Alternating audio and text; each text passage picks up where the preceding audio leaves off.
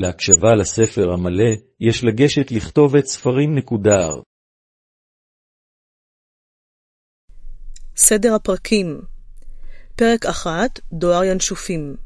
פרק 2, הטעות הגדולה של הדודה מרג' פרק 3, אוטונוס הלילה. פרק 4, הקלחת הרותחת.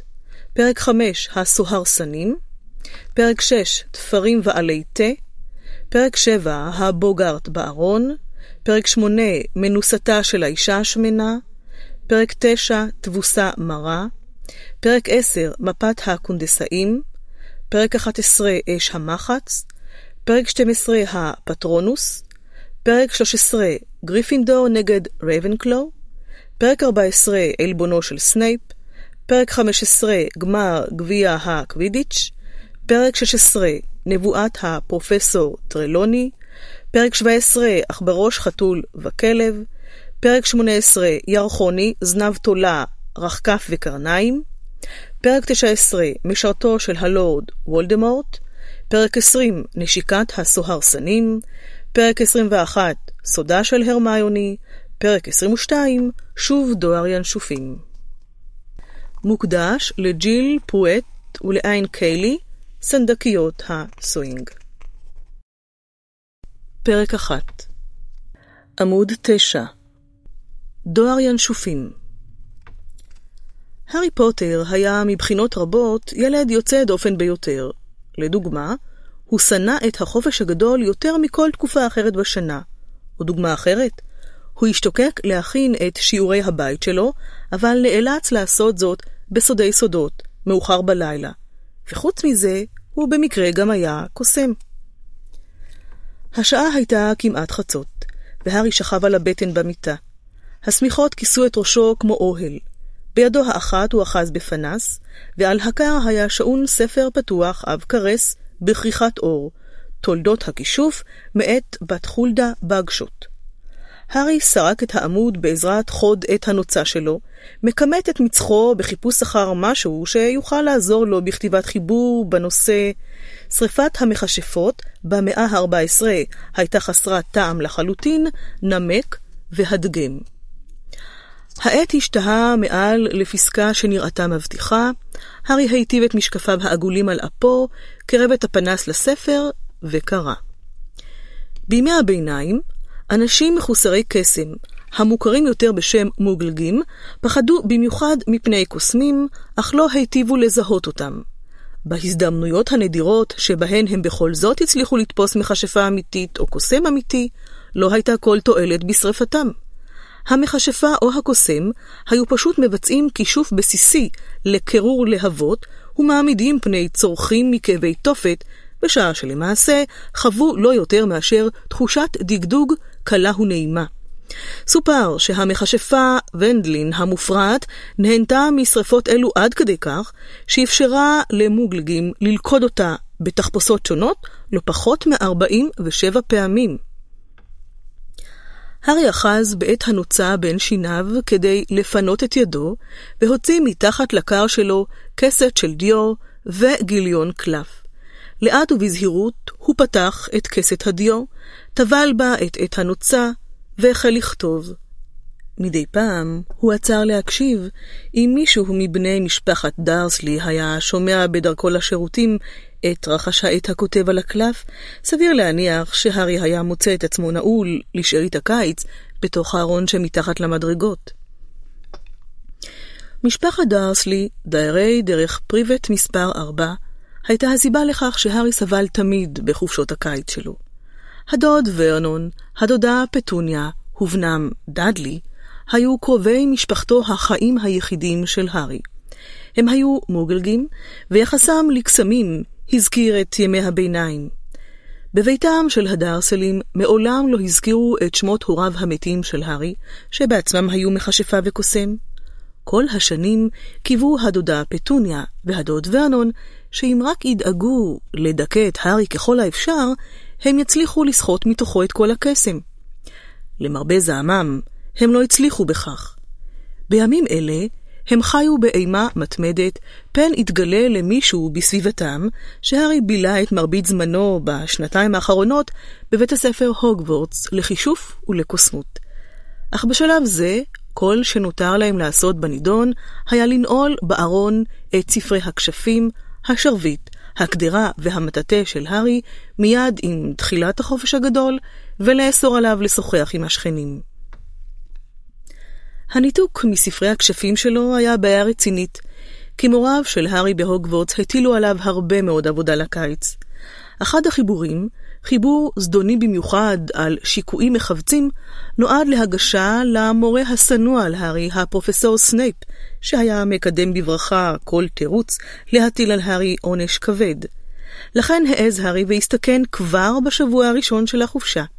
בשעה שהדוד ורנון, הדודה פטוניה ודאדלי יצאו יום אחד לחזית הבית כדי להתפעל מהמכונית החדשה שהדוד ורנון קיבל מהחברה שלו, בקולי קולות, כדי שכל שאר הרחוב גם כן ישים לב, הארי חמק לקומת הקרקע, פרץ את מנעול הארון שמתחת למדרגות, חטף כמה מהספרים שלו, והחביא אותם בחדרו.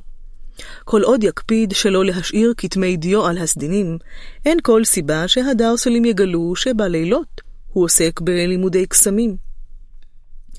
הארי היה מעוניין במיוחד להימנע מצרות עם הדוד והדודה שלו, כיוון שבכל מקרה הם כבר היו מעוצבנים עליו, וכל זה רק מפני שחבר מבית הספר לקוסמות התקשר אליו בטלפון כשבוע אחרי תחילת החופש הגדול. רון ויזלי, שהיה אחד מחבריו הטובים של הארי בהוגוורטס, היה בן למשפחה שלמה של קוסמים, ולכן הוא ידע כל מיני דברים שהארי לא ידע, אבל הוא מעולם לא השתמש בטלפון עד אותו יום. לרוע המזל, הדוד ורנון הוא שענה לשיחת הטלפון.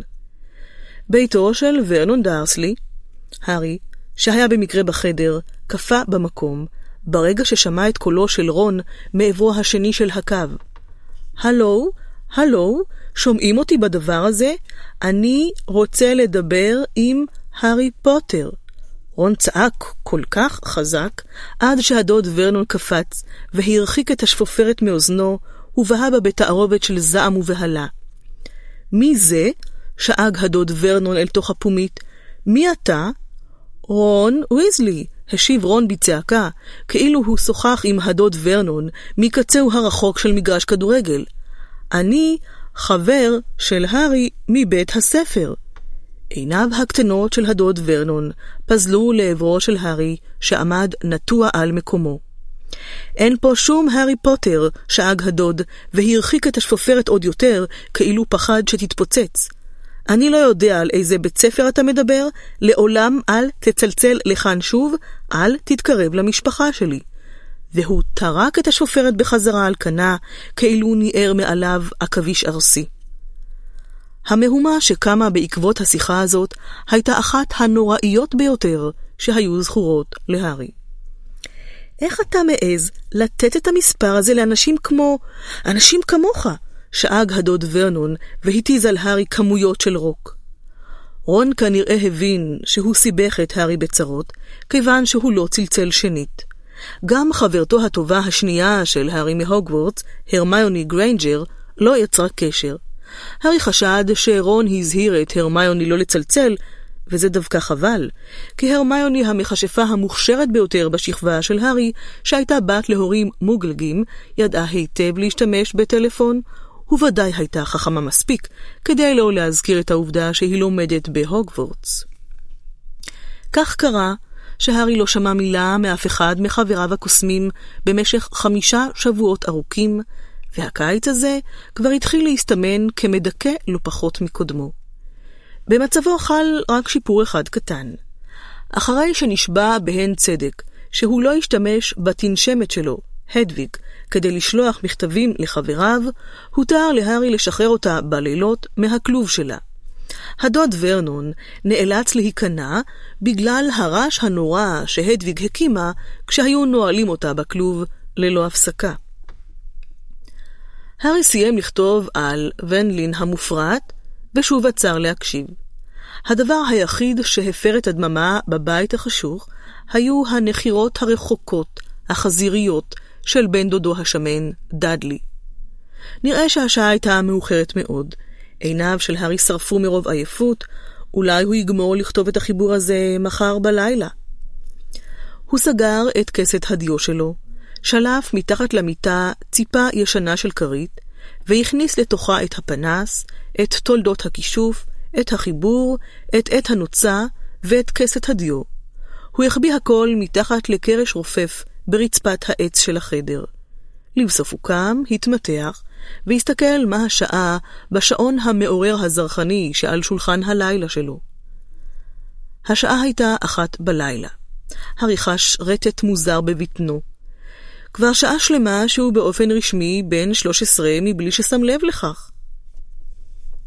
דבר נוסף שייחד את הארי מרוב ילדי העולם היה שהוא לא התרגש כלל לקראת ימי ההולדת שלו. הוא מעולם לא קיבל כרטיס ברכה ליום ההולדת. הדרסלים התעלמו לגמרי משני ימי ההולדת הקודמים שלו, ולא הייתה לו שום סיבה לחשוב שדווקא הפעם הם יזכרו. הארי חצה את חדרו החשוך, ובדרכו אל החלון הפתוח חלף על פני הכלוב הגדול והריק של הדוויג. הדוויג נעדרה כבר שני לילות ברציפות. הארי לא היה מודאג. בעבר היא כבר נעלמה לפרקי זמן כאלה, אבל הוא קיווה שתמהר לחזור. היא הייתה היצור החי היחיד בבית הזה, שלא נרתע מלהביט בו. מאז ומעולם היה הארי נמוך וצנום מכפי גילו, אך בשנה האחרונה הוא בכל זאת צמח בכמה סנטימטרים. עם זאת, שערו השחור כלילה נשאר כמו שהיה תמיד, פרוע בעקשנות, לא משנה מה ניסה לעשות איתו. העיניים שמאחורי זגוגיות המשקפיים היו ירוקות, ועל מצחו, מוסתרת רק בחלקה מאחורי הפוני שלו, הייתה צלקת דקה ומשוננת, בצורת מכת ברק. מכל הדברים שעשו את הארי ליוצא דופן, הצלקת הזאת הייתה המעניינת ביותר. בניגוד לגרסה שהשמיעו הדרסלים במשך עשר שנים, הצלקת לא הייתה מזכרת מתאונת הדרכים שבה נהרגו הוריו של הארי. לילי וג'יימס פוטר כלל לא נהרגו בתאונת דרכים. הם נרצחו. נרצחו על ידי קוסם האופל המפחיד ביותר במאה השנים האחרונות, הלורד וולדמורט. הארי הצליח להינצל מאותה תקיפה, ונותרה לו רק הצלקת על מצחו, היכן שקללתו של וולדמורט, במקום לחסל את הארי, קמה על יוצרה. וולדמורט עצמו נחלץ בעור שיניו, ונס על נפשו. אבל הארי נפגש עמו שוב, פנים אל פנים, בהוגוורטס. בעודו עומד כך, בחלון האפל, נזכר הארי בפגישתם האחרונה, ונאלץ להודות שיש לו מזל שבכלל הצליח להגיע עד ליום הולדתו השלושה עשר. הוא סרק את השמיים המכוכבים בתקווה לראות את הדוויג. אולי היא תגיח בטיסה גבוהה עם עכבר מת מתנדנד במקורה, ותצפה לשבחים ממנו. הארי המשיך להביט כך בהיסח הדעת מעל לגגות, וחלפו שניות אחדות לפני שהבין כי משהו אכן מתקרב לקראתו. צללית של יצור מעופף, בעל צורה עקומה, הצטיירה על רקע הירח הזהוב. הצללית גדלה מרגע לרגע ככל שהנמיכה לעברו של הארי. הוא עמד בדממה מוחלטת, וצפה בצללית דואה ומתקרבת. לרגע קט, הוא הניח את ידו על סוגר החלון, מתלבט אם לטרוק אותו. אך בדיוק אז נכנס היצוא העקום לתחום האור של פנסי הרחוב של דרך פריבט, והארי הבין מה זה, וזז הצידה במהירות. דרך החלון נכנסו שלוש ציפורים גדולות, ונראה ששתיים מהן מנסות לתמוך בשלישית, שהייתה מחוסרת הכרה. הן נחתו בחבטה שקטה על מיטתו של הארי, והינשוף האמצעי, שהיה גדול ואפור, התמוטט מיד ונשכב ללא ניע. חבילה גדולה הייתה קשורה לרגלו. הארי זיהה מיד את הינשוף המאולף. שמו היה ארול, והוא היה שייך למשפחת ויזלי. הארי רץ אל המיטה, התיר את החוטים הכרוכים סביב רגליו של ארול, לקח את החבילה, ואז נשא את ארול, והכניס אותו לתוך כלובה של הדוויג. ארול פתח עין עייפה אחת, פלט קריאת תודה חלושה, והחל לגמוע מים במקורו. הארי פנה חזרה אל הציפורים הנותרות. אחת מהן, תנשמת לבנה גדולה, הייתה הדוויג שלו. גם היא הביאה איתה חבילה ונראתה מאוד מרוצה מעצמה. היא צפתה את הארי בחיבה במקורה בשעה שהסיר ממנה את החבילה, ואז עפה לכלוב להצטרף לארול. הארי לא זיהה את הציפור השלישית. ינשוף חום זהוב, יפה תואר, אך הוא הבין מיד מהיכן הגיע, כיוון שנוסף על החבילה השלישית, הביא הינשוף גם מכתב שנשא את סמל הוגוורטס. כשהארי פטר אותו ממסעו, ניפח הינשוף את נוצותיו ברוב חשיבות עצמית, מתח כנפיים והמריא דרך החלון אל תוך הלילה. הארי התיישב על המיטה, תפס בחבילה של ארול, קרע ממנה את נייר העטיפה החום, וגילה מתנה עטופה בנייר זהב, ואת כרטיס הברכה הראשון שקיבל אי פעם ליום הולדתו. הוא פתח את המעטפה באצבעות רועדות מהתרגשות. שתי פיסות נייר נשרו מתוכה, מכתב וגזיר עיתון. גזיר העיתון היה כתבה מתוך עיתון הקוסמים, הנביא היומי. הרי הבין זאת מיד, כיוון שהאנשים בתמונת השחור לבן שנלוותה לכתבה, נעו כה וכה. הרי לקח לידו את פיסת העיתון, החליק אותה וקרא. עובד משרד הקסמים לקח את הפרס הגדול. ארתור ויזלי, ראש הלשכה לשימוש לרעה בחפצי המוגלגים במשרד הקסמים, זכה בהגרלת הזהב השנתית של עיתון הנביא היומי. ויזלי הנרגש אמר לנציג הנביא היומי, הזהב הזה ישמש אותנו לנופש משפחתי במצרים, שם עובד בני הבכור ביל, כמסיר קללות מטעם בנק הקוסמים גרינגוטס. משפחת ויזלי תבלה חודש ימים במצרים, ותשוב לקראת תחילת שנת הלימודים החדשה בהוגוורטס, שם לומדים חמישה מילדי המשפחה. הארי סרק את התצלום המתנועע, וחיוך פשט על פניו למראה כל תשעת בני משפחת ויזלי עומדים ליד פירמידה גדולה ומנופפים לעברו בעליצות. גברת ויזלי השמנמנה והקטנה, אדון ויזלי הגבוה והמקריח, ששת הבנים והבת האחת, כולם בעלי שיער ג'ינג'י בוער כלהבה, אם כי הפרט הזה לא ניכר בתמונה שהייתה בשחור לבן. בדיוק במרכז התמונה ניצב רון, גבוה וגמלוני, ועל כתפו חיית המחמד שלו, סקאברס, העכברוש. זרועו של רון הייתה כרוכה סביב אחותו הקטנה, ג'יני. הארי לא יכול היה להעלות בדעתו משפחה הראויה לזכות בערימה גדולה של זהב יותר ממשפחת ויזלי, שהייתה משפחה נחמדה במיוחד, אך גם ענייה מאוד. הוא נטל את מכתבו של רון ופתח אותו. הארי היקר, יום הולדת שמח. שמע, אני ממש מצטער על שיחת הטלפון ההיא. אני מקווה שהמוגלגים לא הקשו עליך יותר מדי. שאלתי את אבא והוא חושב שלא הייתי צריך לצעוק. ממש מדליק במצרים. ביל עשה לנו סיבוב בכל הקברים, ולא היית מאמין לאיזו רמה של תחכום הגיעו הקללות שהחרטומים הקדמונים הטילו פה. אמא אפילו לא הרשתה לג'יני להיכנס לקבר האחרון. הוא היה מלא בשלדים מוטנטיים של מוגלגים שפרצו פנימה, ובעקבות זה צמחו להם כל מיני ראשים עודפים וכאלה. בקושי האמנתי כשאבא זכה בהגרלה של הנביא היומי, 700 אוניות זהב. הרוב הלך על הנופש הזה, אבל הם גם קונים לי שרביט חדש לשנה הבאה.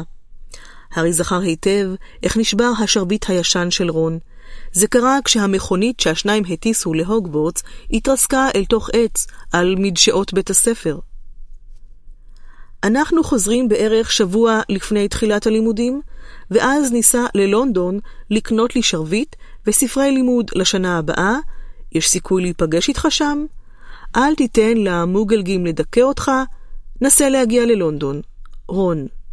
נ"ב, פרסי נבחר למדריך הראשי. הוא קיבל את המכתב בשבוע שעבר.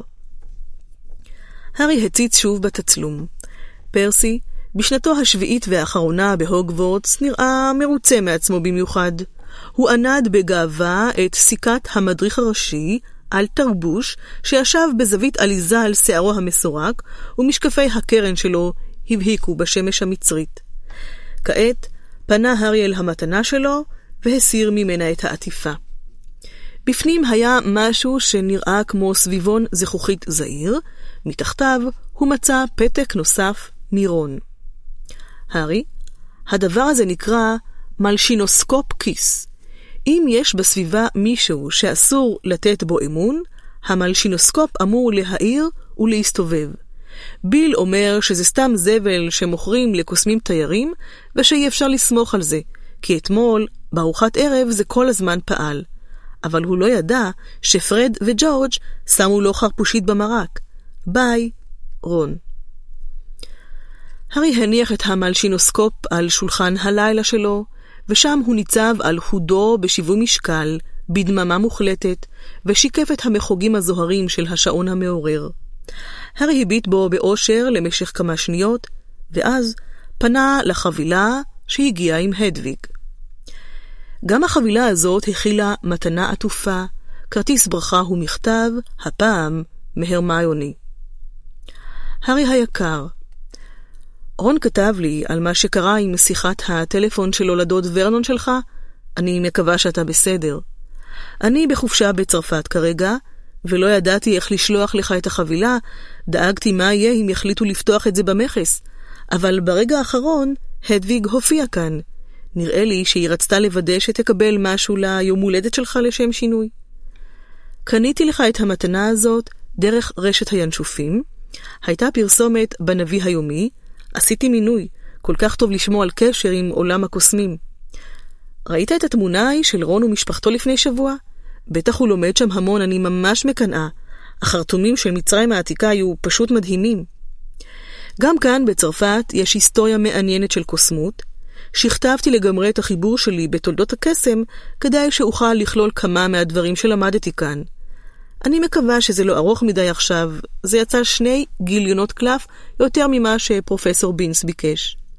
רון אמר שהוא יהיה בלונדון בשבוע האחרון של החופש הגדול.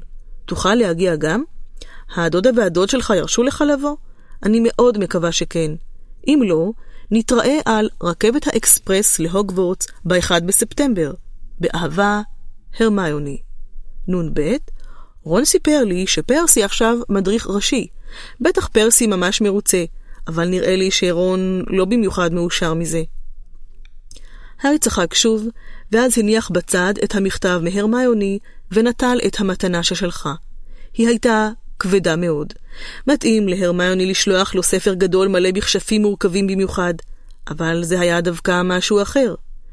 ליבו זינק בקרבו, כשהוא קרא את נייר העטיפה מעל החבילה, וחשף תיק אור שחור ומהודר, שעליו היה טבוע באותיות כסופות, ערכה לטיפוח המטאטה. וואו, הרמיוני, לחש הארי, ופתח את רוכסן התיק כדי להציץ פנימה. בפנים הייתה צנצנת גדולה של פליטווד, מבריק ידיות משובח, מזמרה מיוחדת לכסיסת זרדי זנב, מצפן קטן מנחושת שמתחבר למטאטא במסעות ארוכים במיוחד, והספר המדריך השלם לטיפול במטאטים. מלבד חבריו בהוגוורטס, הדבר שחסר להארי יותר מכל היה משחק הקווידיץ', הספורט הפופולרי ביותר בעולם הקוסמים. מסוכן מאוד, מלהיב מאוד, וכולו מתנהל ברכיבה על מטאטים. הארי התברך בכישרון מיוחד לקווידיץ'. הוא היה השחקן הצעיר ביותר שנבחר לשחק באחת מקבוצות הבתים של הוגוורט מזה מאה שנה. אחד הדברים היקרים ביותר לליבו של הארי היה מטאטא המרוץ שלו מסוג נימבוס 2000. הארי הניח בצד את תיק האור ולקח לידו את החבילה האחרונה. הוא זיהה מיד את כתב היד הפרוע והמקושקש על נייר העטיפה החום. החבילה הזאת הייתה מהגריד, שומר הקרקעות, בהוגוורטס. הוא תלש את שכבת הנייר העליונה, וראה משהו ירוק מאור, אך לפני שהצליח להסיר את כל העטיפה, עבר בחבילה רעד משונה, ומה שהיה בתוכה השמיע נקישה מאיימת, כמו זוג מלטעות. הארי קפא במקומו.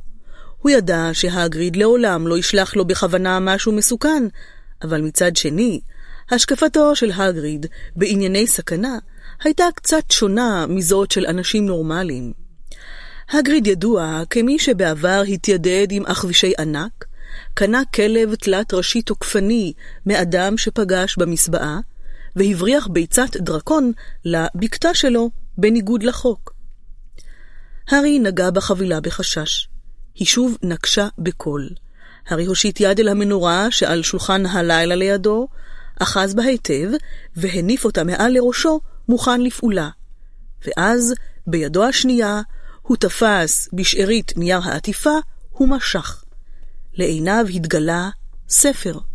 עוד לפני שהארי הספיק להציץ בכריכה הירוקה הנאה, שעליה הוטבעה באותיות זהב הדורות הכותרת ספר המפלצות המפלצתי, התגלגל הספר על צידו, והתחיל לרוץ אלכסונית לאורך המיטה כמו סרטן משונה. אוי, לא, מלמל הארי.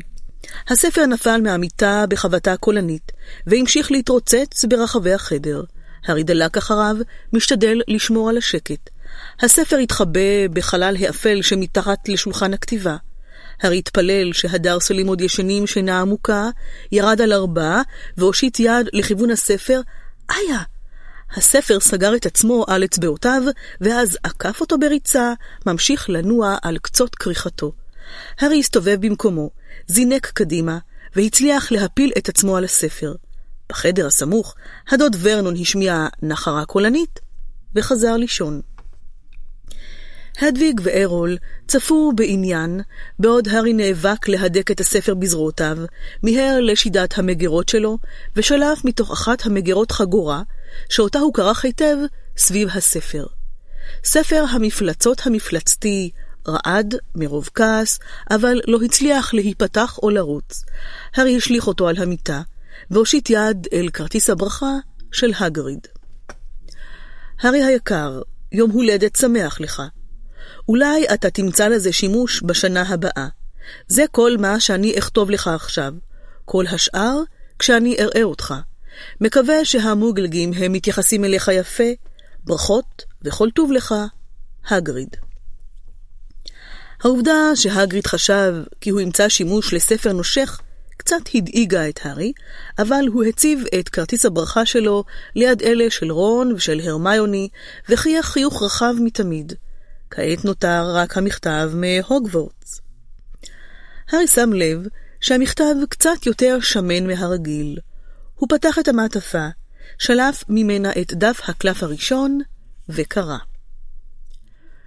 מר פוטר היקר, הריני להזכירך כי שנת הלימודים החדשה תיפתח ב-1 בספטמבר.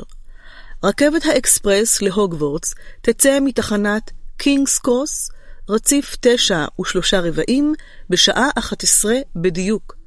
תלמידי השנה השלישית מורשים לבקר בעיירה הוגסמית בסופי שבוע מסוימים. אנא העבר או העבירי את טופס האישור המצורף להורה או לאפוטרופוס חוקי לשם חתימה. מצורפת בזאת רשימה של ספרי לימוד לשנה החדשה. בברכה, פרופסור מ' מקגונגל, סגנית המנהל. הארי שלף את טופס האישור ליציאות להוגסמיד והסתכל בו. הוא כבר לא חייך. יהיה פשוט נפלא לבקר בהוגסמיד בסופי שבוע. הוא ידע שהוגסמיד היא עיירה שמאוכלסת רק בקוסמים, אך מעולם עוד לא ביקר שם.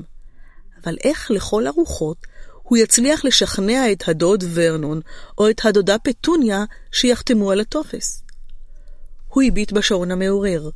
השעה הייתה כבר שתיים לפנות בוקר. הארי החליט לדחות את הטיפול בבעיה עד הבוקר, הוא חזר למיטה, ושלח את ידו כדי למחוק עוד יום בטבלת הייאוש שהכין לעצמו, ובה ספר את הימים שנותרו עד חזרתו להוגוורטס. לבסוף, הסיר את משקפיו ונשכב בעיניים פקוחות, מביט בשלושת כרטיסי הברכה שלו. ולמרות שהיה כל כך יוצא דופן, באותו רגע הרגיש הארי בדיוק כמו כל אחד אחר, שמח לראשונה בחייו שהיום הוא יום הולדתו. פרק 2 עמוד 23 הטעות הגדולה של הדודה מרג' למחרת, כשירד הארי לארוחת הבוקר, שלושת הדרסלים כבר ישבו סביב שולחן האוכל. הם הביטו במכשיר טלוויזיה חדיש, המתנה שקיבל דאדלי לכבוד החופש הגדול, אחרי שהתלונן מרות על מרחק ההליכה הארוך בין המקרר לבין הטלוויזיה שבסלון.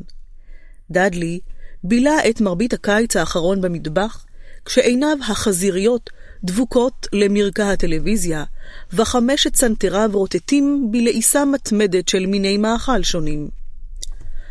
הארי התיישב בין דאדלי לבין הדוד ורנון, איש גדל ממדים ובשרני, עם צוואר קצר מאוד ושפם סבוך מאוד.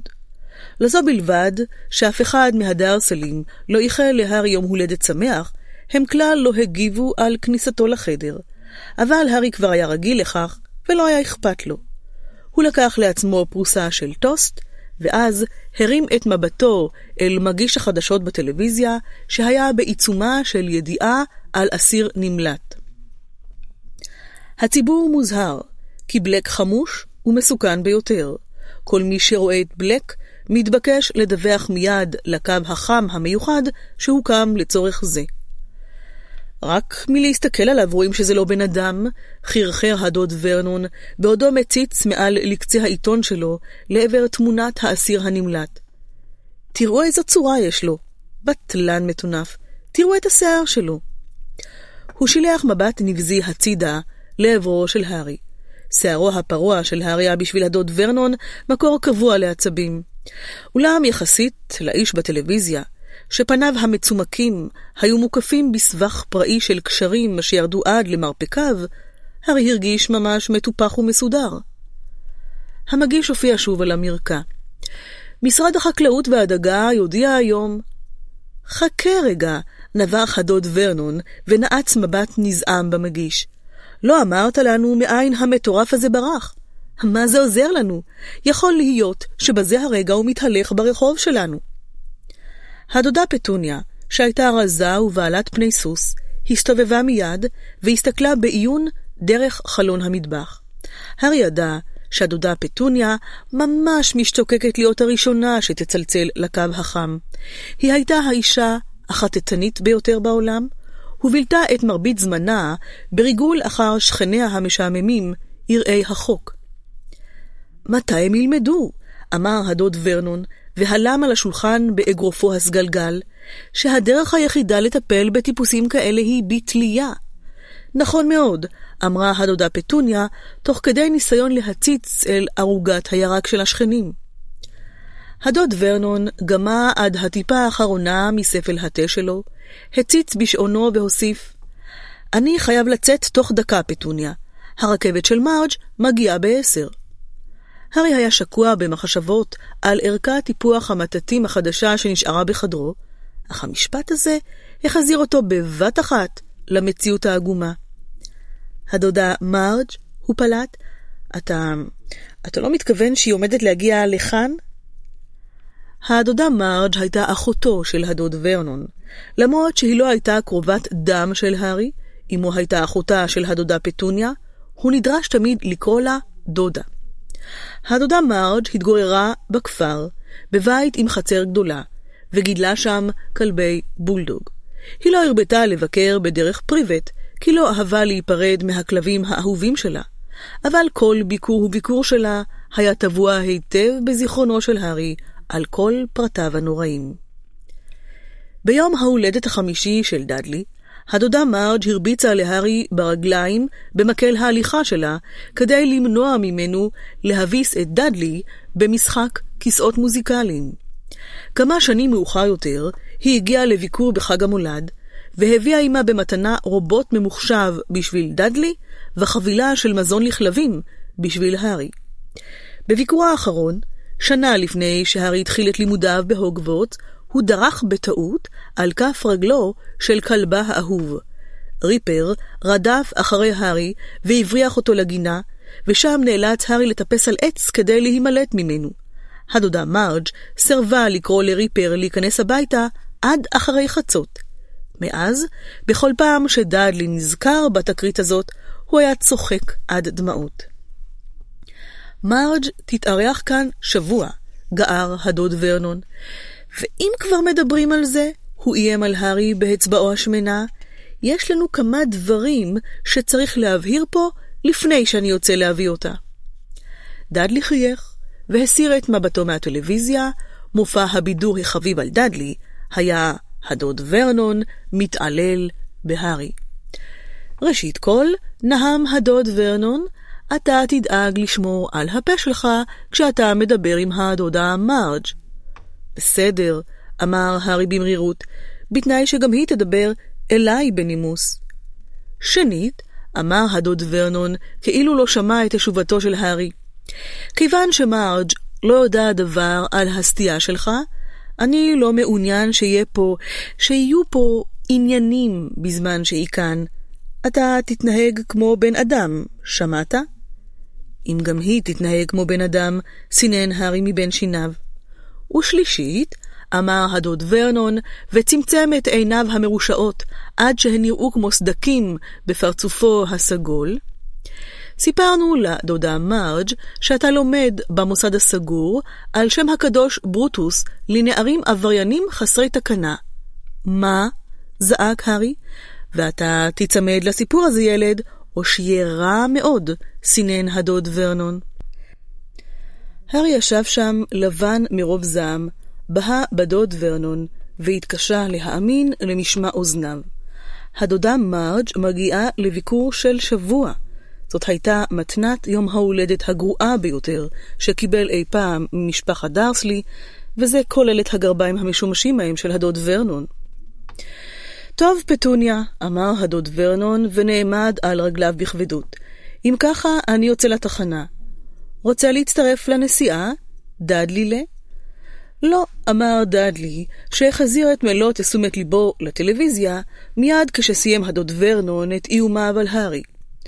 דאדי לוש הולך לעשות את עצמו יפה בשביל הדודה שלו, אמרה הדודה פטוניה, והחליקה בידה על שערו הבלונדיני הסמיך של דאדלי. אימא'לה קנתה לו יופי של עניבת פפיון חדשה. הדוד ורנון טפח לדאדלי על כתפו המרופדת. אז נתראה בקרוב, הוא אמר, ויצא מהמטבח. הארי, שמרוב תדהמה כבר שקע במעין קיפאון, נאור לפתע עם רעיון מבריק.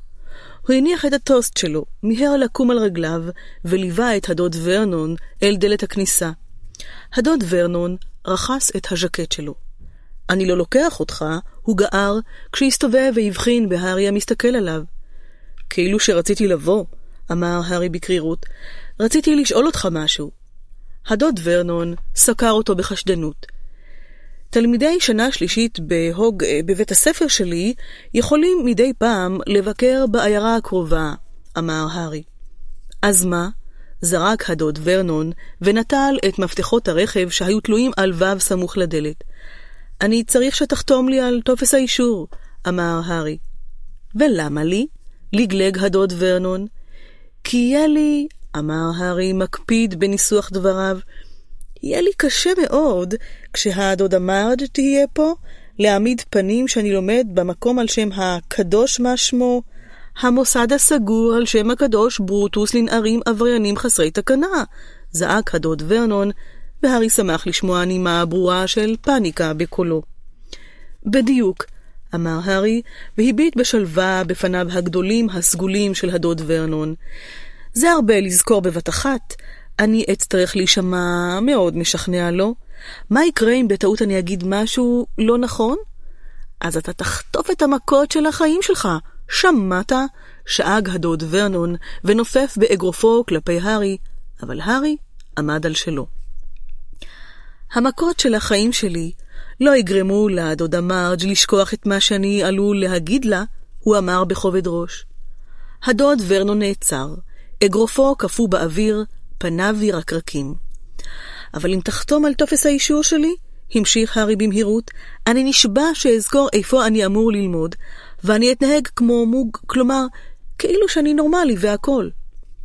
הארי ידע שהדוד ורנון שוקל את כל זה ברצינות, למרות ששיניו היו חשופות ועורק בולט פעם ברקתו. טוב, פלט לבסוף הדוד ורנון, אני אשים עליך עין טוב טוב בזמן שמרג' נמצאת כאן. אם בסופו של דבר אני אראה שעמדת בדרישות ונצמדת לסיפור, אני אחתום על הטופס הארור שלך. הוא פנה אל הדלת, פתח אותה, וטרק אותה מאחוריו כה בחוזקה, עד כי אחד מריבועי הזכוכית הקטנים שהיו משובצים בה, נפל והתרסק. הארי לא חזר למטבח. הוא עלה במדרגות בחזרה לחדרו. אם הוא מתכוון להתנהג כמו מוגל אמיתי, כדאי שיתחיל כבר עכשיו. לאט ובעצב הוא אסף את כל המתנות שלו ואת כרטיסי הברכה, והכניס אותם מתחת לקרש הרופף לצד שיעורי הבית. ואז הוא ניגש לכלוב של הדוויג. נראה שארול התאושש. הוא והדוויג נמנמו שניהם עם הראש תחוב מתחת לכנף אחת. הארי פלט הנחה, ואז נגע בשניהם כדי להעיר אותם. הדוויג, הוא אמר בעצב, את תיאלצי להסתלק לאיזה שבוע. לכי עם ארול, רון יטפל בך. אני אכתוב לו פתק עם הסבר, ואל תסתכלי עליי ככה. עיני הענבר הגדולות של הדוויג היו מלאות תוכחה. זאת לא אשמתי. רק ככה יאפשרו לי לבקר בהוקסמית יחד עם רון והרמיוני. כעבור עשר דקות, ארול והדוויג, עם מכתב לרון כרוך סביב רגלה, המריאו מבעד לחלון ונעלמו מן העין. הארי, אומלל מתמיד, הכניס את הכלוב הריק לתוך ארון הבגדים שלו. אך לא נותר להארי זמן רב לרחם על עצמו. כמעט מיד, הדודה פטוניה כבר צרחה במעלה המדרגות שירד ויתחיל להתכונן לבואה של האורחת. תעשה משהו עם השיער שלך, גערה בו הדודה פטוניה כשהוא יצא למסדרון. הארי ידע שאין בכלל טעם לנסות להשטיח את השיער שלו. ממילא הדודה מרג' נהנית למתוח עליו ביקורת, כך שככל שיראה פרוע יותר, כך היא תהיה מאושרת יותר. עד מהרה כבר נשמע רעש הצמיגים הגורסים את החצץ בחוץ, כשמכוניתו של הדוד ורנון נכנסה לחניה ליד הבית, ואז טריקת דלתות המכונית וצעדים בשביל העולה מן הגן. פתח את הדלת, סיננה הדודה פטוניה לעבר הארי. בלב כבד פתח הארי את הדלת. על המפתן עמדה הדודה מרג'. היא הייתה דומה מאוד לדוד ורנון. גדולת ממדים, בשרנית ובעלת פנים סגולים. אפילו שפם היה לה, אם כי פחות בולט מזה של ורנון. ביד אחת היא החזיקה מזוודה ענקית, ובשנייה חבקה כלב בולדוג זקן ורע מזג. איפה דדלוש סמדלוש שלי? שאגה הדודה מרג', איפה האחייני מאמי שלי? דדלי השמן התנדנד לקראתה, שערו הבלונדיני דבוק אל ראשו הנפוח, ועניבת הפפיון שלו מציצה בקושי מתחת לסנטריו המרובים. הדודה מרג' השליכה את המזוודה אל בטנו של הארי, לפתה את דדלי בחיבוק חזק של זרוע אחת, והנחיתה נשיקה עסיסית על לחיו. הארי ידע היטב שהסיבה היחידה שדדלי סובל את החיבוקים של הדודה מרג' היא התמורה הנדיבה שהוא מקבל על כך, ואכן, כשהשניים התרחקו זה מזו, כבר אחז דדלי בכף ידו הדשנה שטר חדש ונקי של עשרים לירות סטרלינג. פטוניה! צעקה הדודה מרג', עוקפת את הארי כאילו איננו אלא עמוד לתליית כובעים. הדודה מרג' והדודה פטוניה התנשקו, או ליתר דיוק, הדודה מרג' חוותה בלסת הענקית שלה על לחייה השדופה של הדודה פטוניה. כעת נכנס גם הדוד ורנון, מחייך חיוך רחב, תוך שהוא סוגר את הדלת. תה, מרג', הוא אמר, ומה אפשר להציע לריפר? ריפר ישתה קצת תה מן התחתית של הכוס שלי, אמרה הדודה מרג', וכולם נכנסו למטבח, והשאירו את הארי לבד במסדרון עם המזוודה. אבל הארי לא התלונן. כל תירוץ לשמור מרחק מהדודה מרג' שימח אותו. הוא התחיל לדחוף את המזוודה הכבדה במעלה המדרגות אל חדר האורחים, והשתדל להתעכב כמה שיותר.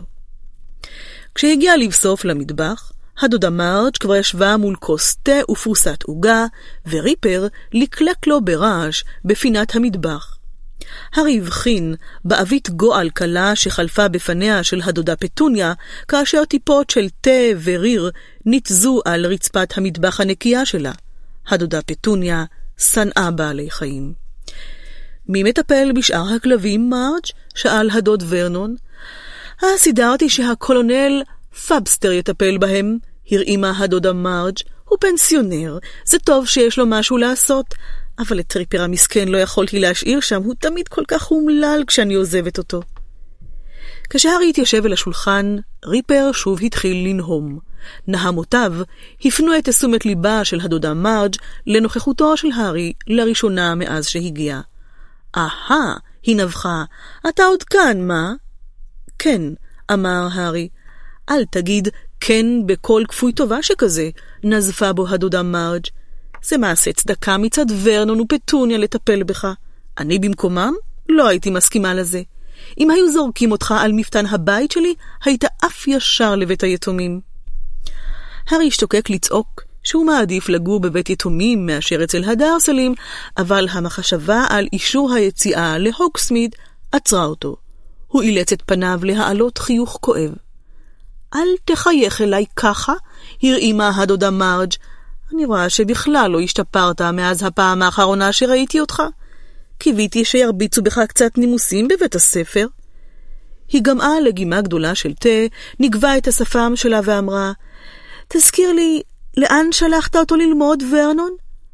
הקדוש ברוטוס, ענה הדוד ורנון מיד, מוסד מהשורה הראשונה למקרים אבודים.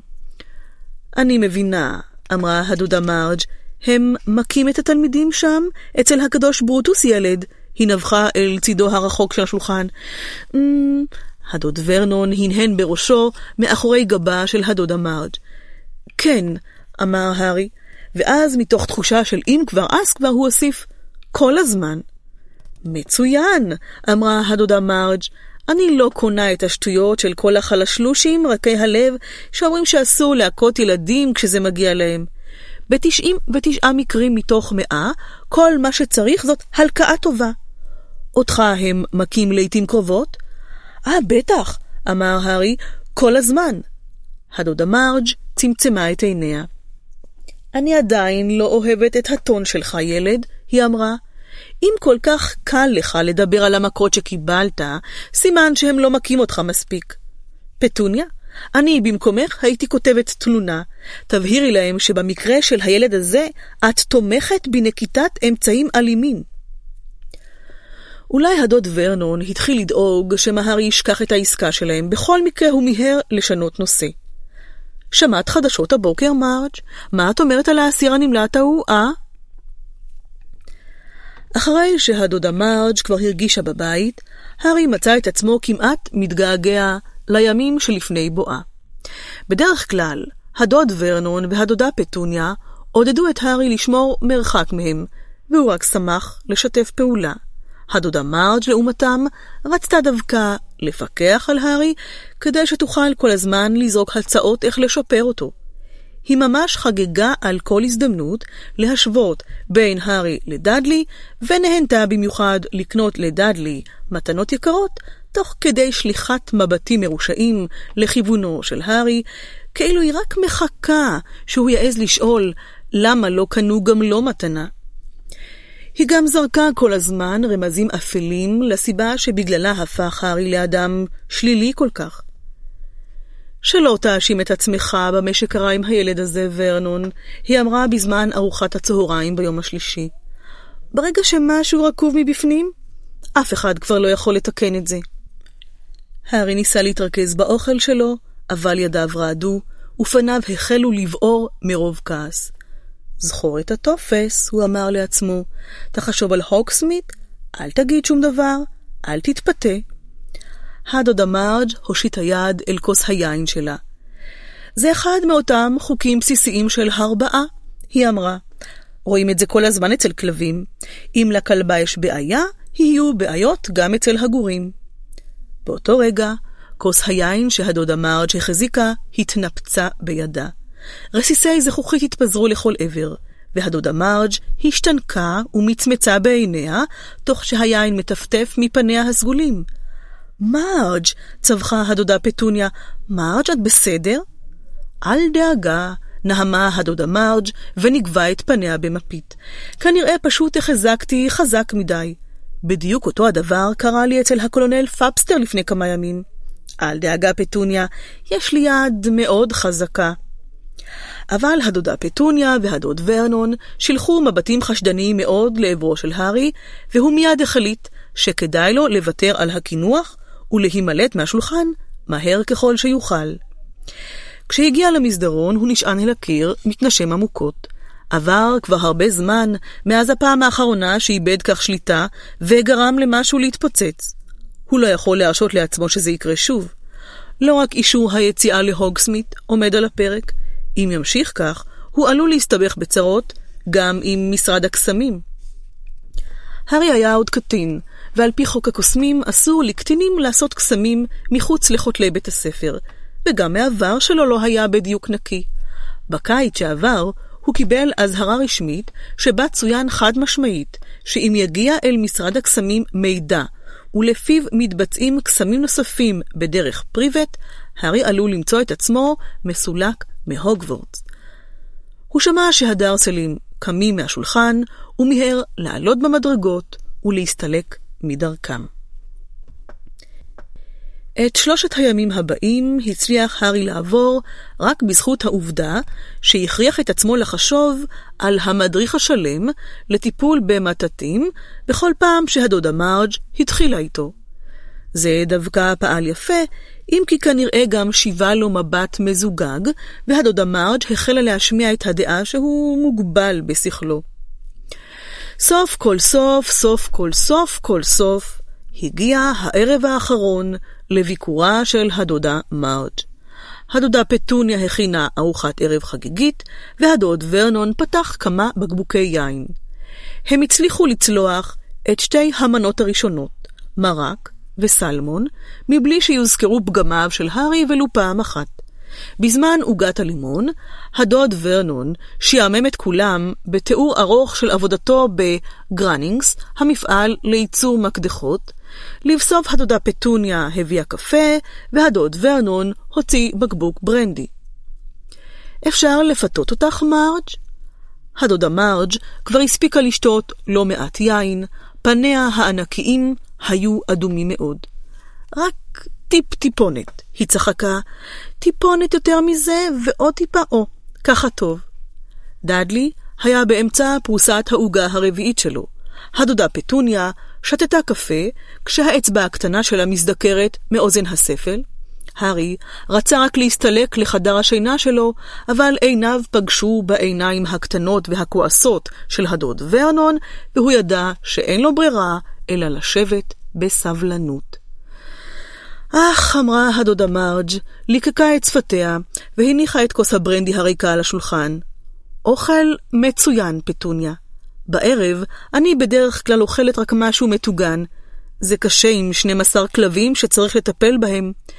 היא פלטה גרפס גדול, וטפחה על בטנה הנפוחה. סליחה, אני אוהבת לראות ילד בריא, היא המשיכה, וקרצה לעבר דאדלי. אתה תגדל להיות גבר גדול כמו שצריך, דאדלוש, כמו אבא שלך. כן, אני אשמח לעוד קצת ברנדי, ורנון. אבל הילד הזה, כאן, היא החוותה בראשה לעבר הארי, שהרגיש איך בטנו מתכווצת. המדריך השלם, הוא חשב. הוא, יש לו מראה מצומק, מרושע. זה קורה גם אצל כלבים. בשנה שעברה פקדתי על הקולונל פאבסטר להטביע אחד כזה. קטן כמו עכברוש הוא היה חלוש, לא גזעי. הארי ניסה לשחזר את הכתוב בעמוד 12 של המדריך, כישוף להסדרת בעיות בהילוך האחורי. הכל מתחיל ונגמר בדם, כמו שאמרתי אתמול. דם הרע בא לידי ביטוי בסופו של דבר. לא שאני מעוניינת להשמיץ את המשפחה שלך, פטוניה, היא טפחה בידה הענקית על ידה המקלונית של הדודה פטוניה. אבל אחותך? הייתה תפוח רקוב. זה קורה במשפחות הכי טובות. ואז היא ברחה לה עם איזה נוכל, והנה התוצאה כאן לפנינו. הארי בהה בצלחת שלו, וצלצול מוזר הדהד באוזניו. אחוז היטב בזנבו של המטאטה, הוא חשב, אבל הוא לא הצליח להיזכר בשורה הבאה. דומה היה שקולה של הדודה מרג' קודח בו חור כמו אחת המקדחות של הדוד ורנון. פוטר הזה, אמרה הדודה מרג' בקול, כשהיא לופתת את בקבוק הברנדי, ומתיזה ממנו אל הכוס ועל מפת השולחן. מעולם לא סיפרתם לי במה הוא עסק? הדוד ורנון והדודה פטוניה כבר היו שניהם עצבניים ביותר. דאדלי אפילו הסתקרן מספיק כדי להסיר את מבטו מהעוגה ולהביט בהוריו. הוא... הוא לא עבד, אמר הדוד ורנון, מעיף חצי מבט לעבר הארי. מובטל. כמו שתיארתי לעצמי, אמרה הדודה מרג', גמעה בשקיקה מכוס הברנדי, ומחתה את צנתרה בשרוולה. בטלן, לא יוצלח, עצלן ש... זה לא נכון, אמר הארי לפתע. דממה נפלה סביב השולחן. הארי רעד כולו, מעודו לא חש כעס רב כל כך. עוד ברנדי, צעק הדוד ורנון, שנעשה לבן כמו סיד. הוא רוקן את מלוא תכולת הבקבוק לתוך כוסה של הדודה מרג'. אתה ילד, הוא גער בהארי. לך למיטה, לך כבר. לא, ורנון, שיהקה הדודה מרג' ביד מורמת, ועיניה הזעירות והאדומות נעוצות בעיניו של הארי. תמשיך, ילד, תמשיך. אתה גאה בהורים שלך, מה? אלה שהלכו והרגו את עצמם באיזו תאונת דרכים? בטח הם היו שטויים. הם לא נהרגו בתאונת דרכים, אמר הארי, ומטה את עצמו נעמד על רגליו. הם נהרגו בתאונת דרכים, שקרן קטן ודוחה שכמוך, והשאירו אותך מאחור, להיות למעמסה על קרוביהם ההגונים וקשי היום. צרחה הדודה מרג' נפוחה מרוב זעם. אתה שרץ קטן וחוצפן, כפוי טובה ו... אבל לפתע הדודה מרג' הפסיקה לדבר. לרגע נראה שהיא מחפשת מה להגיד, ומרוב כעס שלא מצא פורקן, פניה החלו להתנפח. אלא שלא היה סוף להתנפחות. פרצופה האדום הלך והתרחב, עיניה הזעירות התבלטו החוצה, ופיה נמתח עוד ועוד על פניה. בן רגע פקעו כמה כפתורים מהחליפה המשובצת הענקית שלה, ופגעו בכוח בקירות, היא פשוט הלכה ותפחה כמו בלון מפלצתי. בטנה האימתנית פקעה מתוך קו המותן של חליפתה, אצבעותיה התנפחו כמו נקניקי סלמי. מרג' הזדעקו הדוד ורנון והדודה פטוניה פה אחד, שעה שגופה של מרג' בכל כובד משקלו החל להתרומם מתוך מושבה לכיוון התקרה.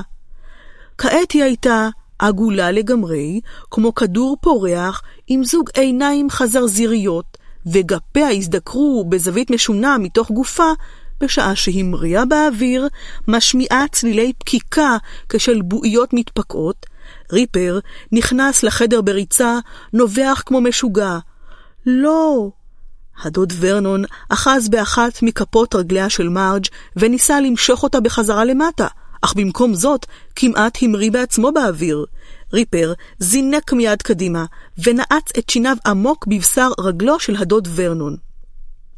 הארי נמלט מחדר האוכל לפני שמישהו ינסה לעצור אותו, ורץ לכיוון הארון שמתחת למדרגות. דלת הארון נפתחה לקראתו בבת אחת כבמטה קסמים. תוך שניות הוא הצליח לגרור את המזוודה שלו אל הדלת הקדמית, הוא רץ במעלה המדרגות, והשליך את עצמו אל מתחת למיטה, תלש מהרצפה את הקרש הרופף, ותפס את ציפת הכרית, שהכילה את ספרי הלימוד ומתנות יום ההולדת שלו, הוא זחל החוצה, תפס את הכלוב הריק של הדוויג, ורץ בחזרה במורד המדרגות אל המזוודה שלו. בדיוק באותו רגע פרץ הדוד ורנון מתוך חדר האוכל, מכנס אחד שלו היה קרוע לגזרים ומסופג בדם. בוא הנה, הוא שאג, בוא הנה תכף ומיד ותקן את מה שעשית. אך מרוב כעס, שיקול הדעת נטש את הארי. הוא בעט במזוודה כדי שתיפתח, שלף מתוכה את השרביט שלו, וכיוון אותו על הדוד ורנון. זה הגיע לה, אמר הארי מתנשף נמרצות. מה שקרה שם הגיע לה, ואתה, אל תתקרב אליי. הוא גישש, ומצא את ידית הדלת. אני הולך, אמר הארי, נמאס לי. בתוך רגע הוא היה ברחוב, חובק בידו האחת את הכלוב של הדוויג, ובשנייה גורר אחריו את מזוודתו הכבדה. פרק 3 עמוד 39 אוטונוס הלילה הארי הספיק להרחיק כמה רחובות, והתמוטט אל גדר לבנים נמוכה בשדרת מגנוליה, מתנשף מרוב המאמץ שנדרש כדי לגרור את המזוודה. הוא ישב בלא זיעה. הכעס עוד פיעפה בו, והוא הקשיב לדפיקות הנמרצות של ליבו. אך כעבור עשר דקות, לבדו ברחוב החשוך, השתלט עליו רגש חדש, פחד. מכל בחינה אפשרית, התסבוכת הנוכחית הייתה קשה במיוחד. הארי היה לבדו, בודד לגמרי בעולם המוגלגי החשוך, מבלי שיהיה לו לאן לפנות. וגרוע מכל, בזה הרגע הוא ביצע קסם רציני, זאת אומרת, כמעט בטוח שהוא יסולק מהלימודים בהוגוורטס. הוא הפר את החוק להגבלת קוסמות בקרב קטינים באופן כה בוטה, עד כי התפלא שנציגי משרד הקסמים לא עטו עליו בו ברגע. הארי רעד והביט במעלה שדרת מגנוליה. מה יהיה איתו? האם יכניסו אותו למעצר, או שהוא פשוט ינודה מעולם הקוסמים? הוא חשב על רון ועל הרמיוני, והרגשתו הרעה גברה. הארי היה משוכנע שרון והרמיוני היו רוצים לעזור לו עכשיו, אפילו שהוא עבריין, אבל שניהם היו בחו"ל, ובלי הדוויג לא היו לו האמצעים ליצור איתם קשר. גם כסף של מוגלגים לא היה לו. היו לו כמה מטבעות זהב של קוסמים בארנק שבתחתית המזוודה, אבל יתרת האוצר שהוריו הורישו לו הייתה מאוחסנת בכספת בבנק הקוסמים גרינגוטס בלונדון. אין סיכוי שהוא יצליח לסחוב את המזוודה הכבדה שלו עד ללונדון, אלא אם... הוא הביט על השרביט שעוד היה אחוז בידו. אם ממילא יסלקו אותו מהלימודים, ליבו פעם עכשיו כל כך מהר שזה כאב, עוד טיפה אחת של קסם לא תשנה. גלימת ההיעלמות שירש מאביו נמצאת ברשותו, אולי הוא יחשף את המזוודה שלו ויעשה אותה קלה כנוצה, יקשור אותה למטאטה שלו, יתעטף בגלימה ויעוף ללונדון. ואז הוא יוכל להוציא את יתרת כספו מהכספת ולהתחיל את חייו כמנודה. זו הייתה תמונה איומה, אבל הוא לא יכול להמשיך לשבת על החומה הזאת לנצח, אחרת הוא ימצא את עצמו נאלץ להסביר למשטרה של המוגלגים מה בדיוק הוא עושה לבדו ברחוב, באמצע הלילה, עם מזוודה מלאה בספרי כשפים ומטאטא. הארי פתח שוב את המזוודה, וחפר בתוכה בחיפוש אחרי גלימת ההיעלמות שלו, אך לפני שהספיק למצוא אותה, הוא הזדקף לפתע, והביט שוב סביבו. הקצוץ מוזר בעורפו גרם להארי לחשוב לרגע שמישהו מסתכל עליו, אבל הרחוב נראה ריק, ובבתים המרובעים הגדולים לא דלקו אורות. הוא חזר ורחן מעל למזוודה, אך כמעט מיד נעמד שוב, וכף ידו נלפתה בחוזקה סביב השרביט. הוא לא כל כך שמע כמו שהרגיש את זה. מישהו או משהו עומד ברווח הצר שבין מוסך החנייה לגדר שמאחוריו. הארי מצמץ לעבר הסמטה האפלה. אילו רק הבחין בתנועה, כי אז היה יכול לדעת אם זה רק חתול רחוב או, או משהו אחר. לומוס, מלמל הארי, ואור נדלק בקצה שרביטו, וסנוור אותו כמעט לגמרי. הוא הניף את השרביט מעל לראשו, וקירות האבן של בית מספר שתיים הבהיקו פתאום. דלת המוסך נצצה, ובין המוסך לבית הבחין הארי לפתע בבירור בצללית המתנשאת של משהו גדול מאוד, עם עיניים גדולות, בוהקות. הארי פסע לאחור, רגליו נתקלו במזוודה והוא מעד. שרביטו עף מכף ידו, כשניסה לבלום את הנפילה, ונחת בכוח על הכביש. נשמע פיצוץ מחריש אוזניים, והארי הרים את ידיו כדי לגונן על עיניו מפני אור מסנוור שנדלק פתאום. הוא התגלגל חזרה למדרכה בצעקה, בדיוק בזמן. זוג גלגלים ופנסים ענקיים בלמו בחריקה בדיוק במקום שבו שכב הארי עד לפני שנייה. הגלגלים היו שייכים, כפי שראה הארי כאשר הרים את ראשו, לאוטובוס תלת-קומתי, בצבע סגול זועק, אשר הופיע מתוך האוויר. מעל השמשה התנוססה כתובת באותיות זהב, אוטונוס הלילה. לרגע חשב הארי שאולי השתבשה עליו דעתו בעקבות הנפילה, ואז זינק מתוך האוטובוס כרטיסן במדים סגולים, והחל מדבר בקול רם אל תוך הלילה. ברוכים הבאים לאוטונוס הלילה, שירות חירום למכשפה ולקוסם במצוקה. כל שעליכם לעשות הוא להושיט את יד השרביט שלכם, לעלות לאוטונוס, ואנחנו ניקח אתכם למחוז חפצכם. שמי הוא סטן שנפייק, ואני אהיה הכרטיסן שלכם הערב. הכרטיסן הבחין בהארי שעוד ישב על המדרכה, ונעצר פתאום. הארי הרים שוב את השרביט שלו, ומיהר להיעמד על רגליו. מקרוב הוא ראה שסטן שנפייק מבוגר ממנו רק בכמה שנים, בן 18 או 19 לכל היותר, עם אוזניים בולטות ופנים מחוטטים בפצעי בגרות. מה נדבקת שם למדרכה? אמר סטן, זונח את הנאום המוכן שלו. נפלתי, אמר הארי. למה? מה קרה? לגלג סטן. לא עשיתי את זה בכוונה, אמר הארי ברוגז. קרע גדול נפער על אחת הברכיים במכנסי הג'ינס שלו, ודם ירד מהיד שהושיט כדי לבלום את נפילתו. לפתע הוא נזכר מה גרם לו ליפול, והסב מבט מהיר לכיוון הסמטה שבין המוסך לגדר. הפנסים של האוטונוס הציפו אותה באור, והיא הייתה ריקה. מה אתה מסתכל? אמר סטן. היה שם משהו שחור גדול, אמר הארי, והצביע בהיסוס אל הרווח שבין הבית למוסך. כמו כלב, אבל ענקי. הוא חזר והביט בסטן. פיו היה פעור מעט, ולמורת רוחו של הארי, עיניו טיילו אל הצלקת שעל מצחו של הארי. מה זה על הראש שלך? הוא שאל פתאום. כלום, מיהר הארי להשיב, ופרה את שערותיו כדי לכסות את הצלקת. אם אנשי משרד הקסמים אכן מחפשים אחריו, הוא לא מעוניין להקל עליהם למצוא אותו. איך קוראים לך? המשיך סטן בעקשנות. נביל לונגבוטום, אמר הארי. זה היה השם הראשון שעלה בדעתו. אז האוטונוס הזה, הוא המשיך מהר, בתקווה להסיח את דעתו של סטן. אמרת שהוא נוסע לאן שרוצים? כן, התגאה סטן. כל מקום שרוצים, אבל רק ביבשה. מתחת למים לא יכול לנסוע. הלו, הוא אמר, וחזר להביט בהארי בחשדנות. זה אתה זה שקראת לנו, נכון? הושטת שרביט וכל זה? כן?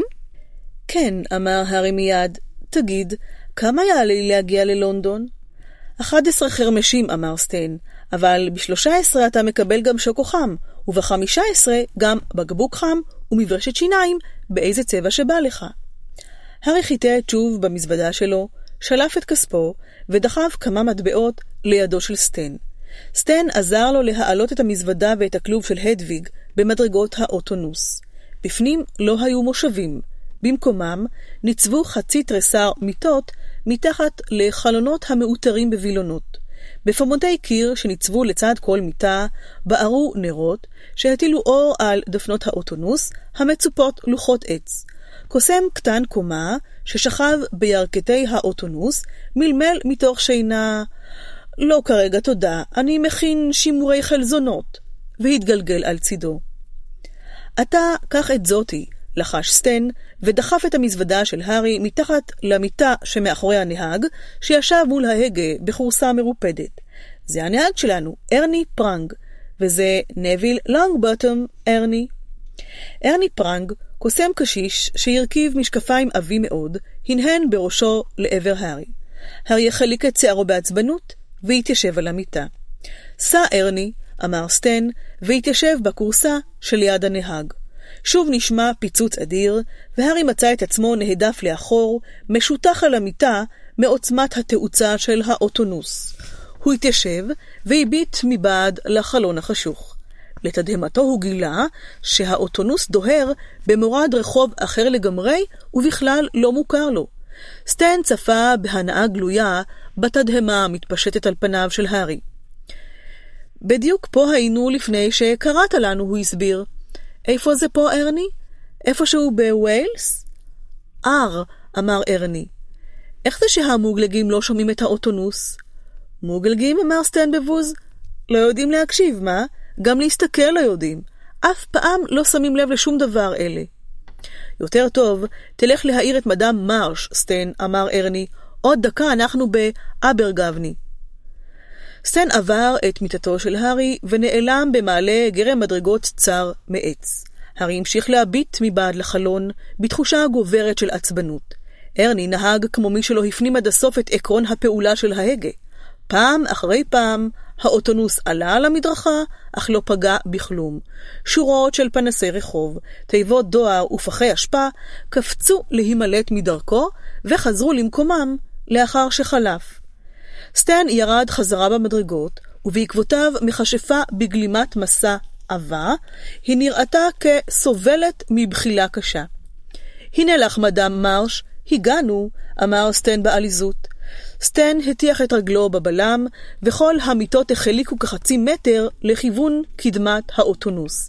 מדאם מרש הצמידה מטפחת אל פיה, ודידתה במורד המדרגות.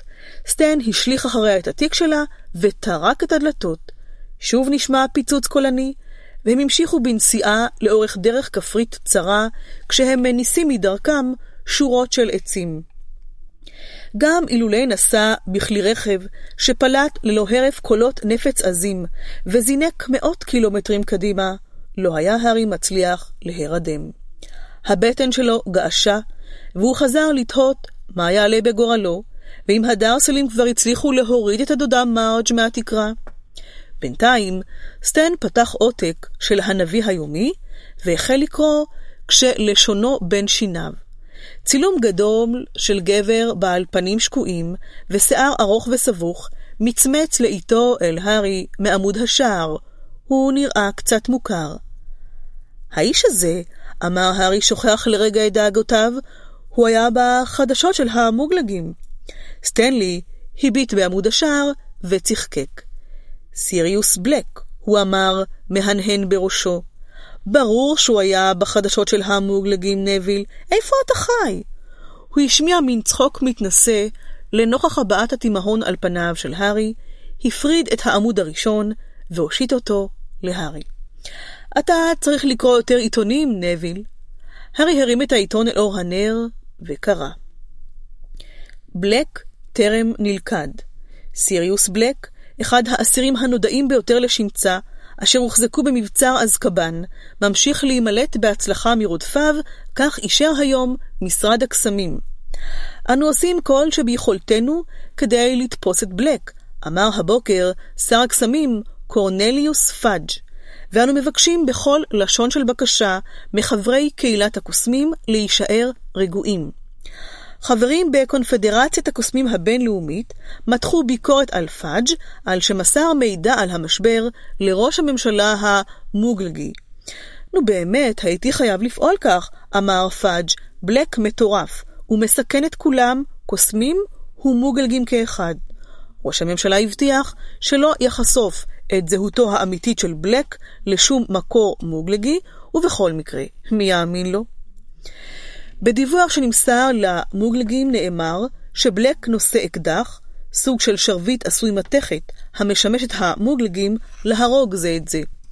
קהילת הקוסמים חוששת ממקרה טבח נוסף, כדוגמת זה שאירע לפני 12 שנה, כשבלק רצח 13 אנשים בקללה אחת.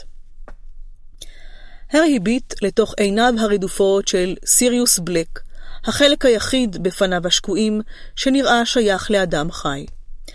הארי מעולם לא פגש ערפד, אבל הוא ראה צילומים של ערפדים בשיעורי ההתגוננות מפני כוחות האופל. הוא בלק, עם אורו השעווני והחיוור, נראה בדיוק כמו ערפד. מפחיד הפרצוף שלו, אה? אמר סטן, שהסתכל על הארי בזמן שקרא את הידיעה. הוא רצח שלושה עשר אנשים? השתאה הארי והחזיר את העמוד לידו של סטן. בקללה אחת? כן, אמר סטן, לעיני עדים והכל, לאור היום. צרות צרורות זה עשה, נכון, ארני? אר, אמר ארני בכובד ראש. סטן הסתובב בכורסה שלו, והניח את ידיו על משענת הגב, כך שיוכל להתבונן ישירות בפניו של הארי. בלק היה איש מפתח בחבורה של אתה יודע מי, הוא אמר. מה? וולדמורט? פלט הארי בלי לחשוב. אפילו פצעי הבגרות על פניו של סטן החבירו עכשיו. ארני משך את ההגה כל כך חזק, עד שחוות בקר שלמה נאלצה לקפוץ הצידה כדי להימלט מהאוטונוס. תגיד, נפלת על הראש? זעק סטן. מה אתה אומר ככה את השם שלו? סליחה, מיהר הארי לתקן. סליחה, אני, אני שכחתי. שכחת? אמר סטן בקול חלוש. שיעור הלב שלי דופק כמו משוגע. אז, אז בלק היה אחד מהתומכים של אתה יודע מי? חזר הארי לנושא השיחה. כן, אמר סטן, והמשיך לשפשף את חזהו. כן, זה נכון. מאוד קרוב לאתה יודע מי, ככה אומרים. בכל אופן, כשהארי פוטר הקטן הכניס לאתה יודע מי עם אמא שלו, הארי שוב החליק את שערותיו על מצחו בעצבנות. אז תפסו את כל החבר'ה של אתה יודע מי, נכון, ארני? הרוב הבינו שהכל נגמר ברגע שאתה יודע מי הלך, והם הסגירו את עצמם בלי לעשות בעיות. אבל לא סיריוס בלק. שמעתי שהוא חשב שיעשו אותו מספר שתיים אחרי שאתה יודע מי השתלט. בכל אופן, הקיפו את בלק באמצע רחוב מלא מוגלגים, ובלק הוציא את השרביט שלו, ופוצץ חצי רחוב, וקוסם אחד אכל אותה, ויחד איתו עוד איזה 12 מוגלגים שעמדו בדרך. נורא מה? ואתה יודע מה הוא עשה אחרי כל זה? סטן המשיך בלחישה דרמטית. מה? שאל הארי. הוא צחק, אמר סטן. סתם עמד שם וצחק. וכשהגיעה התגבורת ממשרד הקסמים, הוא הלך איתם, שקט כמו תינוק, אבל צוחק וצוחק. זה כי הוא משוגע, נכון, ארני? נכון שהוא משוגע? אם הוא לא היה משוגע כשהכניסו אותו לאזקבן, הוא בטוח משוגע עכשיו, אמר ארני בקולו האיטי. הייתי הורג את עצמי לפני שהייתי נכנס למקום הזה. לא שזה לא מגיע לו, אחרי מה שהוא עשה. היה לא קל להסתיר מה קרה, נכון, ארני? אמר סטן, אחרי שרחוב שלם התפוצץ וכל המוגלגים ההם מתו? מה היה התירוץ שהם המציאו, ארני? התפוצצות של צינור גז, מלמל ארני. ועכשיו הוא יצא, אמר סטן, בוחן שוב את צילום פניו הכחושים של בלק בעיתון. אף פעם עוד לא הייתה בריחה מאזקבן, נכון, ארני? הורס אותי איך הוא הצליח. מפחיד, מה? לא שאני מקנא בו על מה שהשומרים שם יעשו לו. אה, ארני? רעד עבר בגופו של ארני. תחליף נושא, סטן, תעשה טובה. השומרים ההם של אזקבן עושים לי אור ברווז בבטן. סטן הניח את העיתון בצד באכזבה, והארי נשען על חלון האוטונוס מיואש מתמיד. הוא לא יכול שלא לנסות לדמיין לעצמו מה סטן יספר לנושאים שלו בעוד כמה שנים. שמעתם על ההוא? הארי פוטר ניפח את הדודה שלו. הוא היה אצלנו באוטונוס, פה, נכון, ארני? ניסה לברוח. הוא, הארי פוטר, עבר על חוקי הקוסמים בדיוק כמו סיריוס בלק. האם הניפוח של הדודה מרג' הוא פשע חמור מספיק כדי שישלחו אותו לאזקבן? הארי לא ידע שום דבר על כלא הקוסמים, אבל כל מי שדיבר על המקום הזה, עשה זאת באותו קול מלא פחד. הגריד, שומר הקרקעות בהוגוורטס, הוחזק שם חודשיים בשנה שעברה. הארי לא ימהר לשכוח את הבעת האימה על פניו של הגריד כשסיפרו לו לאן לוקחים אותו, וכל זה למרות שהגריד היה אחד האנשים האמיצים ביותר שהארי הכיר. אוטונוס הלילה המשיך לנסוע בחשיכה, כשהוא מבריח מדרכו שיחים ועמודים, תאי טלפון ועצים. הארי שכב על מיטת הנוצות שלו, חסר מנוחה ואומלל. כעבור זמן מה נזכר סטן שהארי שילם גם עבור שוקו חם, אך הוא שפך את כולו בטעות על הקר של הארי, בזמן שהאוטונוס עשה פנייה חדה מאנגלסי לאברדין. בזה אחר זה ירדו קוסמים ומכשפות בחלוקי לילה ובנעלי בית מן הקומות העליונות לעבר היציאה מהאוטונוס. כולם נראו שמחים מאוד לרדת. לבסוף, היה הארי הנוסע האחרון שנותר על האוטונוס. טוב, נוויל, אמר סטן סופק כפיים, לאן בדיוק בלונדון? סמטת דיאגון, אמר הארי. אין בעיה, אמר סטן, תחזיק חזק, טראח, והם דהרו לאורך רחוב צ'רינג קרוס. הארי הזדקף כדי לצפות בבניינים ובספסלים הממהרים להתפנות מדרכו של האוטונוס. השמיים החלו להתבהר. הוא ישמור על פרופיל נמוך עד אור הבוקר, ילך לגרינגוטס ברגע שהבנק ייפתח, ומשם ימשיך לאן? זאת לא ידע. ארני דרך על הבלמים בחוזקה, והאוטונוס הלילי נעצר בחריקה מחוץ לפונדק קטן ועלוב למראה, הקלחת הרותחת, שמאחוריו שכן מעבר הפלא לסמטת דיאגון. תודה, אמר הארי לארני. הוא דילג במורד המדרגות, וסייע לסטן לפרוק את המזוודה ואת הכלוב של הדוויג על המדרכה. טוב, אמר הארי, אז קדימה, ביי. אבל סטן המשיך לעמוד בדלת האוטונוס כאילו לא שמע אותו. כל תשומת ליבו הייתה מרוכזת בכניסה האפלולית לפונדק הקלחת הרותחת. הנה אתה, הארי, נשמע קול. עוד לפני שהארי הספיק להסתובב כדי לראות מי זה, סטן צעק. ויילי, ארני, בוא הנה, בוא. הארי הרים את מבטו כדי להסתכל בבעל היד המונחת על כתפו, והרגיש כאילו גוש קרח התיישב בתוך בטנו. האדם שנתקל בו היה לא אחר מאשר קורנליוס פאג', שר הקסמים בכבודו ובעצמו. סטן זינק אל המדרכה לצידם. איך קראת לנוויל, אדוני השר? הוא אמר בהתרגשות. פאג', איש שמנמן, בגלימה ארוכה מפוספסת בפסים דקים, נראה עייף וסחוט.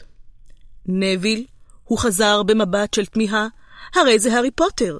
ידעתי, צעק סטן בחדווה. ארני, ארני, נחש מה השם האמיתי של נוויל, זה הארי פוטר. ראיתי לו את הצלקת. כן, אמר פאג' בעצבנות. טוב, אני מאוד שמח שאוטונוס הלילה אסף את הארי, אבל הוא ואני צריכים כרגע להיכנס לקלחת הרותחת. פאג' הידק את אחיזתו בכתפו של הארי, והארי מצא את עצמו מובל אל תוך הפונדק. דמות כפופה נושאת פנס הופיעה בדלת שמאחורי הדלפק. זה היה תום, בעל הבית הקשיש וחסר השיניים.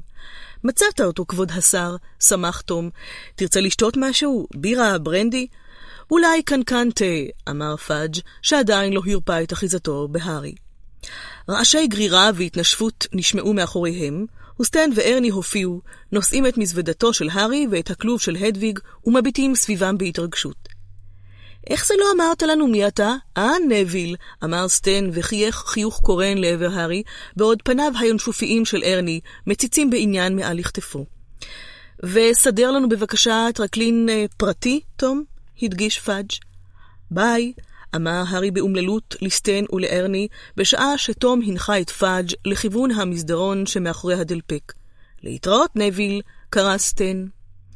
פאג' הצעיד את הארי בעקבות הפנס של תום לאורך המסדרון הצר, ומשם לתוך טרקלין קטן. תום הקיש באצבעותיו, אש התלקחה באח, ובקידה עמוקה הוא יצא מהחדר. שב בבקשה, הארי, אמר פאג', מורה לעבר כיסא ליד האח. הארי התיישב, וחש איך עורו נעשה חידודים חידודים למרות האח המבוערת. פאג' הסיר את הגלימה המפוספסת שלו והשליך אותה הצידה, ואז הפשיל את מכנסי החליפה הירוקה שלו והתיישב מול הארי. אני הוא קורנליוס פאג', הארי, שר הקסמים. הארי כבר ידע זאת כמובן. הוא ראה את פאג' פעם אחת בעבר, אך כיוון שבאותה הזדמנות היה עטוף בגלימת ההיעלמות של אביו, לא הייתה לפאג' דרך לדעת זאת. תום הפונדקאי הגיח שנית, חוגר סינר מעל לכותונת שלו, ונושא מגש של תה ולחמניות. הוא הניח את המגש על השולחן בין פאג' לבין הארי, יצא מהטרקלין וסגר אחריו את הדלת. טוב, הארי, אמר פאג' תוך שהוא מוזג תה. הכנסת את כולנו למתח, אני חייב להגיד. לברוח ככה מביתם של דודיך? התחלתי לחשוב, אבל אתה בטוח עכשיו, וזה מה שחשוב. פאג' מרח חמאה על אחת הלחמניות, וקרב את הצלחת אל הארי. תאכל משהו, הארי, אתה נראה חצי מת. טוב, תשמח לשמוע שטיפלנו בתקרית ההתנפחות המצערת של העלמה מרג'רי דרסלי. שניים מחברי הצוות לביטול מעשי קסם בלתי מכוונים נשלחו לדרך פריבט לפני כמה שעות. העלמה דרסלי קובצה והוכנסו בה כמה שינויים בזיכרונות שלה. כעת היא אינה זוכרת דבר מהתקרית. זהו זה אם ככה ושום נזק לא נגרם. פאג' חייך אל הארי מעל לשפתו של ספל התה שלו, קצת כמו דוד המשקיף על אחיין אהוב. הארי, שלא האמין למשמע אוזניו, פתח את פיו לדבר, לא הצליח לחשוב על משהו לומר, וחזר וסגר אותו. אתה מודאג לגבי התגובות של דודך ודודתך, אמר פאג'. אני לא אסתיר ממך שהם כועסים מאוד, הארי, אבל הם מוכנים לקבל אותך שוב גם בקיץ הבא, כל עוד תישאר בהוגוורטס בחופשות חג המולד וחג הפסחה. יכולת הדיבור של הארי חזרה אליו. אני תמיד נשאר בהוגוורטס בחופשות חג המולד וחג הפסחה, הוא אמר, ואני לא רוצה לחזור לדרך פריבט לעולם. נו נו, אני בטוח שתרגיש אחרת אחרי שתהיה לך הזדמנות להירגע, אמר פאג' בקול מודאג. אחרי הכל, הם המשפחה שלך, ואני בטוח שאתם מחבבים איש את רעהו אמ, אי שם עמוק מאוד בלב. לא עלה בדעתו של הארי להעמיד את פאג' על טעותו, הוא עוד חיכה לשמוע מה יקרה לו עכשיו. אז כל מה שנותר, אמר פאג', הוא מרח חמאה על לחמניה נוספת, ולהחליט היכן תעביר את השבועיים האחרונים של החופש הגדול. אני מציע שתיקח חדר כאן, בקלחת הרותחת, ו... רק רגע, פלט הארי, ומה עם העונש שלי? פאג' מצמץ בעיניו. עונש? עברתי על החוק, אמר הארי, החוק להגבלת קוסמות בקרב קטינים. אה, ילדי היקר, לא נעניש אותך על דבר קטן כזה, קרא פאג', מנופף בלחמניה שלו בקוצר רוח. זה קרה בטעות. אנחנו לא שולחים אנשים לאזקבן על ניפוח דודות. אבל זה לא התאים כלל לניסיון העבר של הארי עם משרד הקסמים. בשנה שעברה קיבלתי התראה רשמית רק בגלל שגמדון בית ריסק קערה עם קינוח בבית של הדודים שלי, אמר הארי בפנים זעופים. משרד הקסמים הודיע שיסלקו אותי מהוגוורטס אם יתרחשו שם עוד קסמים. אם עיניו של הארי לא הטעו אותו, פאג' נראה לפתע נבוך. הנסיבות משתנות, הארי. היינו חייבים להביא בחשבון, במצב הנוכחי, אל תגיד לי שאתה רוצה שיסלקו אותך מהוגוורטס, מובן שלא, אמר הארי. טוב, נו, אז מה כל העניין? צחק פאג'. תאכל איזו לחמניה, הארי, בזמן שאני אלך לבדוק אצל תום אם יש לו חדר בשבילך. פאג' יצא מהטרקלין, והארי הביט אחריו בפליאה. משהו מוזר מאוד מתרחש כאן. מדוע המתין לו פאג' בפונדק, אם לא כדי להעניש אותו על מה שעשה? ואם כבר עלה הנושא, האין זה מוזר ששר הקסמים בעצמו התערב בעניין של קוסמות קטינים? פאג' חזר, ובעקבותיו תום הפונדקאי. חדר מספר 11 פנוי, הארי, אמר פאג', אני חושב שיהיה לך נוח מאוד שם. רק עוד דבר אחד, ואני בטוח שתבין אותי. אני לא רוצה שתשוטט לבדך בלונדון המוגלגית, בסדר? תישאר באזור של סמטת דיאגון. וחשוב שתחזור לכאן כל ערב לפני רדת החשיכה. אני בטוח שאתה מבין. תום יפקח עליך עין בשבילי. טוב, אמר הארי לאיטו, אבל למה... אנחנו לא רוצים לאבד אותך שוב, נכון? אמר פאג' בצחוק לבבי. לא, לא, עדיף שנדע היכן אתה, כלומר... פאג' קחקח בגרונו בקול, ונטל את הגלימה המפוספסת שלו. טוב, אני חייב ללכת. יש עוד הרבה דברים לעשות, אתה יודע. יש חדש בעניין בלק? שאל הארי. אצבעותיו של פאג' הסתבכו בסוגרי הכסף של גלימתו. מה שאלת? אה, אז שמעת? טוב, נו, לא עוד לא, אבל זה רק עניין של זמן. השומרים של אזקבן מעולם לא נכשלו במשימתם, ומעודי לא ראיתי אותם כל כך כועסים. רעד עבר בגופו של פאג'. טוב, אז אני אפרד ממך. הוא הושיט את ידו, והארי לחץ אותה, תוך כדי כך עלה במוחו רעיון. אה, אדוני השר, אני יכול לבקש ממך משהו? כמובן, חייך פאג'. טוב, אז תלמידי השנה השלישית בהוגוורטס יוצאים לפעמים לבקר בהוגסמיד, אבל הדודה והדוד שלי לא חתמו לי על טופס האישור. אולי תסכים לחתום עליו בשבילי? פאג' זע באי נוחות. אמ, אמר, לא, לא, אני מאוד מצטער, הארי, אבל כיוון שאינני הורה או אפוטרופוס שלך... אבל אתה שר הקסמים, אמר הארי בהתלהבות. אם אתה תיתן את הסכמתך... לא, אני מצטער, הארי, אבל כלל זה כלל, אמר פאג' בפסקנות. אולי תוכל לבקר בהוגסמיד בשנה הבאה. למען האמת, ייתכן שעדיף אם לא... אה, כן. טוב, אני הולך. שיהיה לך ביקור נעים פה, הארי. בחיוך אחרון ובלחיצת ידו של הארי יצא פאג' מהחדר. תום התקדם כעת לעבר הארי ועל פניו חיוך רחב. אם תואיל לבוא איתי, אדון פוטר, הוא אמר, את החפצים שלך כבר העליתי לחדר. הארי עלה בעקבות תום בגרם מדרגות נאה מעץ, אל דלת שנשאה את המספר 11. תום סובב את המפתח ופתח עבורו את הדלת.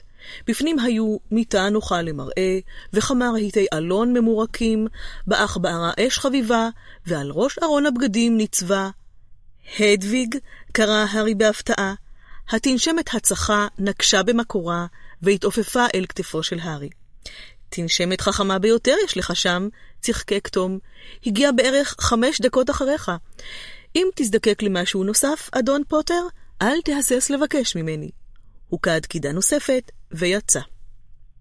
הארי ישב על מיטתו שעה ארוכה, וליטף את נוצותיה של הדוויג. מבעד לחלון, השמיים החליפו צבעים במהירות, מכחול עמוק וקטיפתי, לאפור מתכתי קר, ואט אט לוורוד מוכתם בפז. הארי התקשה להאמין שרק לפני שעות ספורות עזב את דרך פריבט, שלא סולק מהלימודים, ושכעת עומדים לרשותו שבועיים שלמים ללא שמץ של משפחת דרסלי. זה היה לילה מוזר ביותר, הדוויג, הוא פיהק. ומבלי להסיר אפילו את משקפיו, ראשו צנח על הכרית, והוא נרדם. פרק 4, עמוד 56 הקלחת הרותחת נדרשו להארי כמה ימים כדי להתרגל לחירות הזרה והמוזרה הזאת.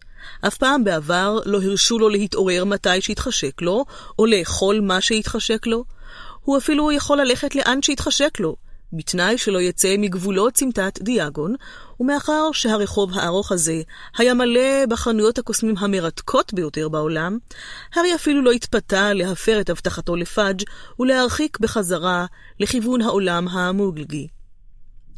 בכל בוקר אכל הארי ארוחת בוקר בקלחת הרותחת, ושם נהנה לצפות באורחים השונים, מכשפות חביבות מהכפר שהגיעו ליום קניות, קוסמים נכבדים למראה, הדנים במאמר האחרון שהתפרסם בכתב העת שינויי צורה היום, מכשפים פראיים, גמדים קולניים, ופעם אחת מישהי שדמתה באורח חשוד לאמגושית, הסתירה את פניה מאחורי צעיף צמר עבה והזמינה מנה של כבד חי. מדי יום, בתום ארוחת הבוקר, היה הארי יוצא אל החצר האחורית, שולף את שרביטו, נוקש על הלבנה השלישית משמאל מעל לפח האשפה, וממתין מול הקיר לפתיחת השער לסמטת דיאגון. את ימי הקיץ הארוכים בילה הארי בשיטוט בחנויות, ובאכילה תחת השמשיות הצבעוניות של בתי הקפה, תוך צפייה בסועדים האחרים, שהראו זה לזה את הרכישות החדשות שלהם. תראה איזה לונוסקופ יפה קניתי. עכשיו, אני לא אצטרך יותר להתעסק בכל טבלאות הירח המסובכות ההן. שווה, נכון? או דנו בפרשת סיריוס בלק. לדעתי, אסור לתת לילדים להסתובב בחוץ לפני שהאיש הזה יהיה שוב באזקבן מאחורי סורג ובריח. הוא לא נאלץ עוד להכין את שיעוריו מתחת לשמיכות לאור פנס הכיס. כעת הוא יכול לשבת באור השמש בגלידריה של פלוריאן פורטסקיו, ולגמור לכתוב את כל החיבורים שלו בעזרתו האדיבה של פלוריאן פורטסקיו בכבודו ובעצמו, שמלבד ידיעותיו הנרחבות בשרפת מכשפות בימי הביניים, גם כיבד את הארי בגלידות חינם כל חצי שעה. אחרי שהארי מילא שוב את ארנק הכסף שלו באוניות זהב, חרמשי כסף וגוזי נחושת מתוך הכספת שלו בגרינגוטס, הוא גילה שלא קל להתאפק ולא לבזבז את כל הכסף בבת אחת.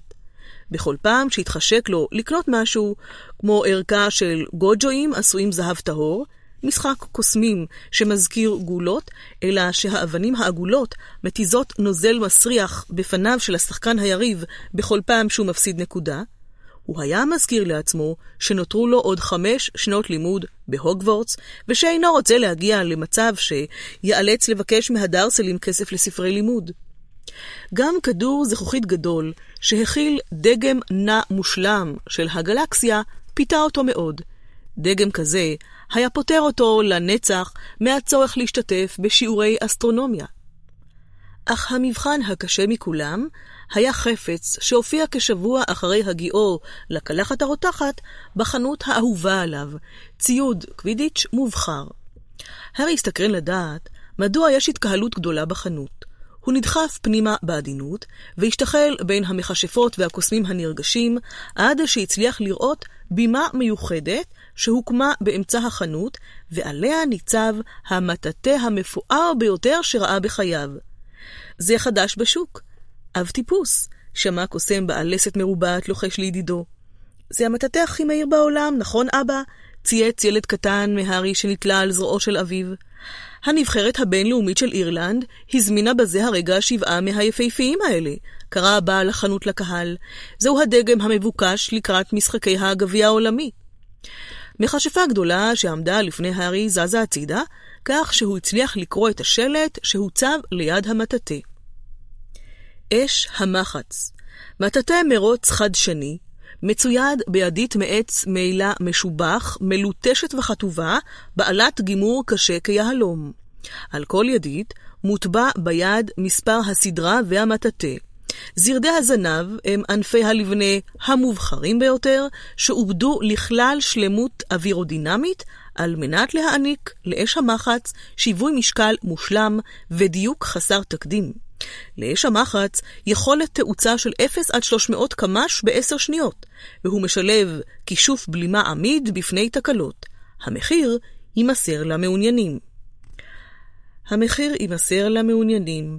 הארי לא רצה אפילו לדמיין כמה זהב נדרש כדי לשלם עבור מטאטא שכזה. אף פעם בחייו לא השתוקק כל כך לחפץ כלשהו. אבל הוא עוד לא הפסיד אף משחק קווידיץ' על מטאטא הנימבוס 2000 שלו. ומה הטעם לרוקן את הכספת בגרינגוטס בשביל לקנות אש מחץ, אם ממילא כבר יש לו מטאטא מצוין? הארי לא שאל מה המחיר, אבל הוא חזר לחנות כמעט כל יום, רק כדי להסתכל על אש המחץ. ואולם, היו גם כמה חפצים שהארי היה חייב לקנות.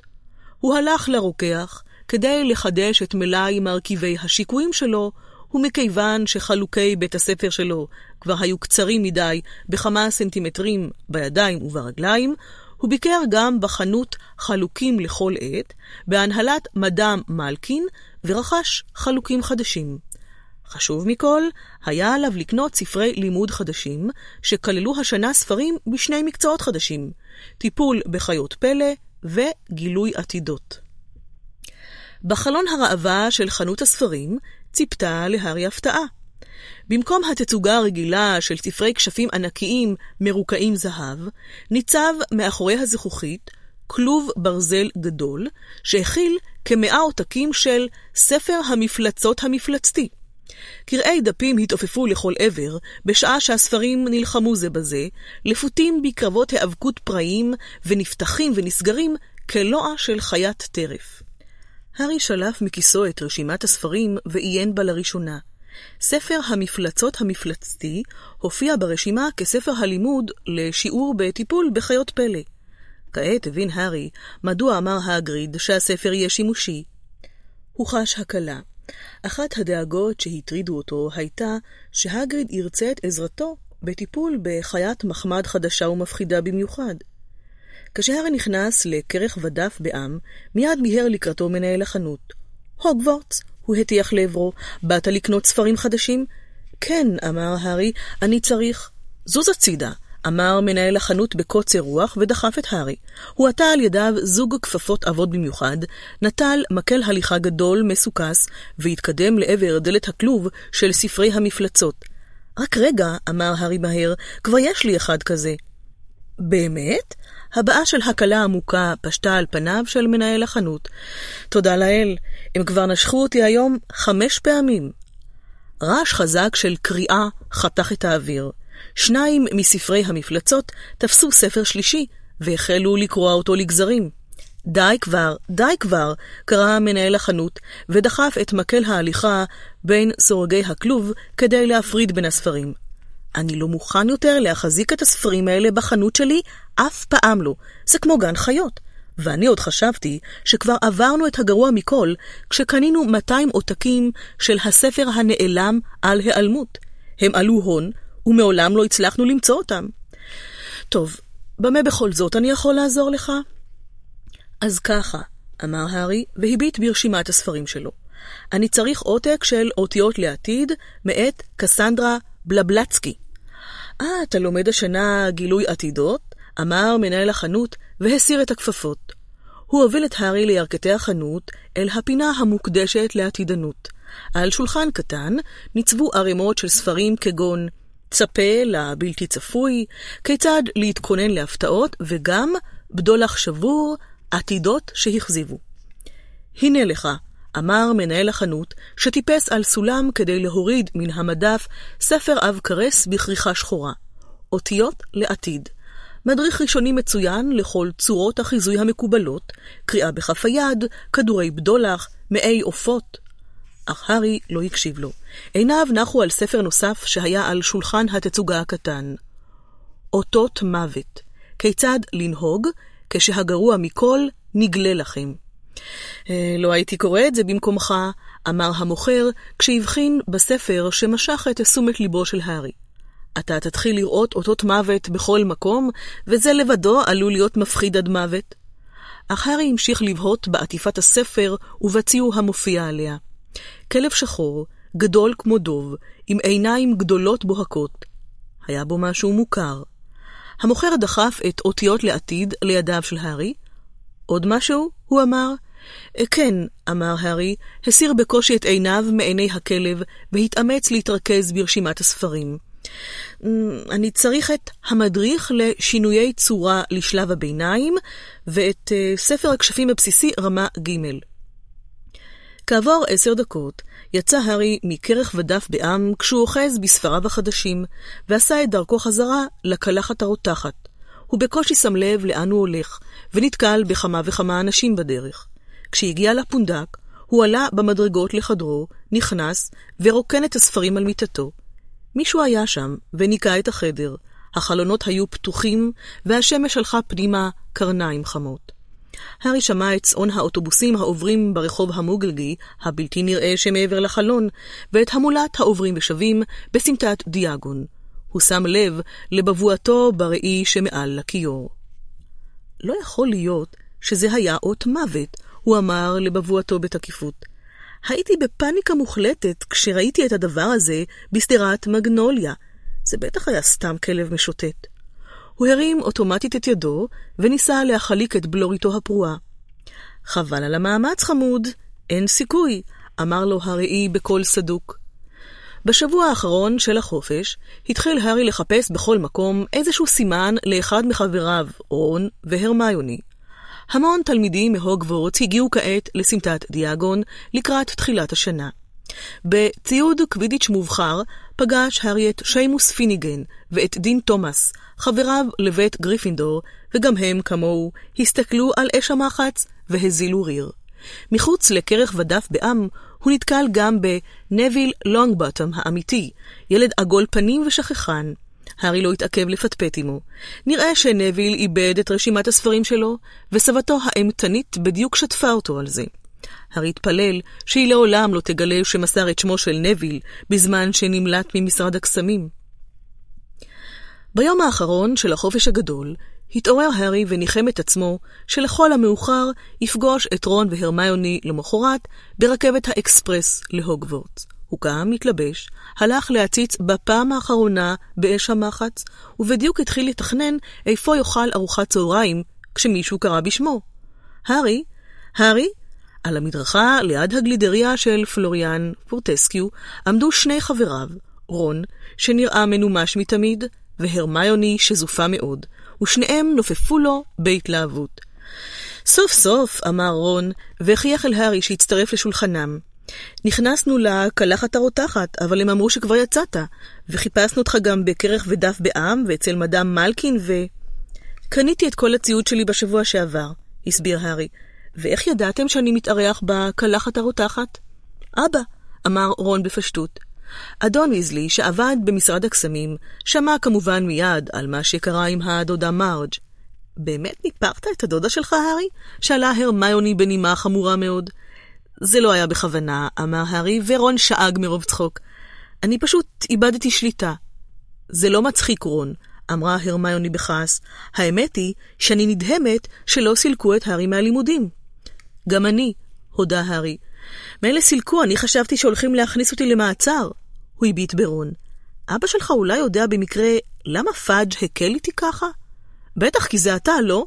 ניחש רון, והמשיך לצחקק. הארי פוטר המפורסם וכל זה. אני לא רוצה לחשוב מה היו עושים לי במשרד הקסמים אם הייתי מנפח דודה. אם כי במקרה כזה הייתי ז"ל עוד הרבה לפני שמשרד הקסמים היה מגיע להעניש אותי. אמא שלי כבר הייתה הורגת אותי. בכל אופן, תוכל לשאול את אבא בעצמך בערב. גם אנחנו ישנים הלילה בקלחת הרותחת. ככה גם תוכל לבוא איתנו לתחנת קינגס קרוס. גם הרמיוני ישנה שם. הרמיוני הנהנה קורנת מרוב אושר. אמא ואבא הביאו אותי הבוקר עם כל הדברים שלי. מעולה, שמח הארי. נו, אז כבר קניתם את כל ספרי הלימוד והכל? תסתכל על זה, אמר רון, שלף קופסה ארוכה וצרה, ופתח אותה. שרביט חדיש חדש, 35 סנטימטר, עץ ערבה, מכיל שערה של חד קרן, וקנינו את כל הספרים שלנו. הוא הצביע על שקית גדולה מתחת לכיסא שלו. מה דעתך על ספרי המפלצות האלה? המוכר כמעט בכה כשאמרנו שאנחנו רוצים שניים. מה כל זה, הרמיוני? שאל הארי והצביע לא על שקית נוספת, אלא על שלוש שקיות מפוצצות שניצבו על הכיסא לצידה. אה, זה כי אני לומדת השנה יותר מקצועות מכם, אמרה הרמיוני. אלה כל ספרי הלימוד שלי לקשפומטיקה, טיפול בחיות פלא, גילוי עתידות, חקר לחשים עתיקים, חקר המוגלגים. מה פתאום את לוקחת חקר המוגלגים? אמר רון וגלגל עיניים לעבר הארי. את בכלל ילידת מוגלגים. אמא ואבא שלך מוגלגים. את יודעת הכל על מוגלגים. אבל יהיה מרתק לחקור אותם מנקודת המבט של קוסמים, אמרה הרמיוני במלוא הרצינות. את מתכננת השנה גם לאכול או לישון מתישהו? שאל הארי, ורון צחק. הרמיוני התעלמה מהם. נשארו לי עוד עשר אוניות זהב, היא אמרה, והביטה בהרנקה. בספטמבר יש לי יום הולדת, ואמא ואבא נתנו לי קצת כסף כדי לקנות לעצמי מתנת יום הולדת מוקדמת. מה בדבר איזה ספר נחמד? אמר רון בקול של צדיק תמים. לא, לא נראה לי, השיבה הרמיוני בשלווה. מה שאני באמת רוצה זה ינשוף. כלומר, להארי יש את הדוויג, ולך יש את ארול. הוא לא שלי, תיקן רון. ארול הוא הינשוף של כל המשפחה. לי יש רק את סקאברס. רון שלף מכיסו את עכברוש המחמד שלו. ואני רוצה לקחת אותו לבדיקה, הוא הוסיף, והניח את סקאברס על השולחן לפניהם. אני לא חושב שמצרים עשתה לו טוב במיוחד. סקאברס נראה רזה מהרגיל, והשפם שלו היה שמוט. יש חנות לחיות פלא בצד השני של הרחוב, אמר הארי, שכבר הכיר היטב את סמטת דיאגון. אפשר לבדוק אם יש להם משהו בשביל סקאברס, והרמיוני יכולה לקנות שם ינשוף. הם שילמו על הגלידות שלהם, וחצו את הרחוב ל"חי-בר הקסמים". היה צפוף מאוד בפנים. מבעד לכלובים לא נראה אפילו סנטימטר גלוי אחד של קיר. היה שם גם מסריח ורועש מאוד, שכן דיירי כל הכלובים כולם צייצו, צווחו, צפצפו או צנפו. המכשפה שמאחורי הדלפק הייתה עסוקה בייעוץ לקוסם לקוח בנושא טיפול בלטאות דו-ראשיות, והארי, רון והרמיוני המתינו בסבלנות, ובינתיים בחנו את הכלובים. זוג קרפדות סגולות גדולות חגגו על ארוחה של זבובים מתים, שאותם בלעו בתנועות גרוגרת מרשימות. צו ענק, בעל שריון עטור אבני חן, נצנץ בסמוך לחלון. חלזונות ארסיים כתומים השאירו שובלים של ריר על דופן אקווריום הזכוכית שלהם, וארנב לבן ושמן הפך את עצמו ללא הרף לחובה צילינדר שחור ובחזרה לארנב, ובכל פעם השמיע קול כמו חליצה של פקק. היו שם גם חתולים בכל הצבעים, כלוב מלא עורבים מצווחים, סלסילה מלאה בכדורי פרווה צהבהבים שהשמיעו זמזום קולני, ועל הדלפק כלוב גדול ובוח בראשים שחורים מטופחים ששיחקו במין קפיצה בחבל בעזרת הזנבות הוורודים הארוכים שלהם. הקוסם שהתעניין בלטאות הדו-ראשיות הסתלק, ורון ניגש אל הדלפק. זה העכברוש שלי, הוא סיפר למכשפה. הוא נראה לי קצת חולה מאז שחזרנו ממצרים. זרוק אותו על הדלפק, אמרה המכשפה, ושלפה מכיסה זוג משקפיים שחורים עבים. רון הוציא את סקאברס מתוך כיסו הפנימי, והניח אותו ליד כלוב העכברושים, שחדלו מתעלולי הקפיצה בחבל, כדי להצטופף בסקרנות אל דופן הכלוב. כמו כל רכושו של רון, גם סקאברס העכברוש הגיע אליו מיד שנייה. קודם לכן, הוא היה שייך לאחיו הגדול של רון, פרסי, ונראה קצת משומש. לצד העכברושים הצעירים שבכלוב, הוא נראה עלוב במיוחד. הממ, אמרה המכשפה, והרימה את סקאברס כדי לבדוק אותו. בן כמה העכברוש הזה? לא יודע, אמר רון. די זקן, הוא היה פעם של אחי. איזה כוחות יש לו? אמרה המכשפה, בעודה בוחנת את סקאברס מקרוב. אמ, אמר רון, האמת היא שסקאברס מעולם לא הפגין אפילו סימן קלוש ביותר לכוחות מסתוריים. עיניה של המכשפה נעו מאוזנו השמאלית המדובללת של סקאברס אל רגלו הקדמית, שחסרה בה אחת האצבעות, והיא צקצקה בקול. הוא עבר הרבה אך בראש הזה, היא אמרה. הוא כבר היה כזה כשפרסי נתן לי אותו, אמר רון להגנתו. אי אפשר לצפות שאך בראש גינה מצוי מהסוג הזה יחיה הרבה יותר משלוש שנים, אמרה המכשפה. אם אתה מחפש משהו קצת יותר עמיד, אולי יהיה לך עניין באחד מאלה. היא הצביעה על העכברושים השחורים, שמיד חזרו לשחק בקפיצה בחבל. שוויצרים, מלמל רון. טוב, אם אתה לא מעוניין בתחליף, אתה יכול לנסות לתת לו טיפות ויטמינים לעכברושים, אמרה המכשפה, והניחה לדלפק בקבוק אדום קטן. בסדר, אמר רון. כמה זה? איה! רון נבהל ממשהו ענק וכתום שזינק עליו מראש הכלוב הגבוה ביותר, נחת על ראשו, ואז התנפל ברעש על סקאברס. לא, קרוקשנקס, לא! קראה המכשפה. אך סקאברס נורה מתוך ידיה כמו סבון חלקלק, נחת בפיסוק איברים על הרצפה וברח לכיוון הדלת. סקאברס! צעק רון, ודלק אחריו ביציאה מהחנות. הארי יצא בעקבותיו. הם חיפשו כמעט עשר דקות, עד שהצליחו למצוא את סקאברס, שהסתתר תחת פח אשפה מחוץ לחנות לציוד קווידיץ'. רון השיב את העכברוש הרועד בחזרה לכיסו, הזדקף ושפשף את ראשו. מה זה היה? אם זה לא היה חתול מאוד גדול, זה היה נמר נורא קטן, אמר הארי. ואיפה הרמיוני? בטח קונה את הינשוף שלה. הם עשו את דרכם חזרה במורד הרחוב הצפוף אל ביבר הקסמים. כשהגיעו לחנות, הרמיוני בדיוק יצאה לקראתם, אך היא לא החזיקה ינשוף. זרועותיה חבקו את החתול הג'ינג'י הענקי. את קנית את המפלצת הזאת? נדהם רון, ופיו נפער לברכה. הוא מדהים ביופיו, לא? אמרה הרמיוני זורחת. זה עניין של טעם, חשב לעצמו הארי. הפרווה הג'ינג'ית של החתול הייתה שמיכה וצמרירית, אבל הרגליים שלו היו בהחלט קצת עקומות ופניו נראו זעופים ומעט מעוכים, כאילו הוא רץ ונתקל בקיר לבנים. אבל עכשיו, כשסקאברס לא היה בטווח ראייה, החתול גרגר בהנאה בזרועותיה של הרמיוני. הרמיוני, הדבר הזה כמעט קרקף אותי, קרא רון. הוא לא עשה את זה בכוונה. נכון, קרוקשנקס? אמרה הרמיוני. ומה יהיה עם סקאברס? אמר רון, והצביע על הגוש שבכיס החולצה שלו. הוא זקוק לקצת מנוחה ושקט. איך זה יקרה עם הדבר הזה בסביבה? זה מזכיר לי, שכחת את הוויטמינים לעכברוש, אמרה הרמיוני, והושיטה לרון את הבקבוק האדום. ואולי תפסיק להיות כל כך לחוץ. קרוקשנקס יישן אצלי בחדר, וסקאברס יישן בחדר שלך. מה הבעיה? קרוקשנקס המסכן, המכשפה ההיא סיפרה לי שהוא נמצא בחנות המון זמן, אף אחד לא רצה אותו. מעניין למה. אמר רון במרירות, והם התחילו לחזור לכיוון הקלחת הרותחת.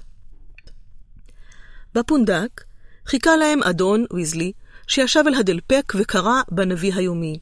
הארי, הוא אמר בחיוך לאחר שהרים את מבטו. מה שלומך? טוב, תודה, אמר הארי. הוא, רון והרמיוני הצטרפו אל אדון ויזלי, ובידיהם כל מה שקנו. אדון ויזלי הניח את העיתון שלו, והארי ראה שוב את תמונתו המוכרת של סיריוס בלק מישירה אליו מבט. עוד לא תפסו אותו? הוא שאל. לא, אמר אדון ויזלי בסבר פנים חמור. הקפיצו את כולנו מהתפקידים הרגילים שלנו במשרד הקסמים, כדי שנסייע בחיפושים אחריו, אבל uh, בינתיים אין לנו מזל. אם אנחנו נתפוס אותו, יש פרס? שאל רון. יהיה נחמד לקבל עוד קצת כסף. אל תדבר שטויות, רון, אמר אדון ויזלי, שבמבט מקרוב נראה מאוד מתוח. שום קוסם בן 13 לא יתפוס את בלק. אני מוכן להתערב, שמי שילכדו אותו בסוף, יהיו השומרים של אזקבן, ותזכרו שאמרתי את זה. באותו רגע, נכנסה לפונדק גברת ויזלי עמוסה בשקיות, ובעקבותיה נכנסו התאומים, פרד וג'ורג', שעמדו להתחיל את שנתם החמישית בהוגוורטס, המדריך הראשי החדש, פרסי, ובתם הצעירה של הוויזלים, ג'יני. ג'יני שמאז ומעולם הייתה קצת מאוהבת בהארי, נראתה עוד יותר נבוכה מן הרגיל כשראתה אותו הפעם, אולי כיוון שבשנה הקודמת בהוגוורטס הוא הציל את חייה. היא הסמיקה נורה ואמרה, שלום, מבלי להסתכל עליו, אבל פרסי הושיט את ידו ברצינות, כאילו הוא והארי לא נפגשו מעולם, ואמר, הארי, טוב לפגוש אותך. שלום, פרסי, אמר הארי, משתדל שלא לצחוק. אני מקווה שמצבך בכי טוב, אמר פרסי ברוב חשיבות עצמית ולחץ את ידו. זה היה קצת כמו לערוך קבלת פנים אצל ראש העיר. טוב מאוד, תודה. הארי, אמר פרד, דחף את פרסי הצידה וקד קידה עמוקה. כמה נפלא לראות את זיו פניך, קשישי. פשוט תענוג, אמר ג'ורג', דחף את פרד הצידה, ולפת גם הוא את ידו של הארי. הכבוד כולו שלי. פרסי הזעיף פנים. די עם זה, אמרה הגברת ויזלי. אמא, אמר פרד, כאילו רק עכשיו הוא שם לב אליה, ולפת גם את ידה. כמה מצוין לראות אותך כאן. אמרתי להפסיק עם זה, אמרה הגברת ויזלי, והטילה את השקיות, ובהן כל מה שקנתה, על אחד הכיסאות הריקים. שלום, הארי חמוד. אני מניחה שכבר שמעת את החדשות המסעירות שלנו. היא הצביעה על סיכת הכסף החדשה שנצצה על חזהו של פרסי. המדריך הראשי השני במשפחה, היא אמרה מלאת גאווה. והאחרון, מלמל פרד חרישית. זה בהחלט ייתכן, אמרה הגברת ויזלי, והרצינה לפתע. שמתי לב שאתם לא התמניתם למדריכים. למה שנרצה להיות מדריכים? אמר ג'ורג' בהפגנת זעזוע מעצם הרעיון. זה מוציא את כל הכיף מהחיים. ג'יני צחקקה. אתם צריכים לשמש דוגמה טובה יותר לאחותכם, כעסה הגברת ויזלי. לג'יני יש אחים אחרים שמשמשים לדוגמה, אמא, אמר פרסי בהתנשאות. אני עולה להחליף בגדים לארוחת הערב. הוא נעלם, וג'ורג' נאנח בהקלה. ניסינו לנעול אותו בתוך אחת הפירמידות, הוא אמר להארי, אבל ברגע האחרון אמא ראתה אותנו. הארוחה שאכלו באותו ערב הייתה אירוע נעים ביותר. תום הפונדקאי חיבר יחד שלושה שולחנות במסעדה, ושבעת הוויזלים, יחד עם הארי והרמיוני, אכלו כולם לשובעה חמש מנות טעימות כל אחד. איך נגיע לקינג קרוס מחר, אבא? שאל פרד בשעה שלשולחן הוגש הקינוח, פודינג שוקולד מעורר תיאבון. משרד הקסמים התנדב להסיע אותנו בשתי מכוניות, אמר אדון ויזלי. כולם הסתכלו עליו. מדוע? שאל פרסי בסקרנות. זה לכבודך, פרס, אמר ג'ורג' במלוא הרצינות, ועל מכסה המנוע התנוססו דגלים קטנים, שיהיה כתוב עליהם פ' ו', ראשי תיבות של פוץ ואידיוט, השלים פרד. כולם, מלבד פרסי וגברת ויזלי, כמעט נחנקו מצחוק עם הפודינג שלהם. מדוע משרד הקסמים מתנדב להסיע אותנו, אבא? שאל פרסי שוב בקול רציני. טוב, כיוון שכבר אין לנו מכונית, אמר אדון ויזלי, וכיוון שאני עובד שם, הם עושים לי טובה. קולו היה רגיל, אבל הארי לא יכול שלא להבחין כי אוזניו של אדון ויזלי מאדימות, בדיוק כמו אוזניו של רון בשעה שהוא נתון בלחץ. ומזל שכך אמרה הגברת ויזלי בענייניות. ראיתם כמה מזוודות יש לכולכם יחד? ברכבת התחתית של המוגלגים הייתם בולטים לקילומטרים. אתם כולכם ארוזים, נכון? רון עוד לא הכניס את כל הדברים החדשים שלו למזוודה, אמר פרסי בקול של אדם למוד סבל. הוא זרק הכל על המיטה שלי. כדאי שתלך ותארוז כמו שצריך, רון, כי בבוקר לא יהיה לנו הרבה זמן, קראה הגברת ויזלי מהקצה הרחוק של השולחן. רון עשה פרצוף בכיוון של פרסי. אחרי ארוחת הערב כולם הרגישו שבעים ומנומנמים. אחד-אחד הם עשו את דרכם לחדרים כדי לבדוק אם הכל מוכן למחר.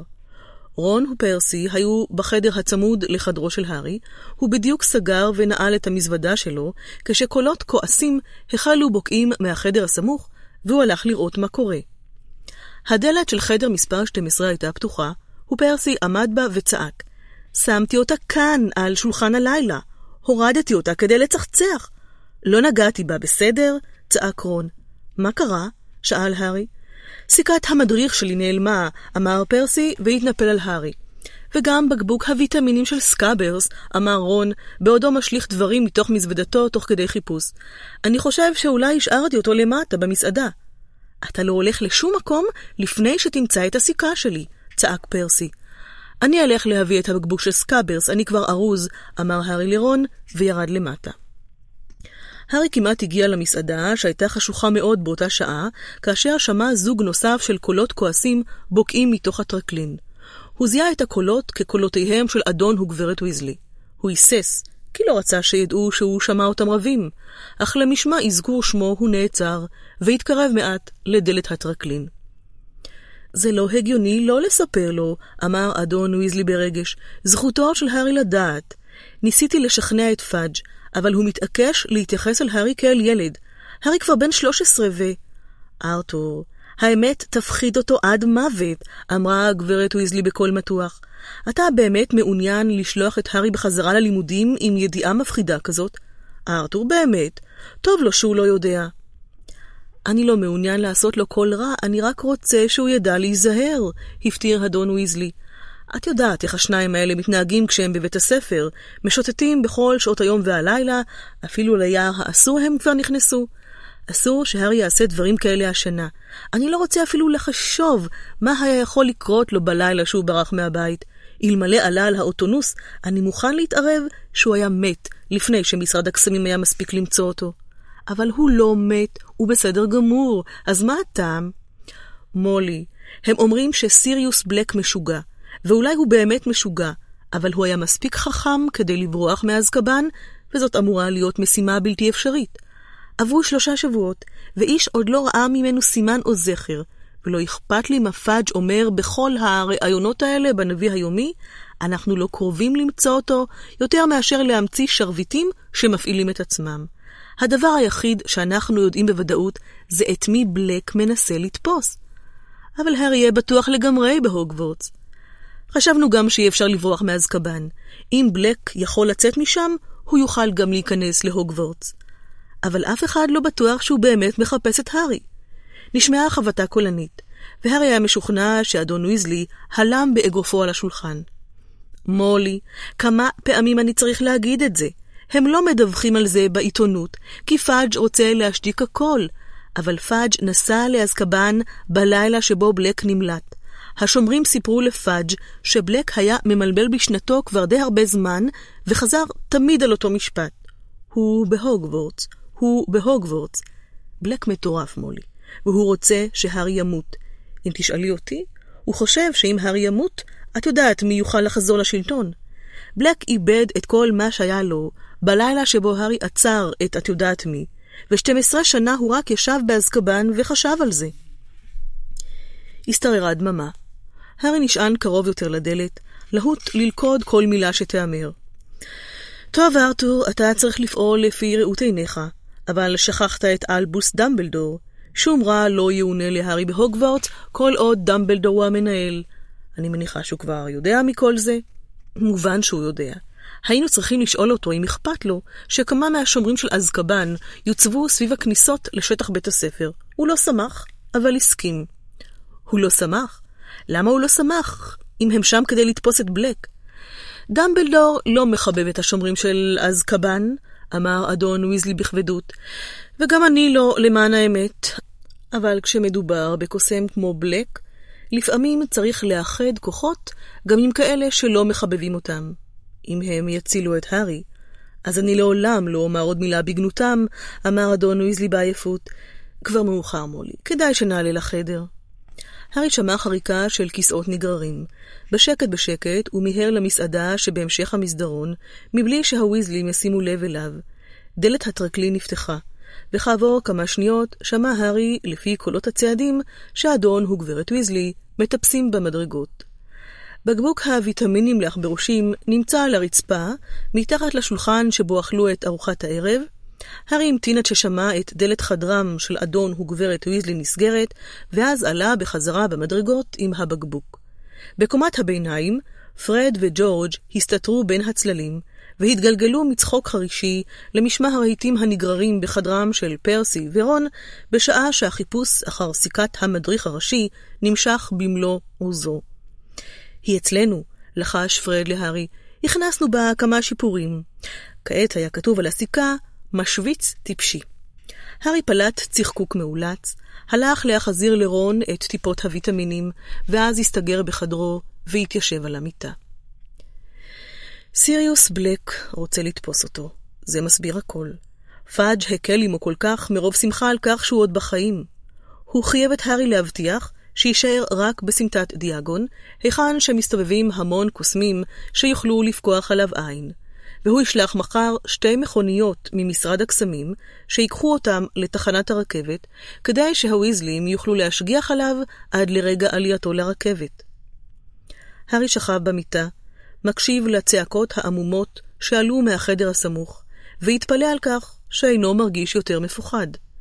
סיריוס בלק רצח 13 אנשים בקללה אחת, ואדון וגברת ויזלי כנראה חשבו שהארי יהיה משותק מרוב פחד אם יספרו לו את האמת. אבל הארי דווקא הסכים לגמרי עם טענתה של גברת ויזלי, שהמקום הבטוח ביותר בעולם בשבילו הוא המקום שבו נמצא אלבוס דמבלדור. כולם אומרים תמיד שדמבלדור היה האדם היחיד שהלורד וולדמורט פחד ממנו. למה שבלק, יד ימינו של וולדמורט, לא יפחד מדמבלדור בדיוק כמוהו? וחוץ מזה, כולם מדברים כל הזמן על השומרים של אזקבן, ונראה שכולם מפחדים מהם נורא. אם הם מוצבים בכל הכניסות לבית הספר, סיכוייו של בלק להיכנס נראים קלושים ביותר. לא, בסופו של דבר, מה שהציק להארי יותר מכל הייתה העובדה שסיכוייו לבקר בהוגסמיד הלכו ושאפו לאפס. אף אחד לא ירצה שהארי יצא מן הגבולות הבטוחים של הטירה לפני שבלק ייתפס. למעשה, הארי חשש שמא יודבק לו ליווי צמוד עד שהסכנה תחלוף. הוא הזעיף פנים כלפי התקרה החשוכה. מה הם חושבים? שהוא לא יודע להשגיח על עצמו? שלוש פעמים הוא הצליח להימלט מהלורד וולדמורט. הוא לא לגמרי חסר אונים. אבל דמותו של היצור בין הצללים בשדרת מגנוליה בכל זאת התגנבה למחשבותיו. כיצד לנהוג כשהגרוע מכל נגלה לכם? אני לא עומד למות, אמר הארי בקול רם. או, זאת הגישה חמוד, אמר הראי שלו בקול ישנוני. פרק 5 עמוד 77 הסוהרסנים למחרת בבוקר העיר תום את הארי כרגיל בחיוך חסר שיניים וחוס תה. הארי התלבש, ובדיוק כשניסה לשכנע את הדוויג המאוכזבת לחזור לכלובה, רון נכנס לחדרו ברעש גדול, עצבני וכועס, תוך שהוא משתחל לתוך סוודר. עדיף שנעלה על הרכבת הזאת כמה שיותר מהר, אמר רון. בהוגוורטס אני אוכל לפחות לתפוס מרחק מפרסי. עכשיו הוא החליט שטפטפתי לו תה על הצילום של פנלופה קליר ווטר. אתה יודע, רון היווה את פניו, החברה שלו. היא הסתירה את הפנים שלה מאחורי המסגרת בגלל שהאף שלה כולו מחוצ'קן. אני חייב לספר לך משהו, פתח הארי, אך בדיוק אז נכנסו פרד וג'ורג' כדי לברך את רון על שהצליח שוב לעצבן את פרסי.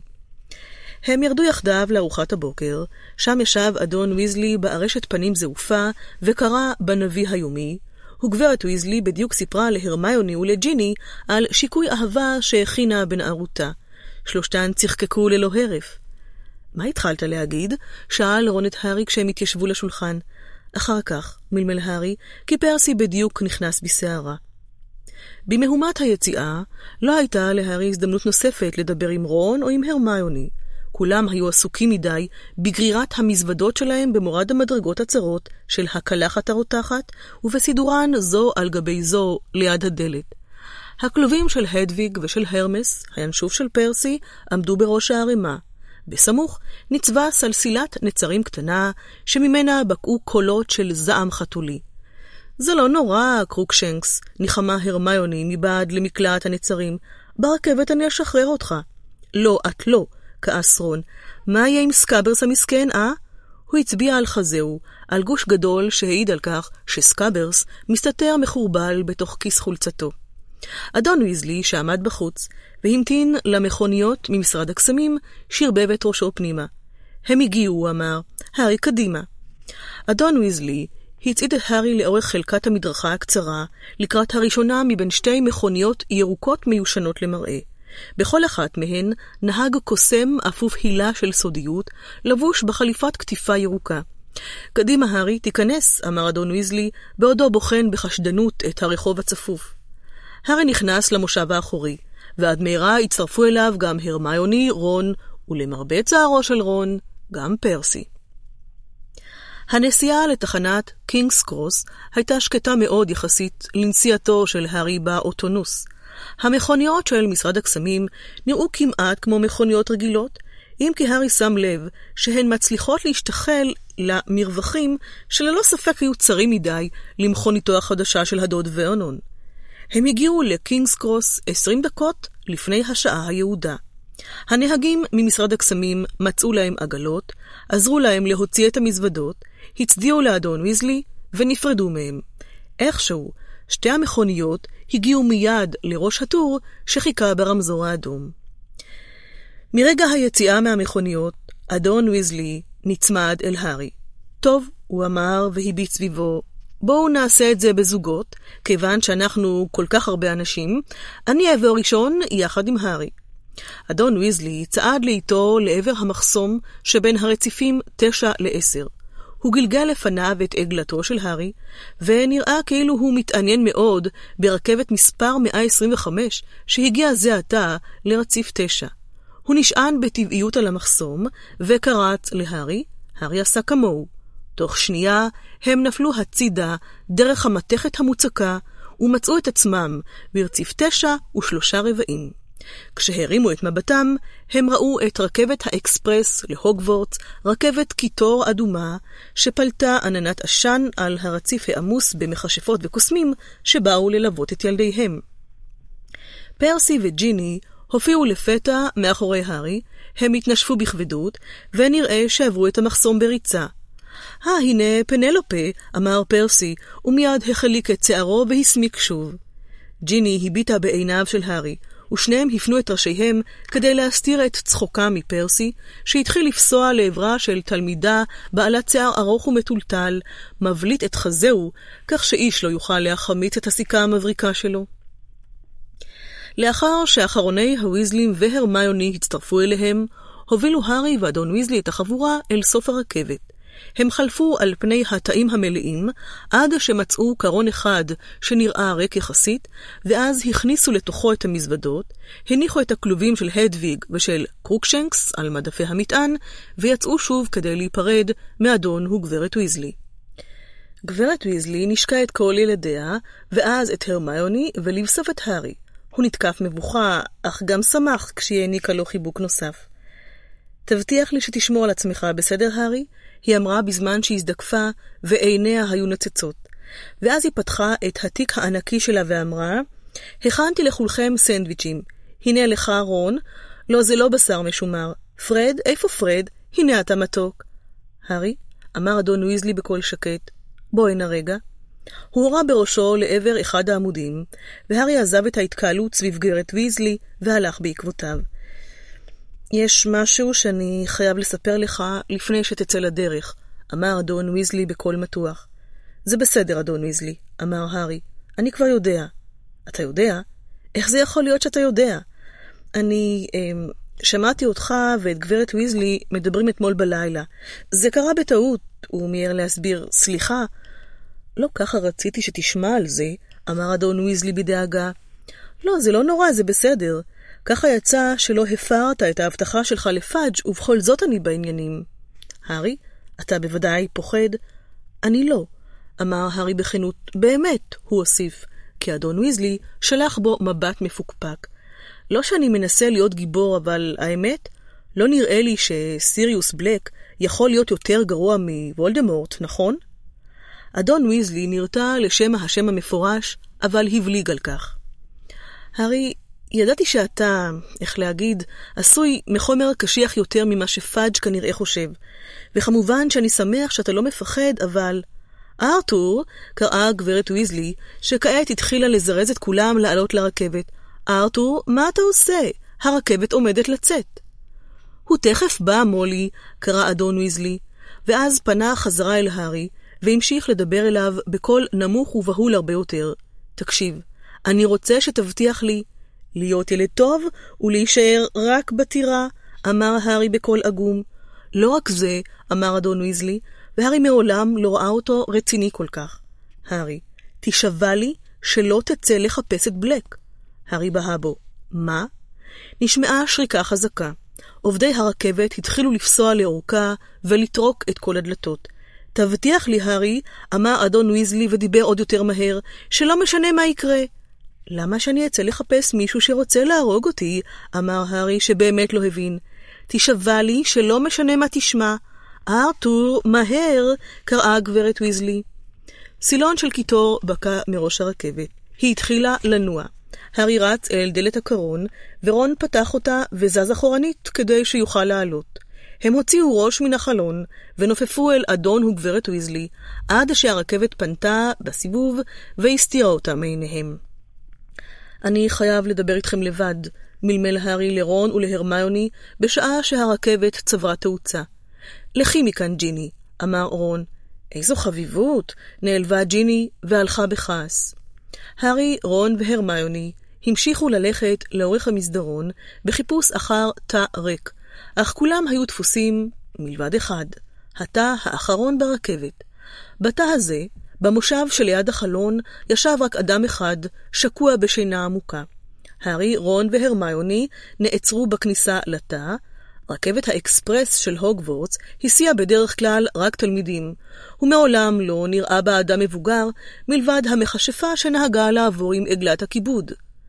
הזר היה לבוש בגלימת קוסמים מרופטת במיוחד, מעוטרת בכמה וכמה טלאים.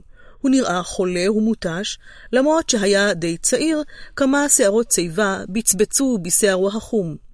מי זה לדעתך? לחש רון, כאשר סגרו את הדלת והתיישבו, מקפידים לבחור את המושבים הרחוקים ביותר מהחלון. פרופסור רייש ג' לופין, לחשה הרמיוני מיד. איך את יודעת?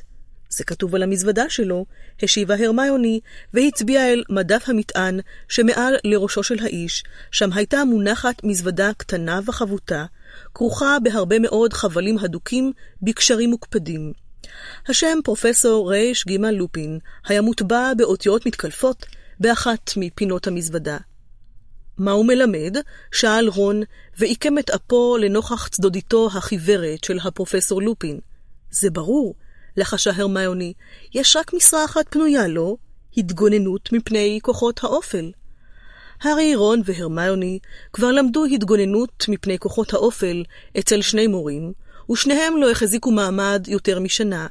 היו שמועות שהתפקיד מביא מזל רע. אז אני מקווה שהוא מסוגל לעמוד בזה, אמר רון בספק. הוא נראה כאילו קללה הגונה אחת והוא מחוסל לגמרי, לא? בכל מקרה, הוא פנה אל הארי, מה רצית להגיד לנו? הארי סיפר להם על הוויכוח של אדון וגברת ויזלי, ועל האזהרה ששמע זה עתה מאדון ויזלי. כאשר סיים את דבריו, רון נראה המום, וידיה של הרמיוני היו צמודות לפיה. לבסוף היא הסירה אותן ואמרה, סיריוס בלק ברח כדי לתפוס אותך? אוי, הארי, אתה חייב להיזהר מאוד מאוד. אל תחפש לעצמך צרות, הארי.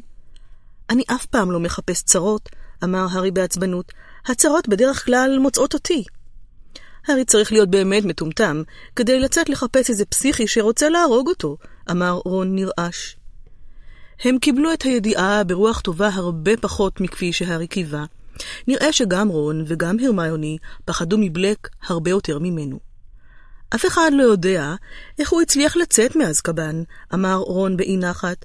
אף אחד לפניו לא הצליח לעשות את זה, והוא עוד היה באגף השמור. אבל בסוף הם יתפסו אותו, נכון? אמרה הרמיוני בקול נואש. זאת אומרת, גם כל המוגלגים מחפשים אותו. מה זה הרעש הזה? אמר רון לפתע. שריקה עמומה, מתכתית, בקעה מאיפשהו, הם חיפשו בכל התא. זה בא מהמזוודה שלך, הארי, אמר רון, קם והושיט את ידו אל מדף המטען. שנייה אחר כך, הוא שלף את מלשינוסקופ הכיס מתוך בגדיו המקופלים של הארי. המלשינוסקופ הסתובב כמו סביבון בכף ידו של רון, וקרן באור חזק. מה זה מלשינוסקופ? שאלה הרמיוני בעניין, ונעמדה כדי לראות יותר טוב. כן, אם כי זה לא הדבר הכי אמין בעולם, אמר רון. לדוגמה, כשניסיתי לקשור את זה לרגל של ארול כדי לשלוח אותו להארי, זה פשוט השתגע. אולי בגלל שעשית שם משהו מאחורי הגב של מישהו? אמרה הרמיוני הנבונה.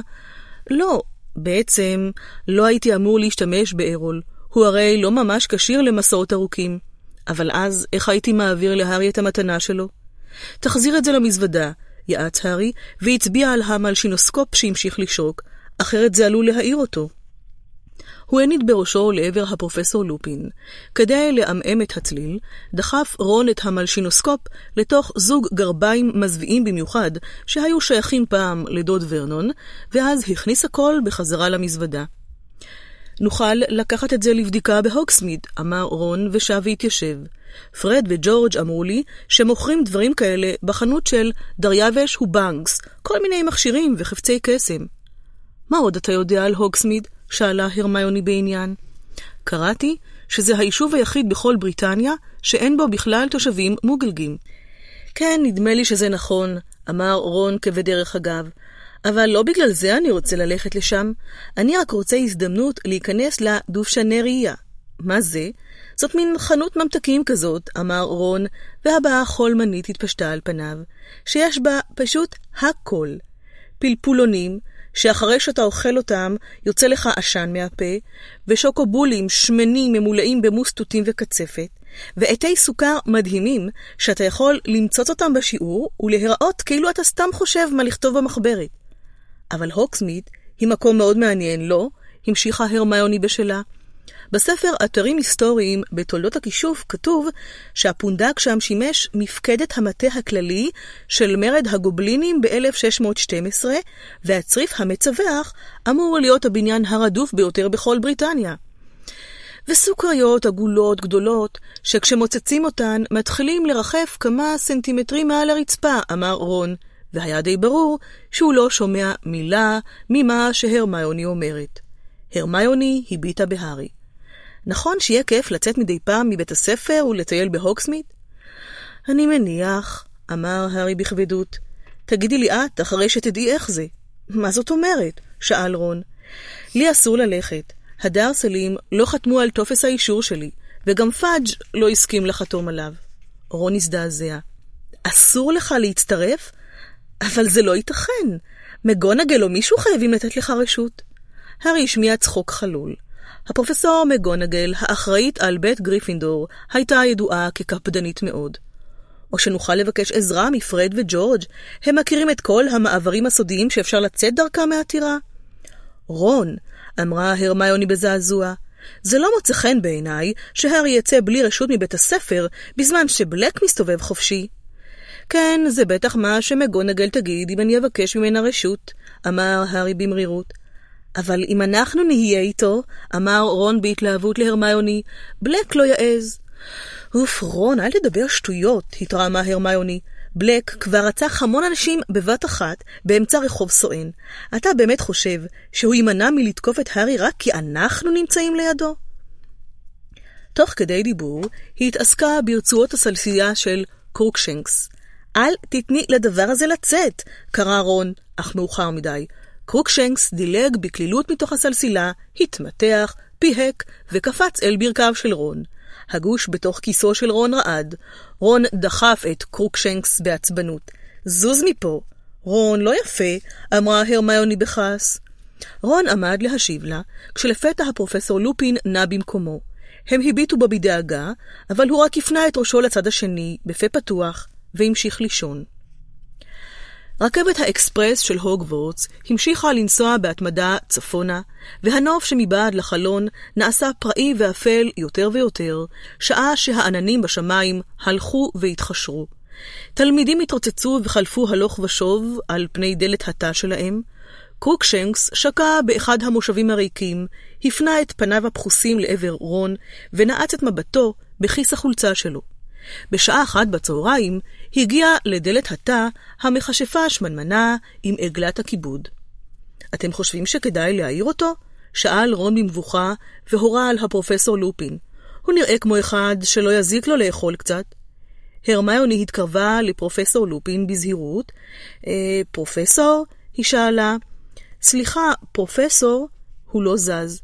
אל תדאגי, חמודה, אמרה המכשפה, והושיטה להארי ערימה גדולה של עוגות גדרה.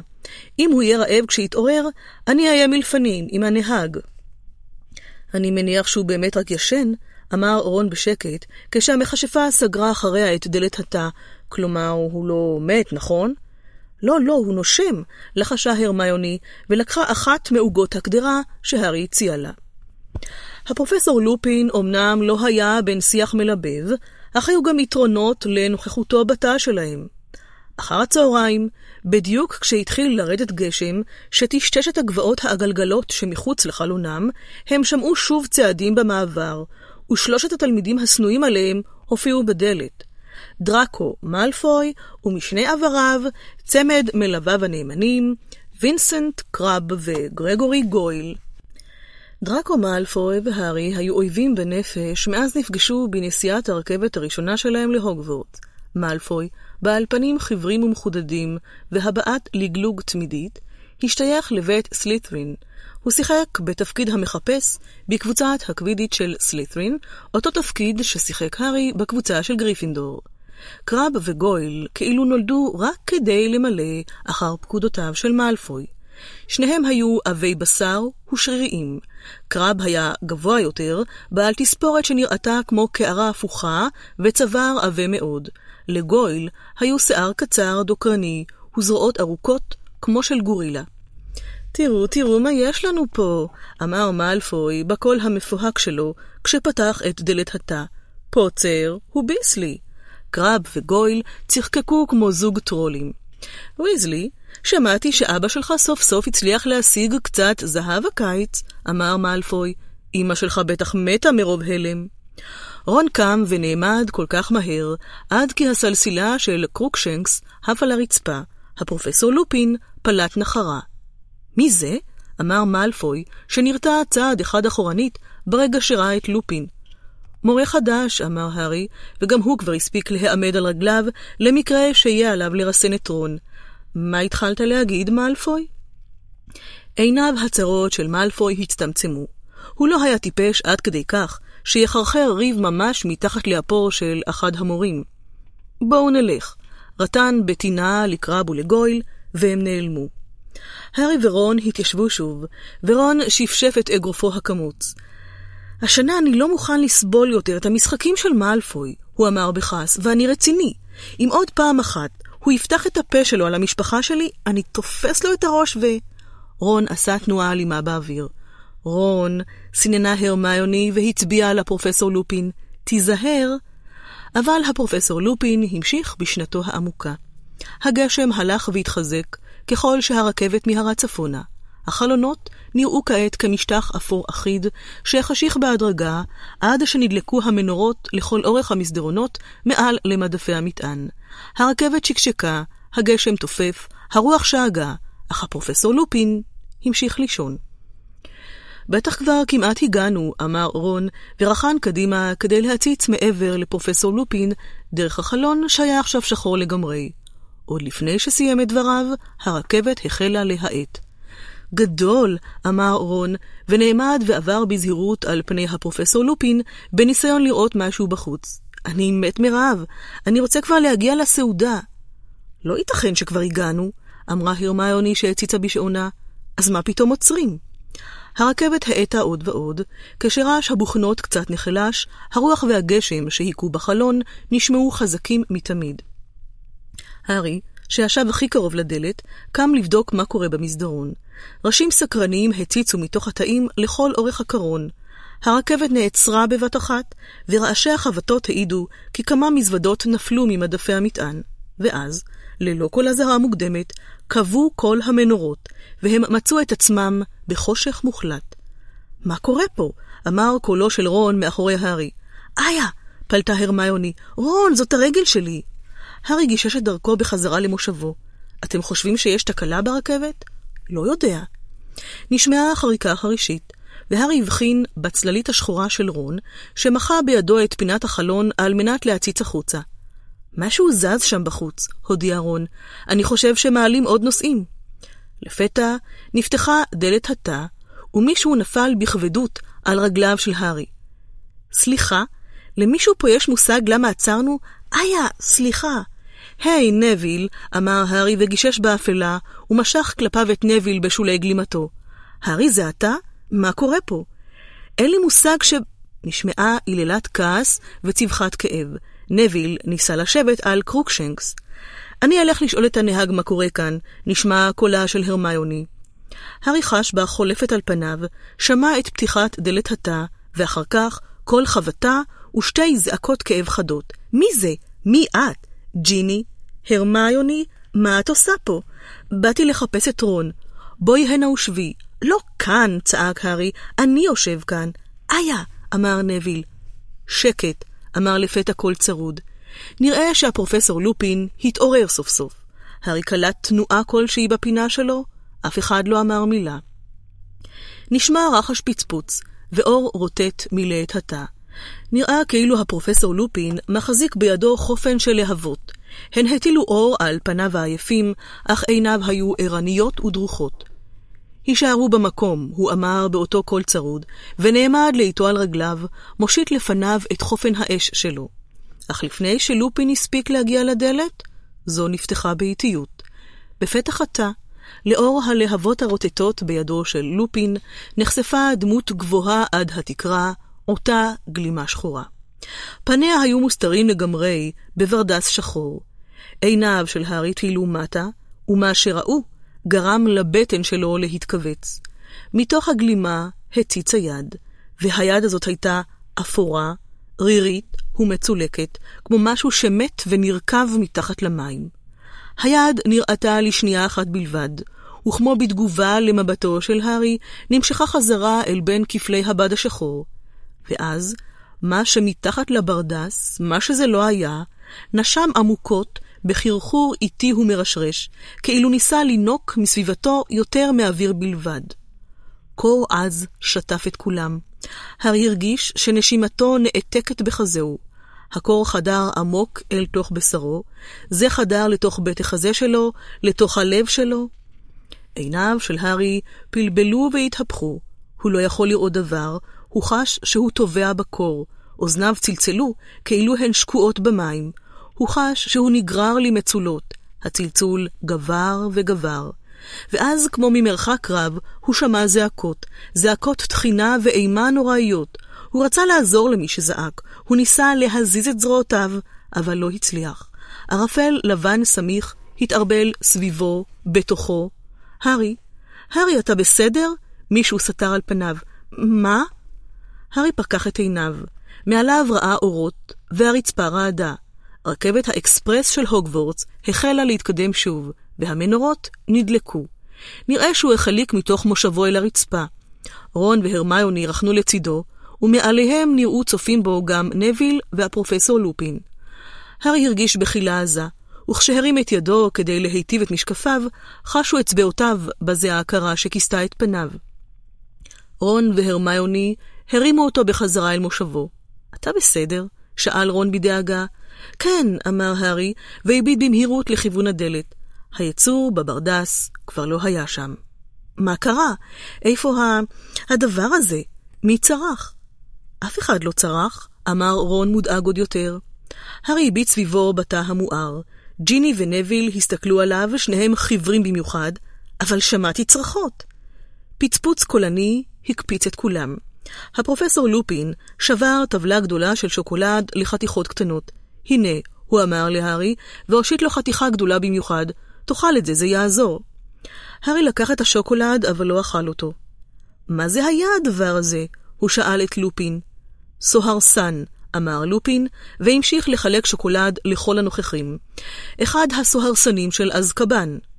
כולם בהו בו. הפרופסור לופין גלגל לכדור את עטיפת השוקולד הריקה, ותחב אותה לכיסו. תאכלו, הוא חזר, זה יעזור.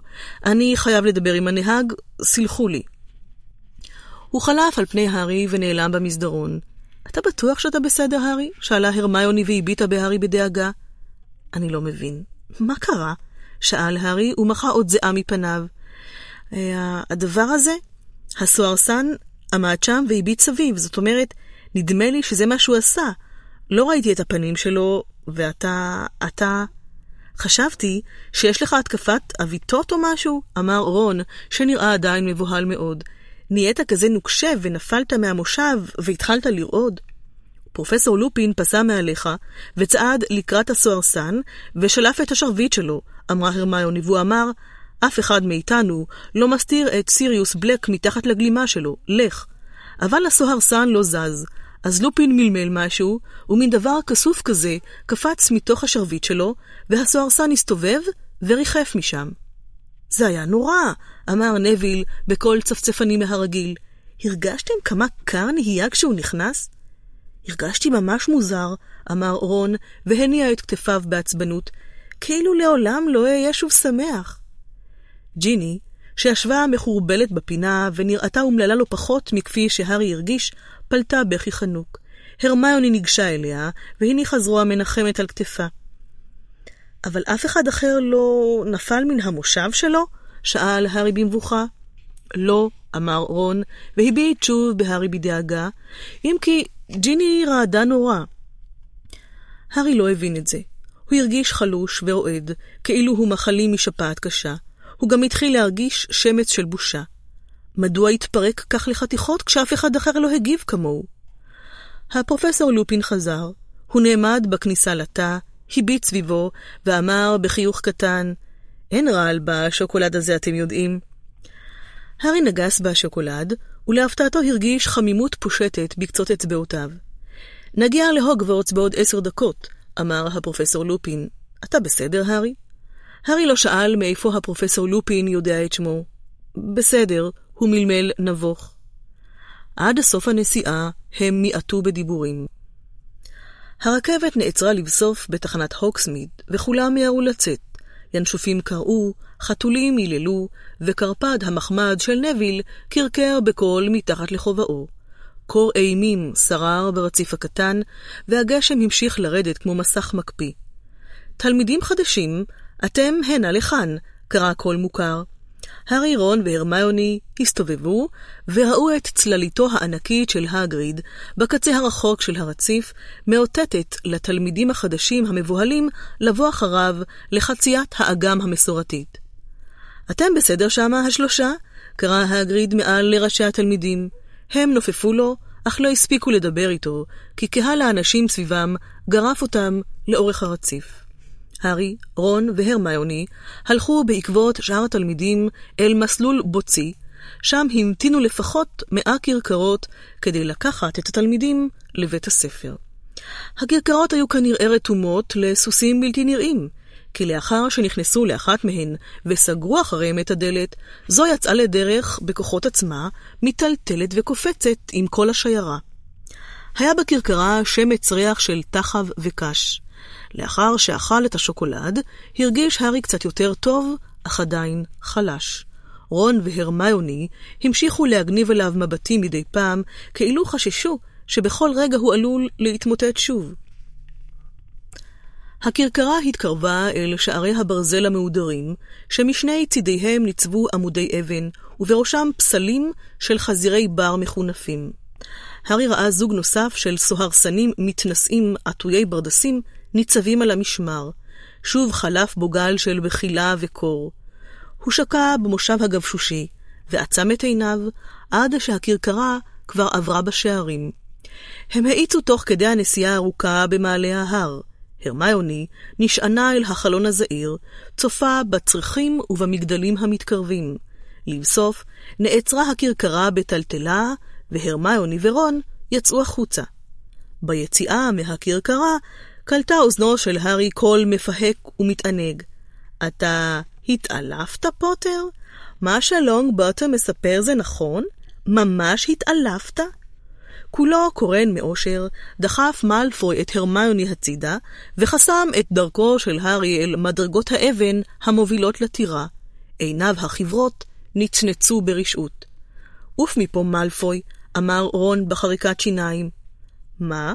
גם אתה התעלפת, ויזלי? גם אתה נבהלת מהסוהרסן הרע, ויזליון? יש פה בעיה? שאל כל עדין. הפרופסור לופין יצא מהכרכרה הסמוכה. מאלפוי תקע בפרופסור לופין מבט מתנשא, וציין לעצמו את הטלאים על גלימתו ואת מזוודתו החבוטה. בשמץ לעג בקולו הוא אמר, אה, לא, אה, פרופסור, ואז חייך אל קרב וגויל, והוביל אותם במעלה המדרגות אל הטירה.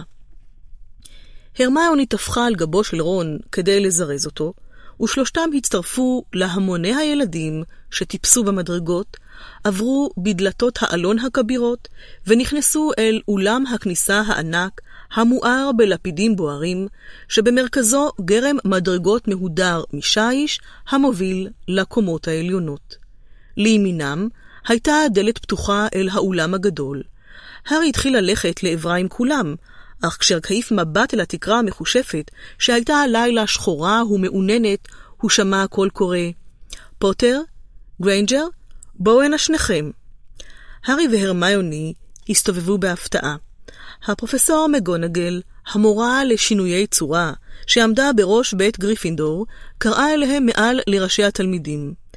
היא הייתה מכשפה חמורת צבר, שאספה תמיד את שערה בתסרוקת פקעת הדוקה, ועיניה האחדות היו ממוסגרות במשקפיים מרובעים.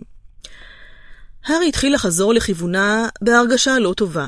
משהו בחזותה של הפרופסור מגונגל תמיד גרם לו להרגיש שבזה הרגע עשה איזה דבר עבירה. אין סיבה להיראות מודאגים כל כך.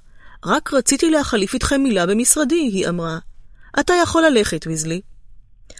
רון עקב אחריהם במבטו, שעה שהפרופסור מגונגל הובילה את הארי והרמיוני הרחק מן ההמון המפטפט, במעלה מדרגות השיש ולאורך מסדרון ארוך. כשהגיעו למשרדה, חדר קטן ובו אח שבערה בחביבות, הפרופסור מגונגל הורתה להארי ולהרמיוני לשבת.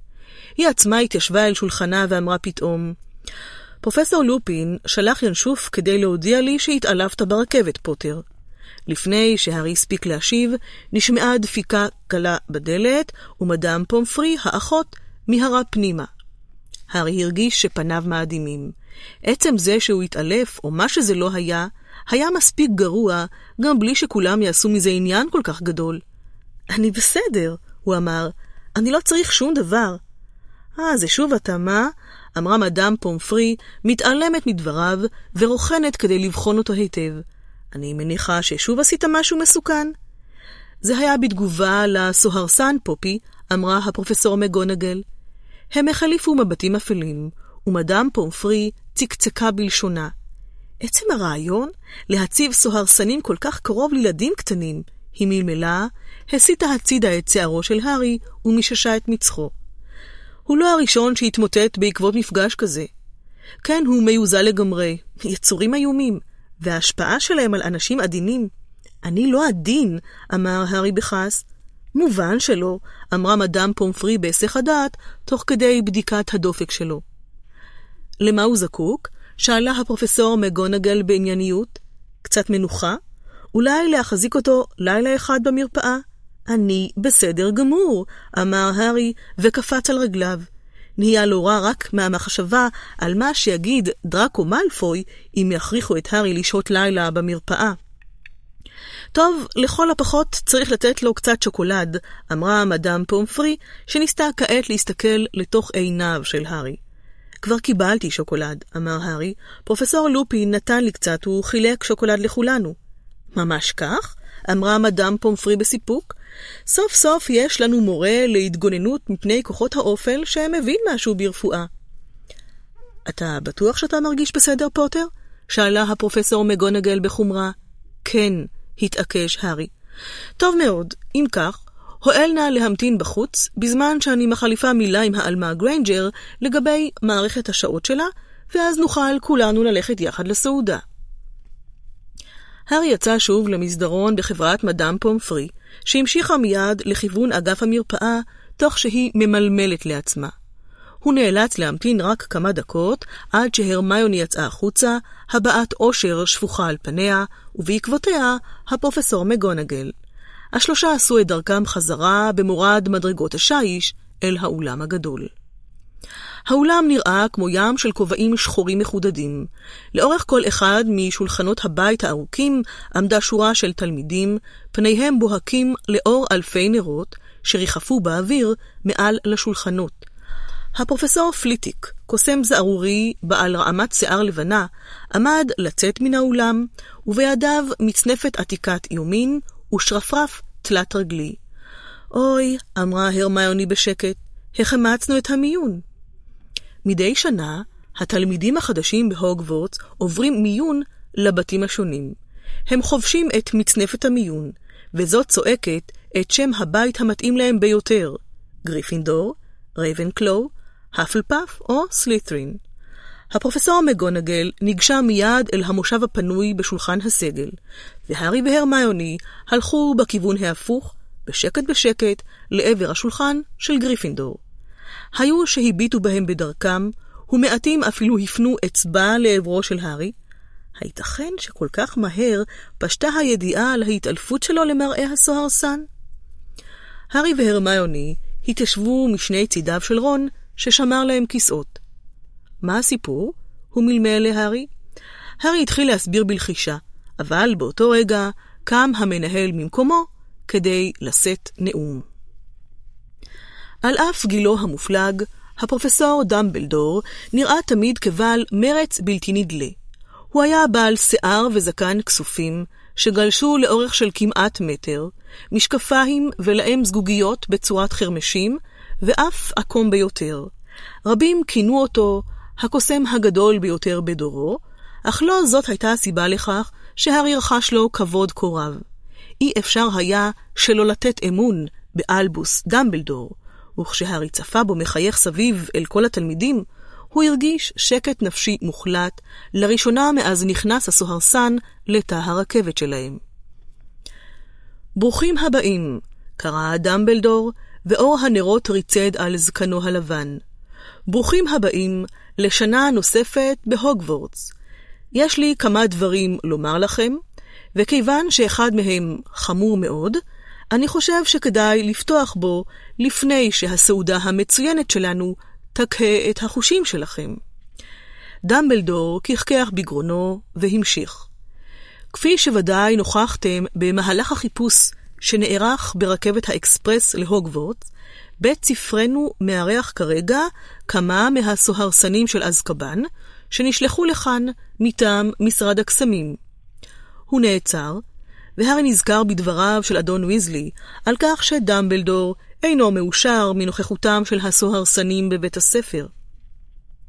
הם מוצבים בכל הכניסות לבית הספר, המשיך דמבלדור, וכל עוד הם נמצאים איתנו, עליי להבהיר לכם שחל איסור מוחלט לעזוב את שטח בית הספר ללא רשות.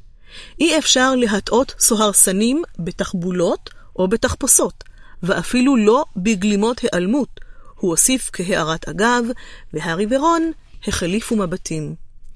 אין זה מטבעם של הסוהרסנים להיענות לתחנונים או לתירוצים.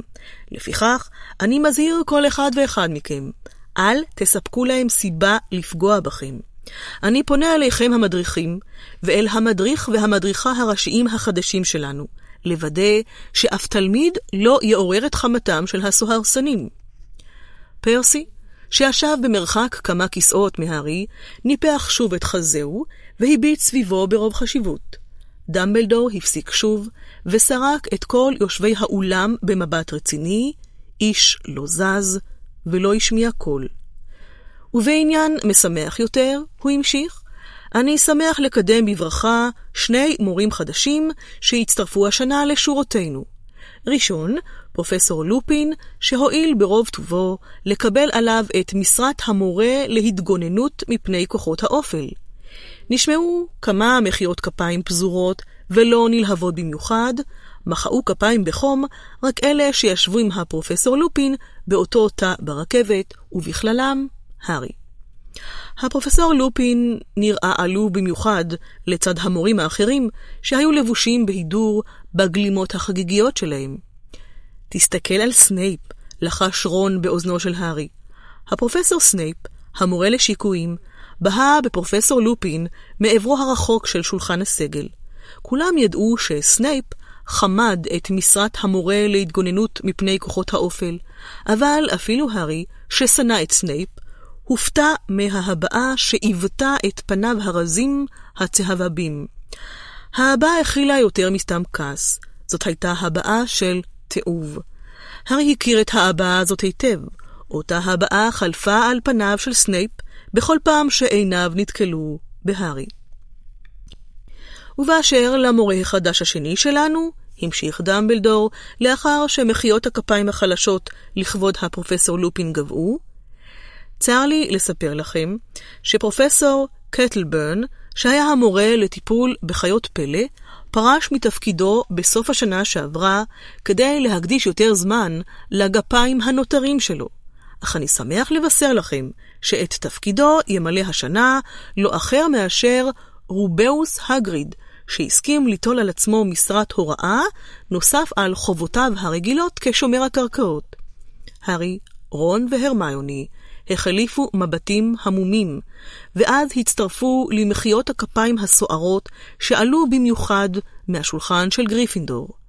הארי רחן קדימה כדי להיטיב לראות את הגריד. על פניו של הגריד פשט סומק ארגמני, והוא השפיל מבט אל ידיו הענקיות, חיוכו הרחב מוסתר בתוך סבך הזקן השחור שלו. איך לא ידענו? שאג רון, והלם בשולחן בכל כוחו. מי עוד היה בוחר בשבילנו ספר נושך? הארי, רון והרמיוני היו האחרונים שחדלו ממחיאות הכפיים, וכשהפרופסור דמבלדור החל שוב לדבר, הם הבחינו שהגריד מוחה את עיניו בשולי מפת השולחן. טוב, אני חושב שאמרתי את כל הדברים החשובים, אמר דמבלדור, הבה נתחיל בסעודה.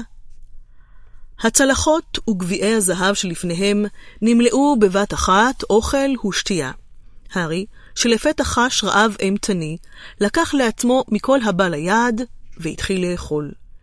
זאת הייתה סעודת מלכים. קולות הפטפוט, הצחוק וקרקוש הסכינים והמזלגות הדהדו בחלל האולם. אבל הארי, רון והרמיוני כבר חיכו לתום הסעודה כדי שיוכלו לגשת ולדבר עם הגריד. הם ידעו עד כמה חשובה לו משרת ההוראה. הגריד מעולם לא הוסמך סופית להיות קוסם. הוא סולק מבית הספר בשנת הלימודים השלישית, בעוון פשע שמעולם לא ביצע. היו אלה הארי, רון והרמיוני, שטיהרו את שמו בשנה הקודמת. סוף כל סוף, כשאחרוני השרידים של עוגת הדלעת נעלמו ממגשי הזהב, הכריז דמבלדור שהגיע הזמן ללכת לישון, והם ניצלו את ההזדמנות. מזל טוב, הגריד, צווחה הרמיוני כשהגיעו לשולחן הסגל. הכל זה בזכותכם, שלושתכם, אמר הגריד, ניגב את פניו הקורנים במפית שלו והביט בהם. אני פה בקושי מאמין, אני... איש גדול הוא דמבלדור כבודו. הוא בא שמה לבקתה שלי, ברגע שפרופסור קטלברן, הוא אמר שזה הספיק בשבילו. זה מה שאני תמיד רציתי. ההתרגשות גברה עליו.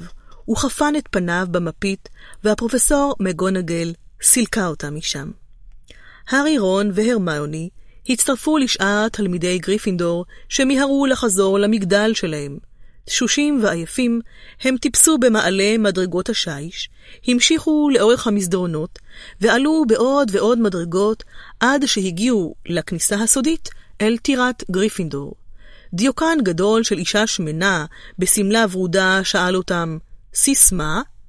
פנו דרך, פנו דרך, קרא פרסי מאחוריהם. הסיסמה החדשה היא פורטונה מז'ור. אוי, לא, אמר נבי לונגבוטום בעצב. הוא תמיד התקשה לזכור את הסיסמאות. כולם עברו בחור שמאחורי התמונה, וחצו את חדר המועדון, והבנים והבנות התפצלו לחדרי המגורים הנפרדים. הארי טיפס במדרגות הלולייניות, וראשו היה ריק ממחשבות מלבד ידיעה ברורה אחת, כמה טוב לחזור לכאן. הם נכנסו לחדר המוכר, העגול, עם חמש מיטות הקהילה, והארי הביט סביבו והרגיש שסוף סוף הוא הגיע הביתה. פרק 6, עמוד 103 תפרים ועלי תה למחרת בבוקר, כשהארי, רון והרמיוני נכנסו לארוחת הבוקר באולם הגדול, הדבר הראשון שראו היה דראקו מאלפוי, מוקף קבוצה גדולה של תלמידים מבית סלית'רין. נראה שהוא מבדר אותם בסיפור משעשע ביותר. כשחלפו על פניו, מאלפו עשה חיקוי מוגזם של התעלפות ועורר שאגות צחוק. תתעלם ממנו, אמרה הרמיוני, שהלכה צעד מאחורי הארי. פשוט תתעלם ממנו. הוא לא שווה את זה. היי, hey, פוטר! צעקה פנסי פרקינסון, תלמידה מסלית'רין עם פרצוף של בולדוג. פוטר! הסוהרסנים באים, פוטר! אימא'לה! הארי התיישב בכבדות על אחד הכיסאות ליד השולחן של גריפינדור, לצידו של ג'ורג' ויזלי. יש פה עותקים של מערכת השעות לתלמידי השנה השלישית, אמר ג'ורג', והעביר לו את ערימת הדפים. מה אוכל אותך, הארי? מאלפוי, אמר רון, שהתיישב מצידו השני של ג'ורג' ושלח מבט נזעם לעבר השולחן של סלית'רין. ג'ורג' הרים את מבטו, והספיק לראות את מאלפוי עושה שוב את חיקוי ההתעלפות שלו. האידיוט הזה, הוא אמר בקול רגוע. הוא לא השתחצן ככה אתמול בלילה, כשהסוהרסנים עלו על הרכבת. הוא בא בריצה על התא שלנו, נכון, פרד? כמעט הרטיב במכנסיים מרוב פחד, אמר פרד, וזרק מבט של בוז לעבר מאלפוי. לא שאני הייתי במצב הרבה יותר טוב, אמר ג'ורג'. הסוהרסנים האלה? יצורים איומים. זה כאילו הם מקפיאים לך את הבטן, לא? אמר פרד. אבל אתם לא התעלפתם, נכון? שאל הארי בשקט. עזוב את זה, הארי, עודד אותו ג'ורג'. אבא נשלח פעם לאזקבן בענייני עבודה, זוכר פרד? והוא אמר שזה היה המקום הכי איום שהוא היה בו אי פעם. הוא חזר כולו חלוש ורועד.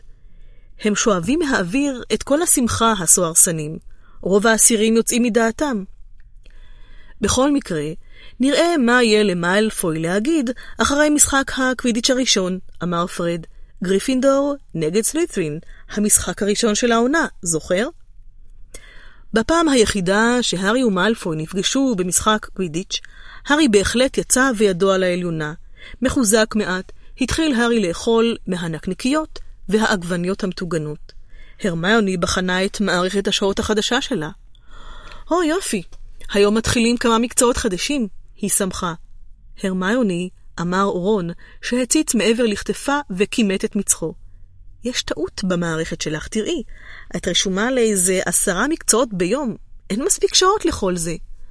אני אסתדר. סידרתי את זה עם פרופסור מגונגל. אבל תראי, אמר רון וצחק.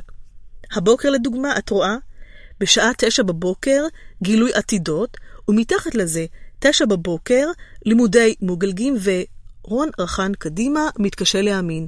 תראי, מתחת לזה, קשפומטיקה, תשע בבוקר, זאת אומרת, אני יודע שאת תלמידה מצטיינת, הרמיוני, אבל אף אחד לא יכול להצטיין עד כדי כך. איך בדיוק את אמורה להגיע לשלושה שיעורים בו זמנית? אל תהיה טיפש, אמרה הרמיוני בקוצר רוח. ברור שאני לא אהיה בשלושה שיעורים בו זמנית. נו, אז איך? תעביר את הריבה בבקשה, אמרה הרמיוני, אבל... אוף, רון, מה אכפת לך אם יש לי מערכת קצת עמוסה? רגזה הרמיוני. אמרתי לך, סידרתי הכל עם פרופסור מגונגל. באותו רגע הגריד נכנס לאולם הגדול. הוא לבש את מעילו הארוך, העשוי פרוות חפרפרת, ובידו האחת התנדנד סמור מת. הכל פה הוא בסדר? הוא שאל בהתלהבות, כאשר עצר לידם בדרכו אל שולחן הסגל. אתם פה תהיו תלמידים בשיעור הראשון שלי, מיד אחרי ארוחת הצהריים. אני ער פה כבר מחמש, מסדר שמה את כל מה שצריך. אני מקווה שזה יהיה בסדר. אני מורה בחיי. הוא חייך אליהם חיוך רחב, והמשיך לכיוון שולחן הסגל, הסמור עוד משתלשל מידו. מעניין מה הוא הכין בשבילנו, אמר רון, ובקולו נשמעה נימה של דאגה. חלק מהתלמידים עזבו כדי ללכת לשיעורים הראשונים שלהם, והאולם התחיל להתרוקן. רון הסתכל במערכת השעות שלו. כדאי שנלך, תראו, גילוי עתידות זה ממש בראש המגדל הצפוני. ייקח לנו עשר דקות רק להגיע לשם. הם סיימו את ארוחת הבוקר שלהם בזריזות, נפרדו מפרד ומג'ורג' ופנו לצאת מן האולם. כשחלפו שוב על פני השולחן של סלית'רין, הבחינו במאלפוי חוזר על חיקוי ההתעלפות שלו, שאגות הצחוק ליוו את הארי עד לאולם הכניסה. הדרך בתוך הטירה אל המגדל הצפוני הייתה ארוכה. אחרי שנתיים בהוגוורטס, הם עדיין לא ידעו כל מה שניתן לדעת על הטירה, ועוד לא היו במגדל הצפוני. חייב להיות איזה קיצור דרך, התנשף רון אחרי שטיפסו בגרם המדרגות הארוך השביעי, והגיעו לקומה לא מוכרת, שלא הכילה דבר מלבד תמונה גדולה של כר דשא ריק, שהייתה תלויה על קיר האבן. אני חושבת שזה הכיוון, אמרה הרמיוני, מציצה אל המסדרון הריק שמימינם. לא יכול להיות, אמר רון, את מביטה דרומה. תראי, אפשר לראות את קצה האגם דרך החלון. הארי המשיך להביט בתמונה. ברגע זה, טייל לתוכה באיטיות שאננה, סוס פוני עפרפר ושמן, והחל לראות בשלווה בדשא הירוק. הארי כבר התרגל לכך שהדמויות המצוירות בהוגוורטס נוהגות לצאת מהתמונות שלהן כדי לבקר זו את זו, אך הוא עוד נהנה לצפות בהן.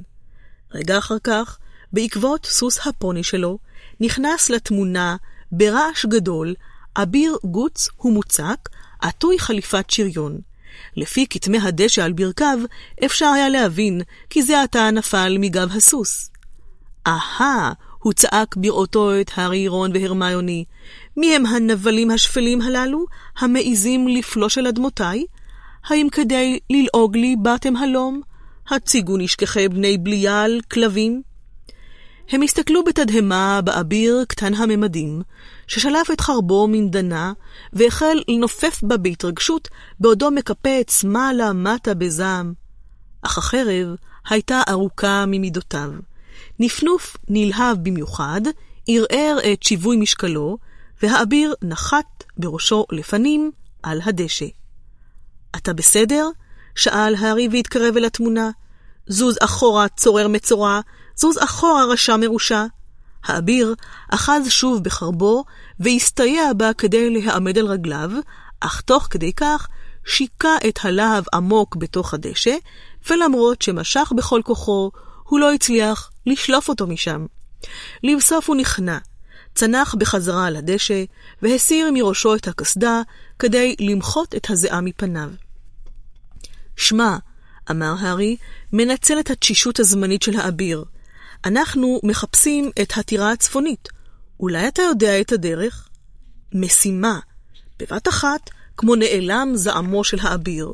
הוא קפץ על רגליו בקרקוש וצעק, בעקבותיי רכבו נא חבריי היקרים, ונצא למסע חיפוש עד שנגיע ליעדנו, או ניפול חלל במילוי תפקידנו. שוב משך האביר בחרבו, אך לשווא, ואז ניסה לעלות על הפוני השמן ונכשל, ולבסוף קרא, אם כן, ברגל, אדוני הטובים וגברתי הנעלה, קדימה, צאו, צאו. והוא התחיל לרוץ, שריונו מקרקש בקול, אל צידה השמאלי של המסגרת ומחוץ לתמונה. הם מיהרו בעקבותיו לאורך המסדרון, עוקבים אחרי רעש השריון שלו. מפעם לפעם הוא הופיע שוב בתוך אחת התמונות שלפניהם. אמצו את לבכם, הגרוע מכל עוד לפנינו, צעק האביר, ופרץ לתוך תמונה של קבוצת נשים מופתעות, בקרינולינות, שהייתה תלויה על קירו של גרם מדרגות לולייני צר.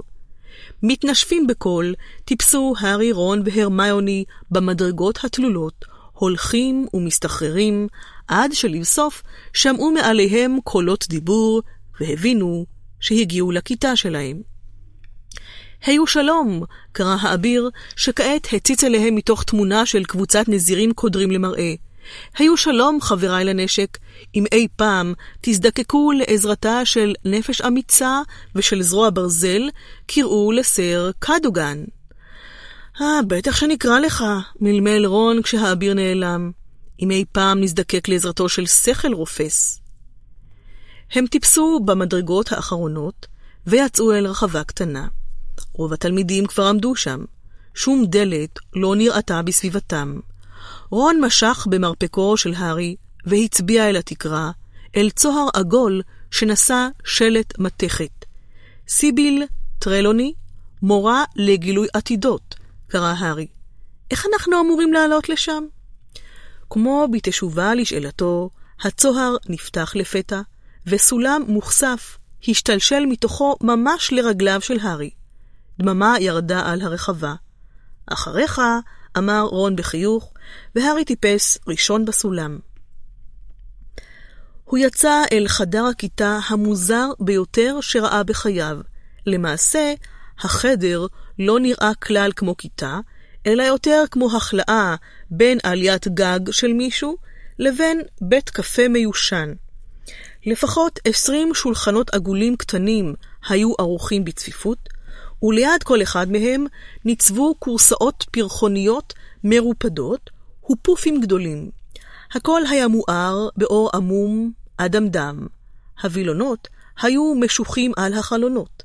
והמנורות המרובות היו מכוסות בצעיפים אדומים. היה חם מאוד, וקומקום נחושת גדול, שהתחמם באח המבוערת, העלה ניחוח מתקתק וכבד. המדפים שלאורך הקירות העגולים היו עמוסים בנוצות מאובקות למראה, בדלי נרות, חפיסות רבות של קלפים מרופטים, אין ספור כדורי בדולח כסופים, ומגוון גדול של ספלי תה. התלמידים נאספו בחדר, כולם מתלחששים, ולצידו של הארי הופיע רון. איפה היא? שאל רון. לפתע בקע קול מהצללים, קול רך וערפילי. ברוכים הבאים, אמר הקול. כמה נעים לפגוש אתכם סוף סוף בעולם הגשמי. הרושם הראשוני של הארי היה שעומד מולו חרק גדול ומבריק.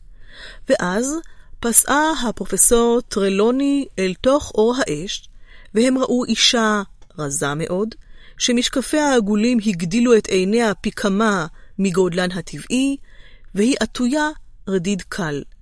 אין ספור שרשראות ומחרוזות היו תלויות על צווארה הדקיק, ועל ידיה וזרועותיה היא עדתה שכבה עבה של צמידים וטבעות.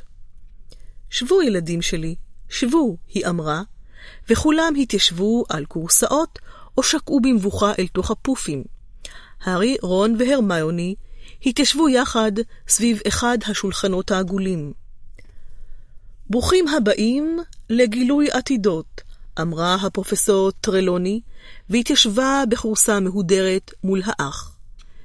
שמי הוא פרופסור טרלוני, ייתכן שעוד לא ראיתם אותי? גיחות תכופות מדי אל הרעש וההמולה של בית הספר מערפלות את העין הפנימית שלי. אף אחד לא אמר דבר בתגובה להכרזה המשונה הזאת. הפרופסור טרלוני היטיבה בעדינות את הרדיד הכרוך על צווארה והמשיכה. אם כן, בחרתם ללמוד גילוי עתידות, המסובכת מכל אומנויות הקסם. עליי להזהיר אתכם כבר בתחילת דרככם, שאם לא נתברכתם בראייה, אוכל ללמד אתכם מעט מאוד. יש גבול למה שניתן להפיק מספרים בתחום הזה.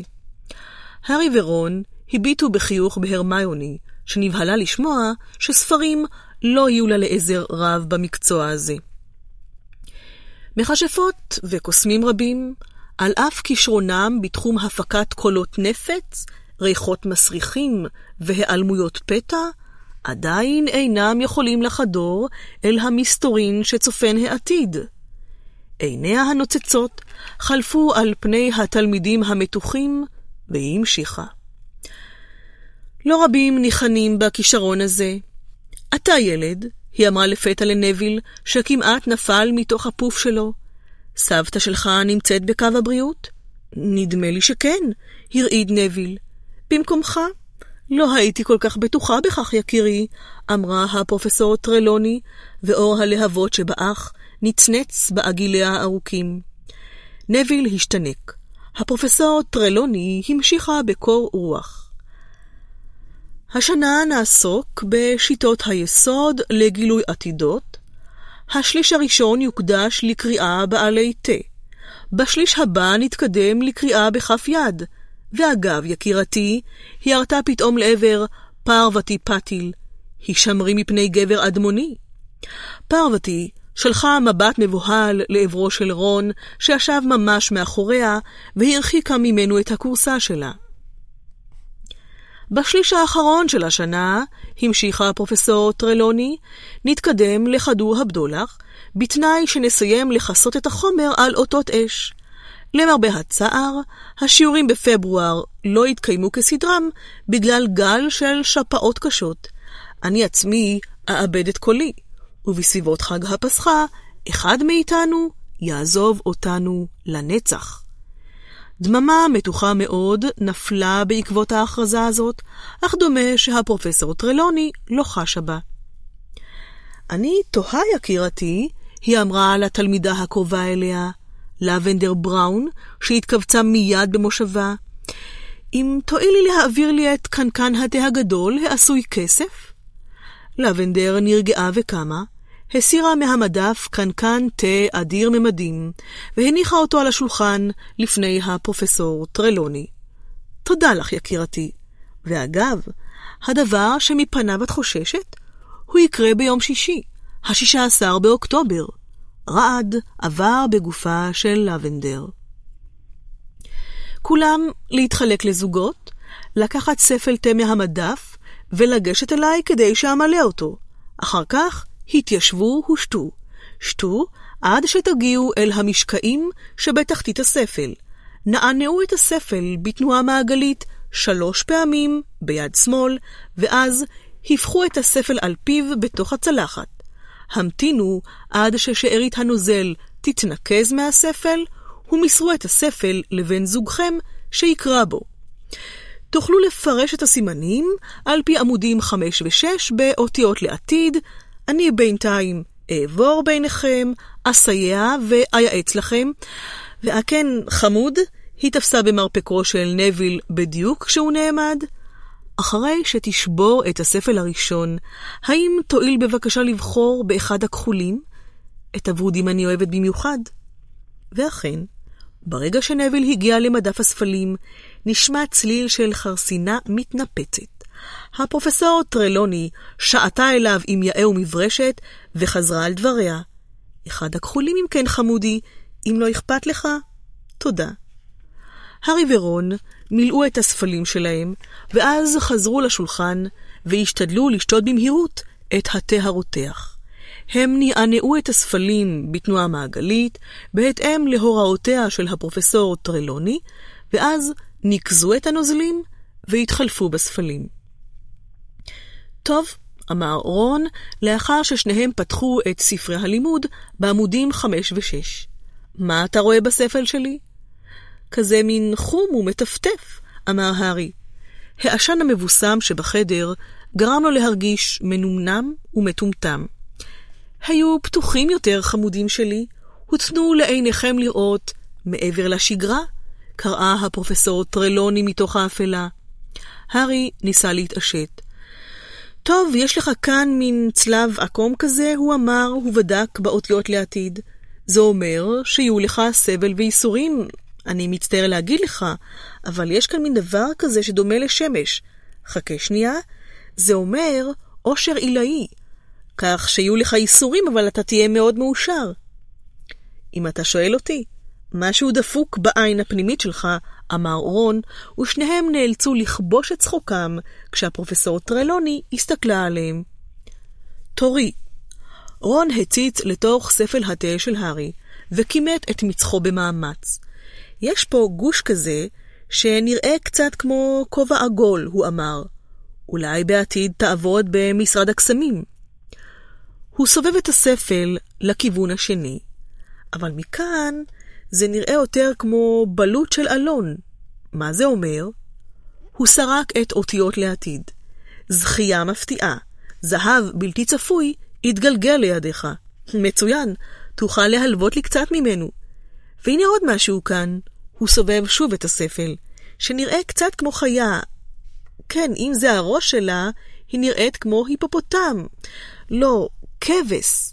הארי פלט נחרת צחוק, והפרופסור טרלוני הסתובבה בבת אחת. תן לי לראות, חמוד, היא אמרה לרון בתוכחה, בעודה שועטת לעברם, וחוטפת מהארי את ספלו. כולם השתתקו והסתכלו עליה.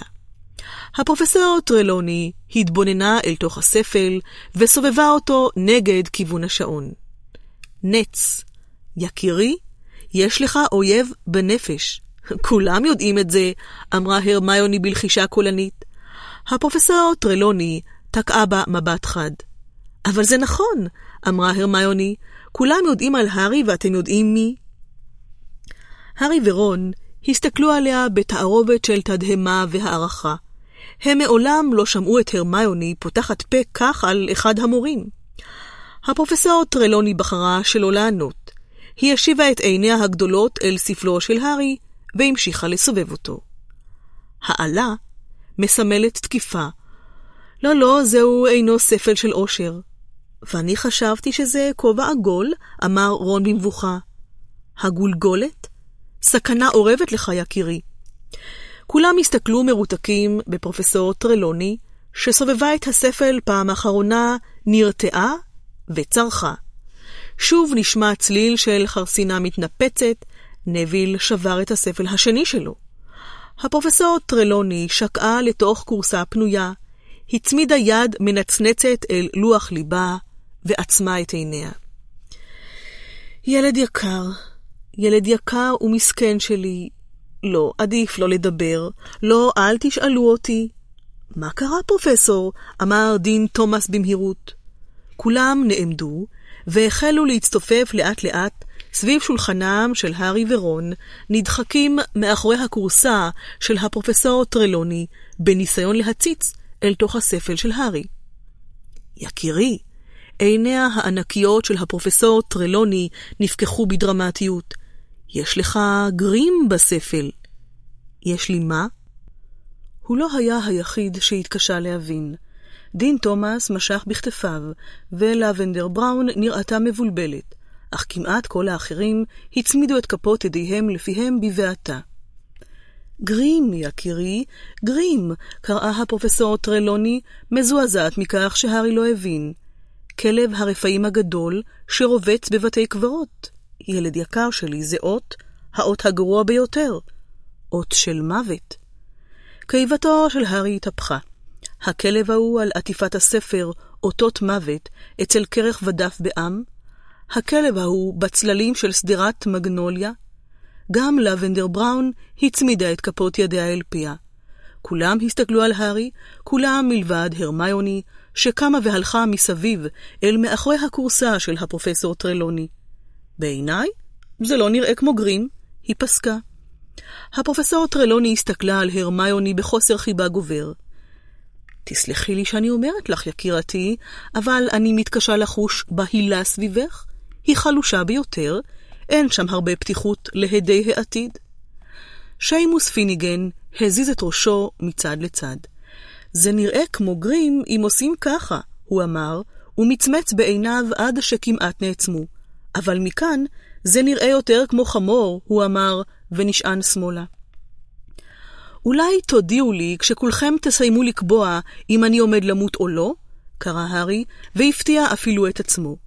כעת נדמה היה שאף אחד לא רוצה במיוחד להסתכל עליו. אני חושבת שנסיים כאן את שיעורנו להיום, אמרה הפרופסור טרלוני בקולה הערפילי ביותר. כן, אנא, ירזו את חפציכם. בדממה החזירו התלמידים את הספלים לפרופסור טרלוני, וארזו את ספריהם בתיקים. אפילו רון נמנע מלהסתכל בעיניו של הארי. עד לפגישתנו הבאה, אמרה הפרופסור טרלוני בשקט, שהגורל יהיה לצדכם. אה כן, וחמוד, היא הצביעה על נביל. אתה עומד לאחר לשיעור הבא שלנו, אז אני מזכירה לך כבר עכשיו להשלים את החומר. הארי, רון והרמיוני ירדו בדממה בסולם של הפרופסור טרלוני ובמדרגות הלולייניות, והלכו לכיוון הכיתה לשינויי צורה של הפרופסור מגונגל.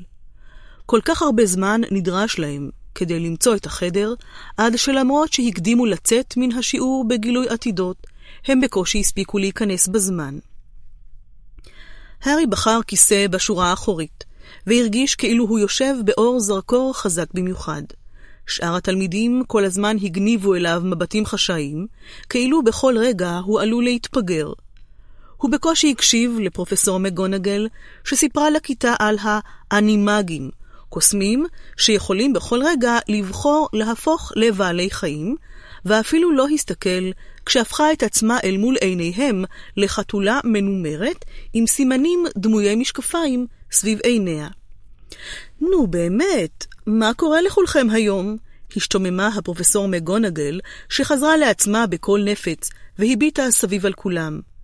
לא שזה חשוב, אבל זאת הפעם הראשונה שכיתה כלשהי רואה את שינוי הצורה שלי ולא מוחאת לי כפיים.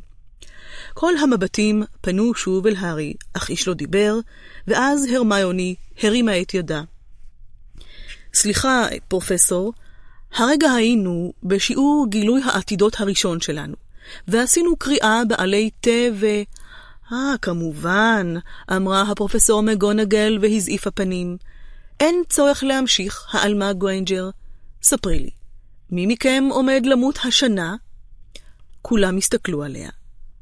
אני, הודה הארי לבסוף. אני מבינה, אמרה הפרופסור מקגונגל, ונעצה בהארי את מבטה החד. אם כך, עליי לספר לך, פוטר, שמיום שהגיע לבית הספר הזה, אחת לשנה, סיביל טרלוני מנבט את מותו של אחד התלמידים. איש מהם עדיין לא מת. זיהוי אותות מוות, זאת הדרך האהובה עליה לקבל את פניה של כיתה חדשה. אלמלא העובדה שלעולם אינני נוהגת לדבר סרה בעמיתי, הפרופסור מגונגל נעצרה, וקצות נחיריה הלבינו, ואז היא המשיכה בקול רגוע יותר. גילוי עתידות הוא אחד ממקצועות הקסם הכי פחות מדויקים. לא אסתיר מכם שיש לי מעט מאוד סבלנות לתחום הזה. נביאי אמת הם נדירים ביותר, ופרופסור טרלוני... היא נעצרה שוב, ואמרה בקול ענייני מאוד, בעיניי אתה נראה בריא כמו שור, פוטר, אז אנא, סלח לי אם לא אפתור אותך מהכנת שיעורי הבית היום. הרשה לי להבטיח לך שאם תמות לפני שיעורנו הבא, לא תידרש להגיש אותם. הרמיוני צחקה. הארי הרגיש מעט יותר טוב. מחוץ להשפעתם המבלבלת של האור האדמדם וריח הבושם בכיתה של הפרופסור טרלוני, היה הרבה יותר קשה לפחד בגלל גוש של עלי תה. אך לא כולם השתכנעו כל כך מהר. רון עוד נראה מודאג, ולבנדר לחשה, אבל איך היא ידעה על הספל של נביל? בסוף השיעור, הם הצטרפו לגל התלמידים המסתערים על ארוחת הצהריים באולם הגדול. רון, תתעודד, אמרה הרמיוני, וקרבה אליו את קערת הנזיד. שמעת מה היה לפרופסור מגונגל להגיד על כל הסיפור? רון נטע לעצמו מתבשיל הבשר, והרים את מזלגו באוויר, אך לא התחיל לאכול. הארי, הוא אמר בקול שקט ורציני, אתה לא ראית כלב גדול ושחור מסתובב באזור שלך, נכון? כן ראיתי, אמר הארי. ראיתי אחד בלילה שבו עזבתי את הדרסלים. רון הפיל את המזלג ברעש גדול.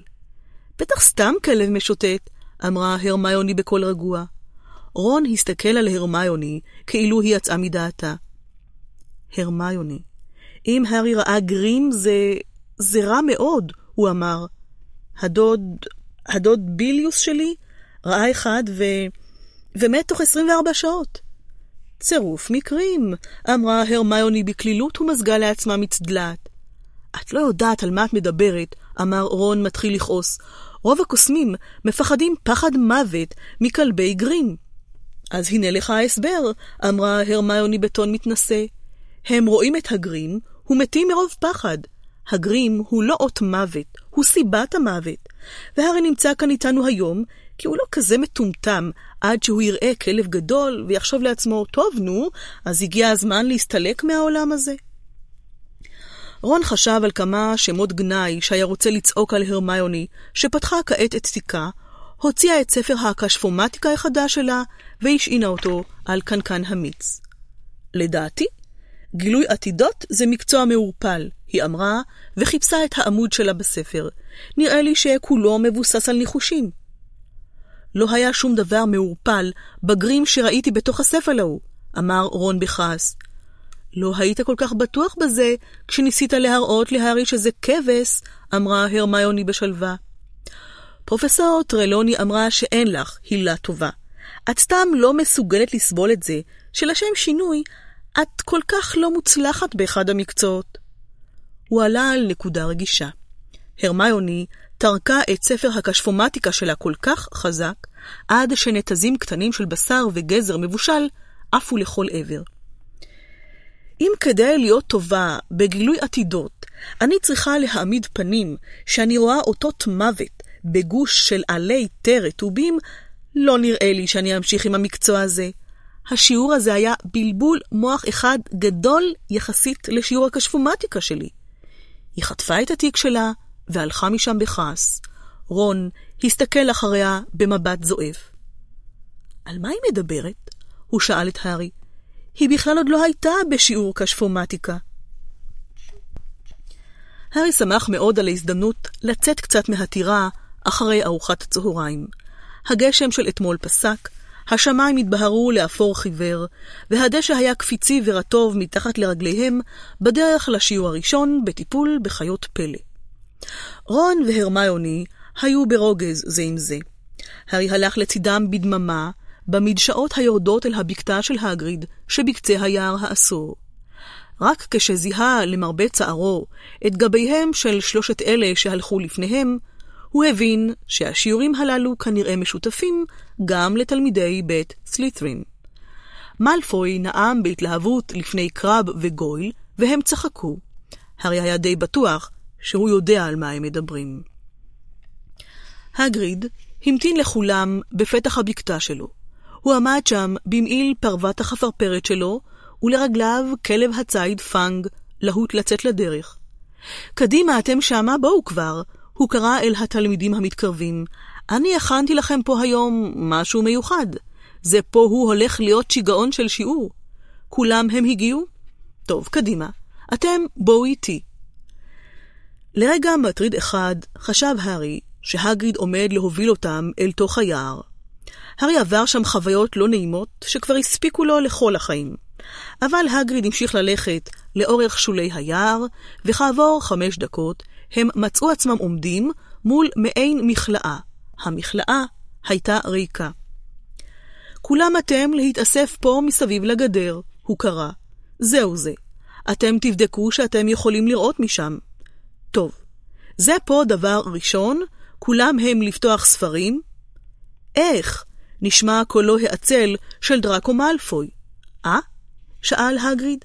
איך אנחנו אמורים לפתוח את הספרים שלנו? חזר מאלפוי. הוא הוציא עותק של ספר המפלצות המפלצתי, מהודק היטב בחבל שכרך סביבו. תלמידים אחרים הוציאו את הספרים שלהם, חלקם, בדומה להארי, קשרו חגורה סביב הספרים כדי לסגור אותם, אחרים דחסו אותם לתוך שקיות הדוקות, או הידקו אותם בעזרת מדפסים חזקים. אף אחד, אף אחד הוא לא הצליח לפתוח את הספר שלו? שאל הגריד באכזבה גלויה. כל התלמידים הנידו בראשיהם בשלילה. כל מה שצריך פה זה ללטף אותם, אמר הגריד, כאילו זה מובן מאליו. תראו. הוא נטל את העותק של הרמיוני, ותלש ממנו את נייר הדבק המחושף שהיה כרוך סביבו. הספר ניסה לנשוך אותו, אבל הגריד ליטף בעדינות באצבעו את שדרת הכריכה, והספר נרעד, ואז נפתח ונשכב בידו בשקט מופתי. כמה טיפשים מצידנו, לגלג מאלפוי. צריך רק ללטף אותם. איך לא ניחשנו? אני... אני חשבתי שזה חמוד, אמר הגריד להרמיוני בחוסר ביטחון. אה, חמוד נורא, אמר מאלפוי, ממש מותק, לתת לנו ספרים שמנסים לקרוע לנו את הידיים. סתום את הפה, מאלפוי, אמר הארי בשקט. הגריד נראה מדוכדך, והארי רצה שהשיעור הראשון של הגריד יהיה מוצלח. טוב, אמר הגריד, שככל הנראה איבד את חוט המחשבה שלו. טוב, אז אתם, יש לכם פה את הספרים, ו... ועכשיו אתם צריכים את החיות, כן. טוב, אז אני כבר הולך להביא אותם. אתם חכו פה רגע. הוא התחיל להתרחק מהם אל תוך היער, עד שנעלם מעיניהם. אלוהים, המקום הזה ממש מידרדר, אמר מאלפוי בקול רם. הגולם הזה מלמד שיעור. אבא שלי יתפקע כשאני אספר לו על זה. סתום את הפה, מאלפוי, חזר הארי. זהירות פוטר, סוהרסן מאחוריך. הוא, צייצה לבנדר בראון והצביע אל הצד הרחוק של המכלאה. קבוצת היצורים המוזרים ביותר שהארי ראה בחייו התקדמה לקראתם. היו להם גוף, רגליים אחוריות וזנבות כשל סוס, אך רגליים קדמיות, כנפיים וראשים של מה שנראה כמו נשרים ענקיים, עם מקורים מחודדים בגוון מתכתי, ועיניים גדולות וכתומות. ברגליהם הקדמיות היו תפרים באורך של כ-15 סנטימטר, והם נראו קטלניים. כל אחד מהיצורים ענד סביב צווארו רצועת אור עבה, שאליה הייתה מחוברת שרשרת ארוכה. הקצה השני של כל שרשרת הוחזק בידיו הגדולות של הגריד, שהגיע למכלאה בריצה קלה מאחורי היצורים. דיו, דיו שמה, הוא שאג, מחשקש בשרשראות ומכוון את היצורים אל הגדר שסביבה עמדו התלמידים. כולם נרתעו כלות כשהגריד התקרב וקשר את השרשראות לגדר. היפוגריפים, שאג הגריד באושר ונופף לעברם בידו. יפהפיים, לא? הארי הבין למה הגריד מתכוון. אחרי שהתגבר על ההלם הראשוני לנוכח משהו שהוא חצי סוס, חצי ציפור, הוא התחיל להתפעל מהפרווה המבריקה של ההיפוגריפים, שהתמזגה בהדרגה בפלומה של נוצות, בצבע שונה אצל כל היפוגריף. אפור כעין השערה, נחושתי, צבע חול ורדרד, צבע ארמוני, או שחור כמו לילה. טוב, אמר הגריד, שחיכך את ידיו זו בזו, וחייך סביב אל כולם. בואו, אתם תתקרבו קצת. לא נראה שמישהו היה להוט במיוחד להתקרב, אך הארי, רון והרמיוני התקדמו אל הגדר בהיסוס. טוב, הדבר הראשון שצריך פה לדעת על ההיפוגריפים זה שיש להם הרבה גאווה, אמר הגריד. הם נפגעים מאוד בקלות. אתם אף פעם אל תעליבו היפוגריף, כי פה זה עלול להיות הדבר האחרון שאתם תעשו בחיים שלכם. מאלפוי, קרב וגויל לא הקשיבו, הם התלחששו, ולהארי היה חשד לא נעים שהם זוממים להפריע לשיעור. תמיד צריך לחכות פה שההיפוגריף הוא יעשה את הצעד הראשון, המשיך הגריד. ככה זה מנומס, ברור? מתקרבים אליו, משתחווים ומחכים. אם הוא משתחווה חזרה, אז מותר פה לגעת בו, ואם הוא לא משתחווה, כדאי להתרחק פה ממנו די מהר, כי התפרים האלה הם יכולים להכאיב. טוב, אז מי פה הוא רוצה ללכת ראשון? בתגובה, רוב התלמידים נסוגו עוד צעד אחורנית. אפילו להארי, רון והרמיוני הייתה מחשבה שנייה. ההיפוגריפים ניערו את ראשיהם העזים ומתחו את כנפיהם החזקות. נראה שהם לא נהנים להיות קשורים בצורה כזאת. אף אחד? שאל הגריד במבט מתחנן. אני מוכן, אמר הארי. הוא שמע קריאות הפתעה מאחוריו, ולבנדר ופרוותי לחשו לו, הוא, לא, הארי, תזכור מה היה בעלי התה שלך. הארי התעלם מהן, הוא טיפס מעל לגדר המכלאה. בחור לעניין פה, הארי, שאג הגריד. טוב, קדימה, בוא, אנחנו נראה פה איך אתה מסתדר עם בקביק. הוא התיר את אחת השרשראות, הפריד את ההיפוגריף האפור מחבריו, והסיר מצווארו את רצועת האור. התלמידים שבצד הרחוק של המכלאה עצרו את נשימתם. עיניו של מאלפוי הצטמצמו בזדון. לאט לאט אתה, הארי, אמר הגריד בשקט. יצרת קשר עין? עכשיו אתה תשתדל לא למצמץ. היפוגריפים הם לא נותנים אמון באנשים שממצמצים יותר מדי. מובן שעיניו של הארי התחילו מיד לדמוע, אבל הוא לא עצם אותן. בקביק הפנה את ראשו הגדול המחודד, ונעץ בהארי מבט תקיף באחת מעיניו הכתומות. זהו זה, אמר הגריד, זהו זה, הארי, ועכשיו להשתחוות. הארי לא התלהב במיוחד לחשוף את עורפו לפני בקביק, אך הוא מילא אחרי ההוראות של הגריד, הוקד קידה קצרה והזדקף. ההיפוגריף המשיך להתבונן בו במבט יהיר, הוא לא זז. אה, אמר הגריד ונשמע מודאג. טוב, אז עכשיו אתה תתרחק, הארי, לאט-לאט פה. אך בדיוק באותו רגע, לתדהמתו הגדולה של הארי, כופף לפתע ההיפוגריף את ברכיו הקדמיות, ושקע לתנוחה שנראתה ממש כמו השתחוויה. כל הכבוד לך, הארי, אמר הגריד באושר עילאי. טוב, אז עכשיו אתה יכול פה לגעת בו. תלטף את המקור שלו, קדימה. הארי חשב בליבו שהפרס שהוא מעדיף זה דווקא להתרחק מההיפוגריף, אך הוא פסק קדימה באיטיות והושיט אליו יד. הוא ליטף את המקור פעמים אחדות, וההיפוגריף עצם את עיניו בעצלתיים כמתענג. הכיתה פרצה במחיאות כפיים, מלבד מאלפוי, קרב וגויל, שנראו מאוכזבים. קדימה, הארי, אמר הגריד, נראה לי שעכשיו הוא יסכים פה שאתה תרכב עליו. את זה הארי לא הביא בחשבון. הוא היה אמנם מומחה ברכיבה על מטאטא, אבל איכשהו לא נראה לו שלרכוב על היפוגריף זה אותו הדבר. מטפסים משמה, מאחורי איפה שהכנף היא מתחילה, אמר הגריד, ואתה תדאג לא לתלוש לו את הנוצות שם, זה לא ימצא חן בעיניו. הארי הניח רגל על הכנף של בקביק, והניף את עצמו אל גבו של ההיפוגריף. בקביק נעמד. הארי לא ידע איפה להניח את הידיים שלו. בכל מקום שהסתכל, הוא ראה רק נוצות. נו, קדימה, שאג הגריד, וטפח על האחוריים של ההיפוגריף.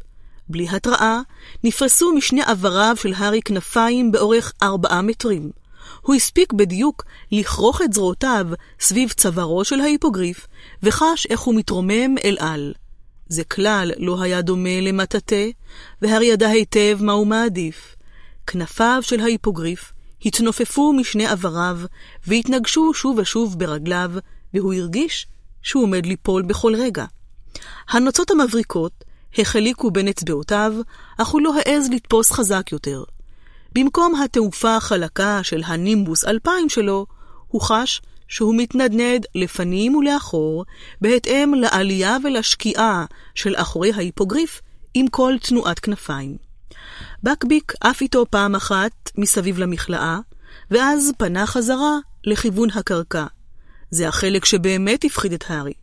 הצוואר החלק שקע, והוא נשען לאחור בהרגשה שהוא עומד להחליק מעל למקור, אבל אז הוא הרגיש חבטה עזה, ושני זוגות הרגליים השונות פגעו בקרקע, הוא הצליח רק בקושי רב להחזיק חזק ולהזדקף שוב.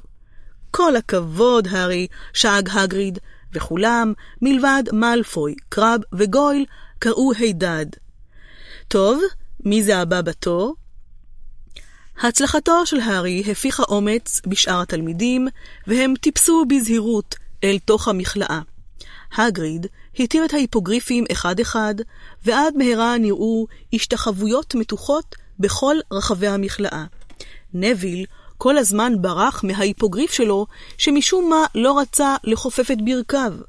רון והרמיוני התאמנו על ההיפוגריף הארמוני, והארי צפה בכולם. מאלפוי, קרב וגויל השתלטו על בקביק. בקביק השתחווה לפני מאלפוי, ומאלפוי החל ללטף את המקור שלו במבט מתנשא. זה ממש קל, פיהק מאלפוי בקול רם, כדי שהארי ישמע אותו. ידעתי שזה יהיה קל. אם פוטר הצליח? אתה בטח בכלל לא מסוכן, נכון? הוא אמר להיפוגריף. אתה מסוכן, בריון מכוער שכמוך?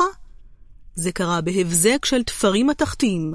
מאלפוי פלט צרחה צווחנית, וכעבור רגע, הגריד התאמץ לקשור את הרצועה סביב צווארו של בקביק ולרסן אותו, בשעה שניסה לתקוף שוב את מאלפוי, ששכב מכווץ ומדמם על הדשא. אני גוסס! צעק מאלפוי, והכיתה כולה נתקפה חרדה. אני גוסס, תסתכלו, הוא הרג אותי. אתה פה לא גוסס, אמר הגריד, שהחביר כמו סיד. אני צריך עזרה כאן, חייב להוציא אותו מפה. הרמיוני רצה לפתוח את השער, והגריד הרים את מאלפוי בקלות. כשחלף על פניו, ראה הארי שריטה עמוקה בזרועו של מאלפוי, הדם טפטף על הדשא, והגריד רץ איתו במעלה המדרון ולעבר הטירה. כל תלמידי השיעור לטיפול בחיות פלא הלכו בעקבותיו בקצב איטי יותר, מבוהלים ונרעשים. הסליטרינים כולם התרעמו נגד הגריד. צריך לפטר אותו? תכף ומיד, אמרה פנסי פרקינסון בדמעות. זאת בכלל הייתה אשמתו של מאלפוי, התרעם כנגדה דין תומאס. קרב וגויל חשפו את השרירים שלהם באיום. הם טיפסו במדרגות האבן אל אולם הכניסה נטוש. אני הולכת לבדוק אם הוא בסדר, אמרה פנסי, וכולם הביטו בה כשהיא רצה במעלה מדרגות השיש. תלמידי סלית'רין פנו והלכו לכיוון המרתפים, לחדר המועדון שלהם, והמשיכו במלמולים נגד הגריד. הארי, רון והרמיוני פנו לכיוון מגדל גריפינדור. אתם חושבים שהוא יהיה בסדר? שאלה הרמיוני בדאגה. מובן שכן. מדאם פומפרי יכולה לאחות את החתכים שלו תוך שניות, אמר הארי, שהתנסה כבר בפציעות קשות יותר, שרופאו בקלות בידי אחות בית הספר. אבל נכון שממש לא טוב שדבר כזה קורה בשיעור הראשון של הגריד, אמר רון במבט מודאג. מתאים למאלפוי להרוס לו הכל. הם היו בין הראשונים שהגיעו לאולם הגדול בשעת ארוחת הערב, בתקווה לראות את הגריד, אבל הוא לא היה שם. לא יפטרו אותו, נכון? שאלה הרמיוני בדאגה, ולא נגעה בפשטידת הבשר שלה. חסר להם, אמר רון, וגם הוא לא אכל. הארי היה עסוק בצפייה בשולחן של סלית'רין. קבוצה גדולה של תלמידים, כולל קרב וגויל, התקבצה שם, וכולם היו שקועים בשיחה נסערת. הארי היה בטוח שהם מבשלים גרסה חדשה לסיפור הפציעה של מאלפוי. טוב, אי אפשר להגיד שיום הלימודים הראשון לא היה מעניין, אמר רון בקול קודר. אחרי ארוחת הערב, הם חזרו לחדר המועדון ההומה של גריפינדור, וניסו להכין את שיעורי הבית שהפרופסור מגונגל נתנה להם, אך שלושתם התקשו להתרכז, והביטו שוב ושוב בחלון. יש אור בחלון של הגריד, אמר הארי לפתע. רון הציץ בשעונו. אם נמהר, נוכל לרדת ולבקר אותו עוד מוקדם. לא נראה לי, אמרה הרמיוני באיטיות, והארי הבין שהיא מסתכלת עליו. מותר לי להסתובב בתחום בית הספר, הוא הדגיש. סיריוס בלק עוד לא הצליח לעקוף את הסוהרסנים כאן, נכון? הם פינו את חפציהם ויצאו דרך החור שמאחורי התמונה. לשמחתם, לא פגשו אף אחד בדרך לדלת הראשית, הם לא היו לגמרי בטוחים שמותר להם לצאת.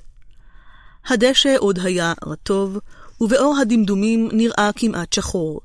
כשהגיעו לבקתה של הגריד, הם דפקו על הדלת, וקול מבפנים נהם, יבוא. הגריד ישב בגופייה ליד שולחן העץ המקורצף. על ברכיו היה מונח ראשו של כלב הציד שלו, פאנג. מבט אחד הספיק כדי לראות שהגריד שתוי. כוס גדולה, כמעט כמו דלי, עמדה על השולחן מולו, ונראה שהוא מתקשה למקד את מבטו אליהם. זה בטח שיא חדש פה, הוא אמר בכבדות, לאחר שזיהה אותם. אני, לא נראה לי, שהיה עוד מורה שהוא לא החזיק מעמד פה אפילו יום אחד.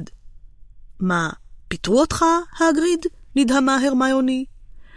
הם עוד לא, אמר הגריד באומללות, וגמה מן המשקה חריף המסתורי שלפניו. אבל פה זה רק עניין של זמן. לא ברגע שמאלפוי הוא... מה שלמה? אמר רון וכולם התיישבו. זה לא היה רציני, נכון? מדאם פומפרי, היא טיפלה בו הכי טוב שהיא יודעת, אמר הגריט בקול נחיים, אבל הוא טוען פה שזה עוד איסורי תופת. הוא כולו מכוסה תחבושות, צורח. הוא עושה את עצמו, אמר הארי מיד. מדאם פומפרי יכולה לטפל בכל דבר. בשנה שעברה היא הצמיחה חזרה חצי מהעצמות שלי, אבל מתאים למאלפוי לנצל כל דקה מזה. חבר המנהלים של בית הספר הוא כבר קיבל פה דיווח ברור, אמר הגריד באומללות. הם חושבים שאני התחלתי בגדול מדי. אני הייתי צריך להשאיר את ההיפוגריפים ליותר מאוחר, להתחיל פה עם לשלושים או משהו כזה. אני חשבתי שזה יהיה טוב בשביל שיעור ראשון. הכל פה זה באשמתי. זה הכל באשמת מאלפוי הגריד, אמרה הרמיוני. אנחנו עדים, אמר הארי, אתה הזהרת שההיפוגריפים תוקפים אם מעליבים אותם. זאת בעיה של מאלפוי שהוא לא הקשיב לך. אנחנו נספר לדמבלדור מה באמת קרה שם. כן, אל תדאג, הגריד, אנחנו נתמוך בך, אמר רון. דמעות זלגו מזוויות עיניו השחורות כחיפושיות של הגריד. הוא תפס את הארי ורון ומשך אותם אליו בחיבוק מוחץ עצמות. אני חושבת ששתית מספיק, הגריד, אמרה הרמיוני בתקיפות. היא לקחה את הכוס מהשולחן והלכה החוצה לרוקן אותה. אוח, אולי היא צודקת, אמר הגריד, ושחרר את הארי ואת רון. שניהם התרחקו ממנו בצעד כושל, משפשפים את צלעותיהם. הגריד קם ממקומו, ויצא החוצה בעקבות הרמיוני. הם שמעו רעש של מים ניתזים. מה הוא עושה שם? שאל הארי בעצבנות, כשהרמיוני חזרה עם הכוס הריקה. הוא תקע את הראש שלו בתוך השוקת, אמרה הרמיוני, והחזירה את הכוס למקומה. הגריד חזר פנימה, שערו הוזקנו נוטפים מים, וניגב את המים מתוך עיניו. ככה זה יותר טוב, הוא אמר, מנער את ראשו כמו כלב, הוא מרטיב את כולם. תשמעו, אתם, יפה מצדכם שבאתם ככה לבקר אותי. אני ממש... לפתע, הגריד נעצר, והסתכל על הארי כאילו רק עכשיו קלט שהוא עומד כאן. מה אתה חושב שאתה עושה, אתה תגיד לי? הוא שאג, וזה היה כל כך בלתי צפוי, עד כי כולם קפצו באוויר. אתה, אסור לך להסתובב בחוץ אחרי רדת החשיכה, הארי, ואתם שניכם, איך זה אתם מרשים לו? הגריד פסע לעבר הארי, תפס בזרועו ומשך אותו לכיוון הדלת. קדימה, אמר הגריד בכעס, אני לוקח פה את כולכם חזרה לבית הספר, ואתם, אל תיתנו לי לתפוס אתכם שוב, פעם באים לבקר אותי אחרי רדת החשיכה. אני לא שווה את זה. פרק 7, עמוד 132 הבוגארט בארון מאלפוי לא הופיע בשיעורים עד מאוחר בבוקר יום חמישי, כשתלמידי סלית'רין וגריפינדור היו באמצע שיעור כפול בשיקויים. הוא נכנס למרתף בצעד יהיר, זרועו הימנית חבושה וקשורה במתלה מצווארו. לדעתו של הארי, הוא התנהג כמו גיבור שניצל מאיזה קרב איתנים. איך היד שלך, דראקו? התחנפה פנסי פרקינסון. כואב נורא?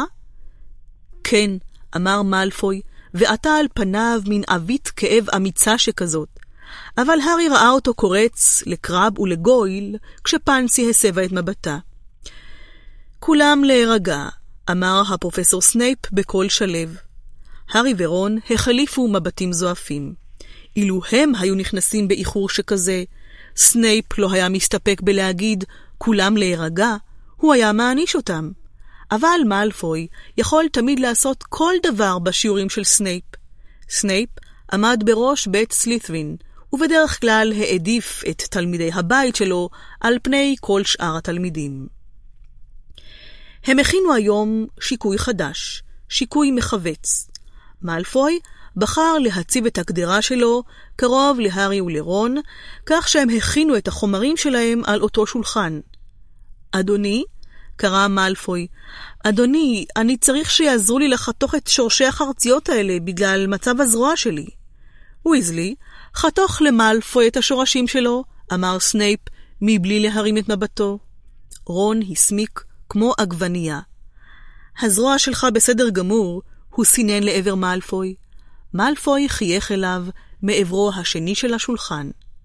ויזלי, שמעת את פרופסור סנייפ, חתוך לי את השורשים. רון תפס בסכין שלו, משך אליו את השורשים של מאלפוי, והתחיל לחתוך אותם ברשלנות, כך שגודל החתיכות לא היה אחיד. פרופסור, ייבב מאלפוי, ויזלי מתעלל בשורשים שלי, אדוני. סנייפ התקרב לשולחן שלהם, הביט בשורשים מעל לאפו המעוקל, ואז חייך אל רון חיוך בלתי נעים מתחת לזקנו השחור והשמנוני. התחלף בשורשים שלך עם מאלפוי, ויזלי. אבל אדוני! את רבע השעה האחרונה בילה רון בחיתוך מדויק של השורשים שלו לחתיכות קטנות ושוות. ומיד, אמר סנייפ בקולו המאיים ביותר. רון דחף לעברו של מאלפוי את השורשים החתוכים כל כך יפה, ואז הרים שוב את הסכין שלו.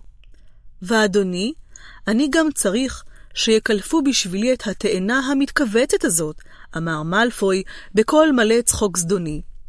פוטר, אתה יכול לקלף את התאנה של מאלפוי, אמר סנייפ, ושלח בהארי את מבט השנאה השמור במיוחד בשבילו. הארי לקח את התאנה המתכווצת של מאלפוי, בעוד רון מנסה לתקן את הנזק שגרם לשורשים שחתך, וכעת נאלץ להשתמש בהם. הארי קילף את התאנה במהירות המרבית, וזרק אותה חזרה אל מאלפוי, בלי לומר מילה. החיוך של מאלפוי היה כעת רחב מתמיד. ראיתם לאחרונה את החבר שלכם, הגריד? הוא שאל אותם בשקט.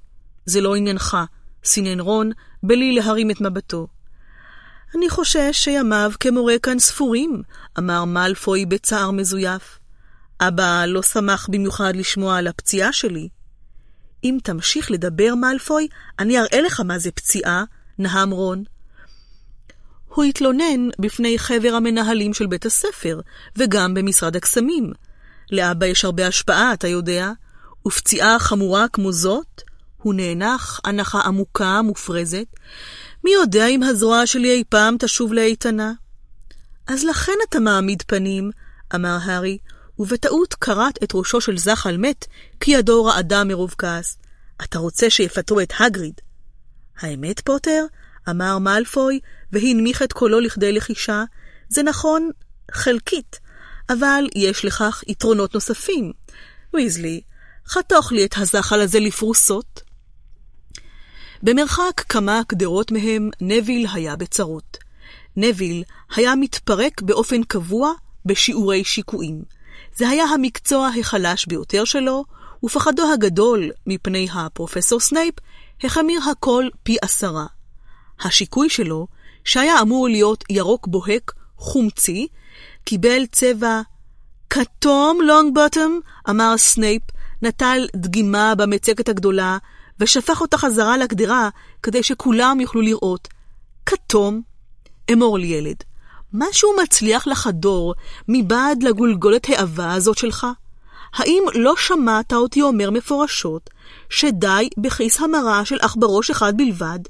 האם לא אמרתי בבירור שמספיקה טיפה אחת של מיץ עלוקות? מה אני צריך לעשות כדי שאתה תבין אותי, לונג בוטום? נביל היה ורוד כולו ורועד. הוא נראה על סף דמעות. סליחה, המורה, אמרה הרמיוני, בבקשה, אני יכולה לעזור לנביל לתקן את זה? אני לא זוכר שביקשתי ממך להשוויץ ביכולתך, העלמה גריינג'ר, אמר סנייפ בקור, והרמיוני נהייתה ורודה כמו נביל. לונגבוטום, בסוף השיעור הזה, אנחנו נאכיל את הקרפדה שלך כמה טיפות מהשיקוי הזה, ונראה מה יקרה. אולי זה יעודד אותך לעשות דברים כמו שצריך? סנייפ התרחק, ונביל נותר חסר נשימה מרוב פחד. הצילו, הוא נאנק באוזניה של הרמיוני. היי, היי, הארי, אמר שיימוס פיניגן, שקפץ כדי לשאול את מאזני הנחושת שלו. שמעת? בנביא היומי של הבוקר כתוב שמישהו ראה את סיריוס בלק. איפה? קפצו הארי ורון מיד. בצידו הרחוק של השולחן, מאלפוי זקף את ראשו והקשיב היטב. לא רחוק מכאן, אמר שיימוס כולו נרגש. האישה שראתה אותו הייתה מוגלגית. כמובן, היא לא מכירה את כל הסיפור. המוגלגים חושבים שהוא סתם פושע רגיל, נכון? אז היא צלצלה לקו החם המיוחד, עד שמשרד הקסמים הגיע לשם, הוא כבר לא היה. לא רחוק מכאן, חזר רון, והביט בהארי ברוב משמעות. הוא הסתובב וראה שמאלפוי צופה בהם בעניין. מה מאלפוי? רוצה שנקלף לך עוד משהו? אך עיניו של מאלפוי נצצו ברוע, ומבטו היה נעוץ בהארי. הוא רחן קדימה. אתה חושב לנסות לתפוס את בלק בעצמך, פוטר? כן, בדיוק, זרק הארי. פיו הדק של מאלפוי התעכל לחיוך מרושע. כמובן, לו הייתי במקומך, הוא אמר בשקט, כבר מזמן הייתי עושה משהו בנידון. לא הייתי נשאר בבית הספר כמו ילד טוב, הייתי יוצא לחפש אותו. על מה אתה מדבר, מאלפוי? התערב רון. מה, אתה לא יודע, פוטר? לחש מאלפוי, ועיניו החיוורות הצטמצמו. יודע מה? מאלפוי פלט צחוק בוז שקט. אולי אתה מעדיף לא להסתכן? הוא אמר. רוצה להשאיר את כל העבודה השחורה לסוהרסנים, מה? אבל אני במקומך הייתי רוצה נקמה. הייתי יוצא וצד אותו בעצמי. על מה אתה מדבר? חזר הארי בכעס. אבל באותו רגע סנייפ קרא, כולכם כבר הייתם צריכים להכניס את החומרים לקדרה. השיקוי הזה צריך להתבשל לפני שאפשר לשתות ממנו. התרחקו, ותנו לו להתבשל, ואז נבדוק את השיקוי של לונגבוטום. קראב וגויל צחקו בקול, והביטו בנביל, שבחש את השיקוי שלו, מזיע מרוב פחד. הרמיוני סיננה לו הוראות מזווית פיה, כדי שסנייפ לא ישים לב. הארי ורון סידרו את שאריות החומרים שלא השתמשו בהם, והלכו לכיור האבן שבפינה כדי לשטוף ידיים ומצקות. למה מאלפוי התכוון? מלמל הארי אל רון, ודחף את ידיו מתחת לזרם המים הקפואים, שנשפך מתוך פיה של מפלצת אבן מפוסלת. למה שאני ארצה להתנקם בבלאק? הוא לא עשה לי שום דבר בינתיים. הוא סתם ממציא, אמר רון בכעס, הוא מנסה לדחוק אותך לעשות משהו מטומטם. כיוון שסוף השיעור התקרב, סנייפ צעד לעבר נביל שרעד בפינה שלו ליד הקדרה. כולם להגיע לכאן, אמר סנייפ, ועיניו השחורות נצצו. ותראו מה יקרה כשניתן את השיקוי לקרפד של לונגבוטום. אם הוא הצליח לייצר שיקוי התכווצות, הקרפד הזה יתכווץ לגודל של ראשן. אבל אם, כפי שאני משוכנע, הוא עשה את זה לא כמו שצריך, כל הסיכויים הם שהקרפד שלו יורעל. הגריפינדורים הסתכלו בחשש. הסלית'רינים נראו נרגשים. סנייפ הרים את טרבור הקרפד בידו השמאלית, וטבל כפית קטנה בשיקוי של נביל, שכבר היה ירוק. הוא טפטף כמה טיפות אל תוך לועו של טרבור. לרגע אחד השתררה דממה, וטרבור בלע את השיקוי. אחר כך נשמע פופ קטן, וטרבור הראשן התפתל בתוך ידו של סנייפ. הגריפינדורים פרצו במחיאות כפיים סוערות. סנייפ החמיץ פנים, שלף בקבוק קטן מתוך כיס החלוק שלו, והזליף כמה טיפות על טרבור, שלפתע חזר לגודלו המלא. חמש נקודות יורדות מבית גריפינדור, אמר סנייפ, ומיד נמחקו כל החיוכים מפניהם של התלמידים. אמרתי לך לא לעזור לו, עלמה גריינג'ר? הכיתה משוחררת. הארי, רון והרמיוני טיפסו במדרגות אל אולם הכניסה. הארי עוד חשב על דבריו של מאלפוי, אך רון רתח על התנהגותו של סנייפ. הוא הוריד חמש נקודות מגריפינדור בגלל שהשיקוי יצא בסדר? למה לא שיקרת, הרמיוני? היית צריכה להגיד שנביל הצליח בכוחות עצמו. הרמיוני לא ענתה. רון הביט סביבו. איפה היא? גם הארי הסתובב להסתכל. הם כבר היו בראש המדרגות, ומשם ראו את כל שאר התלמידים עולים במדרגות בדרכם לארוחת הצהריים באולם הגדול. היא הייתה ממש מאחורינו, אמר רון בהשתוממות. מאלפוי חלף על פניהם, צועד בין קרב לגויל. הוא חייך אל הארי בלגלוג ונעלם. הנה היא, אמר הארי. הרמיוני מיהרה במעלה המדרגות, מתנשפת קלות. בידה האחת היא החזיקה את תיקה, וביד השנייה נראה שהיא מחביאה משהו בין כפלי החלוק שלה. איך עשית את זה? שאל רון. את מה? שאלה הרמיוני והצטרפה אליהם. רגע אחד עמדת ממש מאחורינו, ומיד אחר כך עמדת שוב בתחתית המדרגות. מה? הרמיוני נראתה מעט מבולבלת.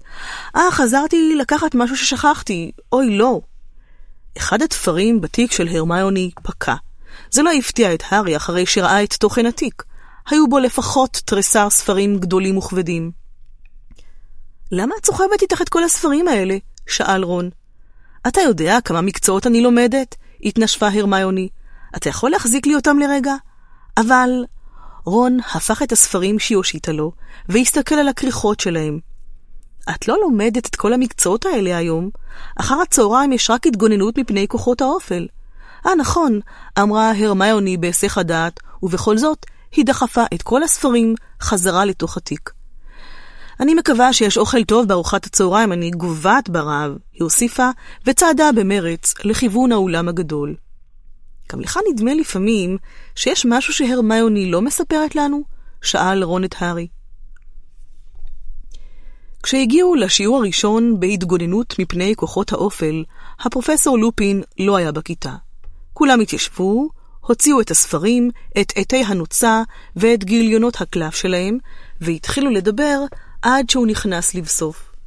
לופין חייך אל כולם, והניח את המזוודה החבוטה שלו על שולחן המורה. הוא נראה מרופט כתמיד, אך בריא יותר מכפי שהיה ברכבת, כאילו בינתיים הוא אכל כמה ארוחות טובות. צהריים טובים לכם, הוא אמר. אני מבקש להחזיר את כל הספרים לתיקים, היום יהיה לנו שיעור מעשי, תזדקקו רק לשרביטים שלכם. הוחלפו כמה מבטים מסוקרנים, והתלמידים החזירו את הספרים לתיקים. מעולם לא היה להם שיעור מעשי בהתגוננות מפני כוחות האופל, אלא אם כן מחשיבים את אותו שיעור בלתי נשכח בשנה שעברה, כשהמורה הקודם הביא איתו כלוב מלא פיוניות ושחרר אותן בכיתה. טוב, אמר הפרופסור לופין כשכולם היו מוכנים, אם תואילו לבוא אחריי? תמהים אך סקרנים, קמו התלמידים והלכו בעקבות הפרופסור לופין. הוא הוביל אותם לאורך המסדרון הנטוש ומעבר לפינה, ושם ראו דבר ראשון את פיבס המפחידן, מרחף באוויר ברגליו כלפי מעלה, ודוחס מסטיק אל תוך חור מנעול סמוך. פיבס לא הרים את מבטו, עד שהפרופסור לופין עמד ממש לידו, ואז הוא נענה את אצבעות רגליו המסולסלות ופרץ בשיר. טרללילי לופין, זימר פיבס, לופין טרללה, טרללילי לופין. פיבס תמיד היה חוצפן ומשולח רסן, אך בדרך כלל הוא הפגין כבוד כלשהו כלפי המורים בבית הספר. כולם הסתכלו מיד על הפרופסור לופין כדי לראות איך הוא יגיב על כך. להפתעתם, הוא המשיך לחייך. אני במקומך, הייתי מוציא את המסטיק הזה מתוך חור המנעול, פיבס, הוא אמר בקול נעים. אדון פילץ' לא יוכל להיכנס לקחת את המטטים שלו. פילץ' היה השרת של הוגוורטס, קוסם כושל ורע מזג, שניהל מאבק מתמיד נגד התלמידים, וכן נגד פיבס הבעייתי. ובכל זאת, פיבס התעלם מדבריו של לופין, ורק חרץ לשון והשמיע קול גס. הפרופסור לופין נאנח כלות, ושלף את השרביט שלו. הנה כישוף קטן ושימושי, הוא אמר לתלמידים מעבר לכתפו. שימו לב בבקשה. הוא הרים את שרביטו אל גובה הכתף, אמר ודי וסי, והצביע על פיבס. בעוצמה של כדור אקדח, זינק גוש המסטיק מתוך חור המנעול, הישר אל תוך נחירו השמאלי של פיבס. פיבס התהפך באוויר והתרחק בטיסה, משמיע שורה של קללות. מדליק המורה, אמר דין תומאס בתדהמה. תודה, דין, אמר הפרופסור לופין, והחזיר את שרביטו לכיס. נמשיך? הם שבו ויצאו לדרך, והתלמידים הביטו בפרופסור לופין המרופט ביראת כבוד גוברת והולכת. הוא הוביל אותם לאורך מסדרון נוסף, ונעצר ממש מול דלת חדר המורים. היכנסו בבקשה, אמר הפרופסור לופין. הוא פתח את הדלת וזז הצידה. חדר המורים, חדר ארוך עם קירות עץ, מלא בכיסאות לא תואמים, היה ריק, מלבד מורה אחד. הפרופסור סנייפ ישב בכורסה נמוכה, והפנה את ראשו כדי להביט בתלמידים הנכנסים לחדר. עיניו נצצו, וחיוך מרושע ריצד סביב זוויות פיו. כשלופין נכנס ועמד לסגור מאחוריו את הדלת, אמר סנייפ, השאר אותה פתוחה, לופין. אני מעדיף שלא לראות את זה. הוא קם על רגליו, והלך לכיוון הדלת, חלוקו השחור מתנופף מאחוריו. כשהגיע לדלת, הוא סב על עקבו ואמר, ייתכן שאף אחד עוד לא הזהיר אותך, לופין, אך הכיתה הזאת כוללת את נביל לונגבוטום. עצתי לך היא לא להטיל עליו משימות מסובכות, אלא אם כן העלמה גריינג'ר נמצאת שם כדי ללחוש הוראות באוזנו. נביל נהיה אדום כמו סלק. הארי תקע מבט נזעם בסנייפ. לא די בכך שהוא משפיל את נביל בשיעורים שלו, עכשיו הוא גם מתחיל לעשות זאת לעיני מורים אחרים? הפרופסור לופין זקף גבה. דווקא קיוויתי שנביל יסייע לי בשלב הראשון של הפעילות, הוא אמר, ואני בטוח שהוא יעשה זאת היטב. פניו של נביל נהיו אדומים עוד יותר, אם דבר כזה ייתכן. שפתו של סנייפ רטטה, אך הוא יצא, וסגר אחריו את הדלת בטריקה. לעבודה, אמר הפרופסור לופין, ואותת לתלמידים לבוא איתו לקצה הכיתה. לא היה שם דבר מלבד ארון ישן, שהמורים אחסנו בו חלוקים להחלפה. כשהפרופסור לופין ניגש ונעמד לידו, הארון רעד פתאום והתדפק בקיר. אין סיבה לדאגה, אמר הפרופסור לופין בשלווה, כשכמה מהתלמידים נרתעו לאחור בבהלה. יש בפנים בוגארט. נראה שרוב התלמידים סברו שזאת דווקא סיבה מצוינת לדאגה. נביל תלה בפרופסור לופין מבט מלא אימה, ושיימוס פיניגן הסתכל על ידית הארון המרשרשת בחשש גובר. בוגרטים אוהבים מקומות חשוכים, סגורים, אמר הפרופסור לופין. ארונות, הרווח שמתחת למיטה, החלל מתחת לכיור במטבח. פעם פגשתי אחד שהתגורר בתוך אורלוגין. הבוגארט הזה עבר לכאן אתמול אחר הצהריים, ואני ביקשתי רשות מהמנהל להשאיר אותו כאן, כדי שתלמידי שנה שלישית יוכלו להתאמן עליו. אם כן, השאלה הראשונה שעלינו לשאול את עצמנו היא, מה זה בוגארט? הרמיוני הרימה יד. הבוגארט הוא ממיר צורות, היא אמרה. הוא תמיד לובש את הצורה של הדבר שלדעתו יפחיד אותנו יותר מכל. אני עצמי לא הייתי מנסח את זה טוב יותר, אמר הפרופסור לופין, והרמיוני הסמיקה. אם כן, הבוגארט, היושב בחשיכה בתוך הארון, עוד לא לבש צורה. הוא עוד לא יודע איזו צורה תפחיד את האדם שבצידה השני של הדלת. אף אחד לא יודע איך נראה בוגארט כשהוא לגמרי לבדו. אך ברגע שאשחרר אותו, הוא יהפוך מיד לדבר שכל אחד מאיתנו מפחד ממנו יותר מכל. פירוש הדבר, המשיך הפרופסור לופין, שבחר להתעלם מקריאת האימה הקטנה שנפלטה מפיו של נביל, שיש לנו יתרון אדיר על פני הבוגארט עוד לפני שאנחנו מתחילים. האם הבחנת בו, הארי? אם הרמיוני קופצת לידו מעלה-מטה על קצות אצבעותיה וידה מונפת באוויר, לא היה להארי נעים במיוחד לענות על השאלה, אבל הוא ניסה. אמ, בגלל שיש כל כך רבים מאיתנו, הוא לא ידע איזו צורה ללבוש? בדיוק, אמר הפרופסור לופין, והרמיוני הורידה את ידה ונראתה מעט מאוכזבת. תמיד כשמטפלים בבוגארט, עדיף לעשות זאת בחברה. הוא מתבלבל. איזו צורה עליו ללבוש, של גבייה חסרת ראש או של חילזון אוכל אדם? פעם ראיתי בוגארט שעשה בדיוק את השגיאה הזאת.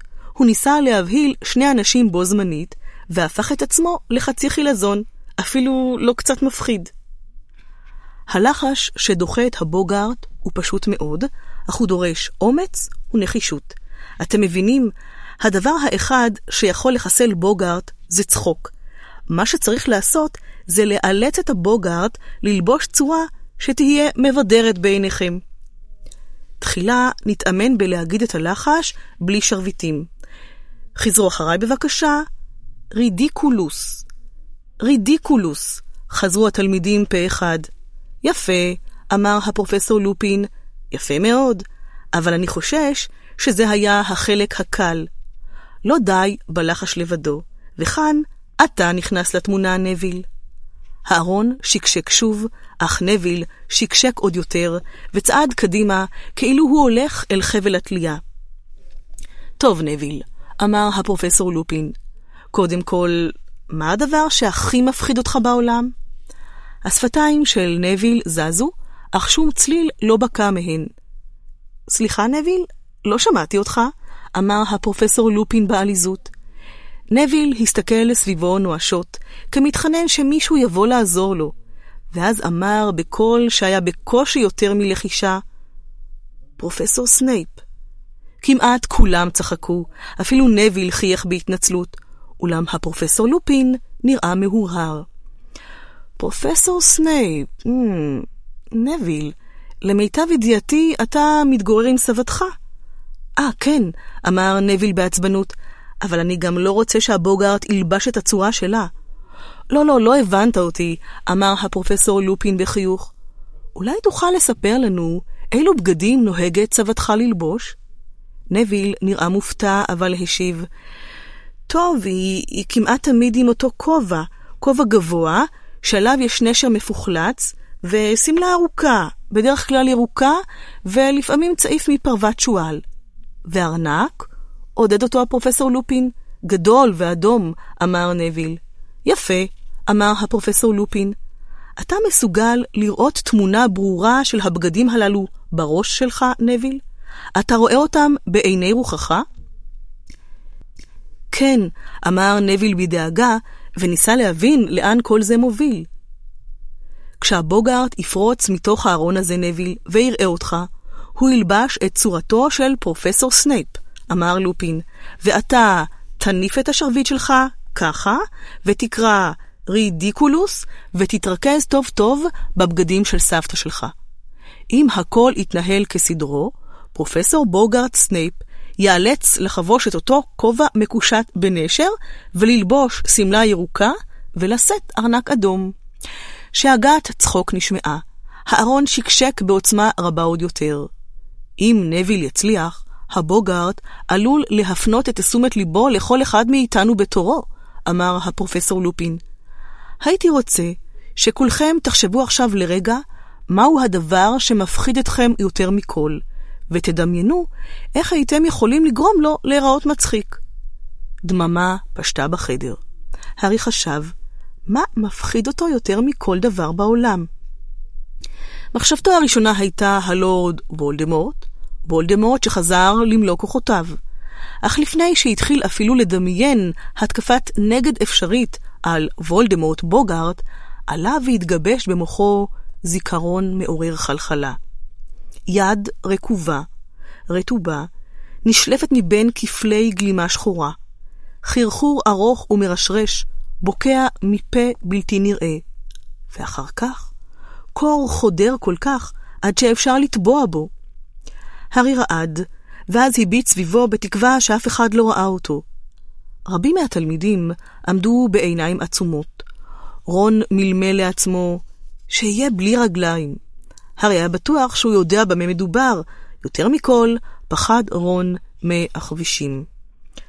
כולם מוכנים? שאל הפרופסור לופין. הארי חש הבזק של פחד. הוא עוד לא מוכן.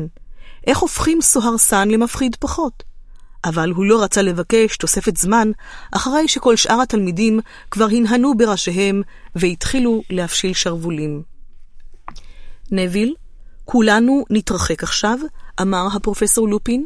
נשאיר לך את השטח פנוי, בסדר? כשיגיע הזמן, אני אקרא לבא בתור לגשת לארון, עכשיו כולם להתרחק, כדי ששום דבר לא יפריע לנביל. כולם נסוגו אל הקירות, והשאירו את נביל לבדו ליד הארון. הוא נראה חיוור ומבוהל, אך הוא הפשיל את שרוולי החלוק שלו, והחזיק את השרביט במצב כוננות. כשאני אספור עד שלוש, נביל, אמר הפרופסור לופין, וכיוון את שרביטו אל ידית הארון. אחת, שתיים, שלוש, עכשיו! סילון של ניצוצות עף מתוך קצה השרביט של הפרופסור לופין ופגע בידית הדלת. הארון נפתח בחבטה. מתוכו צעד הפרופסור סנייפ המאיים, עם אפו המעוקל, ועיניו הבזיקו בראותו את נוויל. נוויל נסוג לאחור, הרים את שרביטו, והניע את שפתיו בלי להשמיע קול. סנייפ גהר מעליו, הושיט ידיים אל חלוקו. רידיקולוס! צפצף נוויל. נשמע רעש, כמו הצלפה של שוט. סנייפ מעד. לפתע הוא היה לבוש בשמלה ארוכה, מקושטת במלמלה, לראשו כובע גבוה, ועליו נשר אכול עש, ומידו השתלשל ארנק אדום גדול. נשמעה שאגת צחוק. הבוגארט נעצר, מבולבל, והפרופסור לופין צעק, פרוותי, קדימה. פרוותי צעדה קדימה, והבעה נחושה על פניה. סנייפ קרב אליה. שוב נשמע קול הצלפה, ובמקום שבו עמד סנייפ הייתה עכשיו מומיה מצרית, עטופה בתכריך ספוג בדם. פניה העיוורים של המומיה פנו אל פרוותי, והיא התחילה ללכת לקראתה, לאט-לאט, גוררת את רגליה, וזרועותיה הנוקשות התרוממו. רידיקולוס, קראה פרוותי. אחת התחבושות סביב קרסולי המומיה השתחררה, המומיה הסתבכה בתחבושת, נפלה אל הרצפה, וראשה ניתק מגופה והתגלגל הלאה. שיימוס, שאג הפרופסור לופין. שיימוס רץ להחליף את פרוותי. פלק, במקום שהמומיה הייתה בו, עמדה כעת אישה עם שיער שחור ארוך עד הרצפה ופני שלד ירקרקים, שדת בנשי. היא פתחה פה הוא צליל מצמרר מילא את החדר, יללה ארוכה, צווחנית, שגרמה לשערות לסמור על קרקפתו של הארי. רידיקולוס, צעק שיימוס. הבנשי נשנקה, ואחזה בגרונה, קולה נעלם. פלק, הבנשי הפכה לעכברוש, שהתחיל לרדוף במעגל אחרי זנבו, ואז פלק, הפך לנחש צפה, שזחל והתפתל עד אשר פלק, הפך לעין מפלבלת שותתת דם. הוא מתבלבל, צעק לופין, אנחנו כמעט שם, דין. דין צעד קדימה, פלק, העין הפכה ליד כרותה, שהתהפכה, והתחילה לטייל על הרצפה כמו חרק גדול. רידיקולוס, צעק דין, נשמעה חבטה, והיד נתפסה במלכודת עכברים. מצוין, רון, אתה הבא בתור. רון זינק קדימה. פלק. לא מעט תלמידים צווחו. מעל רון גהר עכביש בגובה שלושה מטר, כולו מכוסה שיער, נוקש במצבתיים שלו. לרגע הארי פחד שרון קפא במקום, ואז רידיקולוס, שאג רון, ורגליו של העכביש נעלמו. הוא נפל והתגלגל. לבנדר בראון צווחה וקפצצה מדרכו, והוא נעצר לבסוף לרגליו של הארי. הארי הרים את שרביטו והתכונן, אבל... רגע, צעק הפרופסור לופין פתאום, ומיהר קדימה. פלק, העכביש חסר הרגליים נעלם. לרגע אחד, כולם הביטו סביבם בניסיון לגלות לאן הוא נעלם, ואז הם הבחינו בכדור לבן כסוף, מרחף באוויר מול פניו של לופין, שאמר רידיקולוס, כמעט בפיהוק. פלק, קדימה נביל, וחסל אותו סופית, אמר לופין, כשהבוגארט נפל אל הרצפה בדמות מקק.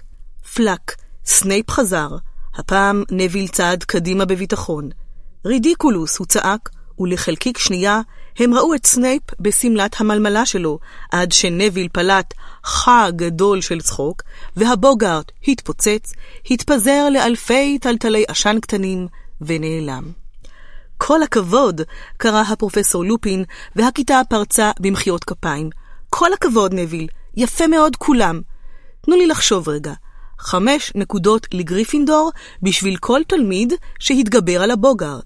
עשר לנביל, כי הוא עשה את זה פעמיים, וחמש להרמיוני ולהארי. אבל אני לא עשיתי כלום, אמר הארי. אתה והרמיוני עניתם נכון על השאלות שלי בתחילת השיעור, הארי, אמר לופין בקלילות. כל הכבוד לכולם, זה היה שיעור מצוין. שיעורי בית? קראו בבקשה את הפרק על בוגרטים וכתבו סיכום שאותו יש להגיש ביום שני. זה הכל. בדיבורים נרגשים יצאו התלמידים מחדר המורים, רק הארי לא חש עליזות.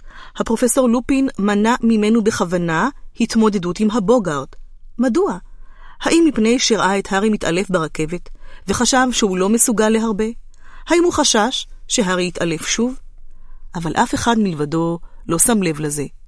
ראיתם איך חיסלתי את הבנשי הזאת? צעק שיימוס. והיד ההיא, אמר דין מנופף ביד שלו. וסנייפ עם הכובע הזה? והמומיה שלי? מעניין למה פרופסור לופין מפחד מכדורי בדולח, תהתה לבנדר. זה היה השיעור הכי טוב שאי פעם היה לנו בהתגוננות מפני כוחות האופל, לא? אמר רון בקול נרגש, וכולם עשו את דרכם בחזרה לכיתה כדי לאסוף את התיקים שלהם. הוא עושה רושם של מורה מצוין, הסכימה הרמיוני, אבל הלוואי שגם לי הייתה הזדמנות להתמודד עם הבוגארט. איזו צורה הוא היה לובש בשבילך? שאל רון בגיחוך. שיעורי בית שקיבלו רק ציון כמעט טוב מאוד? פרק 8, עמוד 148 מנוסתה של האישה השמנה עד מהרה היה שיעור ההתגוננות מפני כוחות האופל לשיעור האהוב על מרבית התלמידים. רק דראקו מאלפוי וכנופיית הסלית'רינים שלו מצאו מילה רעה להגיד על הפרופסור לופין. תראו באיזה מצב הגלימות שלו, היה מאלפוי לוחש כשהפרופסור לופין חלף לידו. הוא מתלבש כמו גמדון הבית שהיה לנו פעם. אך לאף אחד אחר לא הפריעה העובדה שבגדיו של הפרופסור לופין היו בלועים ומתולעים. השיעורים הבאים שלו היו לא פחות מעניינים מהשיעור הראשון. אחרי הבוגארט הם למדו על אדומי ראש, יצורים דוחים, דמויי גובלינים, ששוכנים באתרים שהראה בהם שפיכות דמים, במרתפי עינויים ובתעלות של שדות קרב נטושים, אורבים לכל מי שטעה בדרכו וחובטים בו בעלות. אחרי אדומי הראש, הם למדו על קפות, שוכני מים מוזרים, שנראים כמו קופים עם קשקשים ועם קרום שחייה בין אצבעות הידיים, ורק ממתינים לחנוק למוות כל פולש מזדמן לבריכה שלהם. הארי הצטער רק ששאר השיעורים אינם מהנים כל כך. הגרוע מכולם היה השיעור בשיקויים. סנייפ היה לאחרונה במצב רוח נקמני במיוחד, וכולם ידעו בדיוק למה. הסיפור על הבוגארט שלבש את צורתו של סנייפ, ואיך נוויל הלביש אותו בשמלה של סבתו, פשט בבית הספר כמו אש בשדה קוצים. סנייפ לא חשב שזה מצחיק. עיניו יקדו באיום בכל פעם שרק הוזכר שמו של הפרופסור לופין, והוא נטפל אל נביל יותר מתמיד. הארי גם התחיל לשנוא את השעות שבילה בחדרה המחניק של הפרופסור טרלוני. שם היה מפרש צורות וסמלים עקומים, ומשתדל להתעלם מן העובדה שבכל פעם שהפרופסור טרלוני הסתכלה עליו, עיניה הענקיות התמלאו דמעות. הוא לא הצליח בשום פנים לאהוב את הפרופסור טרלוני, למרות שרבים מבני כיתתו התייחסו אליה בכבוד שגבל בהערצה. פרווטי פטיל ולבנדר בראון התחילו לפקוד את חדרה של הפרופסור טרלוני גם בהפסקות הצהריים שלהן, ותמיד חזרו כשעל פניהן הבעת עליונות מרגיזה, כאילו הן יודעות משהו שאחרים אינם יודעים. הן גם התחילו לדבר אל הארי רק בלחש, כאילו הוא שוכב על ערש דווי.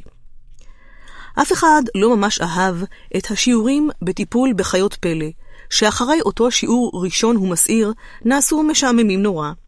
נראה שהגריד איבד את הביטחון העצמי שלו. הוא הקדיש כעת שיעור אחרי שיעור ללימוד הטיפול בלשלושים, שהם אולי בעלי החיים המשמימים ביותר עלי אדמות. למה שמישהו ירצה בכלל לטפל בהם? אמר רון בתום שעה ארוכה נוספת, שבה לא עשו דבר חוץ מלדחוס עלי חס הקצוצים לתוך לועם הרירי של הלשלושים. ואולם, בתחילת אוקטובר, משהו חדש כבר העסיק את הארי ומילא את זמנו, משהו כל כך מהנה, עד שפיצה על כל אותם שיעורים מאכזבים. עונת הקווידיץ' עמדה בפתח, ואוליבר ווד, הקפטן של קבוצת גריפינדור, כינס באחד הערבים אספה כדי לדון במהלכים לעונה החדשה. בקבוצת קווידיץ' יש שבעה שחקנים, שלושה רודפים, שתפקידם לקלוע את הקוואפל, כדור אדום שגודלו כגודל כדורגל, אל החישוקים הגבוהים שמשני צידי המגרש, וכך לצבור נקודות. שני חובטים, המצוידים במחבטים כבדים כדי להדוף את המרביצנים, זוג כדורים שחורים כבדים שמתעופפים לכל עבר ומנסים לתקוף את השחקנים, שומר שמגן על עמודי השער, הוא מחפש, התפקיד הקשה ביותר, שמשימתו היא ללכוד את סניץ' הזהב, כדור מחונף בגודל של אגוז מלך. לכידת הסניץ' הזעיר מסיימת את המשחק, ומזכה את קבוצתו של המחפש ב-150 נקודות נוספות. אוליבר ווד היה תלמיד חסון, בן 17, שעשה כעת את שנתו השביעית והאחרונה בהוגוורטס. נימה שקטה של ייאוש נשמעה בקולו, כשפנה לששת חבריו לקבוצה בחדרי ההלבשה הקרירים שבקצה מגרש הקווידיץ' המחשיך. זאת ההזדמנות האחרונה שלנו, ההזדמנות האחרונה שלי לזכות בגביע הקווידיץ', הוא אמר, פוסע לפניהם הלוך ושוב. אני עוזב בסוף השנה הזאת, לעולם לא תהיה לי הזדמנות נוספת. כבר שבע שנים שגריפינדור לא זכתה בגביע. נכון שהיה לנו מזל ביש לאורך כל הדרך, פציעות, ואז ביטול הטורניר בשנה שעברה, הוא עוד נעצר, כאילו הזיכרון עוד מכאיב לו. אבל אנחנו גם יודעים שאנחנו הקבוצה הכי טובה בכל בית הספר, הוא אמר, וחפן את אגרופו בכף ידו השנייה. הניצוץ המוכר חזר וניצת בעיניו. יש לנו שלוש רודפות מעולות. ווד הצביע על אליסיה ספינט, אנג'לינה ג'ונסון וקייטי בל. יש לנו שני מרביצנים שאין כמוהם. אוי, אוליבר, אתה סתם חנפן, אמרו פרד וג'ורג' יחד, והעמידו פני מסמיקים. ויש לנו מחפש שמעולם עוד לא הפסיד משחק, המשיך ווד, ותקע בהארי מין מבט של גאווה נזעמת. וגם אותי, הוא הוסיף כבדרך אגב. גם אתה טוב מאוד לדעתנו, אוליבר, אמר ג'ורג'. פיצוץ של שומר, אמר פרד. העניין הוא, ווד חזר לפסוע הלוך ושוב, שגביע הקווידיץ' היה צריך להיות שלנו גם בשנתיים האחרונות. מאז שהארי הצטרף לקבוצה, חשבתי שזה בכיס שלנו. אבל זה עוד לא קרה, והשנה זו השנה האחרונה שנוכל סוף סוף לראות את השם שלנו על הדבר הזה. הוא עוד נשמע כל כך מדוכא שאפילו פרד וג'ורג' ריחמו עליו. אוליבר, זאת תהיה השנה שלנו, אמר פרד. אנחנו נעשה את זה, אוליבר, אמרה אנג'לינה. בטוח, אמר הארי. הקבוצה פתחה באימונים במלוא המרץ, שלושה ערבים בשבוע. מזג האוויר הלך ונעשה קר וגשום יותר, והלילות התארכו. אך בוץ, רוח וגשם לא הצליחו לקלקל להארי את המחשבה על הזכייה בגביע הקווידיץ' הגדול, הכסוף. ערב אחד, לאחר האימון, חזר הארי לחדר המועדון של גריפינדור, ומצא את כל התלמידים מתלחששים בהתרגשות. מה קרה? הוא שאל את רון והרמיוני, שתפסו שתיים מהכורסאות הטובות ביותר ליד האח, וציירו מפות כוכבים לשיעור אסטרונומיה. היציאה הראשונה להוקסמיד, אמר רון, והצביע על המודעה התלויה על לוח המודעות הישן. בסוף אוקטובר, ליל כל הקדושים. מצוין, אמר פרד, שנכנס אחרי הארי, דרך החור שמאחורי התמונה. אני חייב לקפוץ לזונקו, כמעט נגמרו לי הפצצות סירחון. הארי צנח על כיסא ליד רון, ומצב רוחו הטוב נמוג. הרמיוני כמו קראה את מחשבותיו. הארי, אני בטוחה שייתנו לך להצטרף בפעם הבאה, היא אמרה. עד אז הם בטח יתפסו את בלק. מישהו כבר ראה אותו לא מזמן. בלק לא כזה טיפש שהוא ינסה לתקוף בהוקסמיד, אמר רון. תשאל את מגונגל אם אתה יכול להצטרף הפעם. מי יודע מתי תהיה היציאה הבאה. רון, צעקה הרמיוני, הארי אמור להישאר בבית הספר. אבל לא ייתכן שהוא יהיה תלמיד השלישית היחיד שלא מצטרף, אמר רון. תשאל את מגונגל. נו, הארי, תשאל. כן, אני חושב שזה מה שאעשה, אמר הארי, ובליבו גמלה ההחלטה. הרמיוני פתחה את פיה כדי להתווכח על כך, אך באותו רגע קרוקשנקס דילג בעדינות על ברכיה, מפיו התנדנד עכביש גדול מת. הוא חייב לאכול את זה כאן, אמר רון בפנים זועפים. קרוקשנקס, מוכשר שלי, תפסת אותו לגמרי לבד, אמרה הרמיוני. קרוקשנקס לעס לאיטו את העכביש, ועיניו הצהובות, החצופות, לא משו מרון. רק תדאגי שהחתול הזה יישאר קרוב אלייך, זה הכל, אמר רון בכעס, ופנה שוב למפת הכוכבים שלו. סקאברס ישן בתיק שלי. הארי פיהק. הוא היה עייף מאוד, ורצה לישון, אבל גם הוא עוד היה צריך לסיים את מפת הכוכבים שלו. הוא משך אליו את התיק שלו, הוציא מתוכו גליל של קלף, דיו ועט נוצה, והתחיל לעבוד. אתה יכול להעתיק ממני אם אתה רוצה, אמר רון, שסיים לכתוב את שם הכוכב האחרון, והושיט את המפה להארי. הרמיוני, שלא ראתה בעין יפה את עניין העתקות, קפצה שפתיים אך לא אמרה דבר. קרוקשנקס המשיך להתבונן ברון מבלי למצמץ, צולף בזנבו השמן, ואז, לפתע, הוא קפץ. היי! היי! שאג רון ותפס בתיק שלו. כל ציפורניו של קרוקשנקס היו נעוצות בתיק, והוא תלש וחפר בו. רד משם חתיכת חיה מטומטמת. רון ניסה להרחיק את התיק מקרוקשנקס, אבל קרוקשנקס נתלה בו מרסיס ושורט. רון, אל תפגע בו, צווחה הרמיוני. כל יושבי החדר הסתכלו עליהם. בעוד קרוקשנקס נתלה על התיק, רון הניף אותו בתנועה מעגלית באוויר, ולפתע סקאברס עף מתוכו. תפסו את החתול הזה, שאג רון, אך קרוקשנקס השתחרר מבין קרעי התיק, ניתר אל השולחן, והחל לרדוף אחרי סקאברס המבוהל. ג'ורג' ויזלי עשה צעד לתפוס את קרוקשנקס, אבל החטיא. סקאברס טס כחץ מקשת בין עשרים זוגות רגליים וחמק אל מתחת לארון מגירות ישן. קרוקשנקס החליק לעצירה, גחן על רגליו העקומות, ובתנועות נרגשות שרבב את כף רגלו הקדמית אל מתחת לארון. רון והרמיוני מיהרו למקום. הרמיוני לפתה את קרוקשנקס סביב בטנו, ולקחה אותו משם. רון השתטח על גחונו, ובמאמץ גדול שלף את סקאברס במשיכה בזנב שלו. תראי אותו, הוא אמר בזעם להרמיוני, ונפנף בסקאברס מול פניה. כולו עור ועצמות, תרחיקי ממנו את החתול הזה. קרוקשנקס לא מבין שזה לא בסדר, אמרה הרמיוני בקול רועד. חתולים תמיד רודפים אחרי עכברושים, רון. יש משהו מוזר בחיה הזאת שלך, אמר רון, שניסה להכניס את סקאברס המפרפר בחזרה אל כיס החולצה שלו. הוא שמע אותי אומר שסקאברס נמצא בתיק שלי. אוף, איזה שטויות, אמרה הרמיוני בקוצר רוח. קרוקשנקס הריח אותו רון, איך אתה חושב? החתול הזה הוציא חוזה על סקאברס, אמר רון, מתעלם מהצחקוקים שנשמעו מסביב. וסקאברס היה כאן לפניו, וחוץ מזה, הוא חולה. רון יצא בסערה מחדר המועדון, ועלה במדרגות אל מגורי הבנים. למחרת, עוד כעס רון על הרמיוני. הוא בקושי דיבר איתה כל השיעור בתורת הצמחים, למרות שהוא, הארי והרמיוני, היו אמורים לעבוד יחד על אותה תרמילית תופחת. מה שלום סקאברס?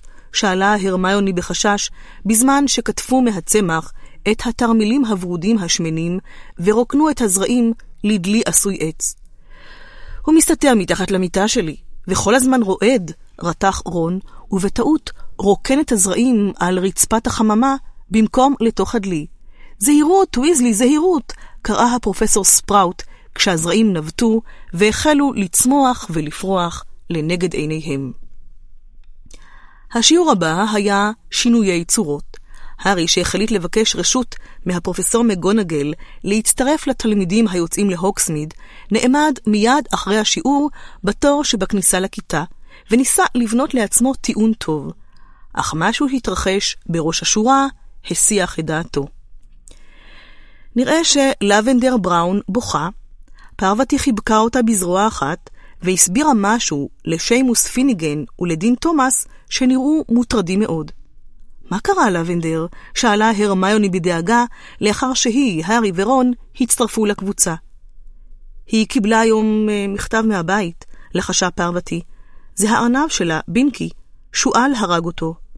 אוי, אמרה הרמיוני, אני מצטערת לשמוע לבנדר. הייתי צריכה לדעת, אמרה לבנדר בנימה טרגית. את יודעת איזה יום היום? אה? השישה עשר באוקטובר. הדבר שמפניו את חוששת יקרה בשישה עשר באוקטובר, זוכרת? היא צדקה, היא צדקה. הכיתה כולה נאספה סביב לבנדר. שיימוס הניד בראשו בעצב. הרמיוני היססה ולבסוף שאלה, את כל הזמן חששת ששועל יהרוג את בינקי? טוב, לא בהכרח שועל, אמרה לבנדר, ומעיניה זלגו דמעות. אבל ברור שאני חששתי שהוא ימות, לא? אמ, אמרה הרמיוני, היססה שוב, ואז, בינקי, היה ארנב זקן? לא, התייפחה לבנדר, הוא היה רק תינוק. פרוותי הידקה את זרועה סביב כתפיה של לבנדר. אז אם כך, למה חששת שהוא עומד למות? שאלה הרמיוני. פרוותי נעצה בה מבט כועס. תחשבו על זה בהיגיון, אמרה הרמיוני, ופנתה אל הסובבים. זאת אומרת, בינקי אפילו לא מת היום, נכון? לבנדר רק קיבלה היום את ההודעה. לבנדר היללה בקול, ואם היא כל הזמן חששה שזה יקרה, זה לא היה צריך להפתיע אותה כל כך. אל תשימי לב להרמיוני לבנדר, אמר רון בקול רם, אין לה הרבה כבוד לחיות המחמד של אנשים אחרים. למרבה המזל, באותו רגע פתחה הפרופסור מגונגל את דלת הכיתה. רון והרמיוני שלחו זה בזה מבטי שנאה, וכשנכנסו לכיתה, התיישבו משני צידיו של הארי, ולא החליפו מילה כל השיעור. עם צלצול הפעמון בסוף השיעור, הארי עוד לא החליט בדיוק איך לפנות לפרופסור מגונגל, אך היא הקדימה והעלתה את נושא הוקסמיד. רגע אחד בבקשה, היא קראה כשהתלמידים התחילו להיערך ליציאה.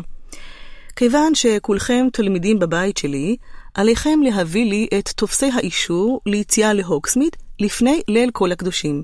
בלי טופס אין ביקור בעיירה, אז אל תשכחו. נביל הרים את ידו. סליחה, פרופסור, אני... אני חושב שאיבדתי. סבתא שלך שלחה לי את הטופס ישירות, לונג בוטום, אמרה הפרופסור מגונגל. היא כנראה חשבה שכך בטוח יותר. טוב, זה הכל, אתם משוחררים. שאל אותה עכשיו, סינן רון באוזנו של הארי. אוי, אבל, פתחה הרמיוני. לך על זה, הארי, אמר רון בעקשנות. הארי המתין עד שכל שאר התלמידים כבר עזבו, ואז ניגש בהיסוס אל שולחנה של הפרופסור מגונגל. כן, פוטר? הארי נשם עמוק. פרופסור, הדוד והדודה שלי אה, שכחו לחתום לי על הטופס, הוא אמר. הפרופסור מגונגל הביטה בו מעל למשקפיה המרובעים, אבל לא אמרה מילה. אז uh, את חושבת שיהיה בסדר? כלומר, זה יהיה בסדר אם אני... אם גם אני אצא להאוקסמית? הפרופסור מגונגל השפילה את מבטה והחלה לאסוף את הניירות משולחנה. אני חוששת שלא, פוטר, היא אמרה. שמעת מה אמרתי? בלי טופס אין ביקור בעיירה, זה הכלל. אבל פרופסור, הדוד והדודה שלי, את יודעת, הם אה, מוגלגים.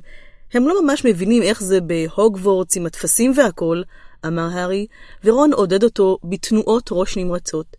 אילו את היית נותנת לי רשות לצאת. אבל אני לא אעשה זאת, פסקה הפרופסור מגונגל, קמה על רגליה, והכניסה את הניירות בערימה מסודרת לאחת המגירות.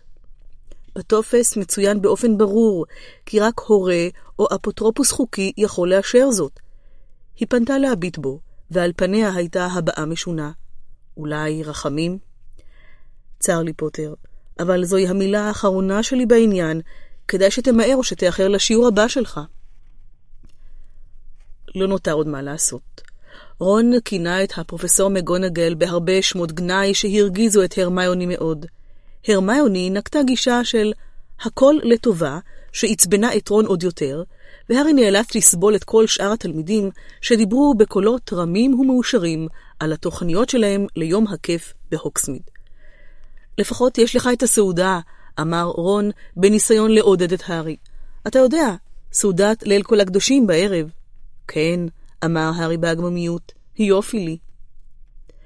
סעודת ליל כל הקדושים תמיד הייתה מוצלחת, אבל בטח הייתה מוצלחת הרבה יותר, אילו היה מגיע אליה לאחר יום בילויים בהוקסמית עם כל האחרים.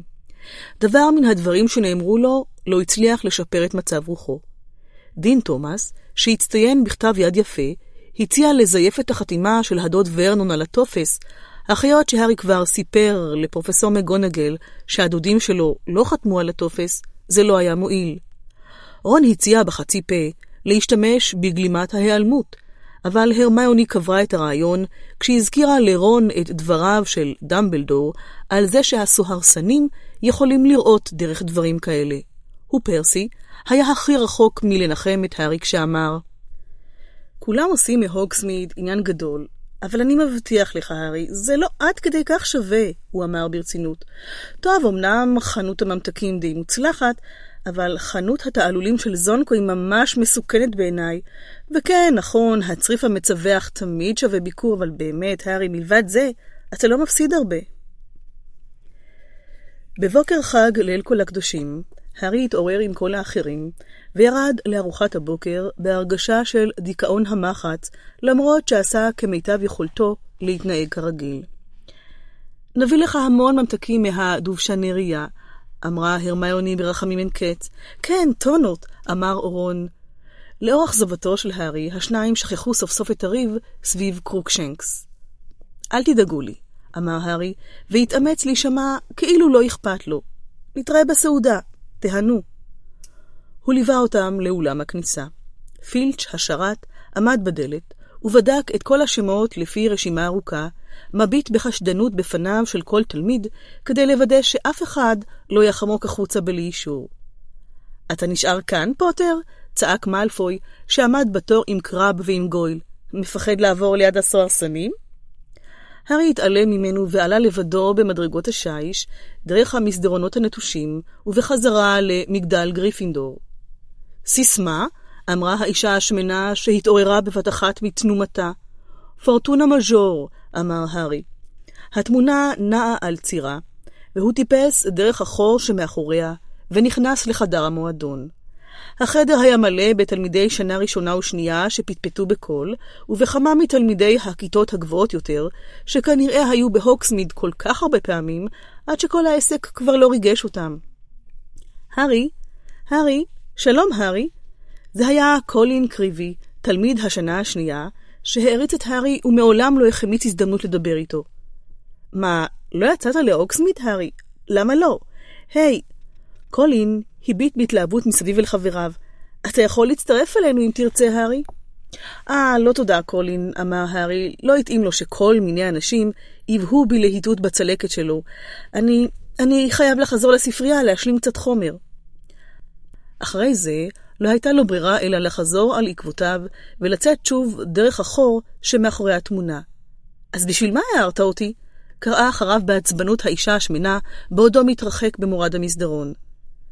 הארי שוטט מדוכא בכיוון הספרייה, אך בחצי הדרך התחרט. לא התחשק לו לעבוד. הוא חזר על עקבותיו, הוא מצא את עצמו פנים אל פנים מול פילץ', שזה עתה נפרד מאחרוני היוצאים להוגסמיד. מה אתה עושה פה? נהם פילץ' בחשדנות. כלום, אמר הארי. כלום? סינן פילץ', ולחייו רטטו בצורה מעוררת דחייה. ואתה מצפה שאני אאמין לך? מתגנב במסדרונות לבדך? למה לא הלכת להוקסמית לקנות uh, פצצות סירחון ואבקת גיהוק ותולעים מעופפות יחד עם כל החברים הקטנים והמבחילים שלך? הארי משך בכתפיו. טוב, אז חזור למועדון שלך, נבח פילץ' ונעמד על מקומו בזעף עד שהארי יצא משדה הראייה שלו. אבל הארי לא חזר לחדר המועדון. הוא טיפס במדרגות במחשבה לבקר את הדוויג בינשופיה. הוא הלך לאורך אחד המסדרונות, כשקול מאחד החדרים קרא, הארי? הארי חזר אחורה כדי לראות מי קרא לו, ופגש את הפרופסור לופין, ששרבב את ראשו מתוך המשרד שלו. מה אתה עושה פה? שאל לופין, בקול שונה לגמרי מזה של פילץ'. איפה רון והרמיוני? הוגסמית, אמר הארי, כאילו לא אכפת לו. אה, אמר לופין. הוא בחן את הארי לרגע. למה שלא תיכנס? הרגע קיבלתי במשלוח מיוחד גרינדילו לשיעור הבא שלנו. גרינדילו? שאל הארי. הוא נכנס למשרד בעקבות לופין. בפינה עמד אקווריום גדול, מלא מים, יצור בצבע ירוק חולני ובעל קרניים מחודדות, הצמיד את פניו אל הזכוכית, ועשה כל מיני פרצופים והאוויות, תוך כדי נענוע אצבעותיו הארוכות והדקיקות. שדון מים, אמר לופין, והביט בגרינדילו מהורהר. זה לא צריך להיות לכם קשה במיוחד, יחסית לקפות. הסוד הוא לשבור את האחיזה שלו. אתה רואה את האצבעות הארוכות שלו? הן חזקות, אך שבירות מאוד. הגרינדילו חשף את שיניו הירוקות, ואז התחפר בתוך פקעת של אצות בפינת האקווריום. כוס תה? הציע לופין בעודו מחפש את הקומקום. הרגע עמדתי להכין לעצמי. בסדר, אמר הארי בביישנות. לופין נקש על הקומקום בשרביטו, ובבת אחת החלו עדים לעלות מן הזרבובית. שב, אמר לופין, והסיר את המכסה מעל לפחית המאובקת. יש לי רק תה בשקיות, אני חושש, אבל מצד שני, בטח כבר נמאס לך מעלי תה. הארי הסתכל עליו, עיניו של לופין נצצו. איך ידעת? שאל הארי.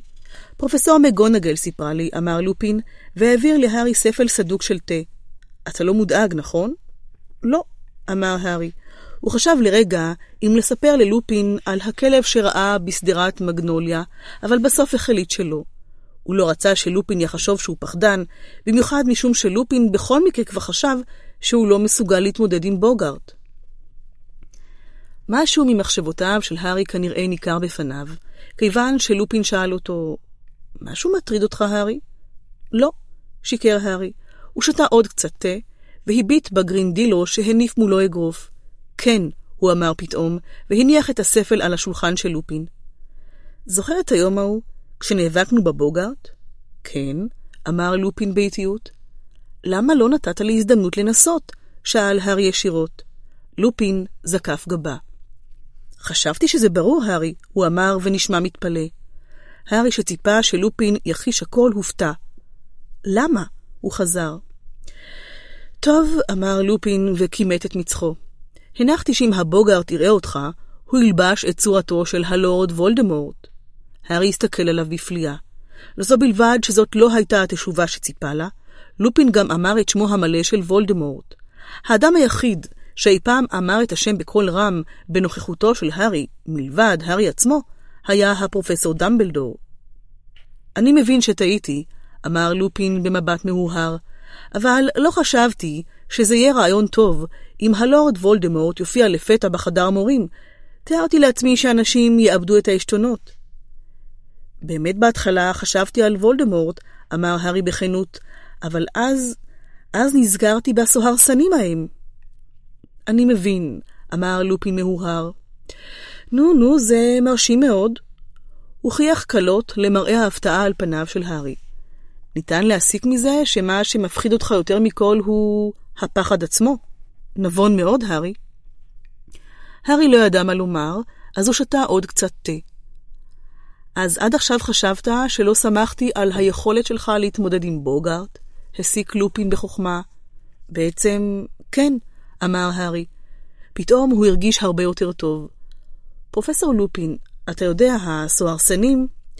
דפיקה על הדלת הפריעה לדבריו. יבוא, קרא לופין. הדלת נפתחה, וסנייפ נכנס בה. הוא נשא בידו גביע מהביל, ונעצר כשראה את הארי מצר את עיניו השחורות. אה, סוורוס, אמר לופין בחיוך, תודה רבה לך. תוכל להשאיר את זה שם על השולחן? סנייפ הניח את הגביע המהביל, ועיניו שוטטו בין הארי ללופין. הרגע הראיתי להארי את הגרינדילו שלי, אמר לופין בנועם, והצביע על האקווריום. מרתק, אמר סנייפ מבלי להסתכל. כדאי שתשתה את זה מיד, לופין. כן, כן, ככה אעשה, אמר לופין. הכנתי קדרה מלאה, המשיך סנייפ, אם תזדקק לעוד. כנראה שאקח עוד מחר בערב. תודה רבה לך, סוורוס. אין בעד מה, אמר סנייפ, אך בעיניו היה מבט שלא מצא חן בעיני הארי.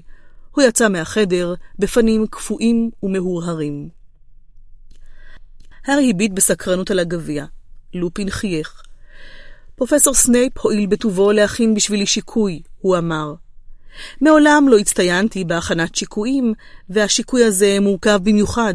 הוא הרים את הגביע ורחרח אותו. חבל שסוכר מבטל את ההשפעה, הוא הוסיף, לגם לגימה ורעד.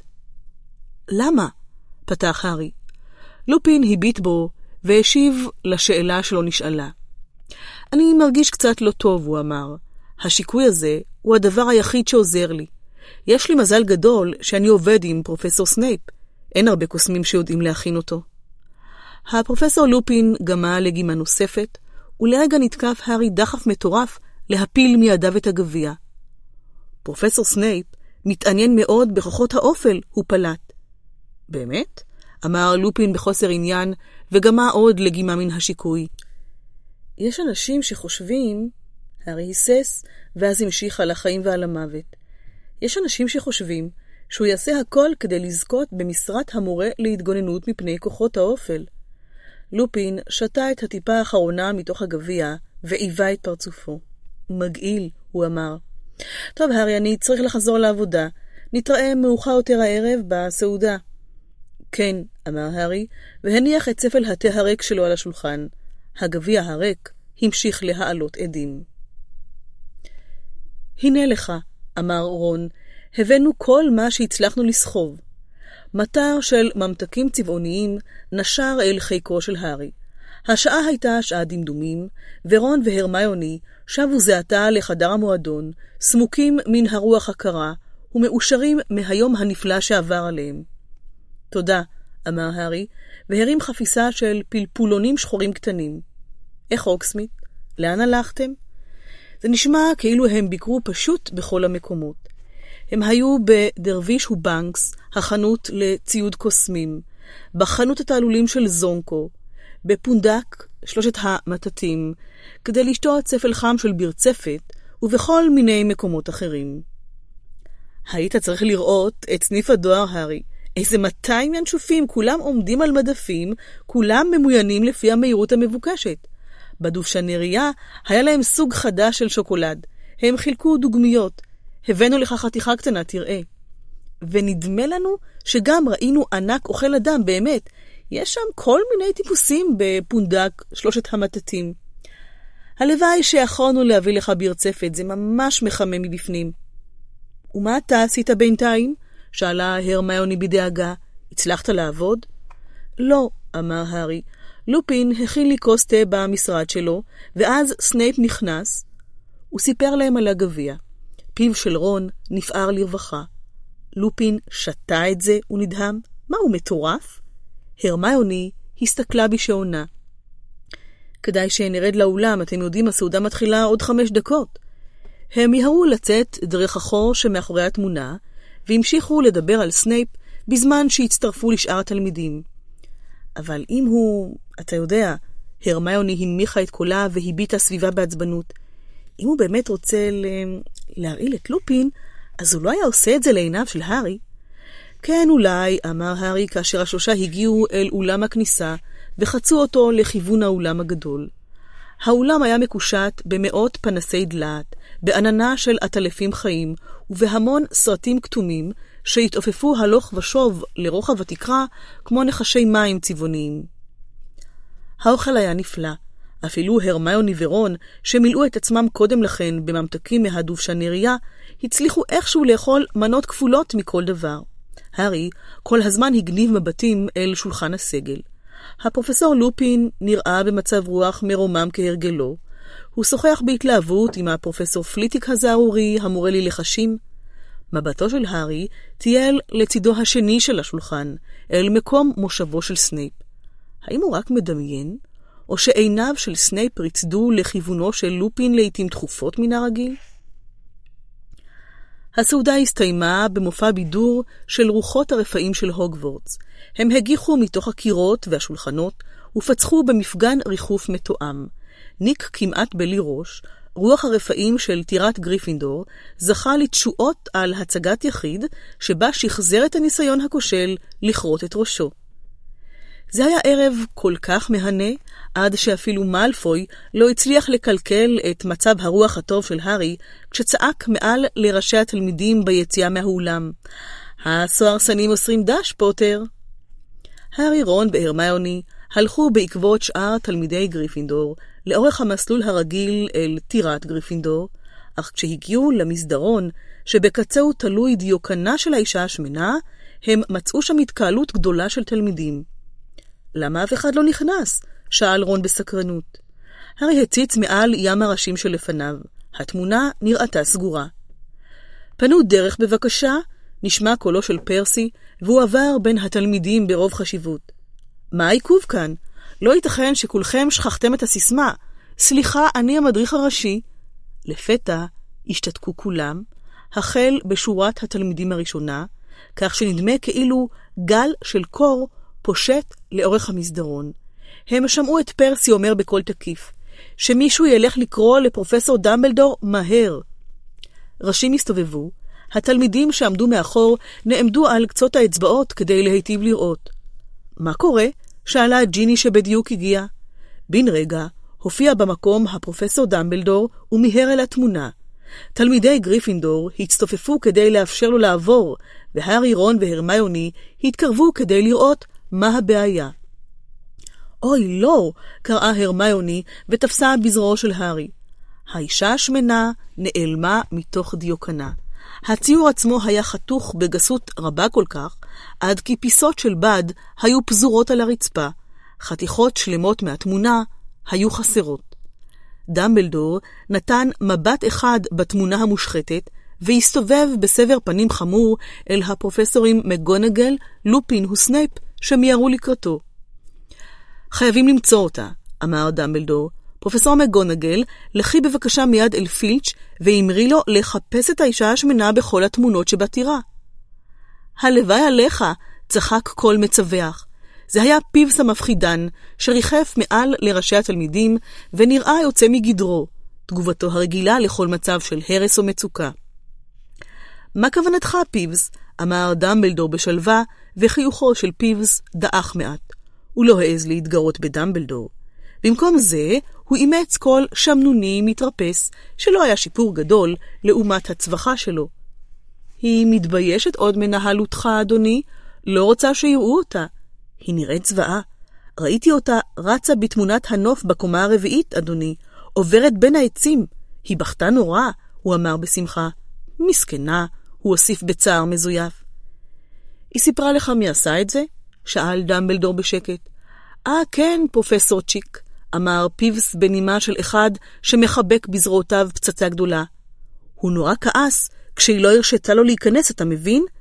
פיבס התהפך באוויר וחייך אל דמבלדור מבין רגליו. הוא רגזן נורא הסיריוס בלק הזה. פרק 9, עמוד 169 תבוסה מרה הפרופסור דמבלדור שלח את כל תלמידי גריפינדור לאולם הגדול, ושם כעבור כעשר דקות הצטרפו אליהם גם תלמידי הפלפאף, רייבנקלו וסלית'רין, וכולם נראו מבולבלים ביותר. המורים ואני מחויבים לערוך חיפוש קפדני בכל שטח בית הספר, אמר הפרופסור דמבלדור, לאחר שהפרופסורים מקגונגל ופליטיק סגרו את כל דלתות הכניסה לאולם. אני חושש שלמען ביטחונכם האישי, תיאלצו להעביר כאן את הלילה. אני מבקש מהמדריכים לשמור על דלתות הכניסה לאולם, ואני משאיר את המדריך הראשי ואת המדריכה הראשית כאחראים באולם. על כל הפרעה יש לדווח לי מיד, הוא הוסיף ואמר לפרסי, שנראה גאה מאוד בעצמו, הוא מודע לחשיבות תפקידו. צור איתי קשר באמצעות אחת מרוחות הרפאים. הפרופסור דמבלדור היסס רגע לפני שיצא מן האולם, ואז אמר, אה כן, אתם אה, תזדקקו לאלה. בהינף שרביט קליל, עפו השולחנות הארוכים אל קצות האולם, והסתדרו בעצמם ליד הקירות. הנף נוסף, והרצפה התכסתה במאות שקי שינה מרופדים. שינה מתוקה, אמר הפרופסור דמבלדור, וסגר אחריו את הדלת. מיד נמלא האולם רחש של לחישות נרגשות. תלמידי גריפינדור סיפרו לשאר התלמידים על אירועי הערב. כולם לשקי השינה, צעק פרסי. קדימה, די עם הדיבורים. כיבוי אורות עוד עשר דקות. בואו כבר, אמר רון להארי והרמיוני. הם תפסו שלושה שקי שינה וגררו אותם אל אחת הפינות. אתם חושבים שבלק עוד נמצא בטירה? לחשה הרמיוני בדאגה. די ברור שדמבלדור חושב כך, אמר רון. ממש מזל שהוא בא דווקא הערב, אתם יודעים, אמרה הרמיוני. הם השתחלו בבגדיהם אל תוך שקי השינה, ונשענו על המרפקים כדי להמשיך לדבר. בדיוק הערב, כשלא היינו במגדל. זה בטח בגלל שהוא במנוסה כל הזמן. הוא הפסיק לשים לב לתאריכים, אמר רון. הוא לא ידע שזה ליל כל הקדושים, אחרת הוא כבר היה פורץ לכאן. הרמיוני נרעדה. אותה השאלה עלתה מפיהם של כל התלמידים סביבם, איך הוא הצליח להיכנס? אולי הוא פשוט, אה, איך קוראים לזה? התעתק, אמר תלמיד רייבנקלו במרחק כמה מטרים מהם. אתם יודעים, כשעוברים ממקום למקום בקסם. הוא בטח נכנס בתחפושת, אמרה תלמידת חמישית מהפלפף. אולי הוא התעופף פנימה? הציע דין תומאס. אוף, מה, אני היחידה שטרחה פעם לקרוא את הוגוורטס תולדות? אמרה הרמיוני בכעס להארי ולרון. כנראה, אמר רון. למה? כי מה שמגונן על הטירה הזאת זה לא רק חומות, אתם יודעים, אמרה הרמיוני. יש כאן כל מיני כישופים שמטרתם למנוע מאנשים להיכנס לכאן בחשאי. אי אפשר סתם להתעתק לכאן. צריך חתיכת תחפושת מוצלחת כדי להערים על הסוהרסנים האלה. הם מגינים על כל הכניסות לשטח בית הספר. הם היו רואים אותו גם אם הוא היה מגיע בתעופה. ופילץ' מכיר את כל המעברים הסודיים, גם הם בטח מוגנים. כיבוי אורות, צעק פרסי, כולם בתוך שקי השינה, ואני לא רוצה לשמוע פה עוד דיבורים. כל הנרות כבו בבת אחת. האור היחיד שנראה כעת היה הבוהק הזרחני של רוחות הרפאים הכסופים, שריחפו סביב ושוחחו בכובד ראש עם המדריכים. ונוגה התקרה המחושפת, שבדומה לשמיים בחוץ, הייתה זרועה כוכבים.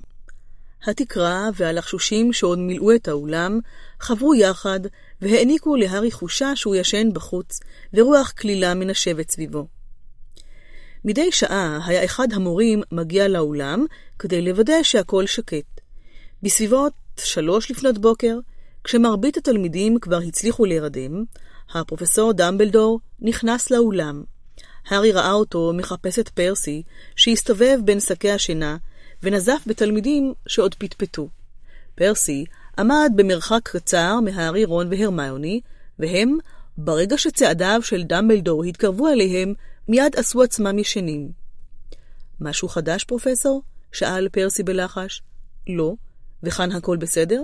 הכל בשליטה, אדוני. מצוין. עכשיו כבר אין טעם להעביר את כולם. מצאתי שוער זמני לחור שמאחורי התמונה במגדל גריפינדור, מחר תוכל להחזיר לשם את כולם. ומה שלום האישה השמנה, אדוני? עדיין מסתתרת בתוך מפה ממוסגרת של ארגילשייר בקומה השנייה. ככל הנראה, היא סירבה לאפשר לבלק להיכנס בלי הסיסמה, ואז הוא תקף אותה. היא עוד לא נרגעה, אבל אחרי שתתאושש, אני אדאג שפילץ' ישחזר אותה. הארי שוב שמע חריקה של דלת נפתחת וצעדים נוספים. כבוד המנהל, זה היה סנייפ. הארי שכב בלי תנועה והתאמץ להקשיב. סיימנו לחפש בכל הקומה השלישית, הוא לא שם, ופילץ' עבר בכל המרתפים, גם שם אין זכר. ומה בדבר מגדל התצפית בכוכבים? חדרה של פרופסור טרלוני? הינשופיה? בכולם נערך חיפוש. תודה לך, סוורוס. האמת, שלא ציפיתי שבלק יתעכב כאן.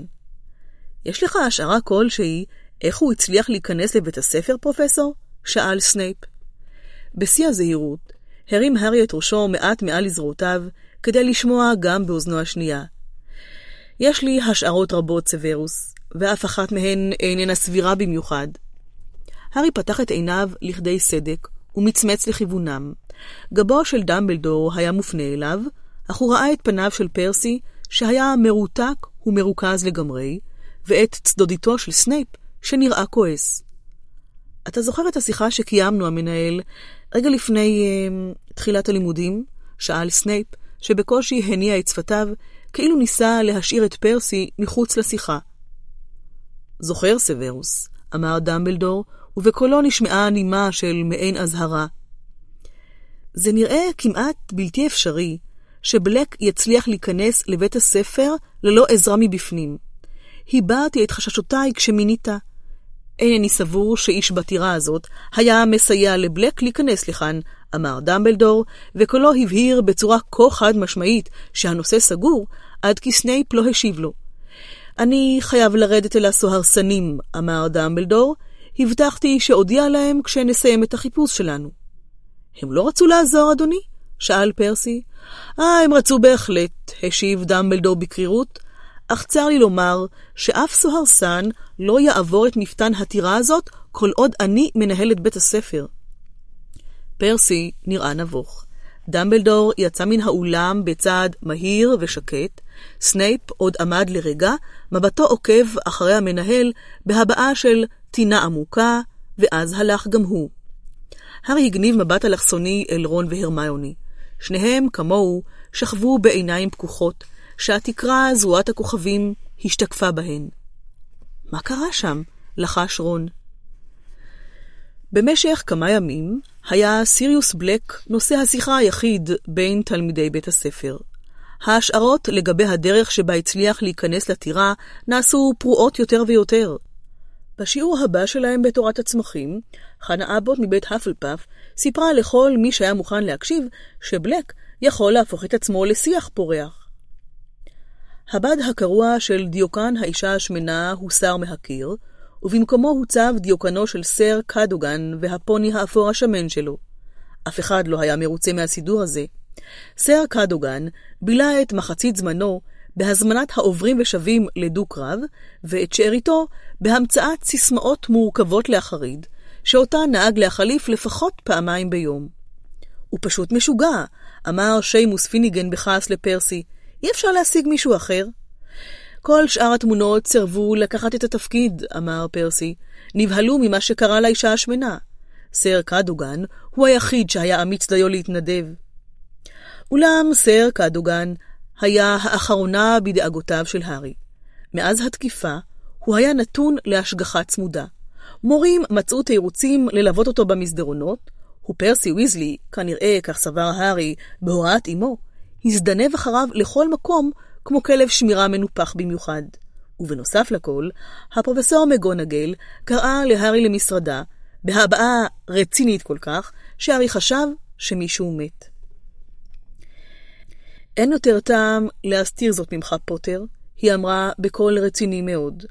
אני יודעת שזאת תהיה מהלומה קשה בשבילך, אך עליי לספר לך שסיריוס בלק... אני יודע שהוא מחפש אותי, אמר הארי בקול מיוגע. שמעתי את אבא ואת אמא של רון מדברים על זה. אדון ויזלי עובד במשרד הקסמים. הפרופסור מגונגל נראתה מופתעת מאוד. היא הביטה בהארי רגע או שניים ואז אמרה, באמת? טוב, אם כך, פוטר, ודאי תבין מדוע לדעתי לא כדאי שתשתתף באימוני הקווידיץ' בערבים, שם, במגרש, בחברת חבריך לקבוצה בלבד, אתה חשוף מאוד, פוטר. אבל בשבת המשחק הראשון שלנו, אמר הארי בזעם, אני חייב להתאמן, פרופסור. הפרופסור מגונגל בחנה אותו מהורהרת. הארי ידע שהיא מעוניינת מאוד בהצלחתה של קבוצת גריפינדור. אחרי הכל, היא עצמה הייתה זאת שהציעה אותו כמחפש מלכתחילה. הוא המתין בנשימה עצורה. Hmm, הפרופסור מגונגל נעמדה והביטה דרך החלון אל מגרש הקווידיץ', שבקושי נראה לעין מבעד לגשם. טוב, אלוהים יודע כמה הייתי רוצה שסוף סוף נזכה בגביע, ובכל זאת, פוטר, הייתי מעדיפה שאחד המורים יהיה נוכח. אבקש ממדם הוטש להשגיח על האימונים שלכם. מזג האוויר הלך והידרדר לקראת משחק הקווידיץ' הראשון. למרות זאת, חברי קבוצת גריפינדור התאמנו במרץ רב מתמיד תחת עינה הפקוחה של מאדאם הוץ'. ואז, באימון האחרון שלפני המשחק של שבת, אוליבר ווד בישר לקבוצה חדשות לא טובות. אנחנו לא משחקים נגד סלית'רין, הוא אמר להם, ונראה עצוב מאוד. הרגע פלינט בא לראות אותי. אנחנו משחקים נגד הפלפאף. למה? שאלו שאר שחקני הקבוצה במקהלה. התירוץ של פלינט הוא שהזרוע של המחפש שלהם עוד אה, פצועה, אמר ווד, וחרק שיניים בזעם. אבל ברור למה באמת הם עושים את זה. הם לא רוצים לשחק במזג האוויר הזה. הם חושבים שזה יפגע בסיכויים שלהם. כל אותו יום נשבו רוחות חזקות וירד גשם כבד, ובעוד ווד מדבר, נשמע רעם מרוחק. אין שום בעיה עם הזרוע של מאלפוי, אמר הארי בכעס, הוא סתם עושה את עצמו. זה ברור, אבל אין לנו הוכחה, אמר ווד במרירות. ואנחנו התאמנו על המהלכים שלנו בהנחה שמשחקים נגד סלית'רין, ובמקום זה, אנחנו משחקים נגד האפלפף, שכל הסגנון שלהם שונה לגמרי. יש להם קפטן ומחפש חדש, סדריק דיגורי. אנג'לינה, אליסיה וקייטי צחקקו פתאום. מה, אמר ווד, מעקם את אפו לנוכח כלילות הדעת הזאת. זה התלמיד הגבוה? החתיכי ההוא, נכון? שאלה אנג'לינה. הטיפוס השתקן, אמרה קייטי, ושלושתן התחילו שוב לצחקק. הוא שתקן רק מפני שהוא כזה מטומטם, שהוא לא מסוגל לחבר שתי מילים ברצף, אמר פרד בקוצר רוח. לא ברור לי למה אתה מודאג כל כך, אוליבר. אפשר להביס את האפלפף בקלי קלות. בפעם האחרונה ששיחקנו נגדם, הארי תפס את הסניץ' תוך פחות מחמש דקות, זוכר? אבל אז שיחקנו בתנאים שונים לגמרי, צעק ווד, ועיניו התבלטו מחוריהן. דיגורי הקים קבוצה חזקה מאוד, הוא מחפש מעולה. פחדתי שתתייחסו אל זה כך. אסור להיות שאננים, אנחנו חייבים להישאר ממוקדים. סלית'ווין מנסים להכשיל אותנו, אנחנו חייבים לנצח. אוליבר, תירגע, אמר פרד, ונראה מעט מבוהל. אנחנו לוקחים את האפלפף מאוד ברצינות, ברצינות. יום לפני המשחק, הרוחות כבר גברו עד שהתחילו לילל, והגשם ירד חזק מתמיד. במסדרונות ובכיתות היה כה חשוך, עד כי הודלקו פנסים ומנורות נוספים. חברי קבוצת סלית'רין נראו מאוד מרוצים מעצמם, והמרוצה מכולם היה מאלפוי. אה, אילו רק היד שלי הייתה במצב קצת יותר טוב, הוא נאנח כשהסופה בחוץ הטיחה עצמה בחלונות. בראשו של הארי לא נותר מקום לדאגה לשום דבר שלא קשור למשחק שהתקיים למחרת. אוליבר ווד כל הזמן רץ אליו בין השיעורים כדי לתת לו הנחיות של הרגע האחרון. בפעם השלישית, ווד דיבר כל כך באריכות, עד כי לפתע נזכר הארי שהוא מאחר בעשר דקות לשיעור ההגנה מפני כוחות האופל, והתחיל לרוץ, בעוד ווד צועק בעקבותיו. דיגורי נוטה לבצע פניות חדות ומהירות, הארי, אז אולי כדאי לך לנסות להקיף אותו? הארי החליק לעצירה ליד הכיתה, שבה למדו הגנה מפני כוחות האופל, פתח את הדלת וזינק פנימה. סליחה על האיחור, פרופסור לופין, אני... אך לא הפרופסור לופין הוא שהביט אליו משולחן המורה, אלא סנייפ. השיעור התחיל לפני עשר דקות, פוטר, לכן לדעתי ראוי להוריד לגריפינדור עשר נקודות. שב. אך הארי לא זז. איפה פרופסור לופין? הוא שאל. הוא טוען שהוא מרגיש חולה מכדי ללמד היום, אמר סנייפ בחיוך מעוות. אם אינני טועה, ביקשתי ממך לשבת? אך הארי נשאר במקומו. מה יש לו? עיניו השחורות של סנייפ נצצו. שום דבר רציני, הוא אמר, כאילו דווקא חבל שכך. חמש נקודות נוספות יורדות מגריפינדור, ואם אאלץ שוב לבקש ממך להתיישב, זה יהפוך לחמישים. הארי פסע באיטיות למקומו והתיישב, סנייפ הביט סביב אל הכיתה. כפי שאמרתי לפני שפוטר הפריע לנו, פרופסור לופין לא השאיר בשום מקום תיעוד של הנושאים שאותם הספקתם ללמוד עד עתה. סליחה, אדוני, למדנו על בוגרטים, אדומי ראש, קאפות וגרינדילואים, אמרה הרמיוני במהירות, ועמדנו להתחיל ללמוד. שקט, אמר סנייפ בקור. לא ביקשתי מידע, רק מתחתי ביקורת על אי הסדר של פרופסור לופין. הוא המורה הטוב ביותר להתגוננות מפני כוחות האופל שהיה לנו אי פעם, אמר דין תומאס באומץ, והמהום של הסכמה עלה מפיות שאר התלמידים. סנייפ נראה מאיים יותר מן הרגיל.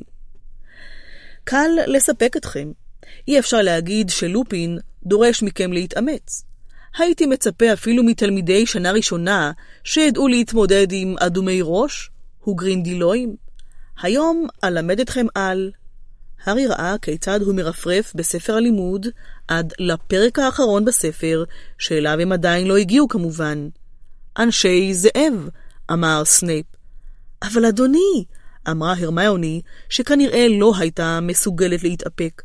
אנחנו עוד לא אמורים ללמוד על אנשי זאב, אנחנו אמורים להתחיל עם הינקי פנקים. העלמה גריינג'ר, אמר סנייפ בקול רגוע ומצמרר, לתומי חשבתי שאני נבחרתי ללמד את השיעור הזה, לא את, ואני אומר לכולכם לפתוח את הספרים בעמוד 394. הוא הביט סביב. כולם, עכשיו. התלמידים פתחו את ספרי הלימוד שלהם בלוויית הרבה מבטים כעוסים, ואי אלו מלמולים של מרירות. מי מכם יכול להגיד לי כיצד מבחינים בין זאב אדם לזאב אמיתי? שאל סנייפ. כולם ישבו בדממה וללא ניעה. כולם מלבד הרמיוני, שידה כרגיל זינקה מיד לאוויר. אף אחד? שאל סנייפ, תוך התעלמות מהרמיוני. חיוכו המעוות חזר לפניו. אתם רוצים להגיד לי שפרופסור לופין לא לימד אתכם אפילו את ההבחנה הפשוטה בין... אמרנו לך אמרה לפתע פרוואטי, עוד לא הגענו לאנשי זאב וזאבי אדם, אנחנו עדיין ב... שקט, גער סנייפ. נו, נו, נו, מעולם לא חשבתי שאפגוש בכיתה של תלמידי שנה שלישית שלא יודעים אפילו לזהות אדם זאב. אאלץ לדווח לדמבלדור עד כמה אתם מפגרים בחומר. סליחה, אדוני, אמרה הרמיוני, שידה עוד הייתה מורמת באוויר. זאב אדם, שונה מזאב אמיתי, בכמה מאפיינים קטנים. חוטמו של זאב אדם, זאת הפעם השנייה שדיברת ללא רשות, עלמה גריינג'ר, אמר סנייפ בקור רוח. חמש נקודות נוספות יורדות לגריפינדור על השחצנות הבלתי נסבלת שלך. הרמיוני הסמיקה מאוד, הורידה את ידה, והביטה ברצפה בעיניים מלאות דמעות. כולם נעצו בסנייפ מבטים נזעמים, מה שהוכיח עד כמה שנאו אותו, שכן כל אחד מהם כבר קרא להרמיוני שחצנית לפחות פעם אחת, ורון, שלפחות פעמיים בשבוע היה מכנה את הרמיוני שחצנית, אמר בקול רם, שאלת אותנו שאלה, והיא יודעת את התשובה, אז למה אתה שואל אם אתה לא רוצה שיענו לך? הכיתה ידעה מיד שהוא עבר את הגבול. סנייפ התקרב אל רון באיטיות, וכל הכיתה עצרה את נשימתה. עונש ויזלי, אמר סנייפ רך כמשי, ופניו היו קרובים מאוד לפניו של רון. ואם אי פעם אשמע אותך שוב מותח ביקורת על שיטות הלימוד שלי, אתה תצטער על כך עד מאוד. אף אחד לא העז לפתוח את פיו עד סוף השיעור. כולם ישבו וכתבו סיכומים על אנשי זאב מתוך ספר הלימוד, בעוד סנייפ פוסע כה וכה בין השורות, ובוחן את שיעורי הבית שהכינו לשיעוריו של הפרופסור לופין. הסבר גרוע ביותר. כאן יש טעות. הקאפה נפוצה יותר במונגוליה. פרופסור לופין העניק לדבר הזה שמונה מתוך עשר? אני לא הייתי נותן לזה אפילו שלוש. כשהפעמון צלצל לבסוף, סנייפ עיכב אותם בכיתה. כל אחד מכם יכתוב חיבור, שאותו עליכם להגיש לי על אופני הזיהוי והחיסול של אנשי זאב. החיבור יהיה באורך שני גיליונות קלף, ויוגש לי עד יום שני בבוקר. הגיע הזמן שמישהו ישתלט על הכיתה הזאת. ויזלי, הישאר כאן, צריך לסכם את פרטי העונש שלך. הארי והרמיוני יצאו מהכיתה עם שאר התלמידים, שהתאפקו עד שיצאו מטווח שמיעה, ואז פרצו בגל של טרוניות ותלונות נגד סנייפ. מעולם הוא לא התנהג כך עם שאר המורים שהיו לנו להגנה מפני כוחות האופל, אפילו שהוא רצה גם את המשרה שלהם, אמר הארי. מה יש לו דווקא נגד לופין? את חושבת שזה רק בגלל הבוגארט? אני לא יודעת, אמרה הרמיוני מהורהרת, אבל אני מאוד מקווה שפרופסור לופין יחלים מהר. רון הדביק אותם כעבור חמש דקות, כולו נזעם. אתם יודעים מה ה... הוא קרא לסנייפ בכינוי שגרם להרמיוני להזדעק, רון, הזה רוצה לחייב אותי לעשות? אני צריך לשטוף את כל סירי הלילה במרפאה, בלי עזרת קסמים. הוא התנשף והתנשם באגרופים קמוצים.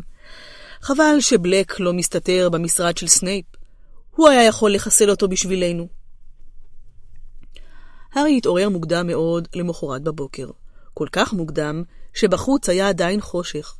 לרגע חשב ששאגת הרוח היא שהאירה אותו, ואז חש במשב אוויר קר על עורפו, והזדקף מיד. פיבס המפחידן ריחף לצידו, ונשף לתוך אוזנו. למה אתה עושה את זה? אמר הארי בכעס. פיבס ניפח את לחייו, נשף בכוח ואף אחורנית, ויצא מהחדר בצחוק גדול.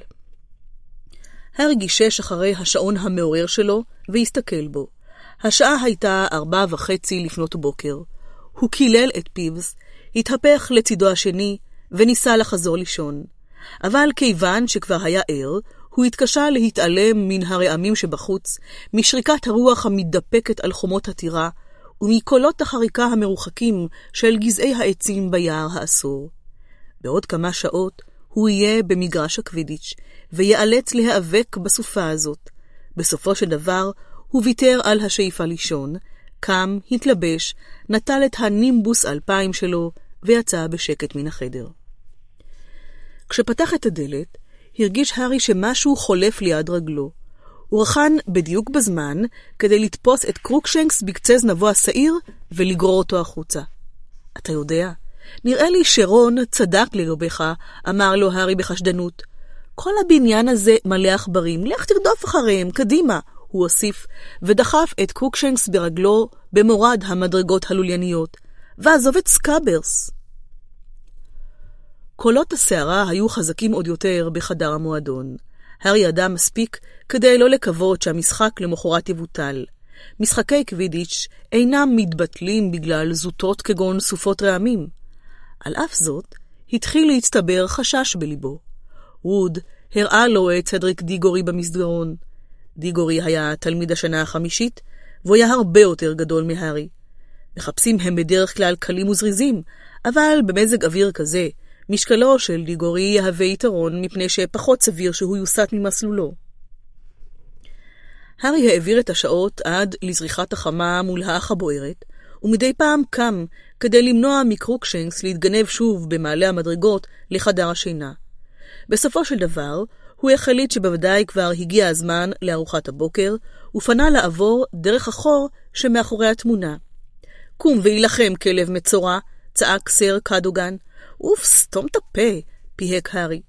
הוא התאושש קצת, אחרי שאכל קערה של דייסה, וכשהתחיל לאכול גם פרוסה של טוסט, הצטרפו אליו שאר חברי הקבוצה. זה הולך להיות קשה, אמר ווד, שהחליט לא לאכול. תפסיק לדאוג, אוליבר, אמרה אליסיה בטון מרגיע. קצת גשם לא מפריע לנו. אבל היה שם הרבה יותר מקצת גשם. משחק הקווידיץ' הוא כל כך פופולרי, עד שכל תלמידי בית הספר באו לצפות בו כרגיל. הם רצו במדשאות שבדרך אל מגרש הקווידיץ' בראשים מורכנים אל מול הרוח העזה, וחלקם אף איבדו בדרך את המטריות שלהם. רגע לפני שנכנס לחדר ההלבשה, ראה הארי את מאלפוי, קרב וגויל, צוחקים ומצביעים עליו מתחת למטריית ענק בדרכם אל המגרש. שחקני הקבוצה לבשו את המדים האדומים, והמתינו לשיחת העידוד הקבועה של ווד לפני המשחק, אך זו בוששה לבוא.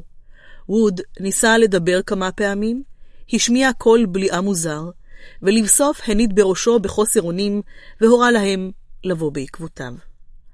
הרוח הייתה כה חזקה, עד כי הם התקשו ללכת ישר ביציאה למגרש. מרוב המולת הרעמים, הם לא יכלו לשמוע אם הקהל מריע. הגשם ניתז על משקפיו של הארי.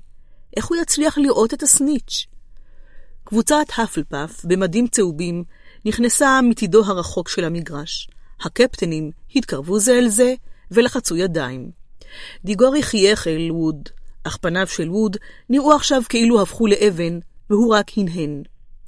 הארי ראה את פיה של מדאם הוץ' מתווה את המילים עלו על המטטים.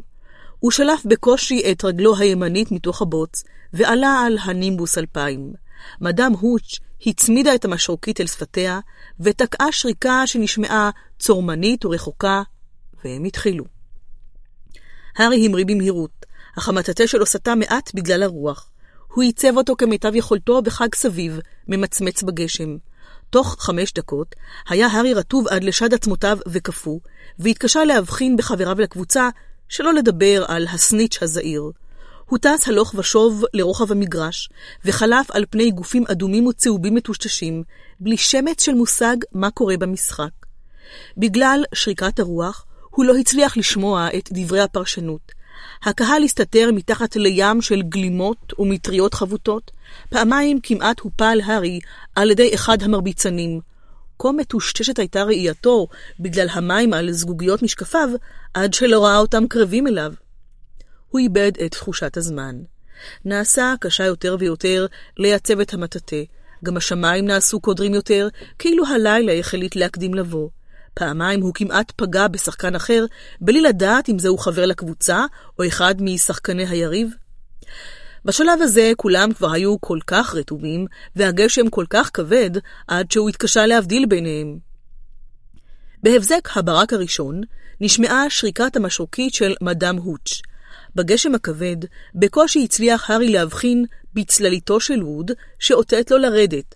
הקבוצה כולה נחתה בתוך הבוץ. ביקשתי פסק זמן, שאג ווד אל חברי קבוצתו. קדימה, לכאן. הם הצטופפו בקצה המגרש, מתחת למטריה גדולה.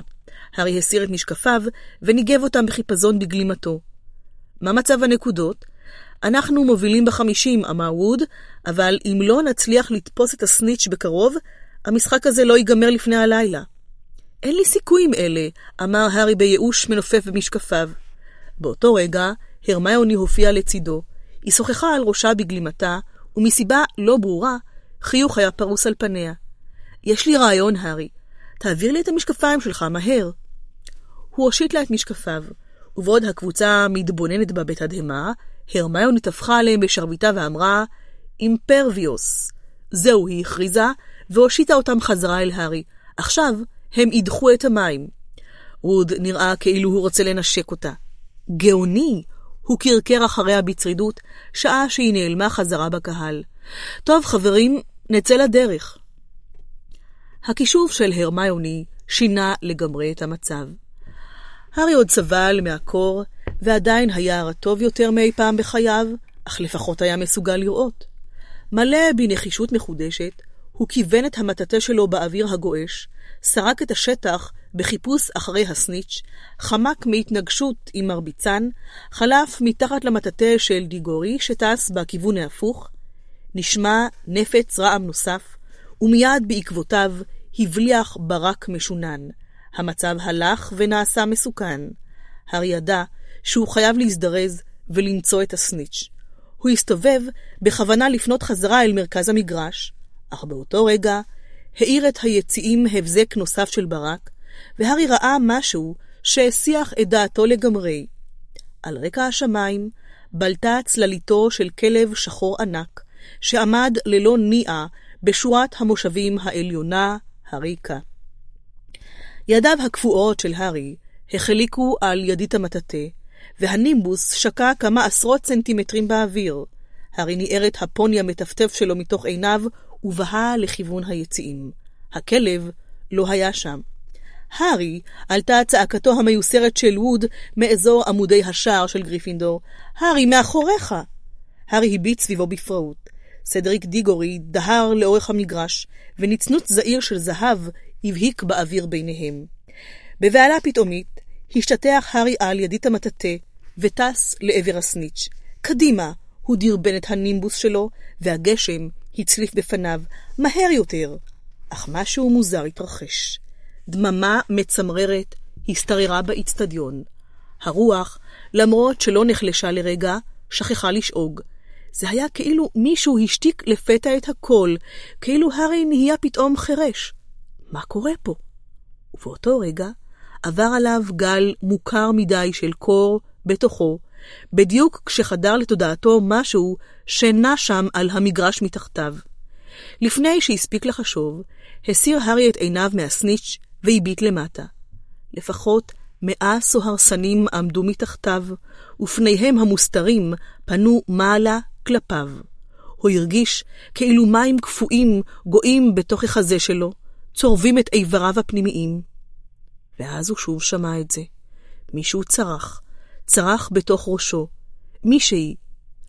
לא, לא את הארי, בבקשה, לא את הארי. עמדי בצד, ילדה טיפשה. עמדי בצד, ועכשיו... לא את הארי, בבקשה, לא. קח אותי. הרוג אותי במקומו. ערפל משתק, מבעבע, מילא את מוחו של הארי. מה הוא עושה? למה הוא נשאר על המטאטה? הוא חייב לעזור לה, היא עומדת למות, עומדים לרצוח אותה. הוא נפל. נפל אל תוך הערפל הקפוא. לא את הארי, בבקשה, רחמנות, רחמנות. כל צווחני צחק.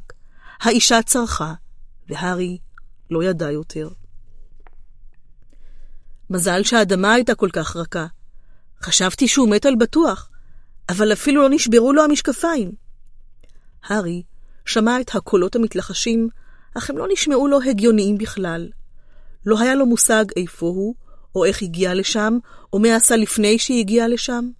כל מה שידע הוא שכל סנטימטר בגופו כואב כאילו חטף מכות. זה היה הדבר הכי מפחיד שראיתי בחיים.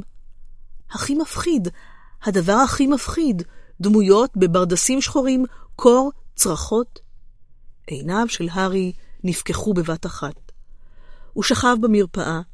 שחקני קבוצת הקווידית של גריפינדור, מכוסים כתמי בוץ מכף רגל ועד ראש, היו מכונסים סביב מיטתו. גם רון והרמיוני היו שם, וכולם נראו כאילו טיפסו מתוך בריכת שחייה. הארי, אמר פרד, שנראה חיוור מאוד מתחת לכל הבוץ, איך אתה מרגיש? הארי הרגיש כאילו הזיכרון שלו נכנס להרצה מהירה. הברק, הגרים, הסניץ' והסוהרסנים? מה קרה? הוא שאל, מזדקף כל כך במפתיע, עד כי כולם נבהלו. נפלת, אמר פרד. זה בטח היה, מה, עשרים מטר? חשבנו שנהרגת, אמרה אליסיה רועדת כולה. הרמיוני פלטה קול חלוש מצייץ. עיניה היו אדומות מאוד. אבל המשחק, אמר הארי, מה קרה, יהיה משחק חוזר? איש לא השיב לו, ואז פגעה בו האמת הנוראה. אנחנו הפסדנו? דיגורי תפס את הסניץ', אמר ג'ורג', רגע אחרי שנפלת. הוא לא הבין מה קרה. כשהוא הביט אחורה וראה אותך על הקרקע, הוא ניסה לבטל את זה. ביקש משחק חוזר, אבל הם ניצחו ביושר, אפילו ווד מודה. איפה ווד? שאל הארי שהבחין לפתע שווד לא נמצא בחדר. הוא עוד מתקלח, אמר פרד. אנחנו חושבים שהוא מנסה להטביע את עצמו. הארי הצמיד את פניו לברכיו, ידיו תפסו בשערותיו. פרד לפת את כתפו וטלטל אותו בחוזקה. מה איתך, הארי? מעולם לא פספסת את הסניץ'. גם לך מותר פעם לא להצליח, אמר ג'ורג'. וזה עוד לא נגמר, אמר פרד. הפסדנו במאה נקודות, נכון? אז אם אפלפף יפסידו לרייבנקלו, ואנחנו ננצח את רייבנקלו ואת סלית'רין, הפלפאף יצטרכו להפסיד לפחות ב-200 נקודות, אמר ג'ורג'. אבל אם הם ינצחו את רייבנקלו, אין סיכוי. רייבנקלו יותר מדי טובים, אבל סלית'רין יפסידו מול הפלפאף. הכל תלוי בנקודות, הפרש של מאה לכאן או לכאן. הארי שכב במיטה ולא אמר מילה. הם הפסידו. לראשונה בחייו הוא הפסיד במשחק קווידיץ'. כעבור כעשר דקות, נכנסה מדאם פומפרי כדי לומר לכולם שיפסיקו להציק לו. נבוא לבקר אותך יותר מאוחר, אמר לו פרד. אל תרד על עצמך, הארי. אתה עדיין המחפש הכי טוב שהיה לנו מעולם. השחקנים יצאו, והותירו אחריהם שובל של בוץ. מדאם פומפרי עיקמה את אפה, וסגרה אחריהם את הדלת. רון והרמיוני התקרבו למיטתו של הארי. דמבלדור ממש כעס, אמרה הרמיוני בקול רועד. מעולם לא ראיתי אותו כועס ככה. הוא רץ אל המגרש כשנפלת, הניף את השרביט שלו, ואתה כאילו האטת לפני שפגעת בקרקע. ואז הוא הניף את השרביט מול הסוהרסנים. ירה עליהם משהו כסוף. הם עזבו את המגרש מיד. הוא פשוט רתח מזה שהם נכנסו לשטח בית הספר, שמענו אותו. ואז הוא השכיב אותך בקסם על אלונקה, אמר רון, ונכנס לבית הספר ככה, כשאתה צף באוויר אחריו. כולם חשבו שאתה... קולו דעך, אבל הארי בקושי הרגיש בכך. הוא חשב על מה שהסוהרסנים עשו לו, על הקול הצורח. הוא הרים את מבטו, וראה את רון והרמיוני מסתכלים עליו בדאגה כזאת, שמיד מיהר לחפש משהו ענייני להגיד. מישהו הביא את הנימבוס שלי? רון והרמיוני שלחו מבט חטוף זה בזה. אה, מה? אמר הארי, ומבטו נע בין רון להרמיוני. אה, כשנפלת, הוא עף הצידה, אמרה הרמיוני בהיסוס. ואז? ואז הוא פגע, הוא פגע, אוי הארי, הוא פגע בערבה המפליקה. בטנו של הארי התהפכה. הערבה המפליקה הייתה עץ אלים ביותר שעמד לבדו באמצע המדשאות. ואז הוא אמר, ירא מפני התשובה. טוב, אתה מכיר את הערבה המפליקה, אמר רון, היא, היא לא אוהבת שפוגעים בה. פרופסור פליטיק הביא אותו רגע לפני שחזרת להכרה, אמרה הרמיוני בקול חלוש. היא הושיטה את ידה באיטיות אל השקית שלרגליה, והפכה את תוכנה על המיטה. תרסה שבבים של עץ מרוסק, וכמה זרדים שבורים, כל מה שנותר מהמטאטא הנאמן של הארי, שהובס בסופו של דבר. פרק 10, עמוד 190 מפת הקונדסאים מדאם פומפרי התעקשה להשאיר את הארי במרפאה לכל סוף השבוע. הוא לא התווכח ולא התלונן, אבל גם לא הסכים שהיא תזרוק את השאריות המרוסקות של הנימבוס 2000 שלו. הוא ידע שזאת התנהגות מטופשת מצידו, ושהנימבוס כבר לא יתוקן לעולם, אבל הוא לא יכול לשלוט בזה. הארי הרגיש כאילו איבד אחד מחבריו הטובים. זרם מתמיד של מבקרים הגיע למרפאה וכולם רצו לעודד אותו. האגריד שלח לו זר פרחים שנראו כמו כרובים צהובים והיו מלאים בחיות מספריים, וג'יני ויזלי, מסמיקה כולה, הופיעה עם כרטיס רפואה שלמה שהכינה בעצמה, ושזימר בקול מזייף עד שהארי נאלץ לתחוב אותו אל מתחת לקערת הפירות שלו כדי להשתיקו. קבוצת הקווידיץ' של גריפינדור באה לבקר שוב בבוקר יום ראשון, הפעם בלוויית ווד, שאמר להארי בקול חלול ומת שהוא לא מאשים אותו בכלל. רון והרמיוני לא משו מצידו של הארי עד רדת הלילה. אך דבר מכל מה שנעשה ונאמר, לא הצליח לשפר את מצב רוחו של הארי, כי כולם ידעו רק חצי ממה שהטריד אותו. הוא לא סיפר לאף אחד על הגרים, אפילו לא לרון ולהרמיוני, כי ידע שרון ייבהל ושהרמיוני תצחק עליו. אבל העובדה היא שהגרים הופיע כבר פעמיים, ובשתי הפעמים זה קרה רגע לפני תאונה כמעט קטלנית. בפעם הראשונה, הארי כמעט נדרס על ידי אוטונוס הלילה, ובפעם השנייה, הוא נפל מגובה 20 מטר מהמטאטה שלו. האם הגרים ימשיך לרדוף אותו עד שהוא אכן ימות? האם הוא יבלה את שארית חייו הקצרים בפחד מפני היצור הזה? וגם הסוהרסנים הדאיגו אותו. הארי חש בחילה והשפלה בכל פעם שחשב עליהם. כולם אומרים שהסוהרסנים איומים, אבל אף אחד מלבדו לא התעלף בכל פעם שהם התקרבו אליו. אף אחד אחר לא שמע בראשו את הדי קולותיהם של הוריו הגוססים. שכן הארי ידע עכשיו למי שייך הקול הצורח. הוא שמע את דבריה, שמע אותם שוב ושוב בשעות הלילה במרפאה, כאשר שכב ער ובהה בפסי אור הירח על התקרה. כשהסוהרסנים קרבו אליו, הוא שמע את הרגעים האחרונים בחייה של אמו, את ניסיונה לגונן עליו מפני הלורד וולדמורט, ואת צחוקו של וולדמורט לפני שרצח אותה.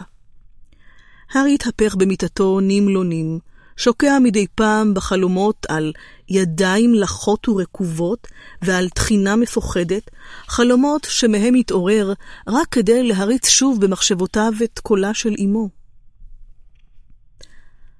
הייתה זאת הקלה גדולה לחזור ביום שני אל ההמולה והלחץ של בית הספר, שהכריחו אותו לחשוב על דברים אחרים, גם אם נאלץ לסבול את לגלוגו של דראקו מאלפוי. מאלפוי כמעט לא ידע את נפשו מרוב אושר על התבוסה של גריפינדור. הוא הסיר סוף סוף את התחבושות, וחגג את שובו של השימוש המלא בשתי זרועותיו בחיקויים נלהבים של נפילתו של הארי מהמטאטה.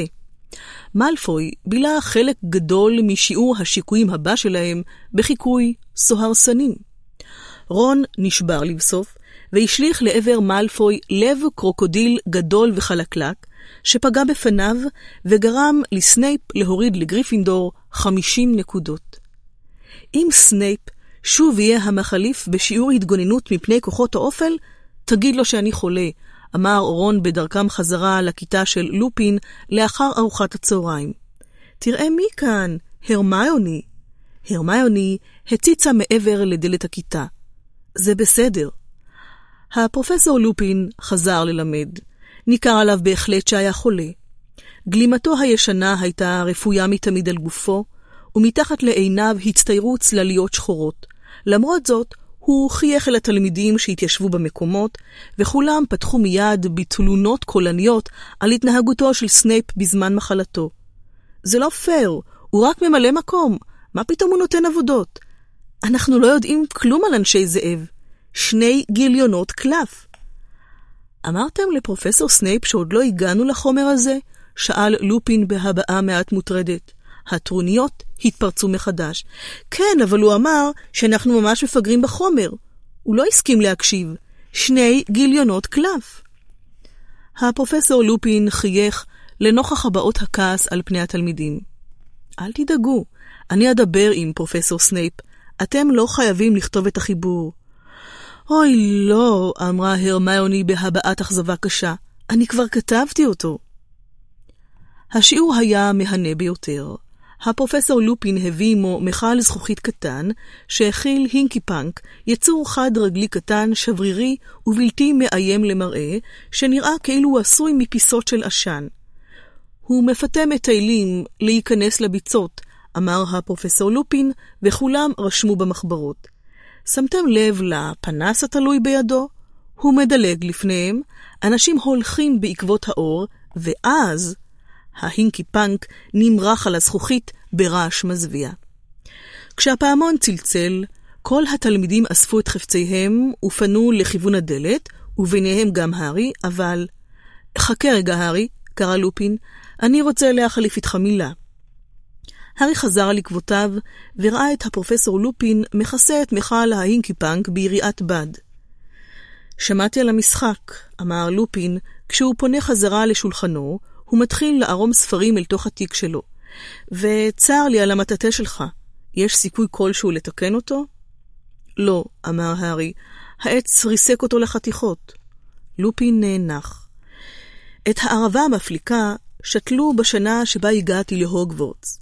התלמידים אהבו לשחק מין משחק, לנסות להתקרב אליה מספיק כדי לגעת בגזע. בסופו של דבר, ילד בשם דייווי גאד ג'ון כמעט איבד עין, ואסרו עלינו להתקרב אליה. למטאטא אין סיכוי מול הערבה הזאת. שמעת גם על הסוהרסנים? שאל הארי בקושי מסוים. לופין מיהר להסתכל עליו. כן, שמעתי. אני חושב שאיש מאיתנו לא ראה את דמבלדור כועס כל כך. הם היו קצרי רוח בזמן האחרון. כעסו בגלל שסירב להתיר להם את הכניסה לשטח בית הספר.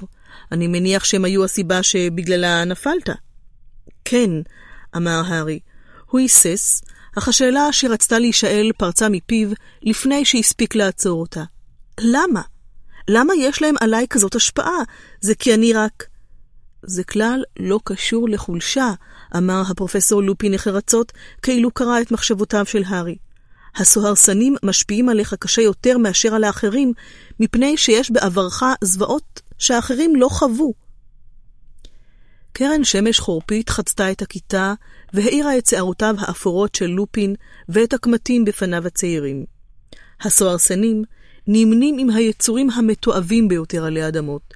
הם שורצים בפינות החשוכות והמטונפות ביותר. הם פורחים במצבים של התפוררות וייאוש. הם יונקים שלום, תקווה ואושר מן האוויר סביבם. אפילו מוגלגים חשים בנוכחותם, למרות שאינם מסוגלים לראות אותם. אם תתקרב יותר על המידה לסוהרסן, כל רגש חיובי וכל זיכרון טוב יישאב מתוכך. אם רק יתאפשר לו, הסוהרסן ייזון ממך עד שתהפוך למשהו דומה לו, חסר נשמה ומרושע. ייוותרו לך רק החוויות הגרועות ביותר בחייך, והחוויות הגרועות ביותר שלך, הארי, מספיקות כדי להפיל כל אחד מהמטאטה. אין לך במה להתבייש. כשהם מתקרבים אליי, הארי בהה בשולחנו של לופין, וגרונו התכווץ. אני שומע את וולדמורט רוצח את אמא שלי. לופין עשה תנועה חדה בידו, כאילו עמד לאחוז בכתפו של הארי, אך התחרט ברגע האחרון. רגע של דממה השתרר, ואז... למה הם היו חייבים לבוא למשחק? אמר הארי במרירות. הם נעשים רעבים, אמר לופין בקור רוח, וטרק את תיקו בחבטה. דמבלדור לא מרשה להם להיכנס לבית הספר, כך שאספקת הציד האנושי שלהם אזלה. אני חושב שהקהל הגדול הזה סביב מגרש הקווידיץ' משך אותם, והם לא עמדו בפיתוי. כל ההתרגשות, הרגשות העזים, בשבילם זאת ממש סעודת מלכים. בטח נורא באזקבן, מלמל הארי. לופין הנהן בכובד ראש. המבצר ניצב על אי קטן, הרחק בתוך הים, אך הם לא זקוקים לחומות ולמים כדי להחזיק באסירים. כולם לכודים בתוך המחשבות של עצמם, ואינם מסוגלים למחשבה שמחה אחת. רובם משתגעים תוך כמה שבועות. אבל סיריוס בלק הצליח להימלט מהם, אמר הארי לאט, הוא ברח. התיק של לופין החליק מן השולחן. הוא התכופף מהר כדי לתפוס אותו. כן, הוא אמר והזדקף. כנראה שבלק מצא דרך להתגבר עליהם. לא הייתי מאמין שזה ייתכן. אומרים שקוסמים שנמצאים די זמן בקרבת הסוהרסנים, מאבדים את כוחות הקסם שלהם. אתה הרחקת את הסוהרסון ההוא על הרכבת, אמר הארי לפתע. יש אמצעי הגנה מסוימים שניתן להיעזר בהם, אמר לופין. אבל על הרכבת היה רק סוהרסן אחד. ככל שיש יותר סוהרסנים, כך קשה יותר להתנגד להם. איזה אמצעי הגנה? אמר הארי מיד, תוכל ללמד אותי? אני לא מתיימר להיות מומחה להרחקת סוהרסנים, הארי, ההפך הוא הנכון. אבל אם הסוהרסנים יגיעו שוב למשחק קווידיץ', אני צריך לדעת איך להילחם בהם. לופין הביט בפניו הנחושים של הארי, היסס, ולבסוף אמר, טוב, בסדר, אני אשתדל לעזור, אבל זה יצטרך לחכות עד לשליש הבא, אני חושש. יש לי הרבה עבודה לקראת החגים. בחרתי זמן מאוד לא טוב להיות חולה. הציפייה לשיעורים בהרחקת סוהרסנים, המחשבה שאולי לעולם לא ייאלץ עוד לשמוע את רגעי מותה של אמו, והעובדה שרייבנקלו כיסחה להפלפף את הצורה במשחק הקווידית שלהם בסוף נובמבר, כולם יחד שיפרו פלאים את מצב רוחו של הארי. למרות הכל, גריפינדור עוד לא יצאה מהמרוץ, אם כי הם לא יכלו להרשות לעצמם הפסד נוסף. מרץ קדחתני חזר לפעם בווד, והוא העביד את קבוצתו בפרך למרות הגשם הקר, שהמשיך לרדת גם במהלך דצמבר. הארי לא ראה זכר לסוהרסנים בשטח בית הספר. נראה שכעסו של דמבלדור החזיק אותם בעמדותיהם שבשערי הכניסה. שבועיים לפני סוף השליש, השמיים התבהרו פתאום, ועטו צבע לבן בוהק כפנינה, ובוקר אחד התכסו המדשאות הבוציות בשכבה של כפור מנצנץ. בתוך הטירה רחש האוויר בהכנות לחג המולד. הפרופסור פליטיק המורה ללחשים, קישט את כיתתו באורות מנצנצים, שבמבט מקרוב נתגלו כשרשרת של פיות אמיתיות. התלמידים כולם פטפטו בהתרגשות על התוכניות לחג, רון והרמיוני החליטו להישאר בהוגוורטס, ואף קירון אמר שהסיבה לכך היא שאינו יכול לסבול לגור עם פרסי שבועיים תמימים, והרמיוני התעקשה שהיא חייבת גישה לספרייה. הארי לא קנה את זה לרגע. הם נשארו כדי להיות איתו, והוא היה אסיר תודה. לשמחת כולם, מלבד הארי, תוכנן טיול נוסף להוקסמית בסוף השבוע האחרון שלפני החופשה. נוכל לקנות שם את כל המתנות לחג, אמרה הרמיוני. אמא ואבא בטוח ישמחו לקבל ממתקי מנטה צח לניקוי השיניים מהדובשני ראייה. הארי השלים עם העובדה ששוב יהיה תלמיד השנה השלישית היחיד שנשאר מאחור. הוא שאל מיעוד עותק של עולם המטטים, והחליט להעביר את היום בקריאה על הדגמים החדשים בשוק. מאז התבוסה של גריפינדור, הוא רכב באימונים על אחד המטטים הישנים של בית הספר, כוכב נופל ישן, שהיה איטי וקופצני מאוד. הוא בהחלט נזקק למטאטה חדש משלו. בבוקר שבת, בוקר הטיול להוקסמית, נפרד הארי לשלום מרון ומהרמיוני, שהיו עטופים היטב בגלימות חורף וצעיפים, ואז פנה לבדו לעלות במדרגות השיש בחזרה למגדל גריפינדור. בחוץ התחיל לרדת שלג, ובתוך הטירה שררה דממה מוחלטת. הארי! הוא הסתובב על מקומו באמצע המסדרון בקומה השלישית, וגילה את פרד וג'ורג' שהציצו אליו מאחורי פסל של מכשפה גיבנת ושתומת עין. מה אתם עושים? שאל הארי בסקרנות. למה אתם לא יוצאים להוקסמית? רצינו קצת להכניס אותך לרוח החג לפני שנצא, אמר פרד בקריצה מסתורית. בוא רגע.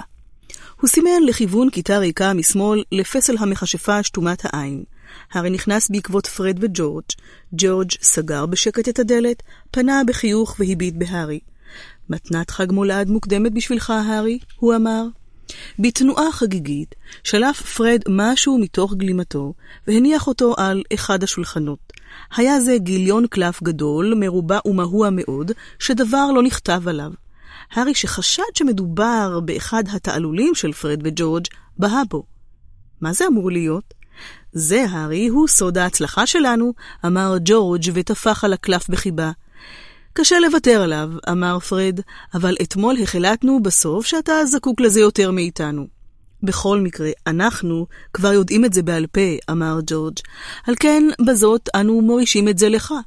האמת שאנחנו כבר לא זקוקים לזה. ומה לי ולאיזו חתיכה של קלף ישן? שאל הארי. חתיכה של קלף ישן, אמר פרד, ועצם את עיניו כאילו הארי פגע בציפור נפשו. תסביר לו, ג'ורג'. טוב, עוד כשהיינו תלמידי שנה ראשונה, הארי, צעירים, תמימים וחסרי דאגות, הארי גיחך. ספק היה בליבו אם פרד וג'ורג' היו אי פעם תמימים. טוב, תמימים יחסית להיום. בכל מקרה, הסתבכנו באיזו צרה קטנה עם פילץ'. שחררנו פצצת זבל במסדרון, ומשום מה זה הציק לו.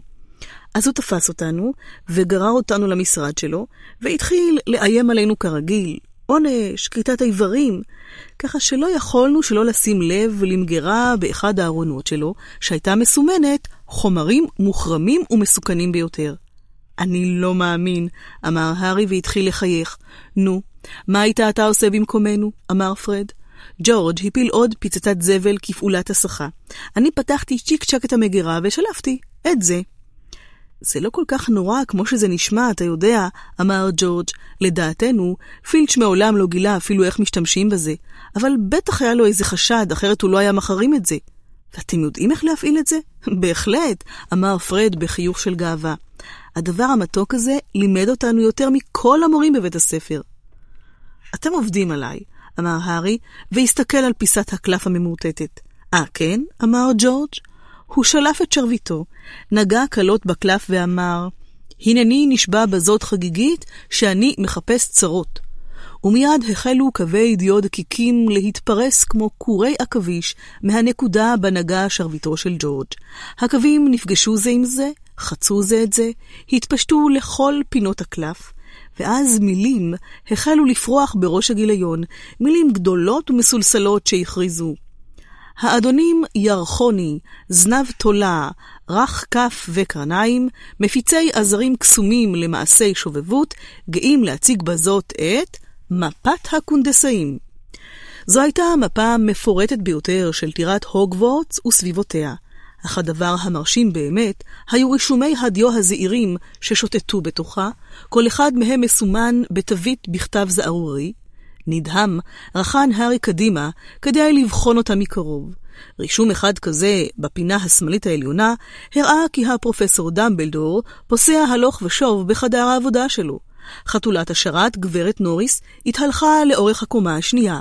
ופיבס המפחידן קיפץ כעת כה וכה בחדר המדליות. וכשעינו של הארי תהילה על פני המסדרונות המוכרים, הוא שם לב לדבר נוסף. המפה הזאת הראתה מערכת שלמה של מעברים שאליהם לא נכנס מעולם, ורבים מהם נראו כאילו הם מובילים הישר להוקסמית, אמר פרד, ועבר באצבעו על אחד המעברים. יש שבעה בסך הכל. את ארבעת אלה פילץ' מכיר, והוא הורה עליהם, אבל אנחנו בטוחים שאנחנו היחידים שמכירים את אלה. אל תטרח לנסות את זה שמאחורי הראי בקומה הרביעית. השתמשנו בו עד החורף שעבר, אבל הוא קרס, חסום לגמרי. ונראה לנו שאף אחד מעולם לא השתמש בזה, בגלל שהערבה המפליקה שתולה ממש בכניסה אליו. אבל זה, כאן, מוביל ישר למרתף של הדובשנריה. השתמשנו בו אלף פעמים, וכפי שאולי שמת לב, הכניסה נמצאת ממש פה, מחוץ לחדר, דרך הגיבנת של המכשפה שתומת העין.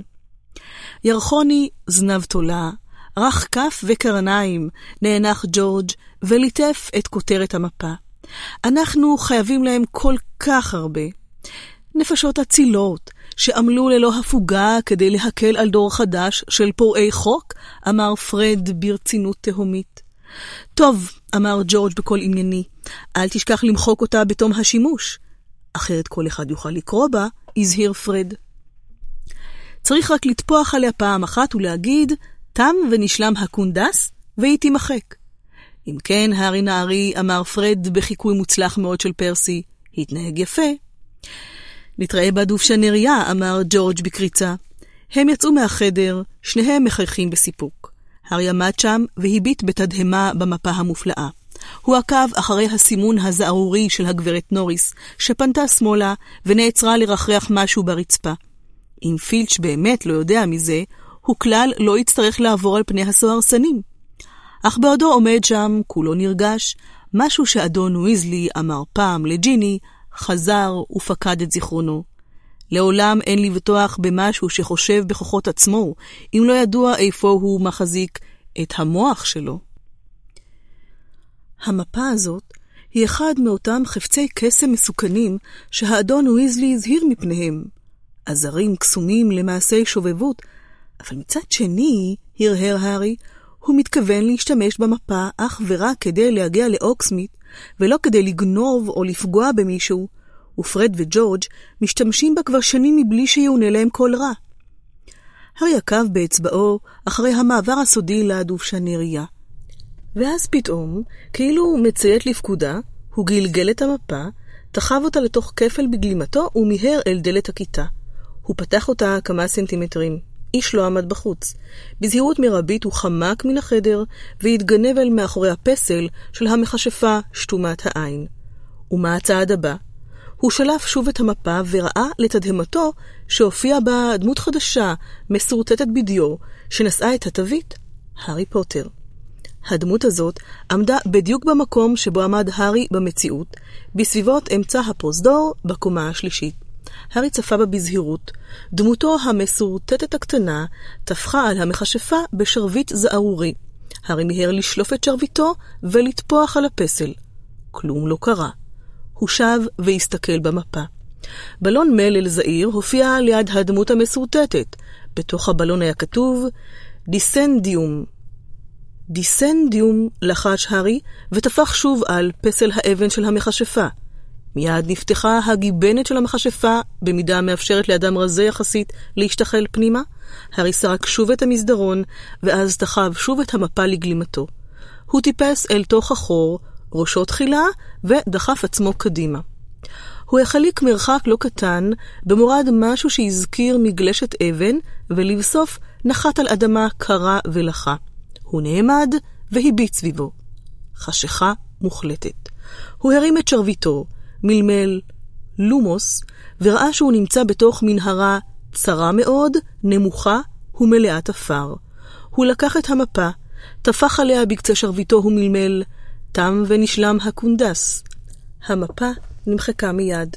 הוא גלגל אותה בזהירות, דחף אותה לתוך גלימתו, ובלב פועם במהירות, נרגש ומלא חששות, יצא לדרך. המנהרה הייתה מלאה פניות ופיתולים, והזכירה יותר מכל מאורה של ארנב ענקי. הרי מיהר לאורכה, מועד מדי פעם על הקרקעית העקומה, והאיר את דרכו בעזרת השרביט. זה נמשך המון זמן, אבל המחשבה על הדובשנריה חיזקה אותו. כעבור מה שנדמה כשעה, המנהרה החלה לעלות. הארי האיץ, מתנשם ומתנשף, פניו חמים ורגליו קרות. תוך עשר דקות הוא הגיע למרגלותיהן של מדרגות אבן שחוקות, שטיפסו מעלה עד שנעלמו מעיניו. הארי נזהר לא להשמיע רעש מיותר, והתחיל לטפס. מאה מדרגות, מאתיים מדרגות. הוא איבד את החשבון תוך כדי טיפוס והתבוננות ברגליו, ואז, ללא אזהרה, ראשו פגע במשהו קשה. נראה שזו דלת סתרים. הארי עמד שם, משפשף את קרקפתו והקשיב. הוא לא שמע מעליו כל רחש או קול, באיטיות רבה הוא פתח את הדלת והציץ מעבר לסף. הארי מצא עצמו במרתף מלא בארגזים וקופסאות עץ. הוא טיפס דרך דלת הסתרים והחזיר אותה למקומה. היא השתבצה כל כך טוב ברצפה המאובקת, עד כי בקושי ניתן היה להבחין בה. הארי התגנב באיטיות לכיוון מדרגות העץ שהובילו לקומה העליונה. כעת כבר הצליח לשמוע גם קולות, שלא לדבר על צלצול פעמון וטריקות דלת. לפתע, תוך שהוא עומד ותוהה מה עליו לעשות עכשיו, שמע הארי דלת נפתחת הרבה יותר קרוב אליו. מישהו עמד לרדת במדרגות. ותביא גם עוד קופסה של חלזונות מרמלדה, יקירי, הם כמעט גמרו לנו את המלאי, נשמע קול של אישה.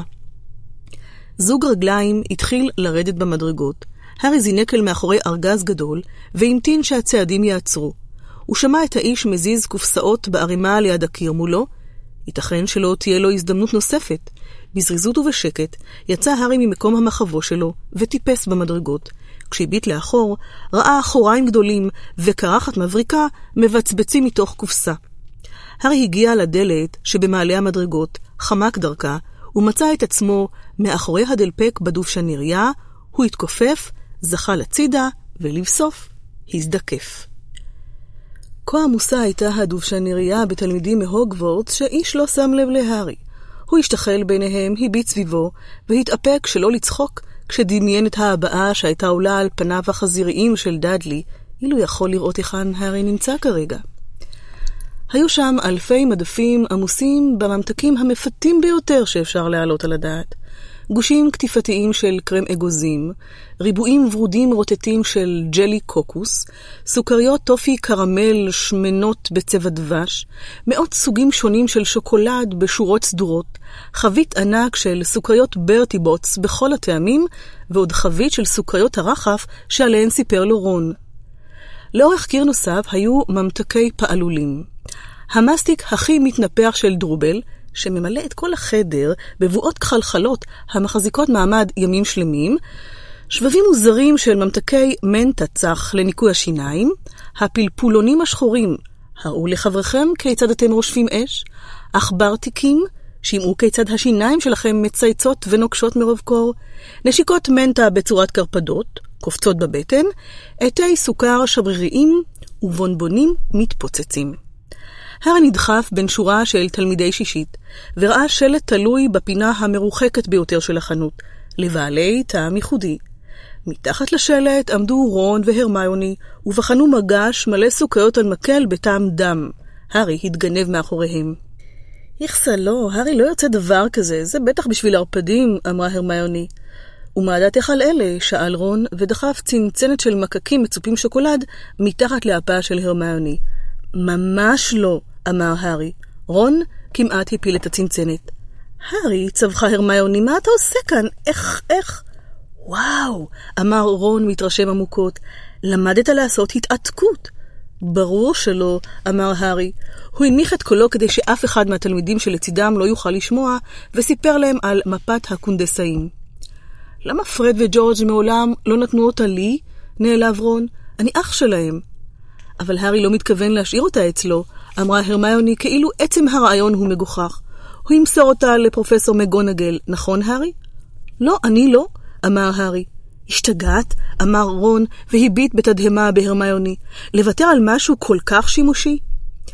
אם אני אמסור אותה לאחד המורים, אני אצטרך לספר איך היא הגיעה לידי, ואז פילץ' ידע שפרד וג'ורג' סחבו אותה. אבל מה לגבי סיריוס בלק? סיננה הרמיוני. ייתכן שהוא משתמש באחד המעברים המסומנים במפה הזאת כדי להיכנס לטירה. המורים חייבים לדעת.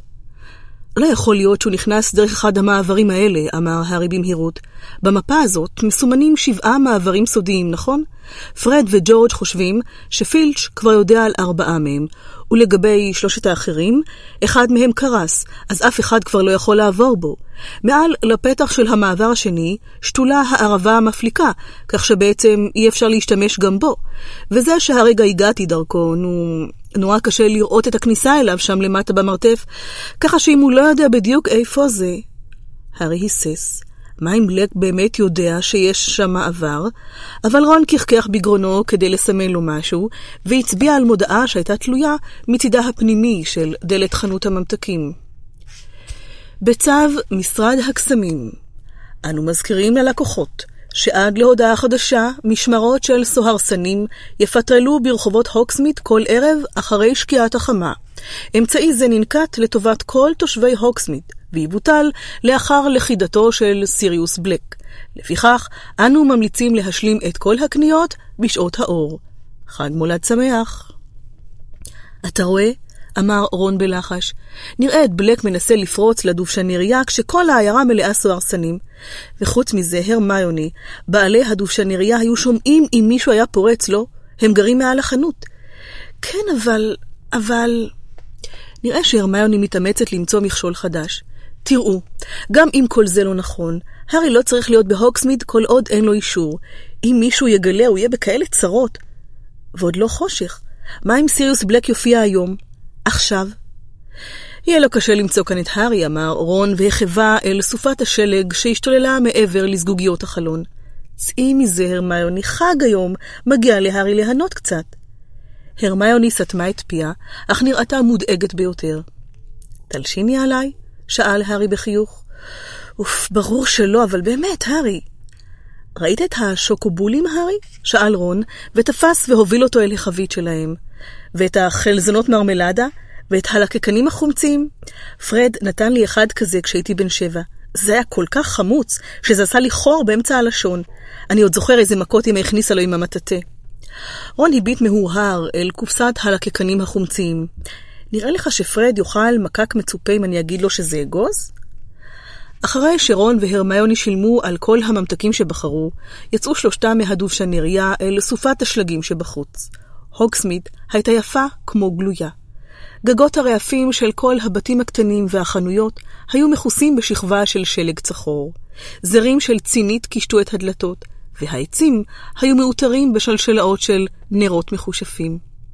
הארי רעד, שלא כמו שני חבריו, הוא לא הצטייד בגלימה החורפית שלו. הם פנו בהמשך הרחוב, מרכינים ראש מפני הרוח, ורון והרמיוני צעקו אליו מתוך הצעיפים שלהם, זה בית הדואר. שמה החנות של זונקו. אפשר ללכת לצריף המצווח. יש לי הצעה בשבילכם, אמר רון בשיניים נוקשות. אולי נלך לשתות ברצפת חמה בפונדק שלושת המטטים?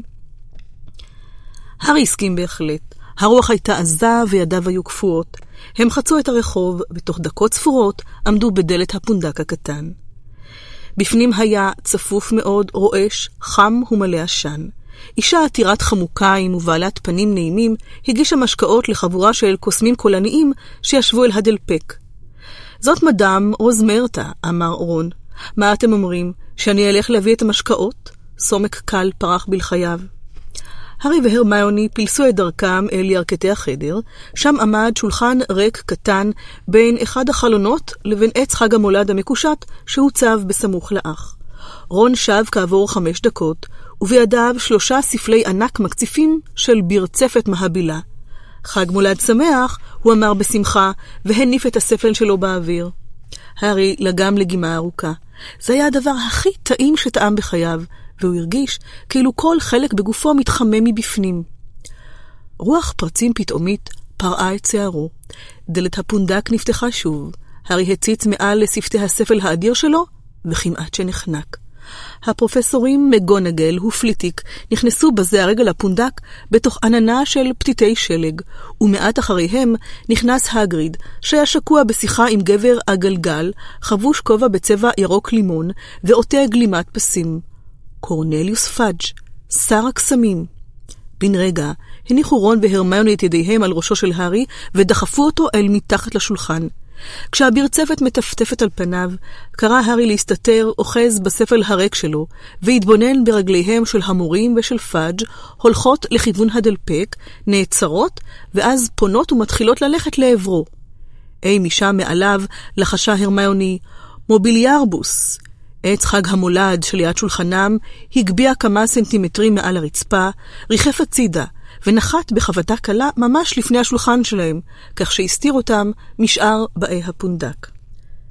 בינות לענפים התחתונים האבותים, ראה הארי ארבעה כיסאות נגררים לאחור מן השולחן הצמוד לשלהם, ואז שמע את אנחותיהם וגניחותיהם של המורים והשר שהתיישבו בכיסאות. אחר כך הוא ראה זוג רגליים נוסף, נעול בנעלי עקב נוצצות בצבע טורקיז, ושמע קול נשי. מי גילי קטן? בשבילי, אמר קולה של הפרופסור מקגונגל. חצי ליטר יין דבש חם? פה רוזמרטה, אמר הגריד. סירופ דובדבנים בסודה עם קרח ומטריה? ממ, המהם הפרופסור פליטיק, מלקק את שפתיו. אם כך, רום האוכמניות האדומות הוא ודאי בשבילך, כבוד השר. תודה לך, רוזמרטה יקירתי, אמר קולו של פאג', נעים לראות אותך שוב, אם יורשה לי לומר. ומה בשבילך? בואי, שבי איתנו. או, תודה רבה, כבוד השר. הארי הסתכל על העקבים הנוצצים שהתרחקו ושוב חזרו. ליבו פעם בחוזקה.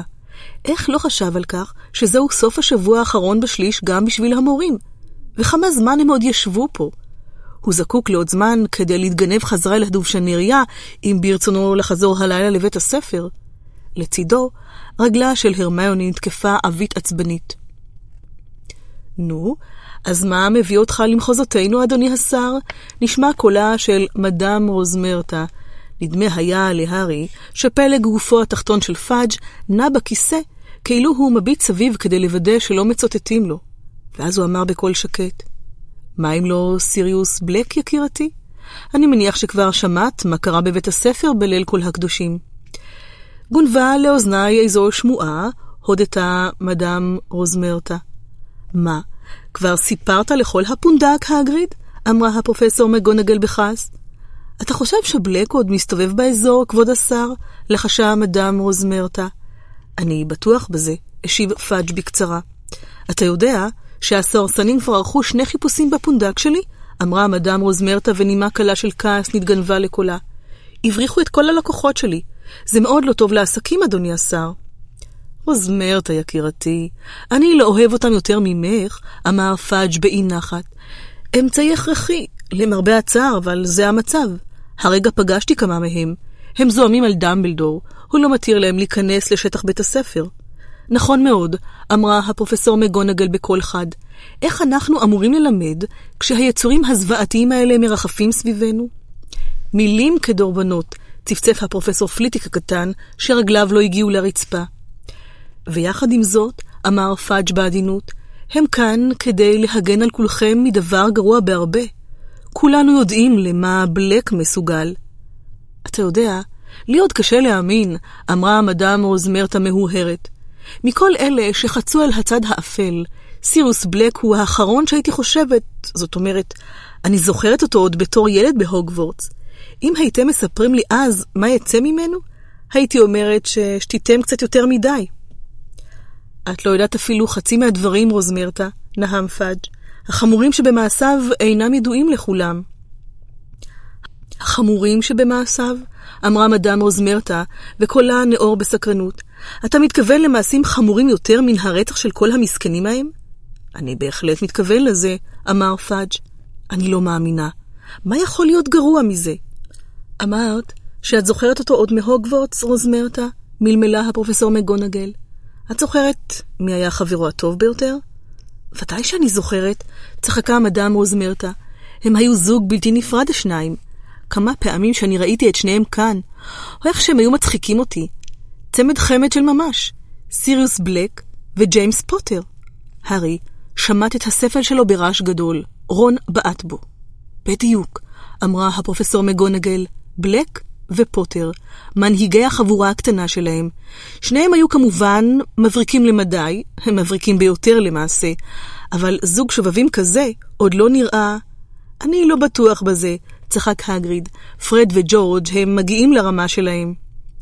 אפשר היה לחשוב שבלק ופוטר הם אחים, הסכים הפרופסור פליטיק, בלתי נפרדים. ממש כך, אמר פאג'. פוטר בטח בבלק יותר מבכל שאר חבריו, וזה לא נגמר אחרי שהם סיימו את הלימודים. בלק היה השושבין בחתונה של ג'יימס ולילי, והוא גם נבחר להיות הסנדק של הארי. להארי אין מושג מכל זה כמובן. אתם יכולים לתאר לעצמכם כיצד הידיעה על כך הייתה מייסרת אותו? כי בסוף התברר שבלק שיתף פעולה עם אתם יודעים מי? לחשה מדאם רוזמרטה? גרוע מזה, יקירתי. פאג' הנמיך את קולו והמשיך במעין המהום עמוק. לא הרבה אנשים יודעים שהפוטרים חשדו שאת יודעת מי מחפש אותם. דמבלדור, שכמובן הקדיש את עצמו למאבק ב"את יודעת מי", העסיק כמה מרגלים. אחד מהם הזהיר אותו, והוא מיד הזעיק את ג'יימס ואת לילי. הוא המליץ להם למצוא מחבו. כמובן שאת יודעת מי, לא היה בדיוק אדם שקל להתחמק ממנו. דמבלדור אמר להם שהסיכוי הטוב ביותר שלהם הוא להשתמש בחישוף פידליוס. איך זה פועל? שאלה מדאם רוזמרטה, שכבר התנשמה בכבדות מרוב עניין. הפרופסור פליטיק כחכח בגרונו. זהו כישוף מורכב ביותר, הוא צייץ, שבמהלכו מצפינים סוד בתוך אדם יחיד כלשהו. המידע מוחבא בתוך אותו אדם, שומר הסוד, ויותר אין כל אפשרות לגלות אותו. אלא אם כן, כמובן, שומר הסוד מחליט לספר אותו. כל עוד שומר הסוד סירב לדבר, את יודעת מי, היה יכול להמשיך ולחפש בכפר שבו התגוררו לילי וג'יימס מכאן ועד להודעה חדשה, ולא למצוא אותם, אפילו אם האף שלו היה צמוד לחלון הסלון שלהם. אז בלק היה שומר הסוד של הפוטרים? לחשה מדאם רוזמרטה. כמובן, אמרה הפרופסור מגונגל. ג'יימס פוטר אמר לדמבלדור שבלק יעדיף למות ולא לגלות איפה הם, ושהוא עצמו מתכנן להסתתר. ולמרות כל זה, דמבלדור דאג. אני זוכרת שהוא הציע שהוא עצמו יהיה שומר הסוד של הפוטרים. הוא חשד בבלק? נדהמה מדאם רוזמרטה. הוא ידע בביטחון מלא שמישהו קרוב לפוטרים מעדכן את את יודעת מי לגבי תנועותיהם, אמרה הפרופסור מגונגל בנימה אפלולית. למעשה, הוא חשד זמן מה שמישהו מהצד שלנו בוגד בו. הוא מעביר הרבה מאוד מידע לאת יודעת מי. אבל ג'יימס פוטר התעקש להשתמש בבלק? אכן כן, אמר פאג' בכבדות, ואז, בקושי שבוע אחרי שכישוף הפידליוס הופעל, בלק בגד בהם? נשפה מדאם רוזמרטה. כך אכן קרה. בלק מאס בתפקידו כסוכן כפול. הוא כבר היה מוכן להצהיר ברבים על תמיכתו באת יודעת מי, ונראה שהוא תכנן לעשות זאת ברגע מותם של הפוטרים. אך כפי שכולנו יודעים, אתם יודעים מי, נחל תבוסה כשפגש בהארי פוטר הקטן. ריק מכל כוחות קסם, חלוש ומובס הוא נמלט, וזה הותיר את בלק בעמדה מאוד מאוד לא נעימה. אדונו נחל תבוסה באותו רגע ממש שבו הוא, בלק, חשף את פני הבוגד האמיתיים שלו. לא הייתה לו ברירה אלא לנוס על נפשו. זה חתיכת בוגד מסריח, אמר הגריד בקול רם כל כך, עד שחצי החדר השתתק. ששש, אמרה הפרופסור מגונגל.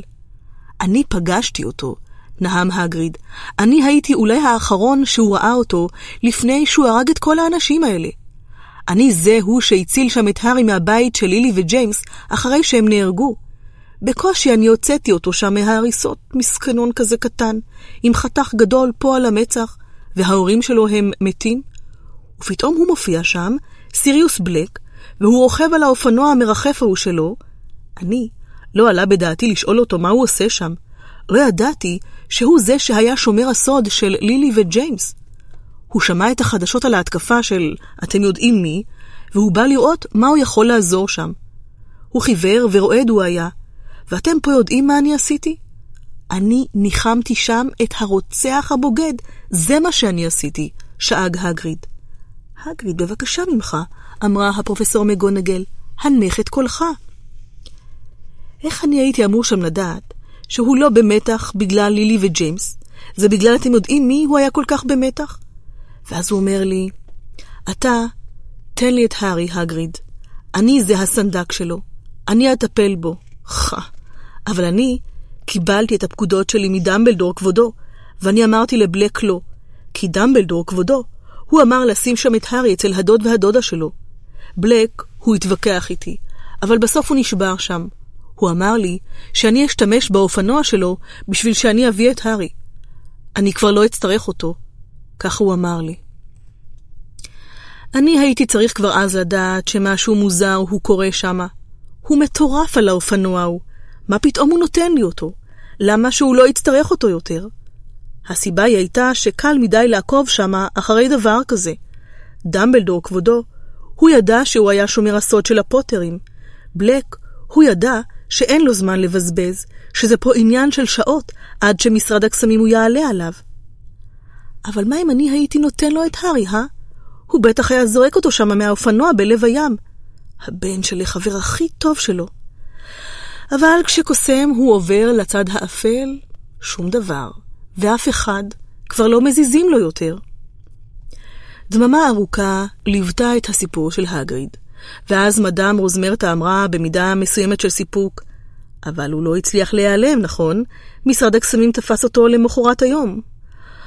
אוי, הלוואי שכך היה, אמר פאג' במרירות. לא אנחנו מצאנו אותו. זה היה פיטר פטיגרו הקטן, עוד אחד מהחברים של הפוטרים, איבד את שפיותו מרוב אבל, ללא ספק. הוא ידע שבלק היה שומר הסוד של הפוטרים, ויצא לחפש אותו בכוחות עצמו. פטיגרו, הילד השמנמן ההוא, שתמיד היה מתלווה אליהם כשהם היו תלמידים? שאלה מדאם רוזמרטה.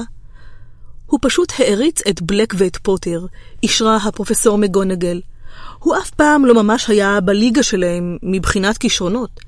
אני חוששת שלעיתים החמרתי איתו יותר מדי. את יכולה לתאר לעצמך עד כמה אני... כמה אני מצטערת על כך היום. היא נשמעה פתאום כאילו היא מצוננת. נו נו, מינרווה, אמר פאג' בקול רך. פטיגרו מת מות גיבורים. עדי ראייה, מוגלגים כמובן, ומאוחר יותר מחקנו את הזיכרונות שלהם, סיפרו לנו כיצד פטיגרו דחק את בלק לפינה. הם אומרים שהוא בכה. לילי וג'יימס, סיריוס, איך? ואז הוא הושיט את ידו לשרביט שלו. מובן שבלק היה זריז יותר, הוא פוצץ את פטיגרו לרסיסים. הפרופסור מגונגל קינחה את אפה ואמרה בקול חנוק, ילד מטומטם, ילדון טיפש. הוא תמיד היה חסר סיכוי בדו-קרב. היה צריך להשאיר את העבודה למשרד הקסמים. ואני אומר, שאם אני הייתי מגיע אל בלק עוד לפני שפטיגרו הקטן הוא מצא אותו, אני לא הייתי מבזבז שם הזמן על שרביטים, אני הייתי פשוט קורע לו את הצורה שלו, נהם הגריד. אתה לא יודע על מה אתה מדבר, הגריד, נזף בו פאג'. מרגע שבלק ידע שהוא לחוד, לאף אחד לא היה סיכוי נגדו מלבד לצלפים מאומנים מן החוליה לאכיפת חוקי הקסמים. אני הייתי אז ראש לשכה במחלקה לאסונות קסם, והייתי אחד הראשונים שהגיעו למקום אחרי שבלק רצח את כל אותם אנשים. אני? אני לעולם לא אשכח זאת. לפעמים אני עוד חולם על זה בלילה. נפער בור באמצע הרחוב, כל כך עמוק, עד שנסדקו צינורות הביוב שלמטה. גופות בכל מקום, מוגלגים צורכים. ובלק עומד שם, צוחק, ומולו מה שנותר מפטיגרו, ערימה של בגדים ספוגי דם ו... כמה שאריות. קולו של פאג' נדם בבת אחת, נשמע קול קינוח של חמישה אפים. אז הנה לך כל הסיפור, רוזמרטה, אמר פאג' בקול חנוק. בלק נלקח משם בידי עשרים מאנשי החוליה לאכיפת חוקי הקסמים, ופטיגרו זכה באות מסדר מרלין, דרגה ראשונה, שלדעתי הביא נחמה פעוטה לאמו המסכנה, ובלק ישב באזקבן מאז אותו יום. מדאם רוזמרתה פלטה הנחה ארוכה. זה נכון שהוא השתגע, אדוני השר? הלוואי שידעתי להגיד בוודאות, אמר פאג' בקול איטי. אני בהחלט סבור שתבוסת אדונו ערערה אותו לזמן מה. הרצח של פטיגרו וכל אותם מוגלגים היה פעולה של אדם לחוד ונואש, אכזרית, חסרת טעם. אך בסיור האחרון שלי באזקבן פגשתי את בלק. את יודעת, מרבית האסירים שם יושבים בחושך וממלמלים לעצמם, אי אפשר לדבר איתם. אבל כשראיתי את בלק, נדהמתי כמה נורמלי הוא נראה. הוא שוחח איתי במילים שקולות מאוד. זה היה כמעט מפחיד. כאילו הוא רק משועמם. שאל אותי אם סיימתי לקרוא את העיתון שלי, רגוע לגמרי, אמר שחסרים לו תשבצי ההיגיון. כן, נדהמתי לראות כמה מעט השפיעו עליו הסוהרסנים, והוא היה אחד האסירים השמורים ביותר במקום, את יודעת. סוהרסנים היו ניצבים על דלתו יומם ולילה. לשם מה לדעתך הוא ברח מהכלא? שאלה מדאם רוזמרתה. ישמרני האל, כבוד השר, אתה לא חושב שהוא מנסה לחבור שוב אל אתה יודע מי? אני מניח שזוהי התוכנית שלו אה, בסופו של דבר, התחמק פאג', אבל אנחנו מקווים לתפוס את בלק עוד הרבה קודם לכן. אני חייב לומר, את יודעת מי לבדו ובלי חברים, זה דבר אחד. אבל אם תחזירי לו את המשרת המסור שלו, מפחיד לחשוב כמה מהר הוא עלול לחזור לשלטון. נשמעה נקישה שקטה של זכוכית על עץ. מישהו הניח את הכוס שלו. אתה יודע, קורנליוס, אם הוזמנת לסעוד עם המנהל, כדאי שנחזור לטירה, אמרה הפרופסור מגונגל. אחד-אחד, זוגות הרגליים מול הארי שוב עמסו עליהם את משקל בעליהם. שולי הגלימה נכרחו סביבם, ועקביה הנוצצים של מדאם רוזמרטה נעלמו מאחורי הדלפק. דלת הפונדק נפתחה שוב, משב של שלג פרץ אל החדר, והמורים נעלמו. הארי? פניהם של רון והרמיוני הופיעו מתחת לשולחן. שניהם הביטו בו, חסרי מילים. פרק 11 עמוד 218 אש המחץ הארי לא ממש זכר איך הצליח לחזור למרתף של הדובשנריה דרך המנהרה ובחזרה לטירה. כל שידע הוא שהדרך חזרה נראתה לו קצרה מאוד, ושבקושי שם לב למעשיו, כי ראשו היה עדיין מלא בשיחה שזה עתה שמע. למה אף אחד מעולם לא סיפר לו על זה? דמבלדור, הגריד, אדון ויזלי, קורנליוס פאג'. מדוע איש מהם מעולם לא הזכיר את העובדה שהוריו של הארי מתו בגלל שחברם הטוב ביותר בגד בהם? רון והרמיוני הסתכלו על הארי בדאגה במשך כל ארוחת הערב, ולא העזו לדבר על מה ששמעו, מפני שפרסי ישב קרוב אליהם. כשעלו למעלה, לחדר המועדון הצפוף, הם גילו שפרד וג'ורג' פוצצו חצי תריסר פיצצות זבל בפרץ של התרוממות רוח לכבוד סוף השליש. הארי, שלא רצה שפרד או ג'ורג' ישאלו אותו אם הגיע בסופו של דבר להוגסמיד, התגנב בשקט אל חדר השינה הריק, והלך ישר אל הארונית שליד המיטה שלו. הוא הזיז הצידה את הספרים, ומיד גילה את מה שחיפש, אלבום התמונות המהודר שקיבל במתנה מהגריד לפני שנתיים, ושהיה מלא בתצלומי קסם של אביו ואימו. הוא התיישב על המיטה, הסתתר מאחורי הקהילה, והתחיל לעיין בעמודים בחיפוש עד ש... הוא נעצר בתמונה מיום החתונה של הוריו. הנה אביו, מנופף אליו, פניו קורנים, ושערו השחור והפרוע, שאותו הוריש להארי, מזדקר לכל הכיוונים. והנה אמו, זורחת מרוב אושר, משלבת את זרועה בזרועו של אביו, והנה, כנראה שזה הוא, השושבין שלהם. הארי מעולם לא הקדיש לו מחשבה. אלמלא ידע שזה הוא, לעולם לא היה מנחש שהאיש בצילום הישן הוא בלק. פניו לא היו שקועים ושאבניים, אלא נעים, מלאי צחוק. האם כבר אז, כשצולמה התמונה, הוא עבד בשירותו של וולדמורט? האם כבר אז תכנן את מותם של שני האנשים שעמדו לצידו?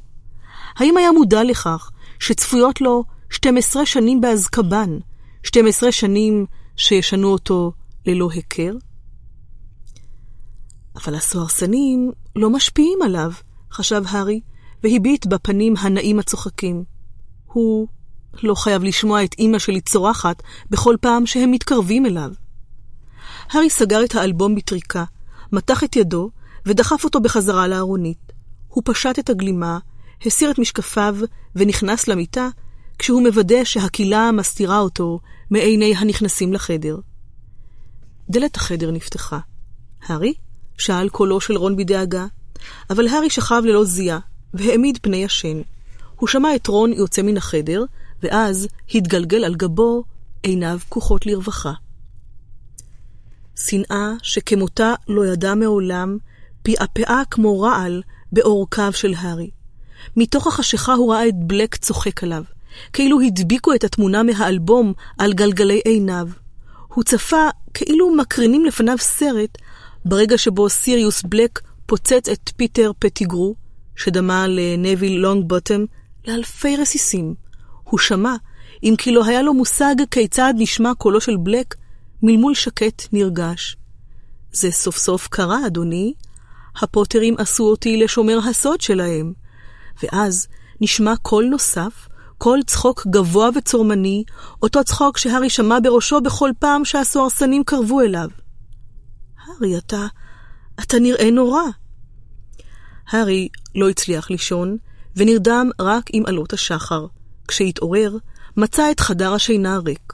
הוא התלבש, וירד במדרגות הלולייניות אל חדר המועדון, שהיה ריק מאדם מלבד רון, שאכל נשיקת מנטה בצורת קרפדה ומששת בטנו, והרמיוני, שפרסה את שיעורי הבית שלה על שלושה שולחנות. איפה כולם? שאל הארי. הלכו. זה היום הראשון של החופש, זוכר? אמר רון, והביט היטב בפניו של הארי.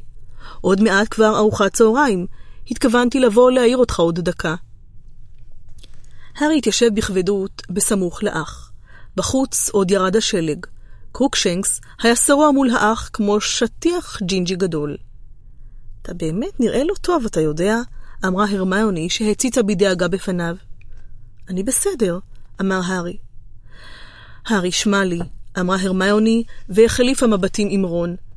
אתה ודאי מוטרד בגלל מה ששמענו אתמול, אבל תזכור שאסור לך לעשות שום דבר פזיז. כמו מה? שאל הארי. כמו לצאת בעקבות בלק, אמר רון בקול חד. הארי הבין שהם תכננו את השיחה הזאת בזמן שישן. הוא לא אמר דבר. לא תעשה את זה, נכון? אמרה הרמיוני. כי לא שווה למות בשביל בלק, אמר רון. הארי הסתכל עליהם. נראה שהם בכלל לא מבינים. אתם יודעים מה אני רואה ושומע בכל פעם שאחד הסוהרסנים מתקרב אליי? רון והרמיוני הנידו בראשיהם לשלילה, ובעיניהם היה מבט מודאג. אני שומע איך אמא שלי צורחת ומתחננת לרחמים לפני וולדמורט, ואם אתם הייתם שומעים את אמא שלכם צורחת ככה, רגע לפני שרוצחים אותה, לא הייתם שוכחים את זה כל כך מהר. ואם הייתם מגלים שמישהו שהיה אמור להיות חבר שלה בגד בה, ושלח אחריה את וולדמורט, אבל אתה לא יכול לעשות שום דבר, אמרה הרמיוני, שנראתה מזועזעת.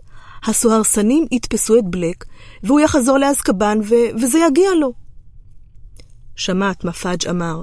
אזקבן לא משפיע על בלק כמו על כל בן אדם נורמלי. בשבילו זה לא עונש כמו בשביל האחרים. אז מה אתה אומר בעצם? אמר רון מתוח מאוד. אתה רוצה... אתה רוצה להרוג את בלק או משהו? אל תהיה טיפש, אמרה הרמיוני בבהלה. הארי לא רוצה להרוג אף אחד. נכון, הארי? הארי שוב לא ענה. הוא לא ידע מה הוא רוצה לעשות. כל מה שידע הוא שהרעיון לא לעשות כלום, בעוד בלק ממשיך להסתובב חופשי, הוא בלתי נסבל בעיניו. מאלפו יודע, הוא אמר פתאום, זוכרים מה הוא אמר לי בשיעור שיקויים? אני במקומך הייתי צד אותו בעצמי. הייתי רוצה נקמה. אתה מתכוון לשמוע לעצה של מאלפוי ולא לנו? אמר רון בזעם. תקשיב, אתה יודע מה הביאו לאמא של פטיגרו אחרי שבלק גמר אותו? אבא סיפר לי. את אות מסדר מרלין, דרגה ראשונה, ואת האצבע של פטיגרו בתוך קופסה. זה החלק הכי גדול שהצליחו למצוא ממנו. פלק מטורף, הארי, והוא מסוכן. בטח אבא של מאלפוי סיפר לו, אמר הארי מתעלם מרון. הוא היה ממש במעגל הפנימי של וולדמורט. אולי תגיד, אתה יודע מי כמו כולם? התפרץ רון בכעס. אז ברור שמשפחת מאלפוי ידעה שבלק עובד בשביל וולדמורט. ומאלפוי יחגוג אם אתה תתפוצץ למיליון רסיסים כמו פטיגרו. תפתח כבר את העיניים, מאלפוי רק רוצה שתמות לפני שהוא ייאלץ לשחק נגדך קווידיץ'. הארי, בבקשה, התחננה הרמיוני, ועיניה נצצו מדמעות. בבקשה תתחיל לחשוב בהיגיון. בלק עשה דבר איום, איום ונורא, אבל אל תעמיד את עצמך בסכנה, זה בדיוק מה שבלק רוצה. אוי, הארי, אתה תשחק בדיוק לידיים של בלק אם תלך לחפש אותו. אמא ואבא שלך לא היו רוצים שתיפגע, נכון? הם לא היו רוצים שתצא לחפש את בלק. אני אף פעם לא אדע מה הם היו רוצים, מפני שהודות לבלק מעולם לא יצא לי לדבר איתם, אמר הארי בקצרה. השתררה דממה, וקרוקשנקס התמתח בעונג, חושף ציפורניים. הכיס של רון רעד. תראו, אמר רון, שרצה להחליף נושא. אנחנו בחופש, עוד מעט חג. בואו, בואו נלך לבקר את הגריד. לא ביקרנו אותו כבר המון זמן. לא, אמרה הרמיוני מהר. הארי לא אמור לצאת מהטירה, רון. כן, בואו נלך, אמר הארי והזדקף במקומו. ואז אני אוכל לשאול אותו איך קרה שהוא אף פעם לא הזכיר את בלק בכל הסיפורים שהוא סיפר לי על ההורים שלי. רון לא התכוון להמשיך בדיון על סיריוס בלק. או שאולי נשחק שח, הוא מיהר להוסיף, או גוג'ואים? פרסי השאיר פה כמה? לא. נלך לבקר את הגריד, התעקש הארי. הם ניגשו להביא את הגלימות מחדריהם, ויצאו דרך החור שמאחורי התמונה. הילחמו כמו גברים פחדנים בני בליעל. הלכו במסדרונות הטירה הריקה, ויצאו בדלתות הראשיות העשויות עץ אלון. הם עשו את דרכם לאיתם במדשאות, חורצים תעלה רדודה בשלג הנוצץ, הפריך. גרביהם ושולי הגלימות שלהם נרטבו וקפאו, היער האסור נראה קסום. כל עץ ועץ בו היה מכוסה בציפוי של כסף, והבקתה של הגריד נראתה כמו עוגה מקושטת בקרם. רון דפק בדלת, אך לא נשמעה כל תשובה. מה, הוא יצא? אני לא מאמינה, אמרה הרמיוני שרעדה מקור למרות הגלימה שלה. רון הצמיד את אוזנו אל הדלת. יש שם רעש מוזר, הוא אמר. תקשיבו, זה פאנג? גם הארי והרמיוני הצמידו את אוזנם לדלת. מתוך הבקתה נשמעה סדרה של ענקות שקטות וקצרות. אתם חושבים שכדאי לקרוא למישהו? שאל רון בעצבנות. הגריד, קרא הארי הולם בדלת, הגריד אתה שם? נשמע קול צעדים כבדים, והדלת נפתחה בחריקה. הגריד עמד שם בעיניים אדומות ונפוחות, דמעות זלגו על מקטורן האור שלו. אתם שמעתם, הוא שאג, והשליך את עצמו על צווארו של הארי. בהתחשב בזה שהגריד היה גדול בערך פי שניים מכל אדם נורמלי, זה לא היה עניין של מה בכך. הארי עמד לקרוס תחת משקלו של הגריד, אך ניצל ברגע האחרון בזכות רון והרמיוני. כל אחד מהם תפס באחת מזרועותיו של הגריד, והם נשאו אותו בעזרתו של הארי בחזרה אל תוך הבקתה. הגריד הניח להם להוליך אותו אל אחד הכיסאות, והתמוטט על השולחן, בוכה ללא שליטה, פניו מזוגגים בדמעות שניגרו אל תוך זקנו הסבוך. הגריד, מה קרה? שאלה הרמיוני בבהלה. הארי הבחין במכתב רשמי למראה, שהיה מונח פתוח על השולחן. מה זה, הגריד? הבכי של הגריד התחזק פי שניים, אך הוא דחף את המכתב לעברו של הארי שנטל אותו, וקרא. מר הגריד היקר, בהמשך לחקירה שערכנו בעניין היפוגריף שתקף תלמיד בכיתתך, הוחלט לקבל את קביעתו של הפרופסור דמבלדור, ולפיה אתה אינך נושא באחריות לתאונה המצערת. נו, זה טוב מאוד, הגריד, אמר רון, וטפח על שכמו של הגריד. אבל הגריד המשיך לבכות, ונופף באחת מידיו הענקיות, מורה להארי להמשיך לקרוא. עם זאת, עלינו לציין את חששותינו לגבי ההיפוגריף הנידון, אשר על כן החלטנו להיעתר לתלונתו הרשמית של מר לוציוס מאלפוי, ולהעביר עניין זה לטיפולה של הוועדה להשמדת יצורים מסוכנים. השימוע ייערך ב-20 באפריל. אנו מבקשים ממך להתייצב בתאריך זה בלוויית ההיפוגריף במשרדי הוועדה בלונדון. עד למועד זה הנך מתבקש להחזיק את ההיפוגריף קשור ברצועה ומבודד. שלך בכבוד רב. ובהמשך היו חתומים חברי הנהלת בית הספר. אוי, אמר רון, אבל אמרת שבקביק הוא לא היפוגריף רע, בטח ישחררו אותו. אתה לא מכיר שמה את המפלצות ההם, בוועדה להשמדת יצורים מסוכנים, השתנק הגריד, הוא מחה את עיניו בשרוולו. הם, יש להם משהו נגד יצורים מעניינים. רעש פתע מאחת הפינות בבקתה של הגריד הקפיץ את הארי, רון והרמיוני. בקביק ההיפוגריף שכב בפינה, לועס משהו שותת דם שהיה מוטל על הרצפה. אני לא מסוגל להשאיר אותו קשור שם בחוץ בשלג, השתנק הגריד, ולגמרי לבד, בחג. הארי, רון והרמיוני החליפו מבטים. הם מעולם לא הגיעו לכלל הסכמה עם הגריד בדבר מה שהוא נהג לכנות אה, יצורים מעניינים, ושאנשים אחרים היו מתארים כמפלצות מעוררות אימה. מצד שני, בקביק לא נראה כרגע מסוכן במיוחד, למען האמת, יחסית לאמות המידה הרגילות של הגריד, הוא היה ממש חמוד. תצטרך לבנות קו הגנה מוצלח, הגריד, אמרה הרמיוני, והתיישבה, והניחה את ידה על זרועו הענקית של הגריד. אני משוכנעת שתצליח להוכיח שבקביק איננו מסוכן. זה לא ישנה, התייפח הגריד. השטנים האלה שם בהשמדה, כולם הם יושבים בכיס הקטן של מאלפוי, מפחדים ממנו. ואם אני אפסיד שמה בשימוע, בקביק. הגריד מתח באצבעו קו על צווארו, ואז פלט יללה ארוכה וקרס על השולחן, חופן את פניו בכפות ידיו. ומה לגבי דמבלדור, הגריד? הציע הארי.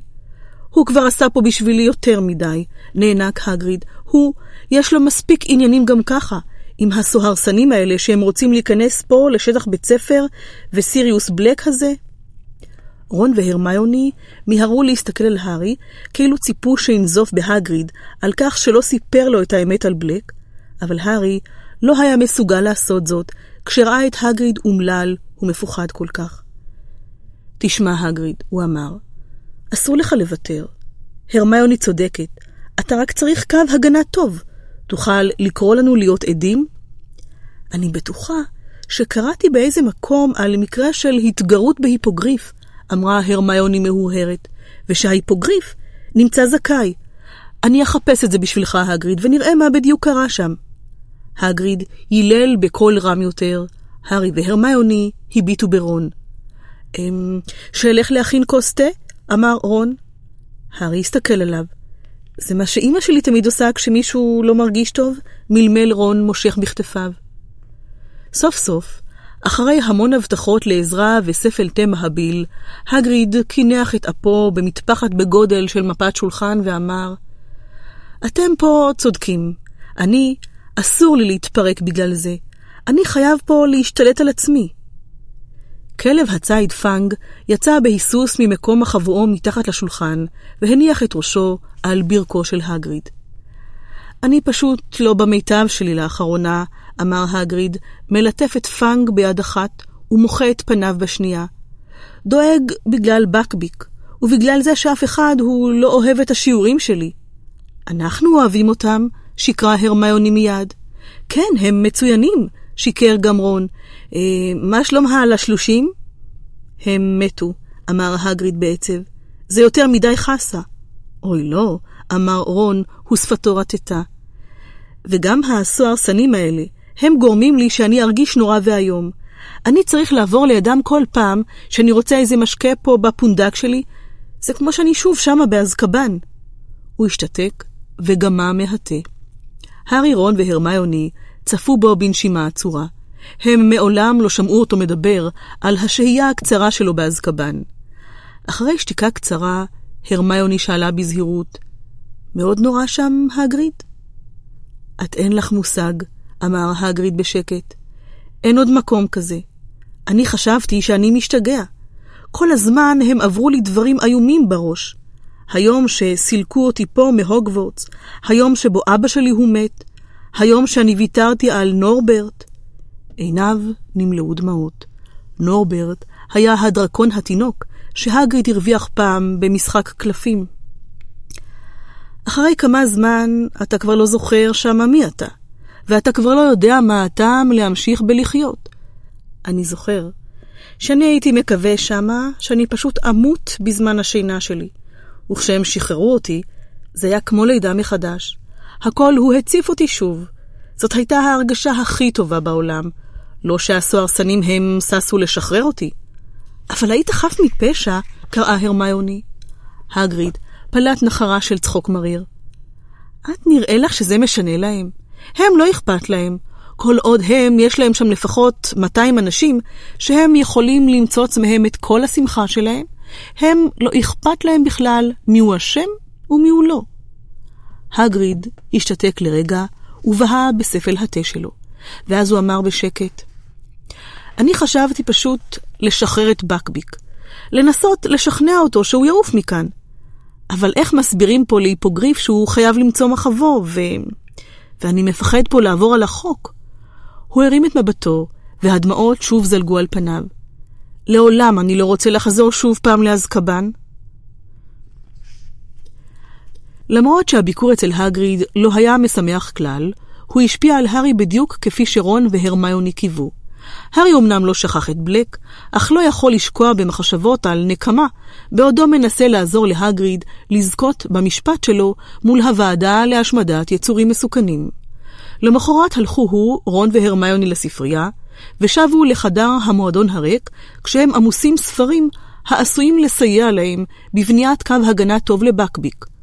שלושתם ישבו מול האח הבוערת, ועלעלו באיטיות בספרים מאובקים על מקרים משפטיים מפורסמים של בעלי חיים שהתפרעו.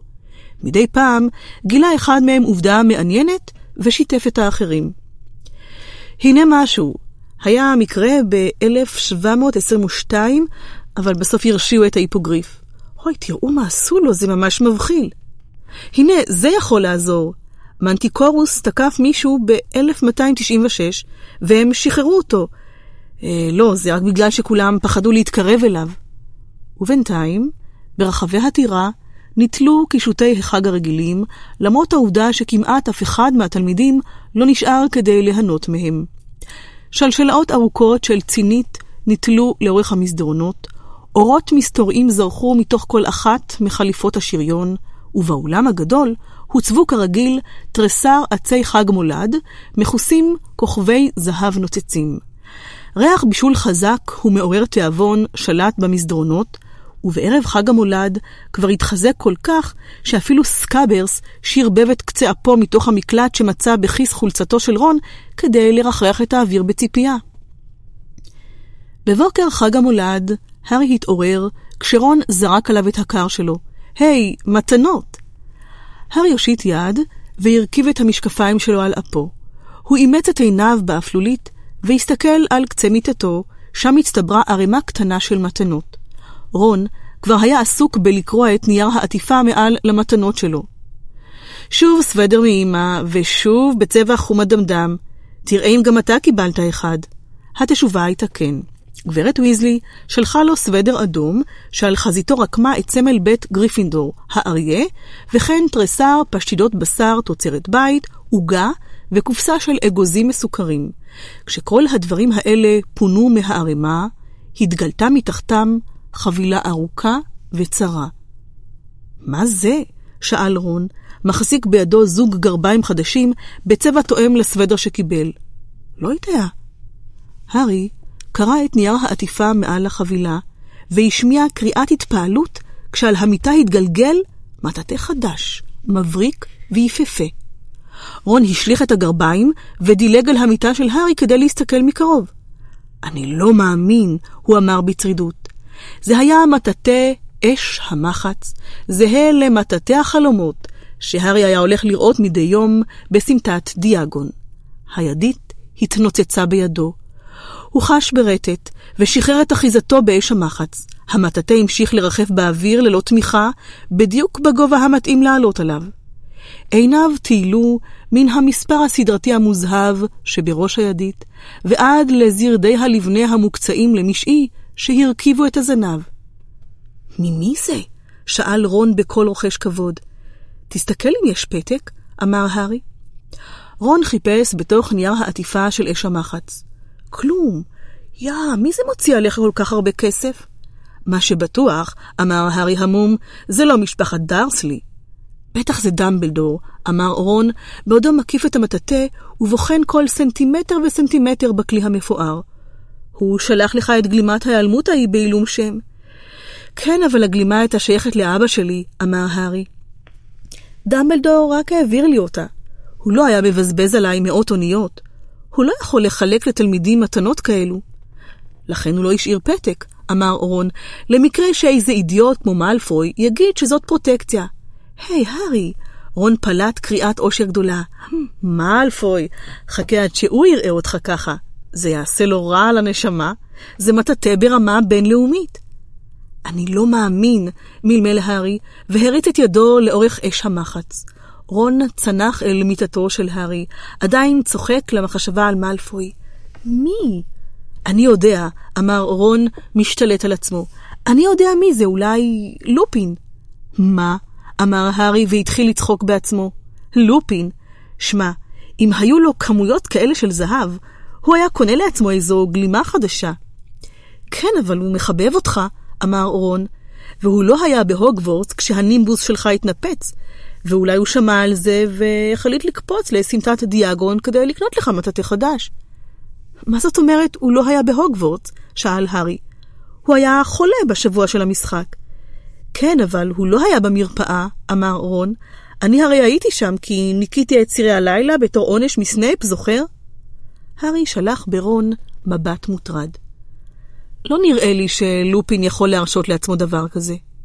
מה כל כך מצחיק? זאת הייתה הרמיוני. היא נכנסה בפיג'מה, והחזיקה בידיה את קרוקשנקס, שנראה נרגן ביותר, אולי כי סביב צווארו הייתה קשורה שרשרת של קישוטי חג כסופים. אל תכניסי אותו לכאן, אמר רון, ומיהר לחטוף את סקאברס ממיטתו ולאחסן אותו בכיס הפיג'מה שלו. אבל הרמיוני לא הקשיבה. היא הורידה את קרוקשנקס אל המיטה הריקה של שיימוס, ובהתה בפה פעור באש המחץ. הארי, וואו, ממי קיבלת את זה? אין לי מושג, אמר הארי. לא הגיע עם זה שום פתק או משהו. להפתעתו הגדולה, לא נראה שהמידע הזה ריגש או סקרן את הרמיוני במיוחד. ההפך הוא הנכון. פניה נפלו, והיא נשכה את שפתה. מה קרה לך? שאל רון. לא יודעת, אמרה הרמיוני באיטיות. אבל זה לא נראה לכם מוזר? זאת אומרת, המטאטא הזה אמור להיות די טוב, לא? רון נאנח בייאוש. זה המטאטא הכי טוב שיש, הרמיוני, הוא אמר. אז הוא בטח היה נורא יקר. מן הסתם זה עלה יותר מכל המטאטים של קבוצת סליצווין ביחד, אמר רון בשמחה.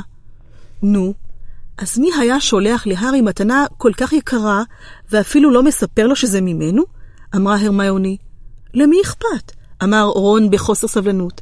שמע, הארי, אתה מרשה לי לעשות עליו סיבוב? בבקשה.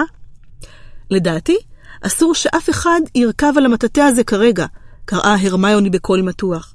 הארי ורון הסתכלו עליה. אז מה הארי אמור לעשות איתו? לטאטא את הרצפה? שאל רון. אך לפני שהרמיוני הספיקה לענות, קוקשנקס זינק ממיטתו של שיימוס ישר אל תוך חזהו של רון. תוציאו אותו מכאן תכף ומיד! שאג רון. הטפרים של קרוקשנקס קרעו את בד הפיג'מה שלו, וסקאברס ניסה לנוס בקפיצה מעל לכתפו. רון תפס בזנבו של סקאברס וניסה בו זמנית לבעוט בקרוקשנקס, אך בטעות בעט במזוודה שבקצה המיטה של הארי, שנפלה על צידה, וקיפץ מעלה ומטה מיילל מכאב. פרוותו של קרוקשנקס סמרה לפתע. שריקה גבוהה ודקיקה מילאה את החדר. המלשינוסקופ נפל מתוך הגרביים הישנים של הדוד ורנון, והסתובב סחור סחור על הרצפה מהבהב. שכחתי מזה, אמר הארי, ורכן להרים את המלשינוסקופ. אני בדרך כלל משתדל לא ללבוש את הגרביים האלה. המלשינוסקופ הסתובב ושרק בכף ידו. קרוקשנקס הרסיס וירק לכיוונו. חסר לך שלא תוציאי מכאן את החתול הזה, הרמיוני, אמר רון בזעם. הוא ישב על מיטתו של הארי, ושפשף את אצבע רגלו הפצועה. אתה לא מסוגל להשתיק את הדבר הזה? הוא הוסיף.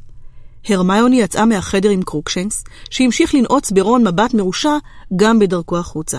הארי דחף את המלשינוסקופ בחזרה לתוך הגרביים, והשליך אותם בחזרה אל תוך המזוודה. כל מה שנשמע כעת היו אנקות הזעם והכאב החנוקות של רון. סקאברס הצטנף בתוך ידיו של רון. עבר זמן רב מאז שהארי ראה אותו לאחרונה מחוץ לכיס של רון, והוא הודאג לגלות שסקאברס, שפעם היה שמן כל כך, היה עכשיו רזה מאוד, ופרוותו מלאה קרחות קטנות. הוא לא נראה כל כך טוב, מה? שאל הארי. זה רק לחץ, צעק רון. הוא היה בסדר גמור, אילו רק כדור הפרווה המטומטם הזה היה מניח לו לנפשו. אבל הארי נזכר בדבריה של המוכרת מביבר הקסמים, שאמרה כי תוחלת החיים של עכברושים היא רק שלוש שנים, ולא יכול היה אלא לחשוב שלולי היו לסקאברס כוחות נסתרים שעוד לא נגלו להם, הוא כנראה כבר הגיע לסוף חייו. ולמרות התלונות התכופות של רון, שסקאברס הוא משעמם וחסר תועלת, הארי היה די משוכנע שרון יצטער מאוד אם סקאברס ימות. אין ספק שרוח החג לא נתנה את אותותיה בחדר המועדון של גריפינדור באותו בוקר. הרמיוני סגרה את קרוקשנקס בחדר השינה שלה, אך עוד כעסה על רון על שניסה לבעוט בו. רון, מצידו, עוד זעם על הניסיון האחרון של קרוקשנקס לאכול את סקאברס. הארי התייאש מלנסות להביא אותם לדבר זה עם זה, והתמסר להתעסקות במטאטא החדש, שאותו הביא עמו לחדר המועדון. משום מה, נראה שגם זה הרגיז מאוד את הרמיוני. היא לא אמרה דבר, אבל כל הזמן שלחה במטאטא מבטים נזעמים, כאילו גם הוא מתח ביקורת על החתול שלה. בצהריים ירדו כולם לארוחה באולם הגדול, ושם מצאו כי שולחנות הבתים הוצמדו שוב אל הקירות, ובמקומם ניצב באמצע החדר שולחן בודד, ערוך לשנים עשר אנשים. הפרופסורים דמבלדור, מגונגל, סנייפ, ספראוט ופליטיק היו שם, וכן פילץ' השרת, שהסיר את המעיל החום הרגיל שלו, ובמקומו לבש פרק ישן ומעט מעופש למראה. מלבדם, היו שם רק עוד שלושה תלמידים, שני תלמידי שנה ראשונה שנראו לחוצים מאוד, ותלמידת שנה חמישית זעופה מסלית'רין. חג מולד שמח, קרא דמבלדור כשהארי, רון והרמיוני התקרבו אל השולחן. כיוון שאנחנו כל כך מעטים, חשבתי שטיפשי להשתמש בשולחנות הבתים. שבו, שבו. הארי, רון והרמיוני התיישבו זה לצד זה בקצה השולחן. נפצי הפתעה, אמר דמבלדור בהתלהבות, והושיט קצה אחד של נפץ גדול וכסוף לסנייפ, שתפס בו בחוסר התלהבות ומשך. בכל פיצוץ, שנשמע כמו יריית אקדח, נפתח הנפץ וחשף כובע מכשפות גדול ומחודד, מקושט בנשר מפוחלץ. הארי נזכר בבוגארט, צד את מבטו של רון, ושניהם חייכו. פיו של סנייפ התהדק, והוא דחף את הכובע לעברו של דמבלדור, שמיד חבש אותו במקום כובע הקסמים הרגיל שלו. בתיאבון הוא קרא וחייך אל כל המסובים. בשעה שהארי מילא את צלחתו בתפוחי אדמה צלועים, נפתחו שוב דלתות האולם הגדול. הייתה זו הפרופסור טרלוני, שריחפה לקראתם כמו על גלגלים. לכבוד האירוע, היא לבשה שמלה ירוקה, מנצנצת, שעשתה אותה דומה עוד יותר לשפירית ענקית. סיביל, איזו הפתעה נעימה. הבטתי אל תוך כדור הבדולח, אמרה הפרופסור טרלוני בקול ערפילי ומרוחק במיוחד. ולתדהמתי, ראיתי את עצמי מוותרת על הארוחה הפרטית שלי ומצטרפת אליכם. מי אני שאפעל נגד יד הגורל? מיד מיהרתי לרדת מהמגדל שלי, ואני מבקשת את סליחתכם על איחורי. בהחלט, בהחלט, אמר דמבלדור בעיניים נוצצות. הרשי לי למצוא לך כיסא. ובהינף שרביט הופיע באוויר כיסא, שהסתחרר כמה שניות עד שנפל בחבטה בין הפרופסורים סנייפ ומגונגל. אולם הפרופסור טרלוני לא מיהרה להתיישב. עיניה הענקיות טרו סביב לשולחן, ולפתע היא פלטה מעין צווחה שקטה. אינני מעיזה, כבוד המנהל. אם אצטרף אליכם, יהיו שלושה עשר אנשים סביב השולחן. אין דבר שמביא מזל רע יותר מזה. אל תשכח, כששלושה עשר אנשים סועדים יחדיו, הראשון לקום מן השולחן יהיה הראשון למות. אנחנו מוכנים להסתכן בזה, סיביל, אמרה הפרופסור מגונגל בחוסר סבלנות. אולי תשבי כבר, העוף מתקרר. הפרופסור טרלוני היססה, ולבסוף התיישבה בכיסא הריק, עיניה העצומות ושפתיה מכווצות, כאילו היא מצפה שמכת ברק תפגע בשולחן. הפרופסור מגונגל טיבעה כף גדולה בתוך קערת ההגשה הקרובה אליה. מעט מאין, סיביל? הפרופסור טרלוני התעלמה ממנה. היא פקחה את עיניה, שוב הביטה מסביב ואמרה, אבל איפה פרופסור לופין היקר? אני חושש שהמסכן חולה שוב, אמר דמבלדור, וסימן לכולם להתחיל להתכבד בעצמם. איזה חוסר מזל לחלות דווקא בחג המולד. אבל את ודאי כבר ידעת את זה, סיביל? שאלה הפרופסור מגונגל בגבה מורמת. כמובן שידעתי, מינרווה, היא ענתה בשקט, אבל אדם אינו מתהדר בעובדה שהוא כל יודע. לעתים קרובות אני נוהגת כאילו אינני בעלת עין פנימית, על מנת לא להלחיץ את הסובבים אותי. זה מסביר הרבה, אמרה הפרופסור מגונגל במרירות. קולה של הפרופסור טרלוני נעשה לפתע הרבה פחות מעורפל. אם את חייבת לדעת, מינרווה, צפיתי כי פרופסור לופין היקר לא יהיה עמנו עוד זמן רב. נראה שהוא עצמו יודע שזמנו קצר. הוא ממש נס על נפשו כשהצעתי לערוך לו קריאה. מעניין למה, אמרה הפרופסור מגונגל ביובש. ספק בעיניי, אמר דמבלדור בקול עליז אך מעט חזק מדי, ששם קץ לשיחתן של הפרופסור מגונגל והפרופסור טרלוני. אם פרופסור לופי נמצא בסכנה מיידית כלשהי. סוורוס, הכנת בשבילו את השיקוי? אה, כן, כבוד המנהל, אמר סנייפ. יפה, אמר דמבלדור. אם כך, הוא ודאי יחלים ויחזור אלינו תוך זמן קצר מאוד. דרק, טעמת מהנקניקיות האלו? הן פשוט מצוינות. תלמיד השנה הראשונה הסמיק עד שורשי שערותיו בעקבות הפנייה הישירה של דמבלדור, ולקח את מגש הנקניקיות בידיים רועדות. הפרופסור טרלוני התנהגה באופן כמעט נורמלי ממש עד סוף ארוחת החג, כעבור שעתיים. כשהארי ורון קמו מהשולחן, מלאים עד להתפקע במטעמי החג, וחובשים עדיין את הכובעים שבקעו מתוך הנפצים, הפרופסור טרלוני צרחה בקול. מתוקים שלי, מי מכם קם ממושבו ראשון? מי? לא יודע, אמר רון, והביט בהארי באי שקט. קשה להאמין שזה משנה, אמרה הפרופסור מגונגל בקור, אלא אם כן, בדלת לאולם הכניסה ממתין להם רוצח מטורף עם גרזן. אפילו רון צחק. הפרופסור טרלוני נראתה נעלבת מאוד. את באה? שאל הארי את הרמיוני. עוד לא, מלמלה הרמיוני. אני רוצה להחליף מילה עם הפרופסור מגונגל. היא בטח רוצה לבדוק אם מותר לה להירשם לעוד מקצועות, פיהק רון בדרך אל אולם הכניסה, שלא עמד בו אף מטורף עם גרזן. כשהגיעו אל החור שמאחורי התמונה, הם מצאו שם את סר קדוגן חוגג בחברת זוג נזירים, כמה מנהלים לשעבר של הוגוורטס וסוס הפוני השמן שלו. הוא הסיר את הקסדה שלו והרים לכבודם כוס של יין דבש. חג היק שמח, סיסמה. כלב מצורע, אמר רון. אתה בעצמך, אדוני, שאג סר קדוגן בצחוק, והתמונה נפתחה כדי לאפשר להם להיכנס. הארי עלה מיד אל חדר השינה, אסף את אש המחץ ואת הערכה לטיפוח המטאטה שקיבל במתנה מהרמיוני ליום הולדתו, לקח אותם עמו לחדר המועדון, וחיפש משהו לעשות באש המחץ.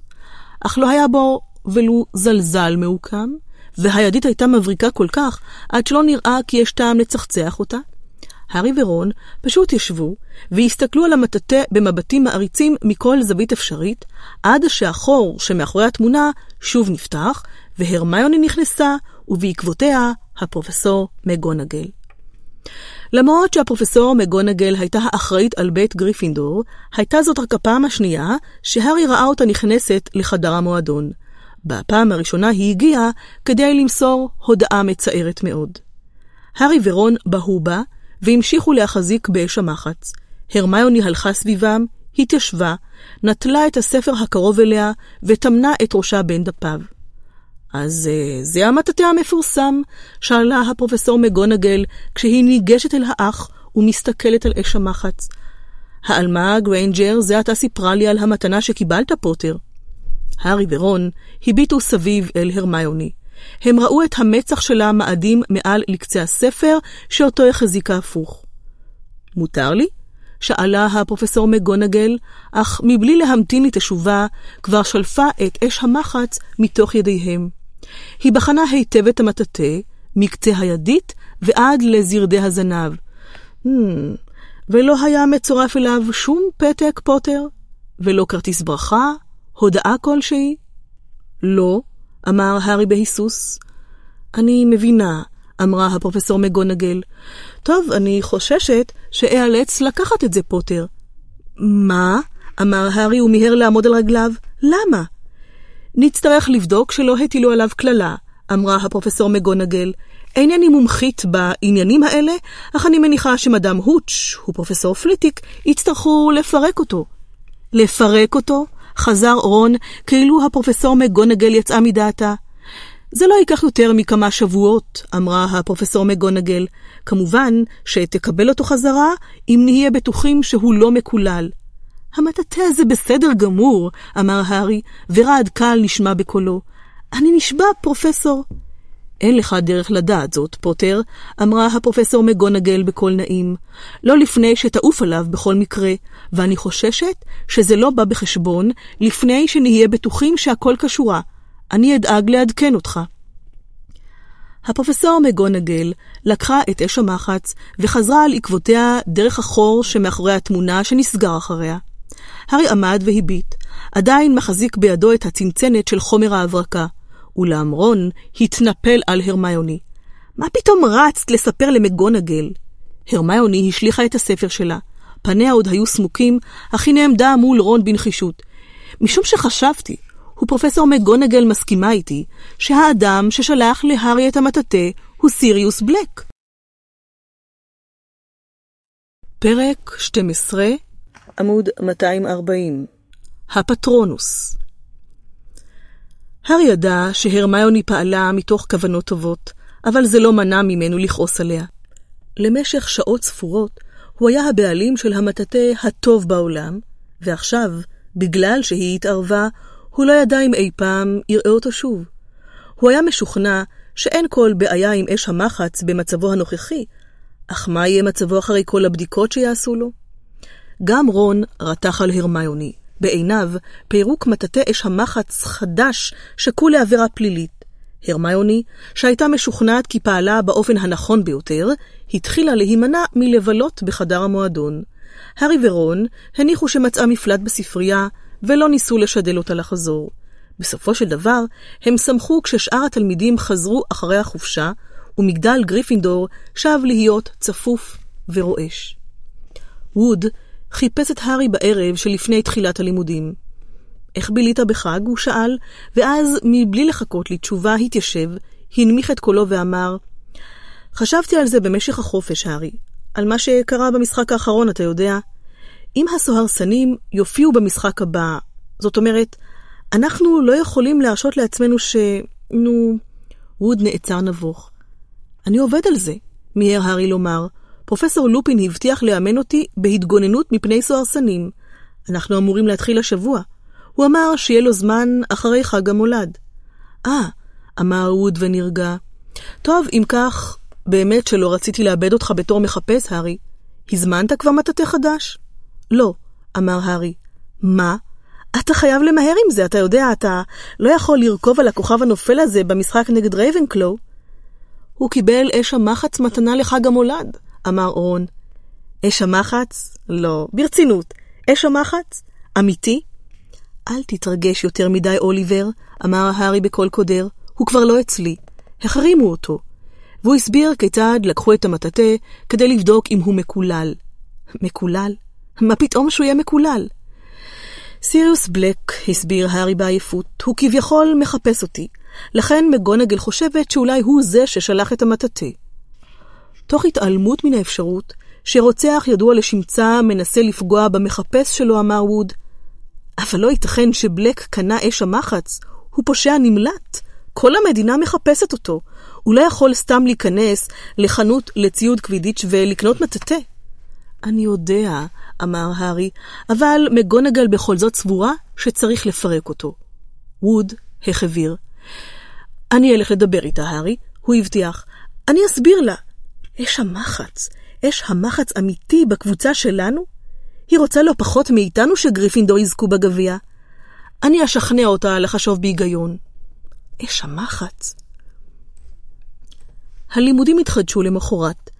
לאף אחד לא התחשק במיוחד לבלות שעתיים בחוץ בבוקר קר בחודש ינואר, אך הגריד הבעיר להנאתם מדורה מלאה בסלמנדרות, והם העבירו שיעור מהנה במיוחד בהוספת קרשים ועלים למדורה, שעה שהלטאות חובבות האש אצו כה וכה בין הגחלים הלוהטים. השיעור הראשון בגילוי עתידות היה הרבה פחות מהנה. הפרופסור טרלוני עברה ללמד אותם קריאה בכף יד, וכצעד ראשון היא הודיעה להארי שקו החיים שלו הוא אחד הקצרים שראתה מעודה. השיעור שלקראתו ציפה הארי יותר מכל, היה התגוננות מפני כוחות האופל. אחרי השיחה עם ווד, הוא רצה להתחיל בשיעורים הפרטיים שלו בהקדם האפשרי. אה כן, אמר לופין, כשהארי הזכיר לו בסוף השיעור את הבטחתו.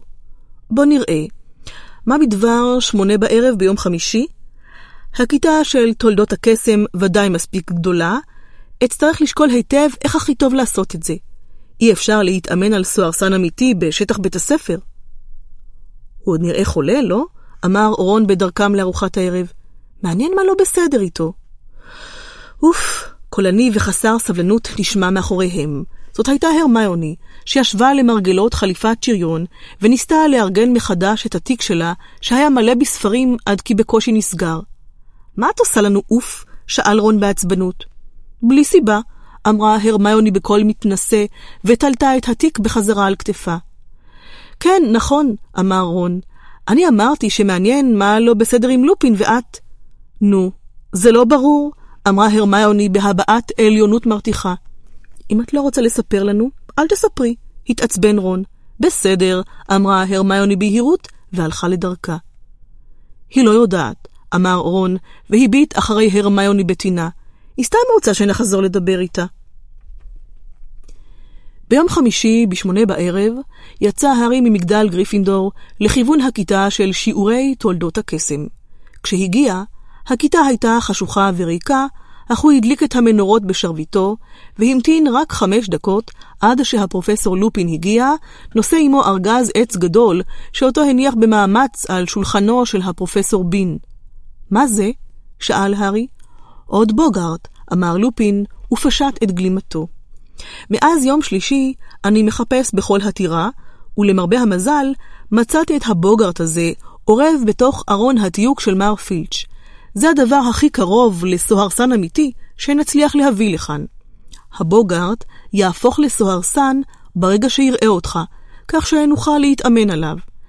אני יכול לאחסן אותו במשרד שלי בזמן שאנחנו לא משתמשים בו. יש מתחת לשולחן שלי ארון שימצא חן בעיניו. בסדר, אמר הארי, והשתדל להישמע כאילו הוא בכלל לא חושש, אלא רק שמח שלופין הצליח למצוא תחליף כל כך טוב לסוהרסן אמיתי. טוב, הפרופסור לופין שלף את השרביט שלו וסימן להארי לנהוג כמוהו. הקסם שאני אנסה ללמד אותך הוא כישוף מתקדם ביותר, הארי, הרבה מעבר לרמה של קוסם מתחיל, קוראים לזה קסם הפטרונוס. איך זה פועל? שאל הארי בדאגה. כשזה פועל כמו שצריך, זה אמור לגייס פטרונוס, אמר לופין, שזה מעין אנטי סוהרסן, שומר ראש שמתפקד כמגן בינך לבין הסוהרסן. בראשו של הארי עברה תמונה של עצמו, קורע מאחורי דמות גדולה כמו הגריד, האוחזת בידה נבוט גדול. הפרופסור לופין המשיך. הפטרונוס הוא סוג של כוח חיובי, הקרנה של כל אותם דברים שמהם ניזון הסוהרסן. תקווה, עושר, הרצון לחיות, אך שלא כמו אנשים רגילים, הוא אינו מסוגל להרגיש ייאוש, ולכן הסוהרסנים אינם יכולים להזיק לו. אך עליי להזהיר אותך, הארי, שייתכן כי הכישוף הזה מתקדם מדי בשבילך, קוסמים מקצועיים רבים מתקשים בו. איך נראה פטרונוס? שאל הארי בסקרנות. כל פטרונוס מיוחד לקוסם שמגייס אותו. ואיך מגייסים אותו?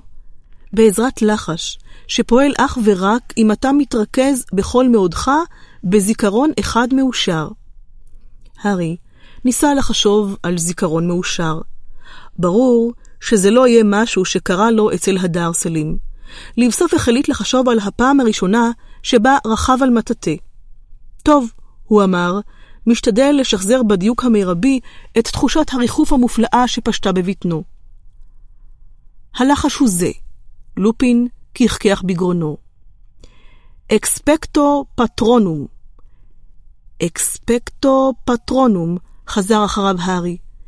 אקספקטו פטרונום. אתה מתרכז טוב טוב בזיכרון המאושר שלך?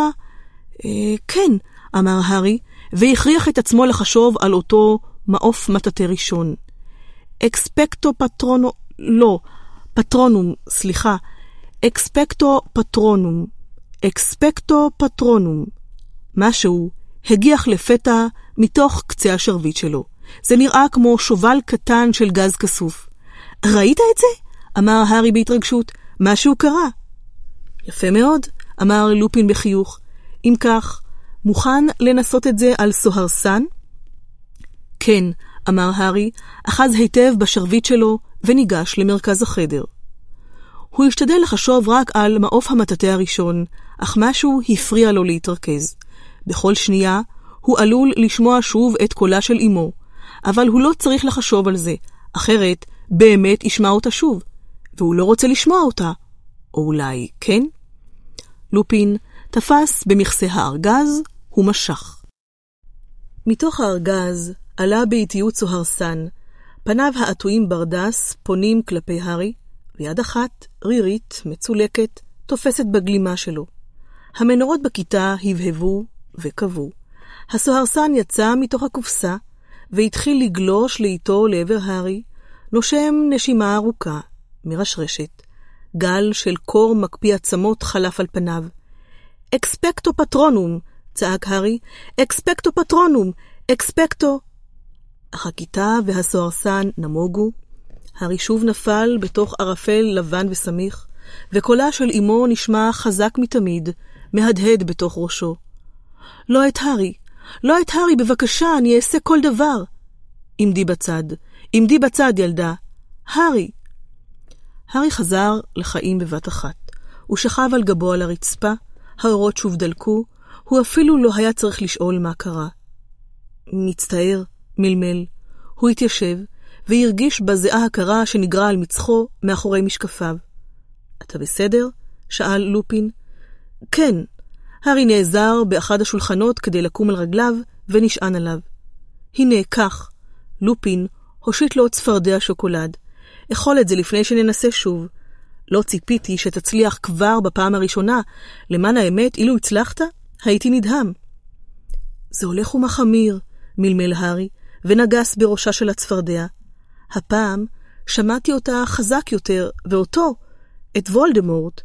לופין נראה חיוור מתמיד. הארי, אם אתה מעדיף לא להמשיך, אני בהחלט אבין אותך.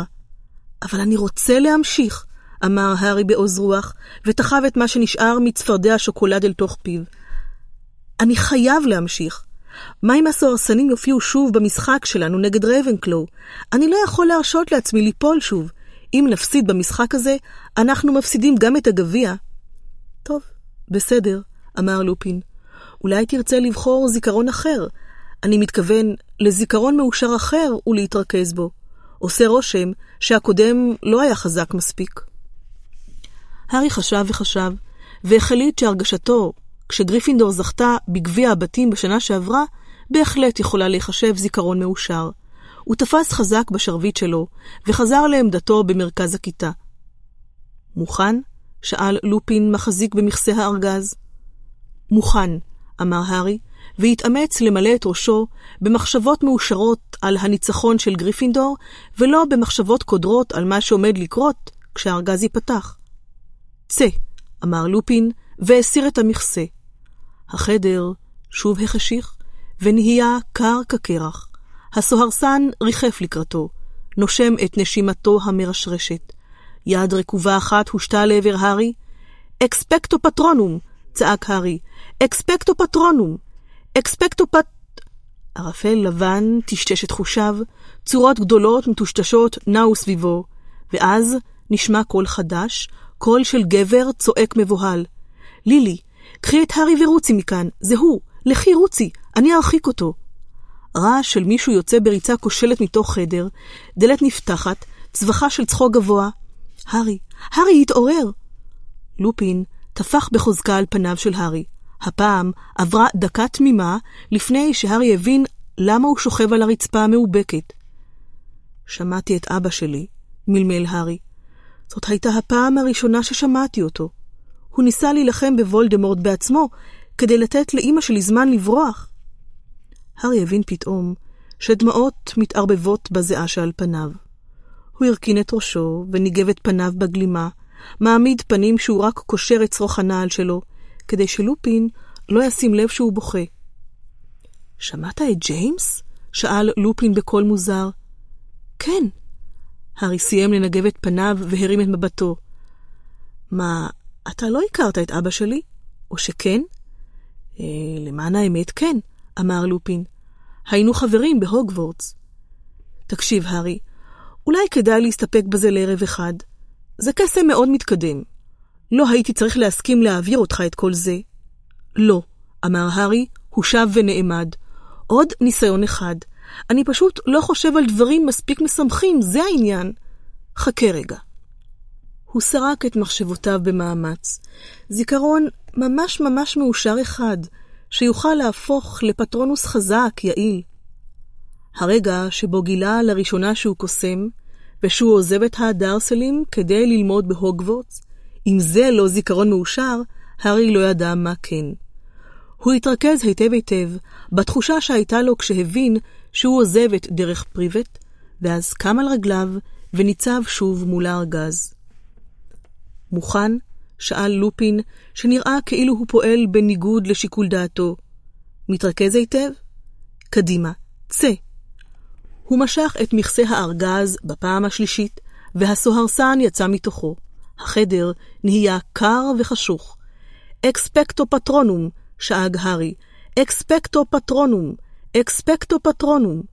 הצרחות שוב התחילו בתוך ראשו של הארי, אלא שהפעם הן נשמעו כאילו הן בוקעות מתוך רדיו שלא כוון בדיוק לתחנה. חלשות וחזקות וחלשות שוב. הוא עדיין יכול להבחין בסוהרסן שעצר מולו. ואז צללית ענקית, כסופה, בקעה מתוך קצה שרביטו של הארי, וריחפה בינו לבין הסוהרסן, ולמרות שרגליו של הארי כמו נמסו תחתיו, הוא עוד עמד עליהן, אם כי לא ידע כמה זמן עוד יוכל להחזיק כך. רידיקולוס, שאג לופין וזינק קדימה. נשמע קול צליפה חזק, והפטרונוס האוורירי של הארי נעלם יחד עם הסוהרסן. הארי צנח באחד הכיסאות, תשוש כאילו רץ שלושה קילומטר, ורגליו רעדו. בזווית עינו, הוא ראה את הפרופסור לופין מכריח את הבוגארט לחזור אל תוך הארגז. הוא עטה שוב צורה של כדור כסוף. מצוין, אמר לופין וניגש אל הארי. מצוין, הארי, זאת בהחלט הייתה התחלה ראויה. אפשר עוד ניסיון אחד? עוד ניסיון אחד ודי? לא עכשיו, אמר לופין בהחלטיות. זה מספיק לערב אחד, הנה. הוא הושיט להארי חפיסה גדולה של השוקולד המשובח ביותר מהדובשנריה. תאכל הכל, או שמא דם פומפרי תבוא להרוג אותי. שבוע הבא? אותה שעה? בסדר, אמר הארי. הוא נגס בשוקולד, וצפה בלופין המכבה את המנורות שנדלקו מעליהן ברגע שהסוהרסה נעלם. מחשבה עלתה במוחו. פרופסור לופין, הוא שאל, אם הכרת את אבא שלי, בטח הכרת גם את סיריוס בלק? לופין הסתובב במהירות. איך עלה בדעתך הרעיון הזה? הוא שאל בקול חד. כלום, כלומר, פשוט ידעתי שהם היו חברים בהוגוורטס. פניו של לופין התרככו. כן, הכרתי אותו, הוא אמר, או לפחות חשבתי שאני מכיר אותו. כדאי שתלך, הארי. מתחיל להיות מאוחר. הארי יצא מהכיתה, הלך לאורך הפרוזדור ופנה בקצהו, ואז עשה תחנה קטנה מאחורי חליפת שריון, והתיישב לרגליה כדי לגמור את השוקולד שלו. הוא הצטער שהזכיר את בלק. היה די ברור שהנושא אינו משמח את לופין, ואז נדדו מחשבותיו של הארי בחזרה אל אמו ואל אביו. הארי הרגיש משום מה סחוט ומרוקן, למרות שקרסו הייתה מלאה בשוקולד, ולמרות שהיה נורא לשמוע את הרגעים האחרונים של הוריו מתנגנים בתוך ראשו, היו אלה הפעמים היחידות שהארי שמע את קולותיהם מאז שהיה ילד קטן מאוד. הוא לעולם לא יצליח לגייס פטרונוס טוב, כל עוד הוא קצת רוצה לשמוע את הוריו. הם מתו, הוא נזף בעצמו. הם מתים, וזה שתקשיב להדים שלהם לא יחזיר אותם לחיים. כדאי שתפסיק עם זה, אם אתה רוצה לזכות השנה בגביע הקווידיץ'. הוא נעמד, תחב לפיו את ריבוע השוקולד האחרון, וחזר למגדל גריפינדור. שבוע אחרי תחילת הלימודים, רייבנקלו שיחקו נגד סלית'רין. סלית'רין ניצחה, אם כי בהפרש קטן. לדבריו של ווד, אלו היו חדשות טובות לגריפינדור. אם רק יצליחו לנצח גם את רייבנקלו, הם יעלו למקום השני בטבלה. לפיכך, הוא הגדיל את מספר האימונים של הקבוצה לחמישה בשבוע. פירוש הדבר היה שיחד עם השיעורים הפרטיים של לופין, שכשלעצמם היו מעייפים יותר משישה אימוני קווידיץ', נותר להארי רק לילה אחד בשבוע כדי להכין את כל שיעורי הבית שלו. ועם כל זאת, הלחץ לא ניכר בו כל כך, כפי שניכר בהרמיוני, שלבסוף החלה לקרוס תחת עומס העבודה האדיר שלקחה על עצמה. בכל ערב, ללא יוצא מן הכלל, היה אפשר למצוא את הרמיוני בפינה של חדר המועדון, כשעל כמה שולחנות לפניה פרוסים ספרים, טבלאות כשפומטיקה, מילוני לחשים, דיאגרמות של מוגלגים המרימים חפצים כבדים, ומחברות, מחברות, מלאות בכתב ידה המוקפד. היא בקושי דיברה עם איש, והגיבה בעצבנות לכל הפרעה. איך היא עושה את זה? מלמל רון להארי ערב אחד, שעה שהארי סיים לכתוב חיבור קשה במיוחד על רעלים בלתי ניתנים לגילוי לשיעור של סנייפ. הארי הרים את עיניו. בקושי אפשר היה לראות את הרמיוני מאחורי ערימה גבוהה של ספרים. עושה מה? מצליחה להגיע לכל השיעורים שלה, אמר רון. שמעתי אותה הבוקר מדברת עם פרופסור וקטור, המכשפה שמלמדת כשפומטיקה. הן שוחחו על השיעור של אתמול.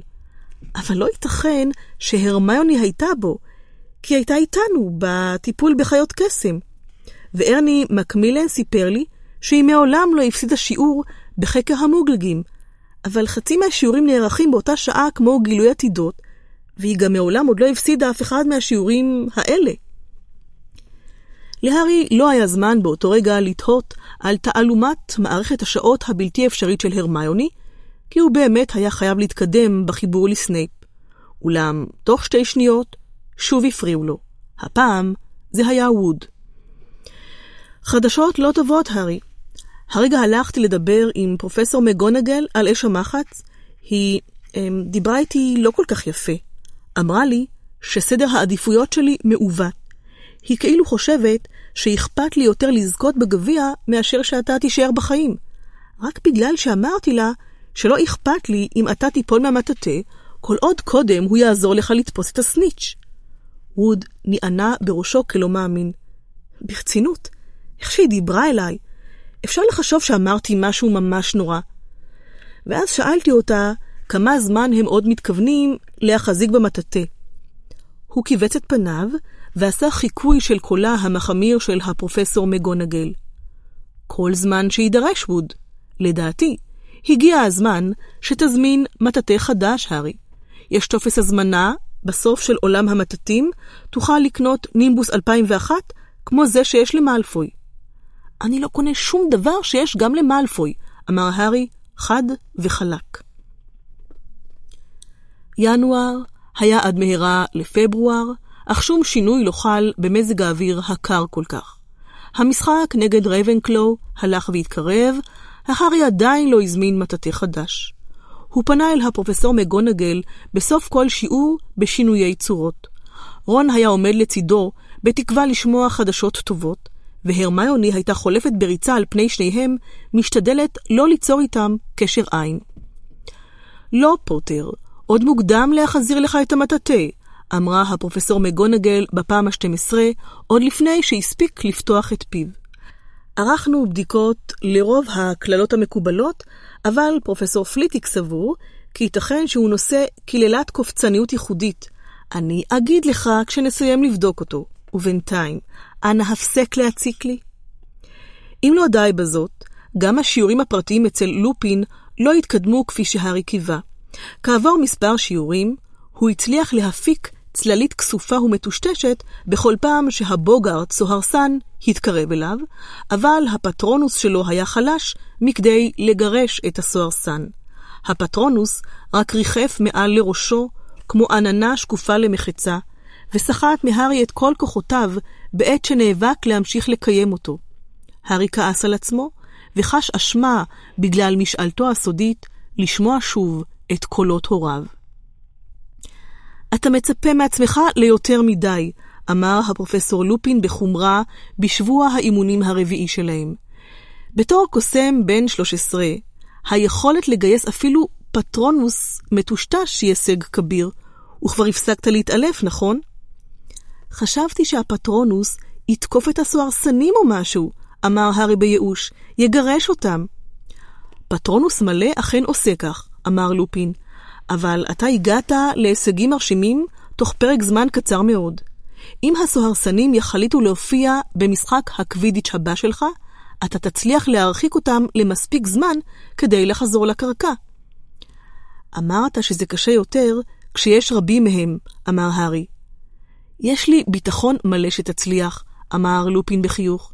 הנה, הרווחת את המשקה הזה ביושר. משהו מפונדק שלושת המטטים שוודאי עוד לא יצא לך לטעום. הוא הוציא שני בקבוקים מתוך תיקו. ברצפת, אמר הארי בלי לחשוב. כן, אני אוהב את זה נורא. לופין זקף גבה. אמ, רון והרמיוני הביאו לי קצת מהוקסמית, שיקר הארי בחיפזון. אני מבין, אמר לופין, אם כי עוד נראה חושד במשהו. טוב, אז בוא נשתה לחיי הניצחון של גריפינדור מול רבנקלו. לא שאני אמור לאהוד אחד מן הצדדים בתור מורה, הוא מיהר להוסיף. הם שתו את הברצפת בשקט, עד שהארי נתן ביטוי למחשבה שהטרידה אותו כבר זמן מה. מה יש מתחת לברדס של הסוהרסן? הפרופסור לופין הניח את הבקבוק שלו וחשב. Hmm, האמת היא שהאנשים היחידים שיודעים בוודאות אינם במצב שמאפשר להם לספר לנו על זה. אתה מבין, הסוהרסנים מסירים את הברדסים שלהם רק כדי להשתמש בנשק האחרון והנורא ביותר שלהם. ומה זה? קוראים לזה נשיקת הסוהרסן, אמר לופין בחיוך מעוות מעט. זה מה שסוהרסנים עושים לאלה שהם רוצים להשמיד כליל.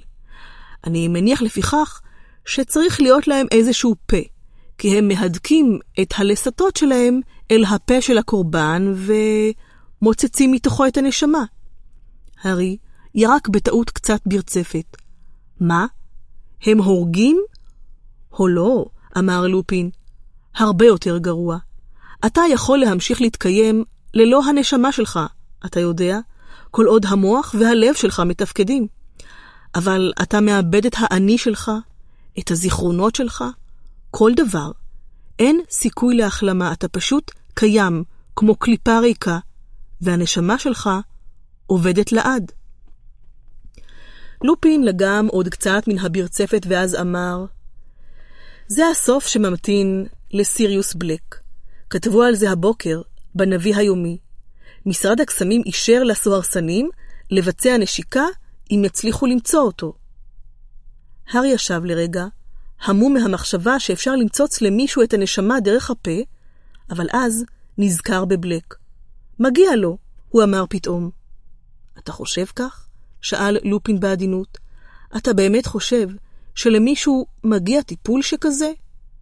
כן, התעקש הארי, על, על עבירות מסוימות.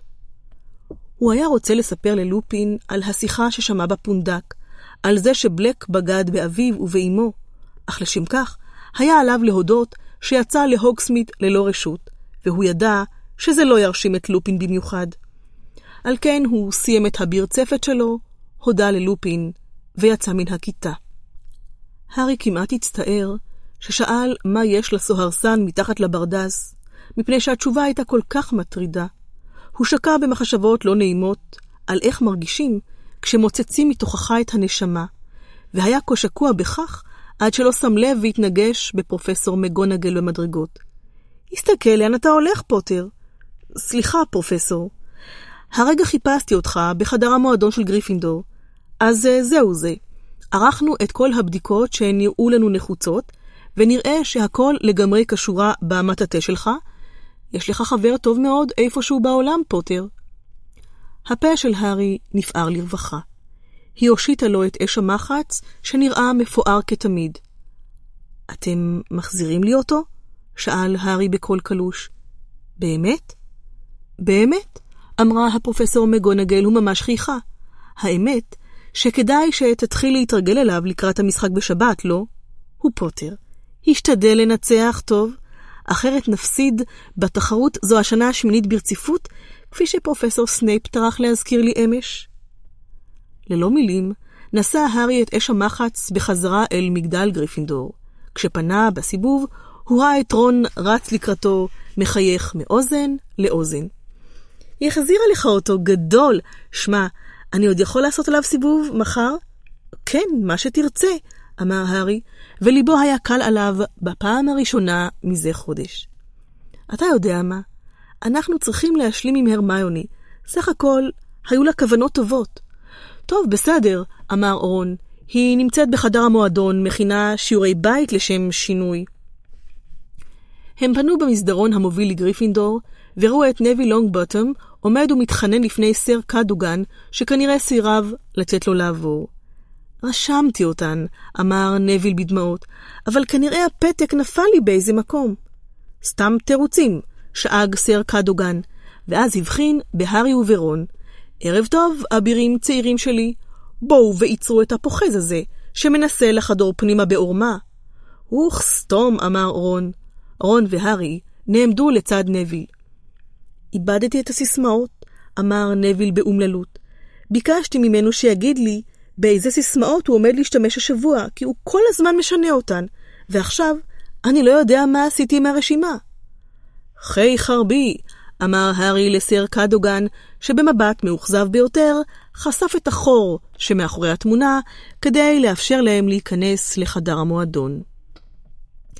החדר התמלא מלמולי התרגשות, וכל התלמידים הפנו את ראשיהם.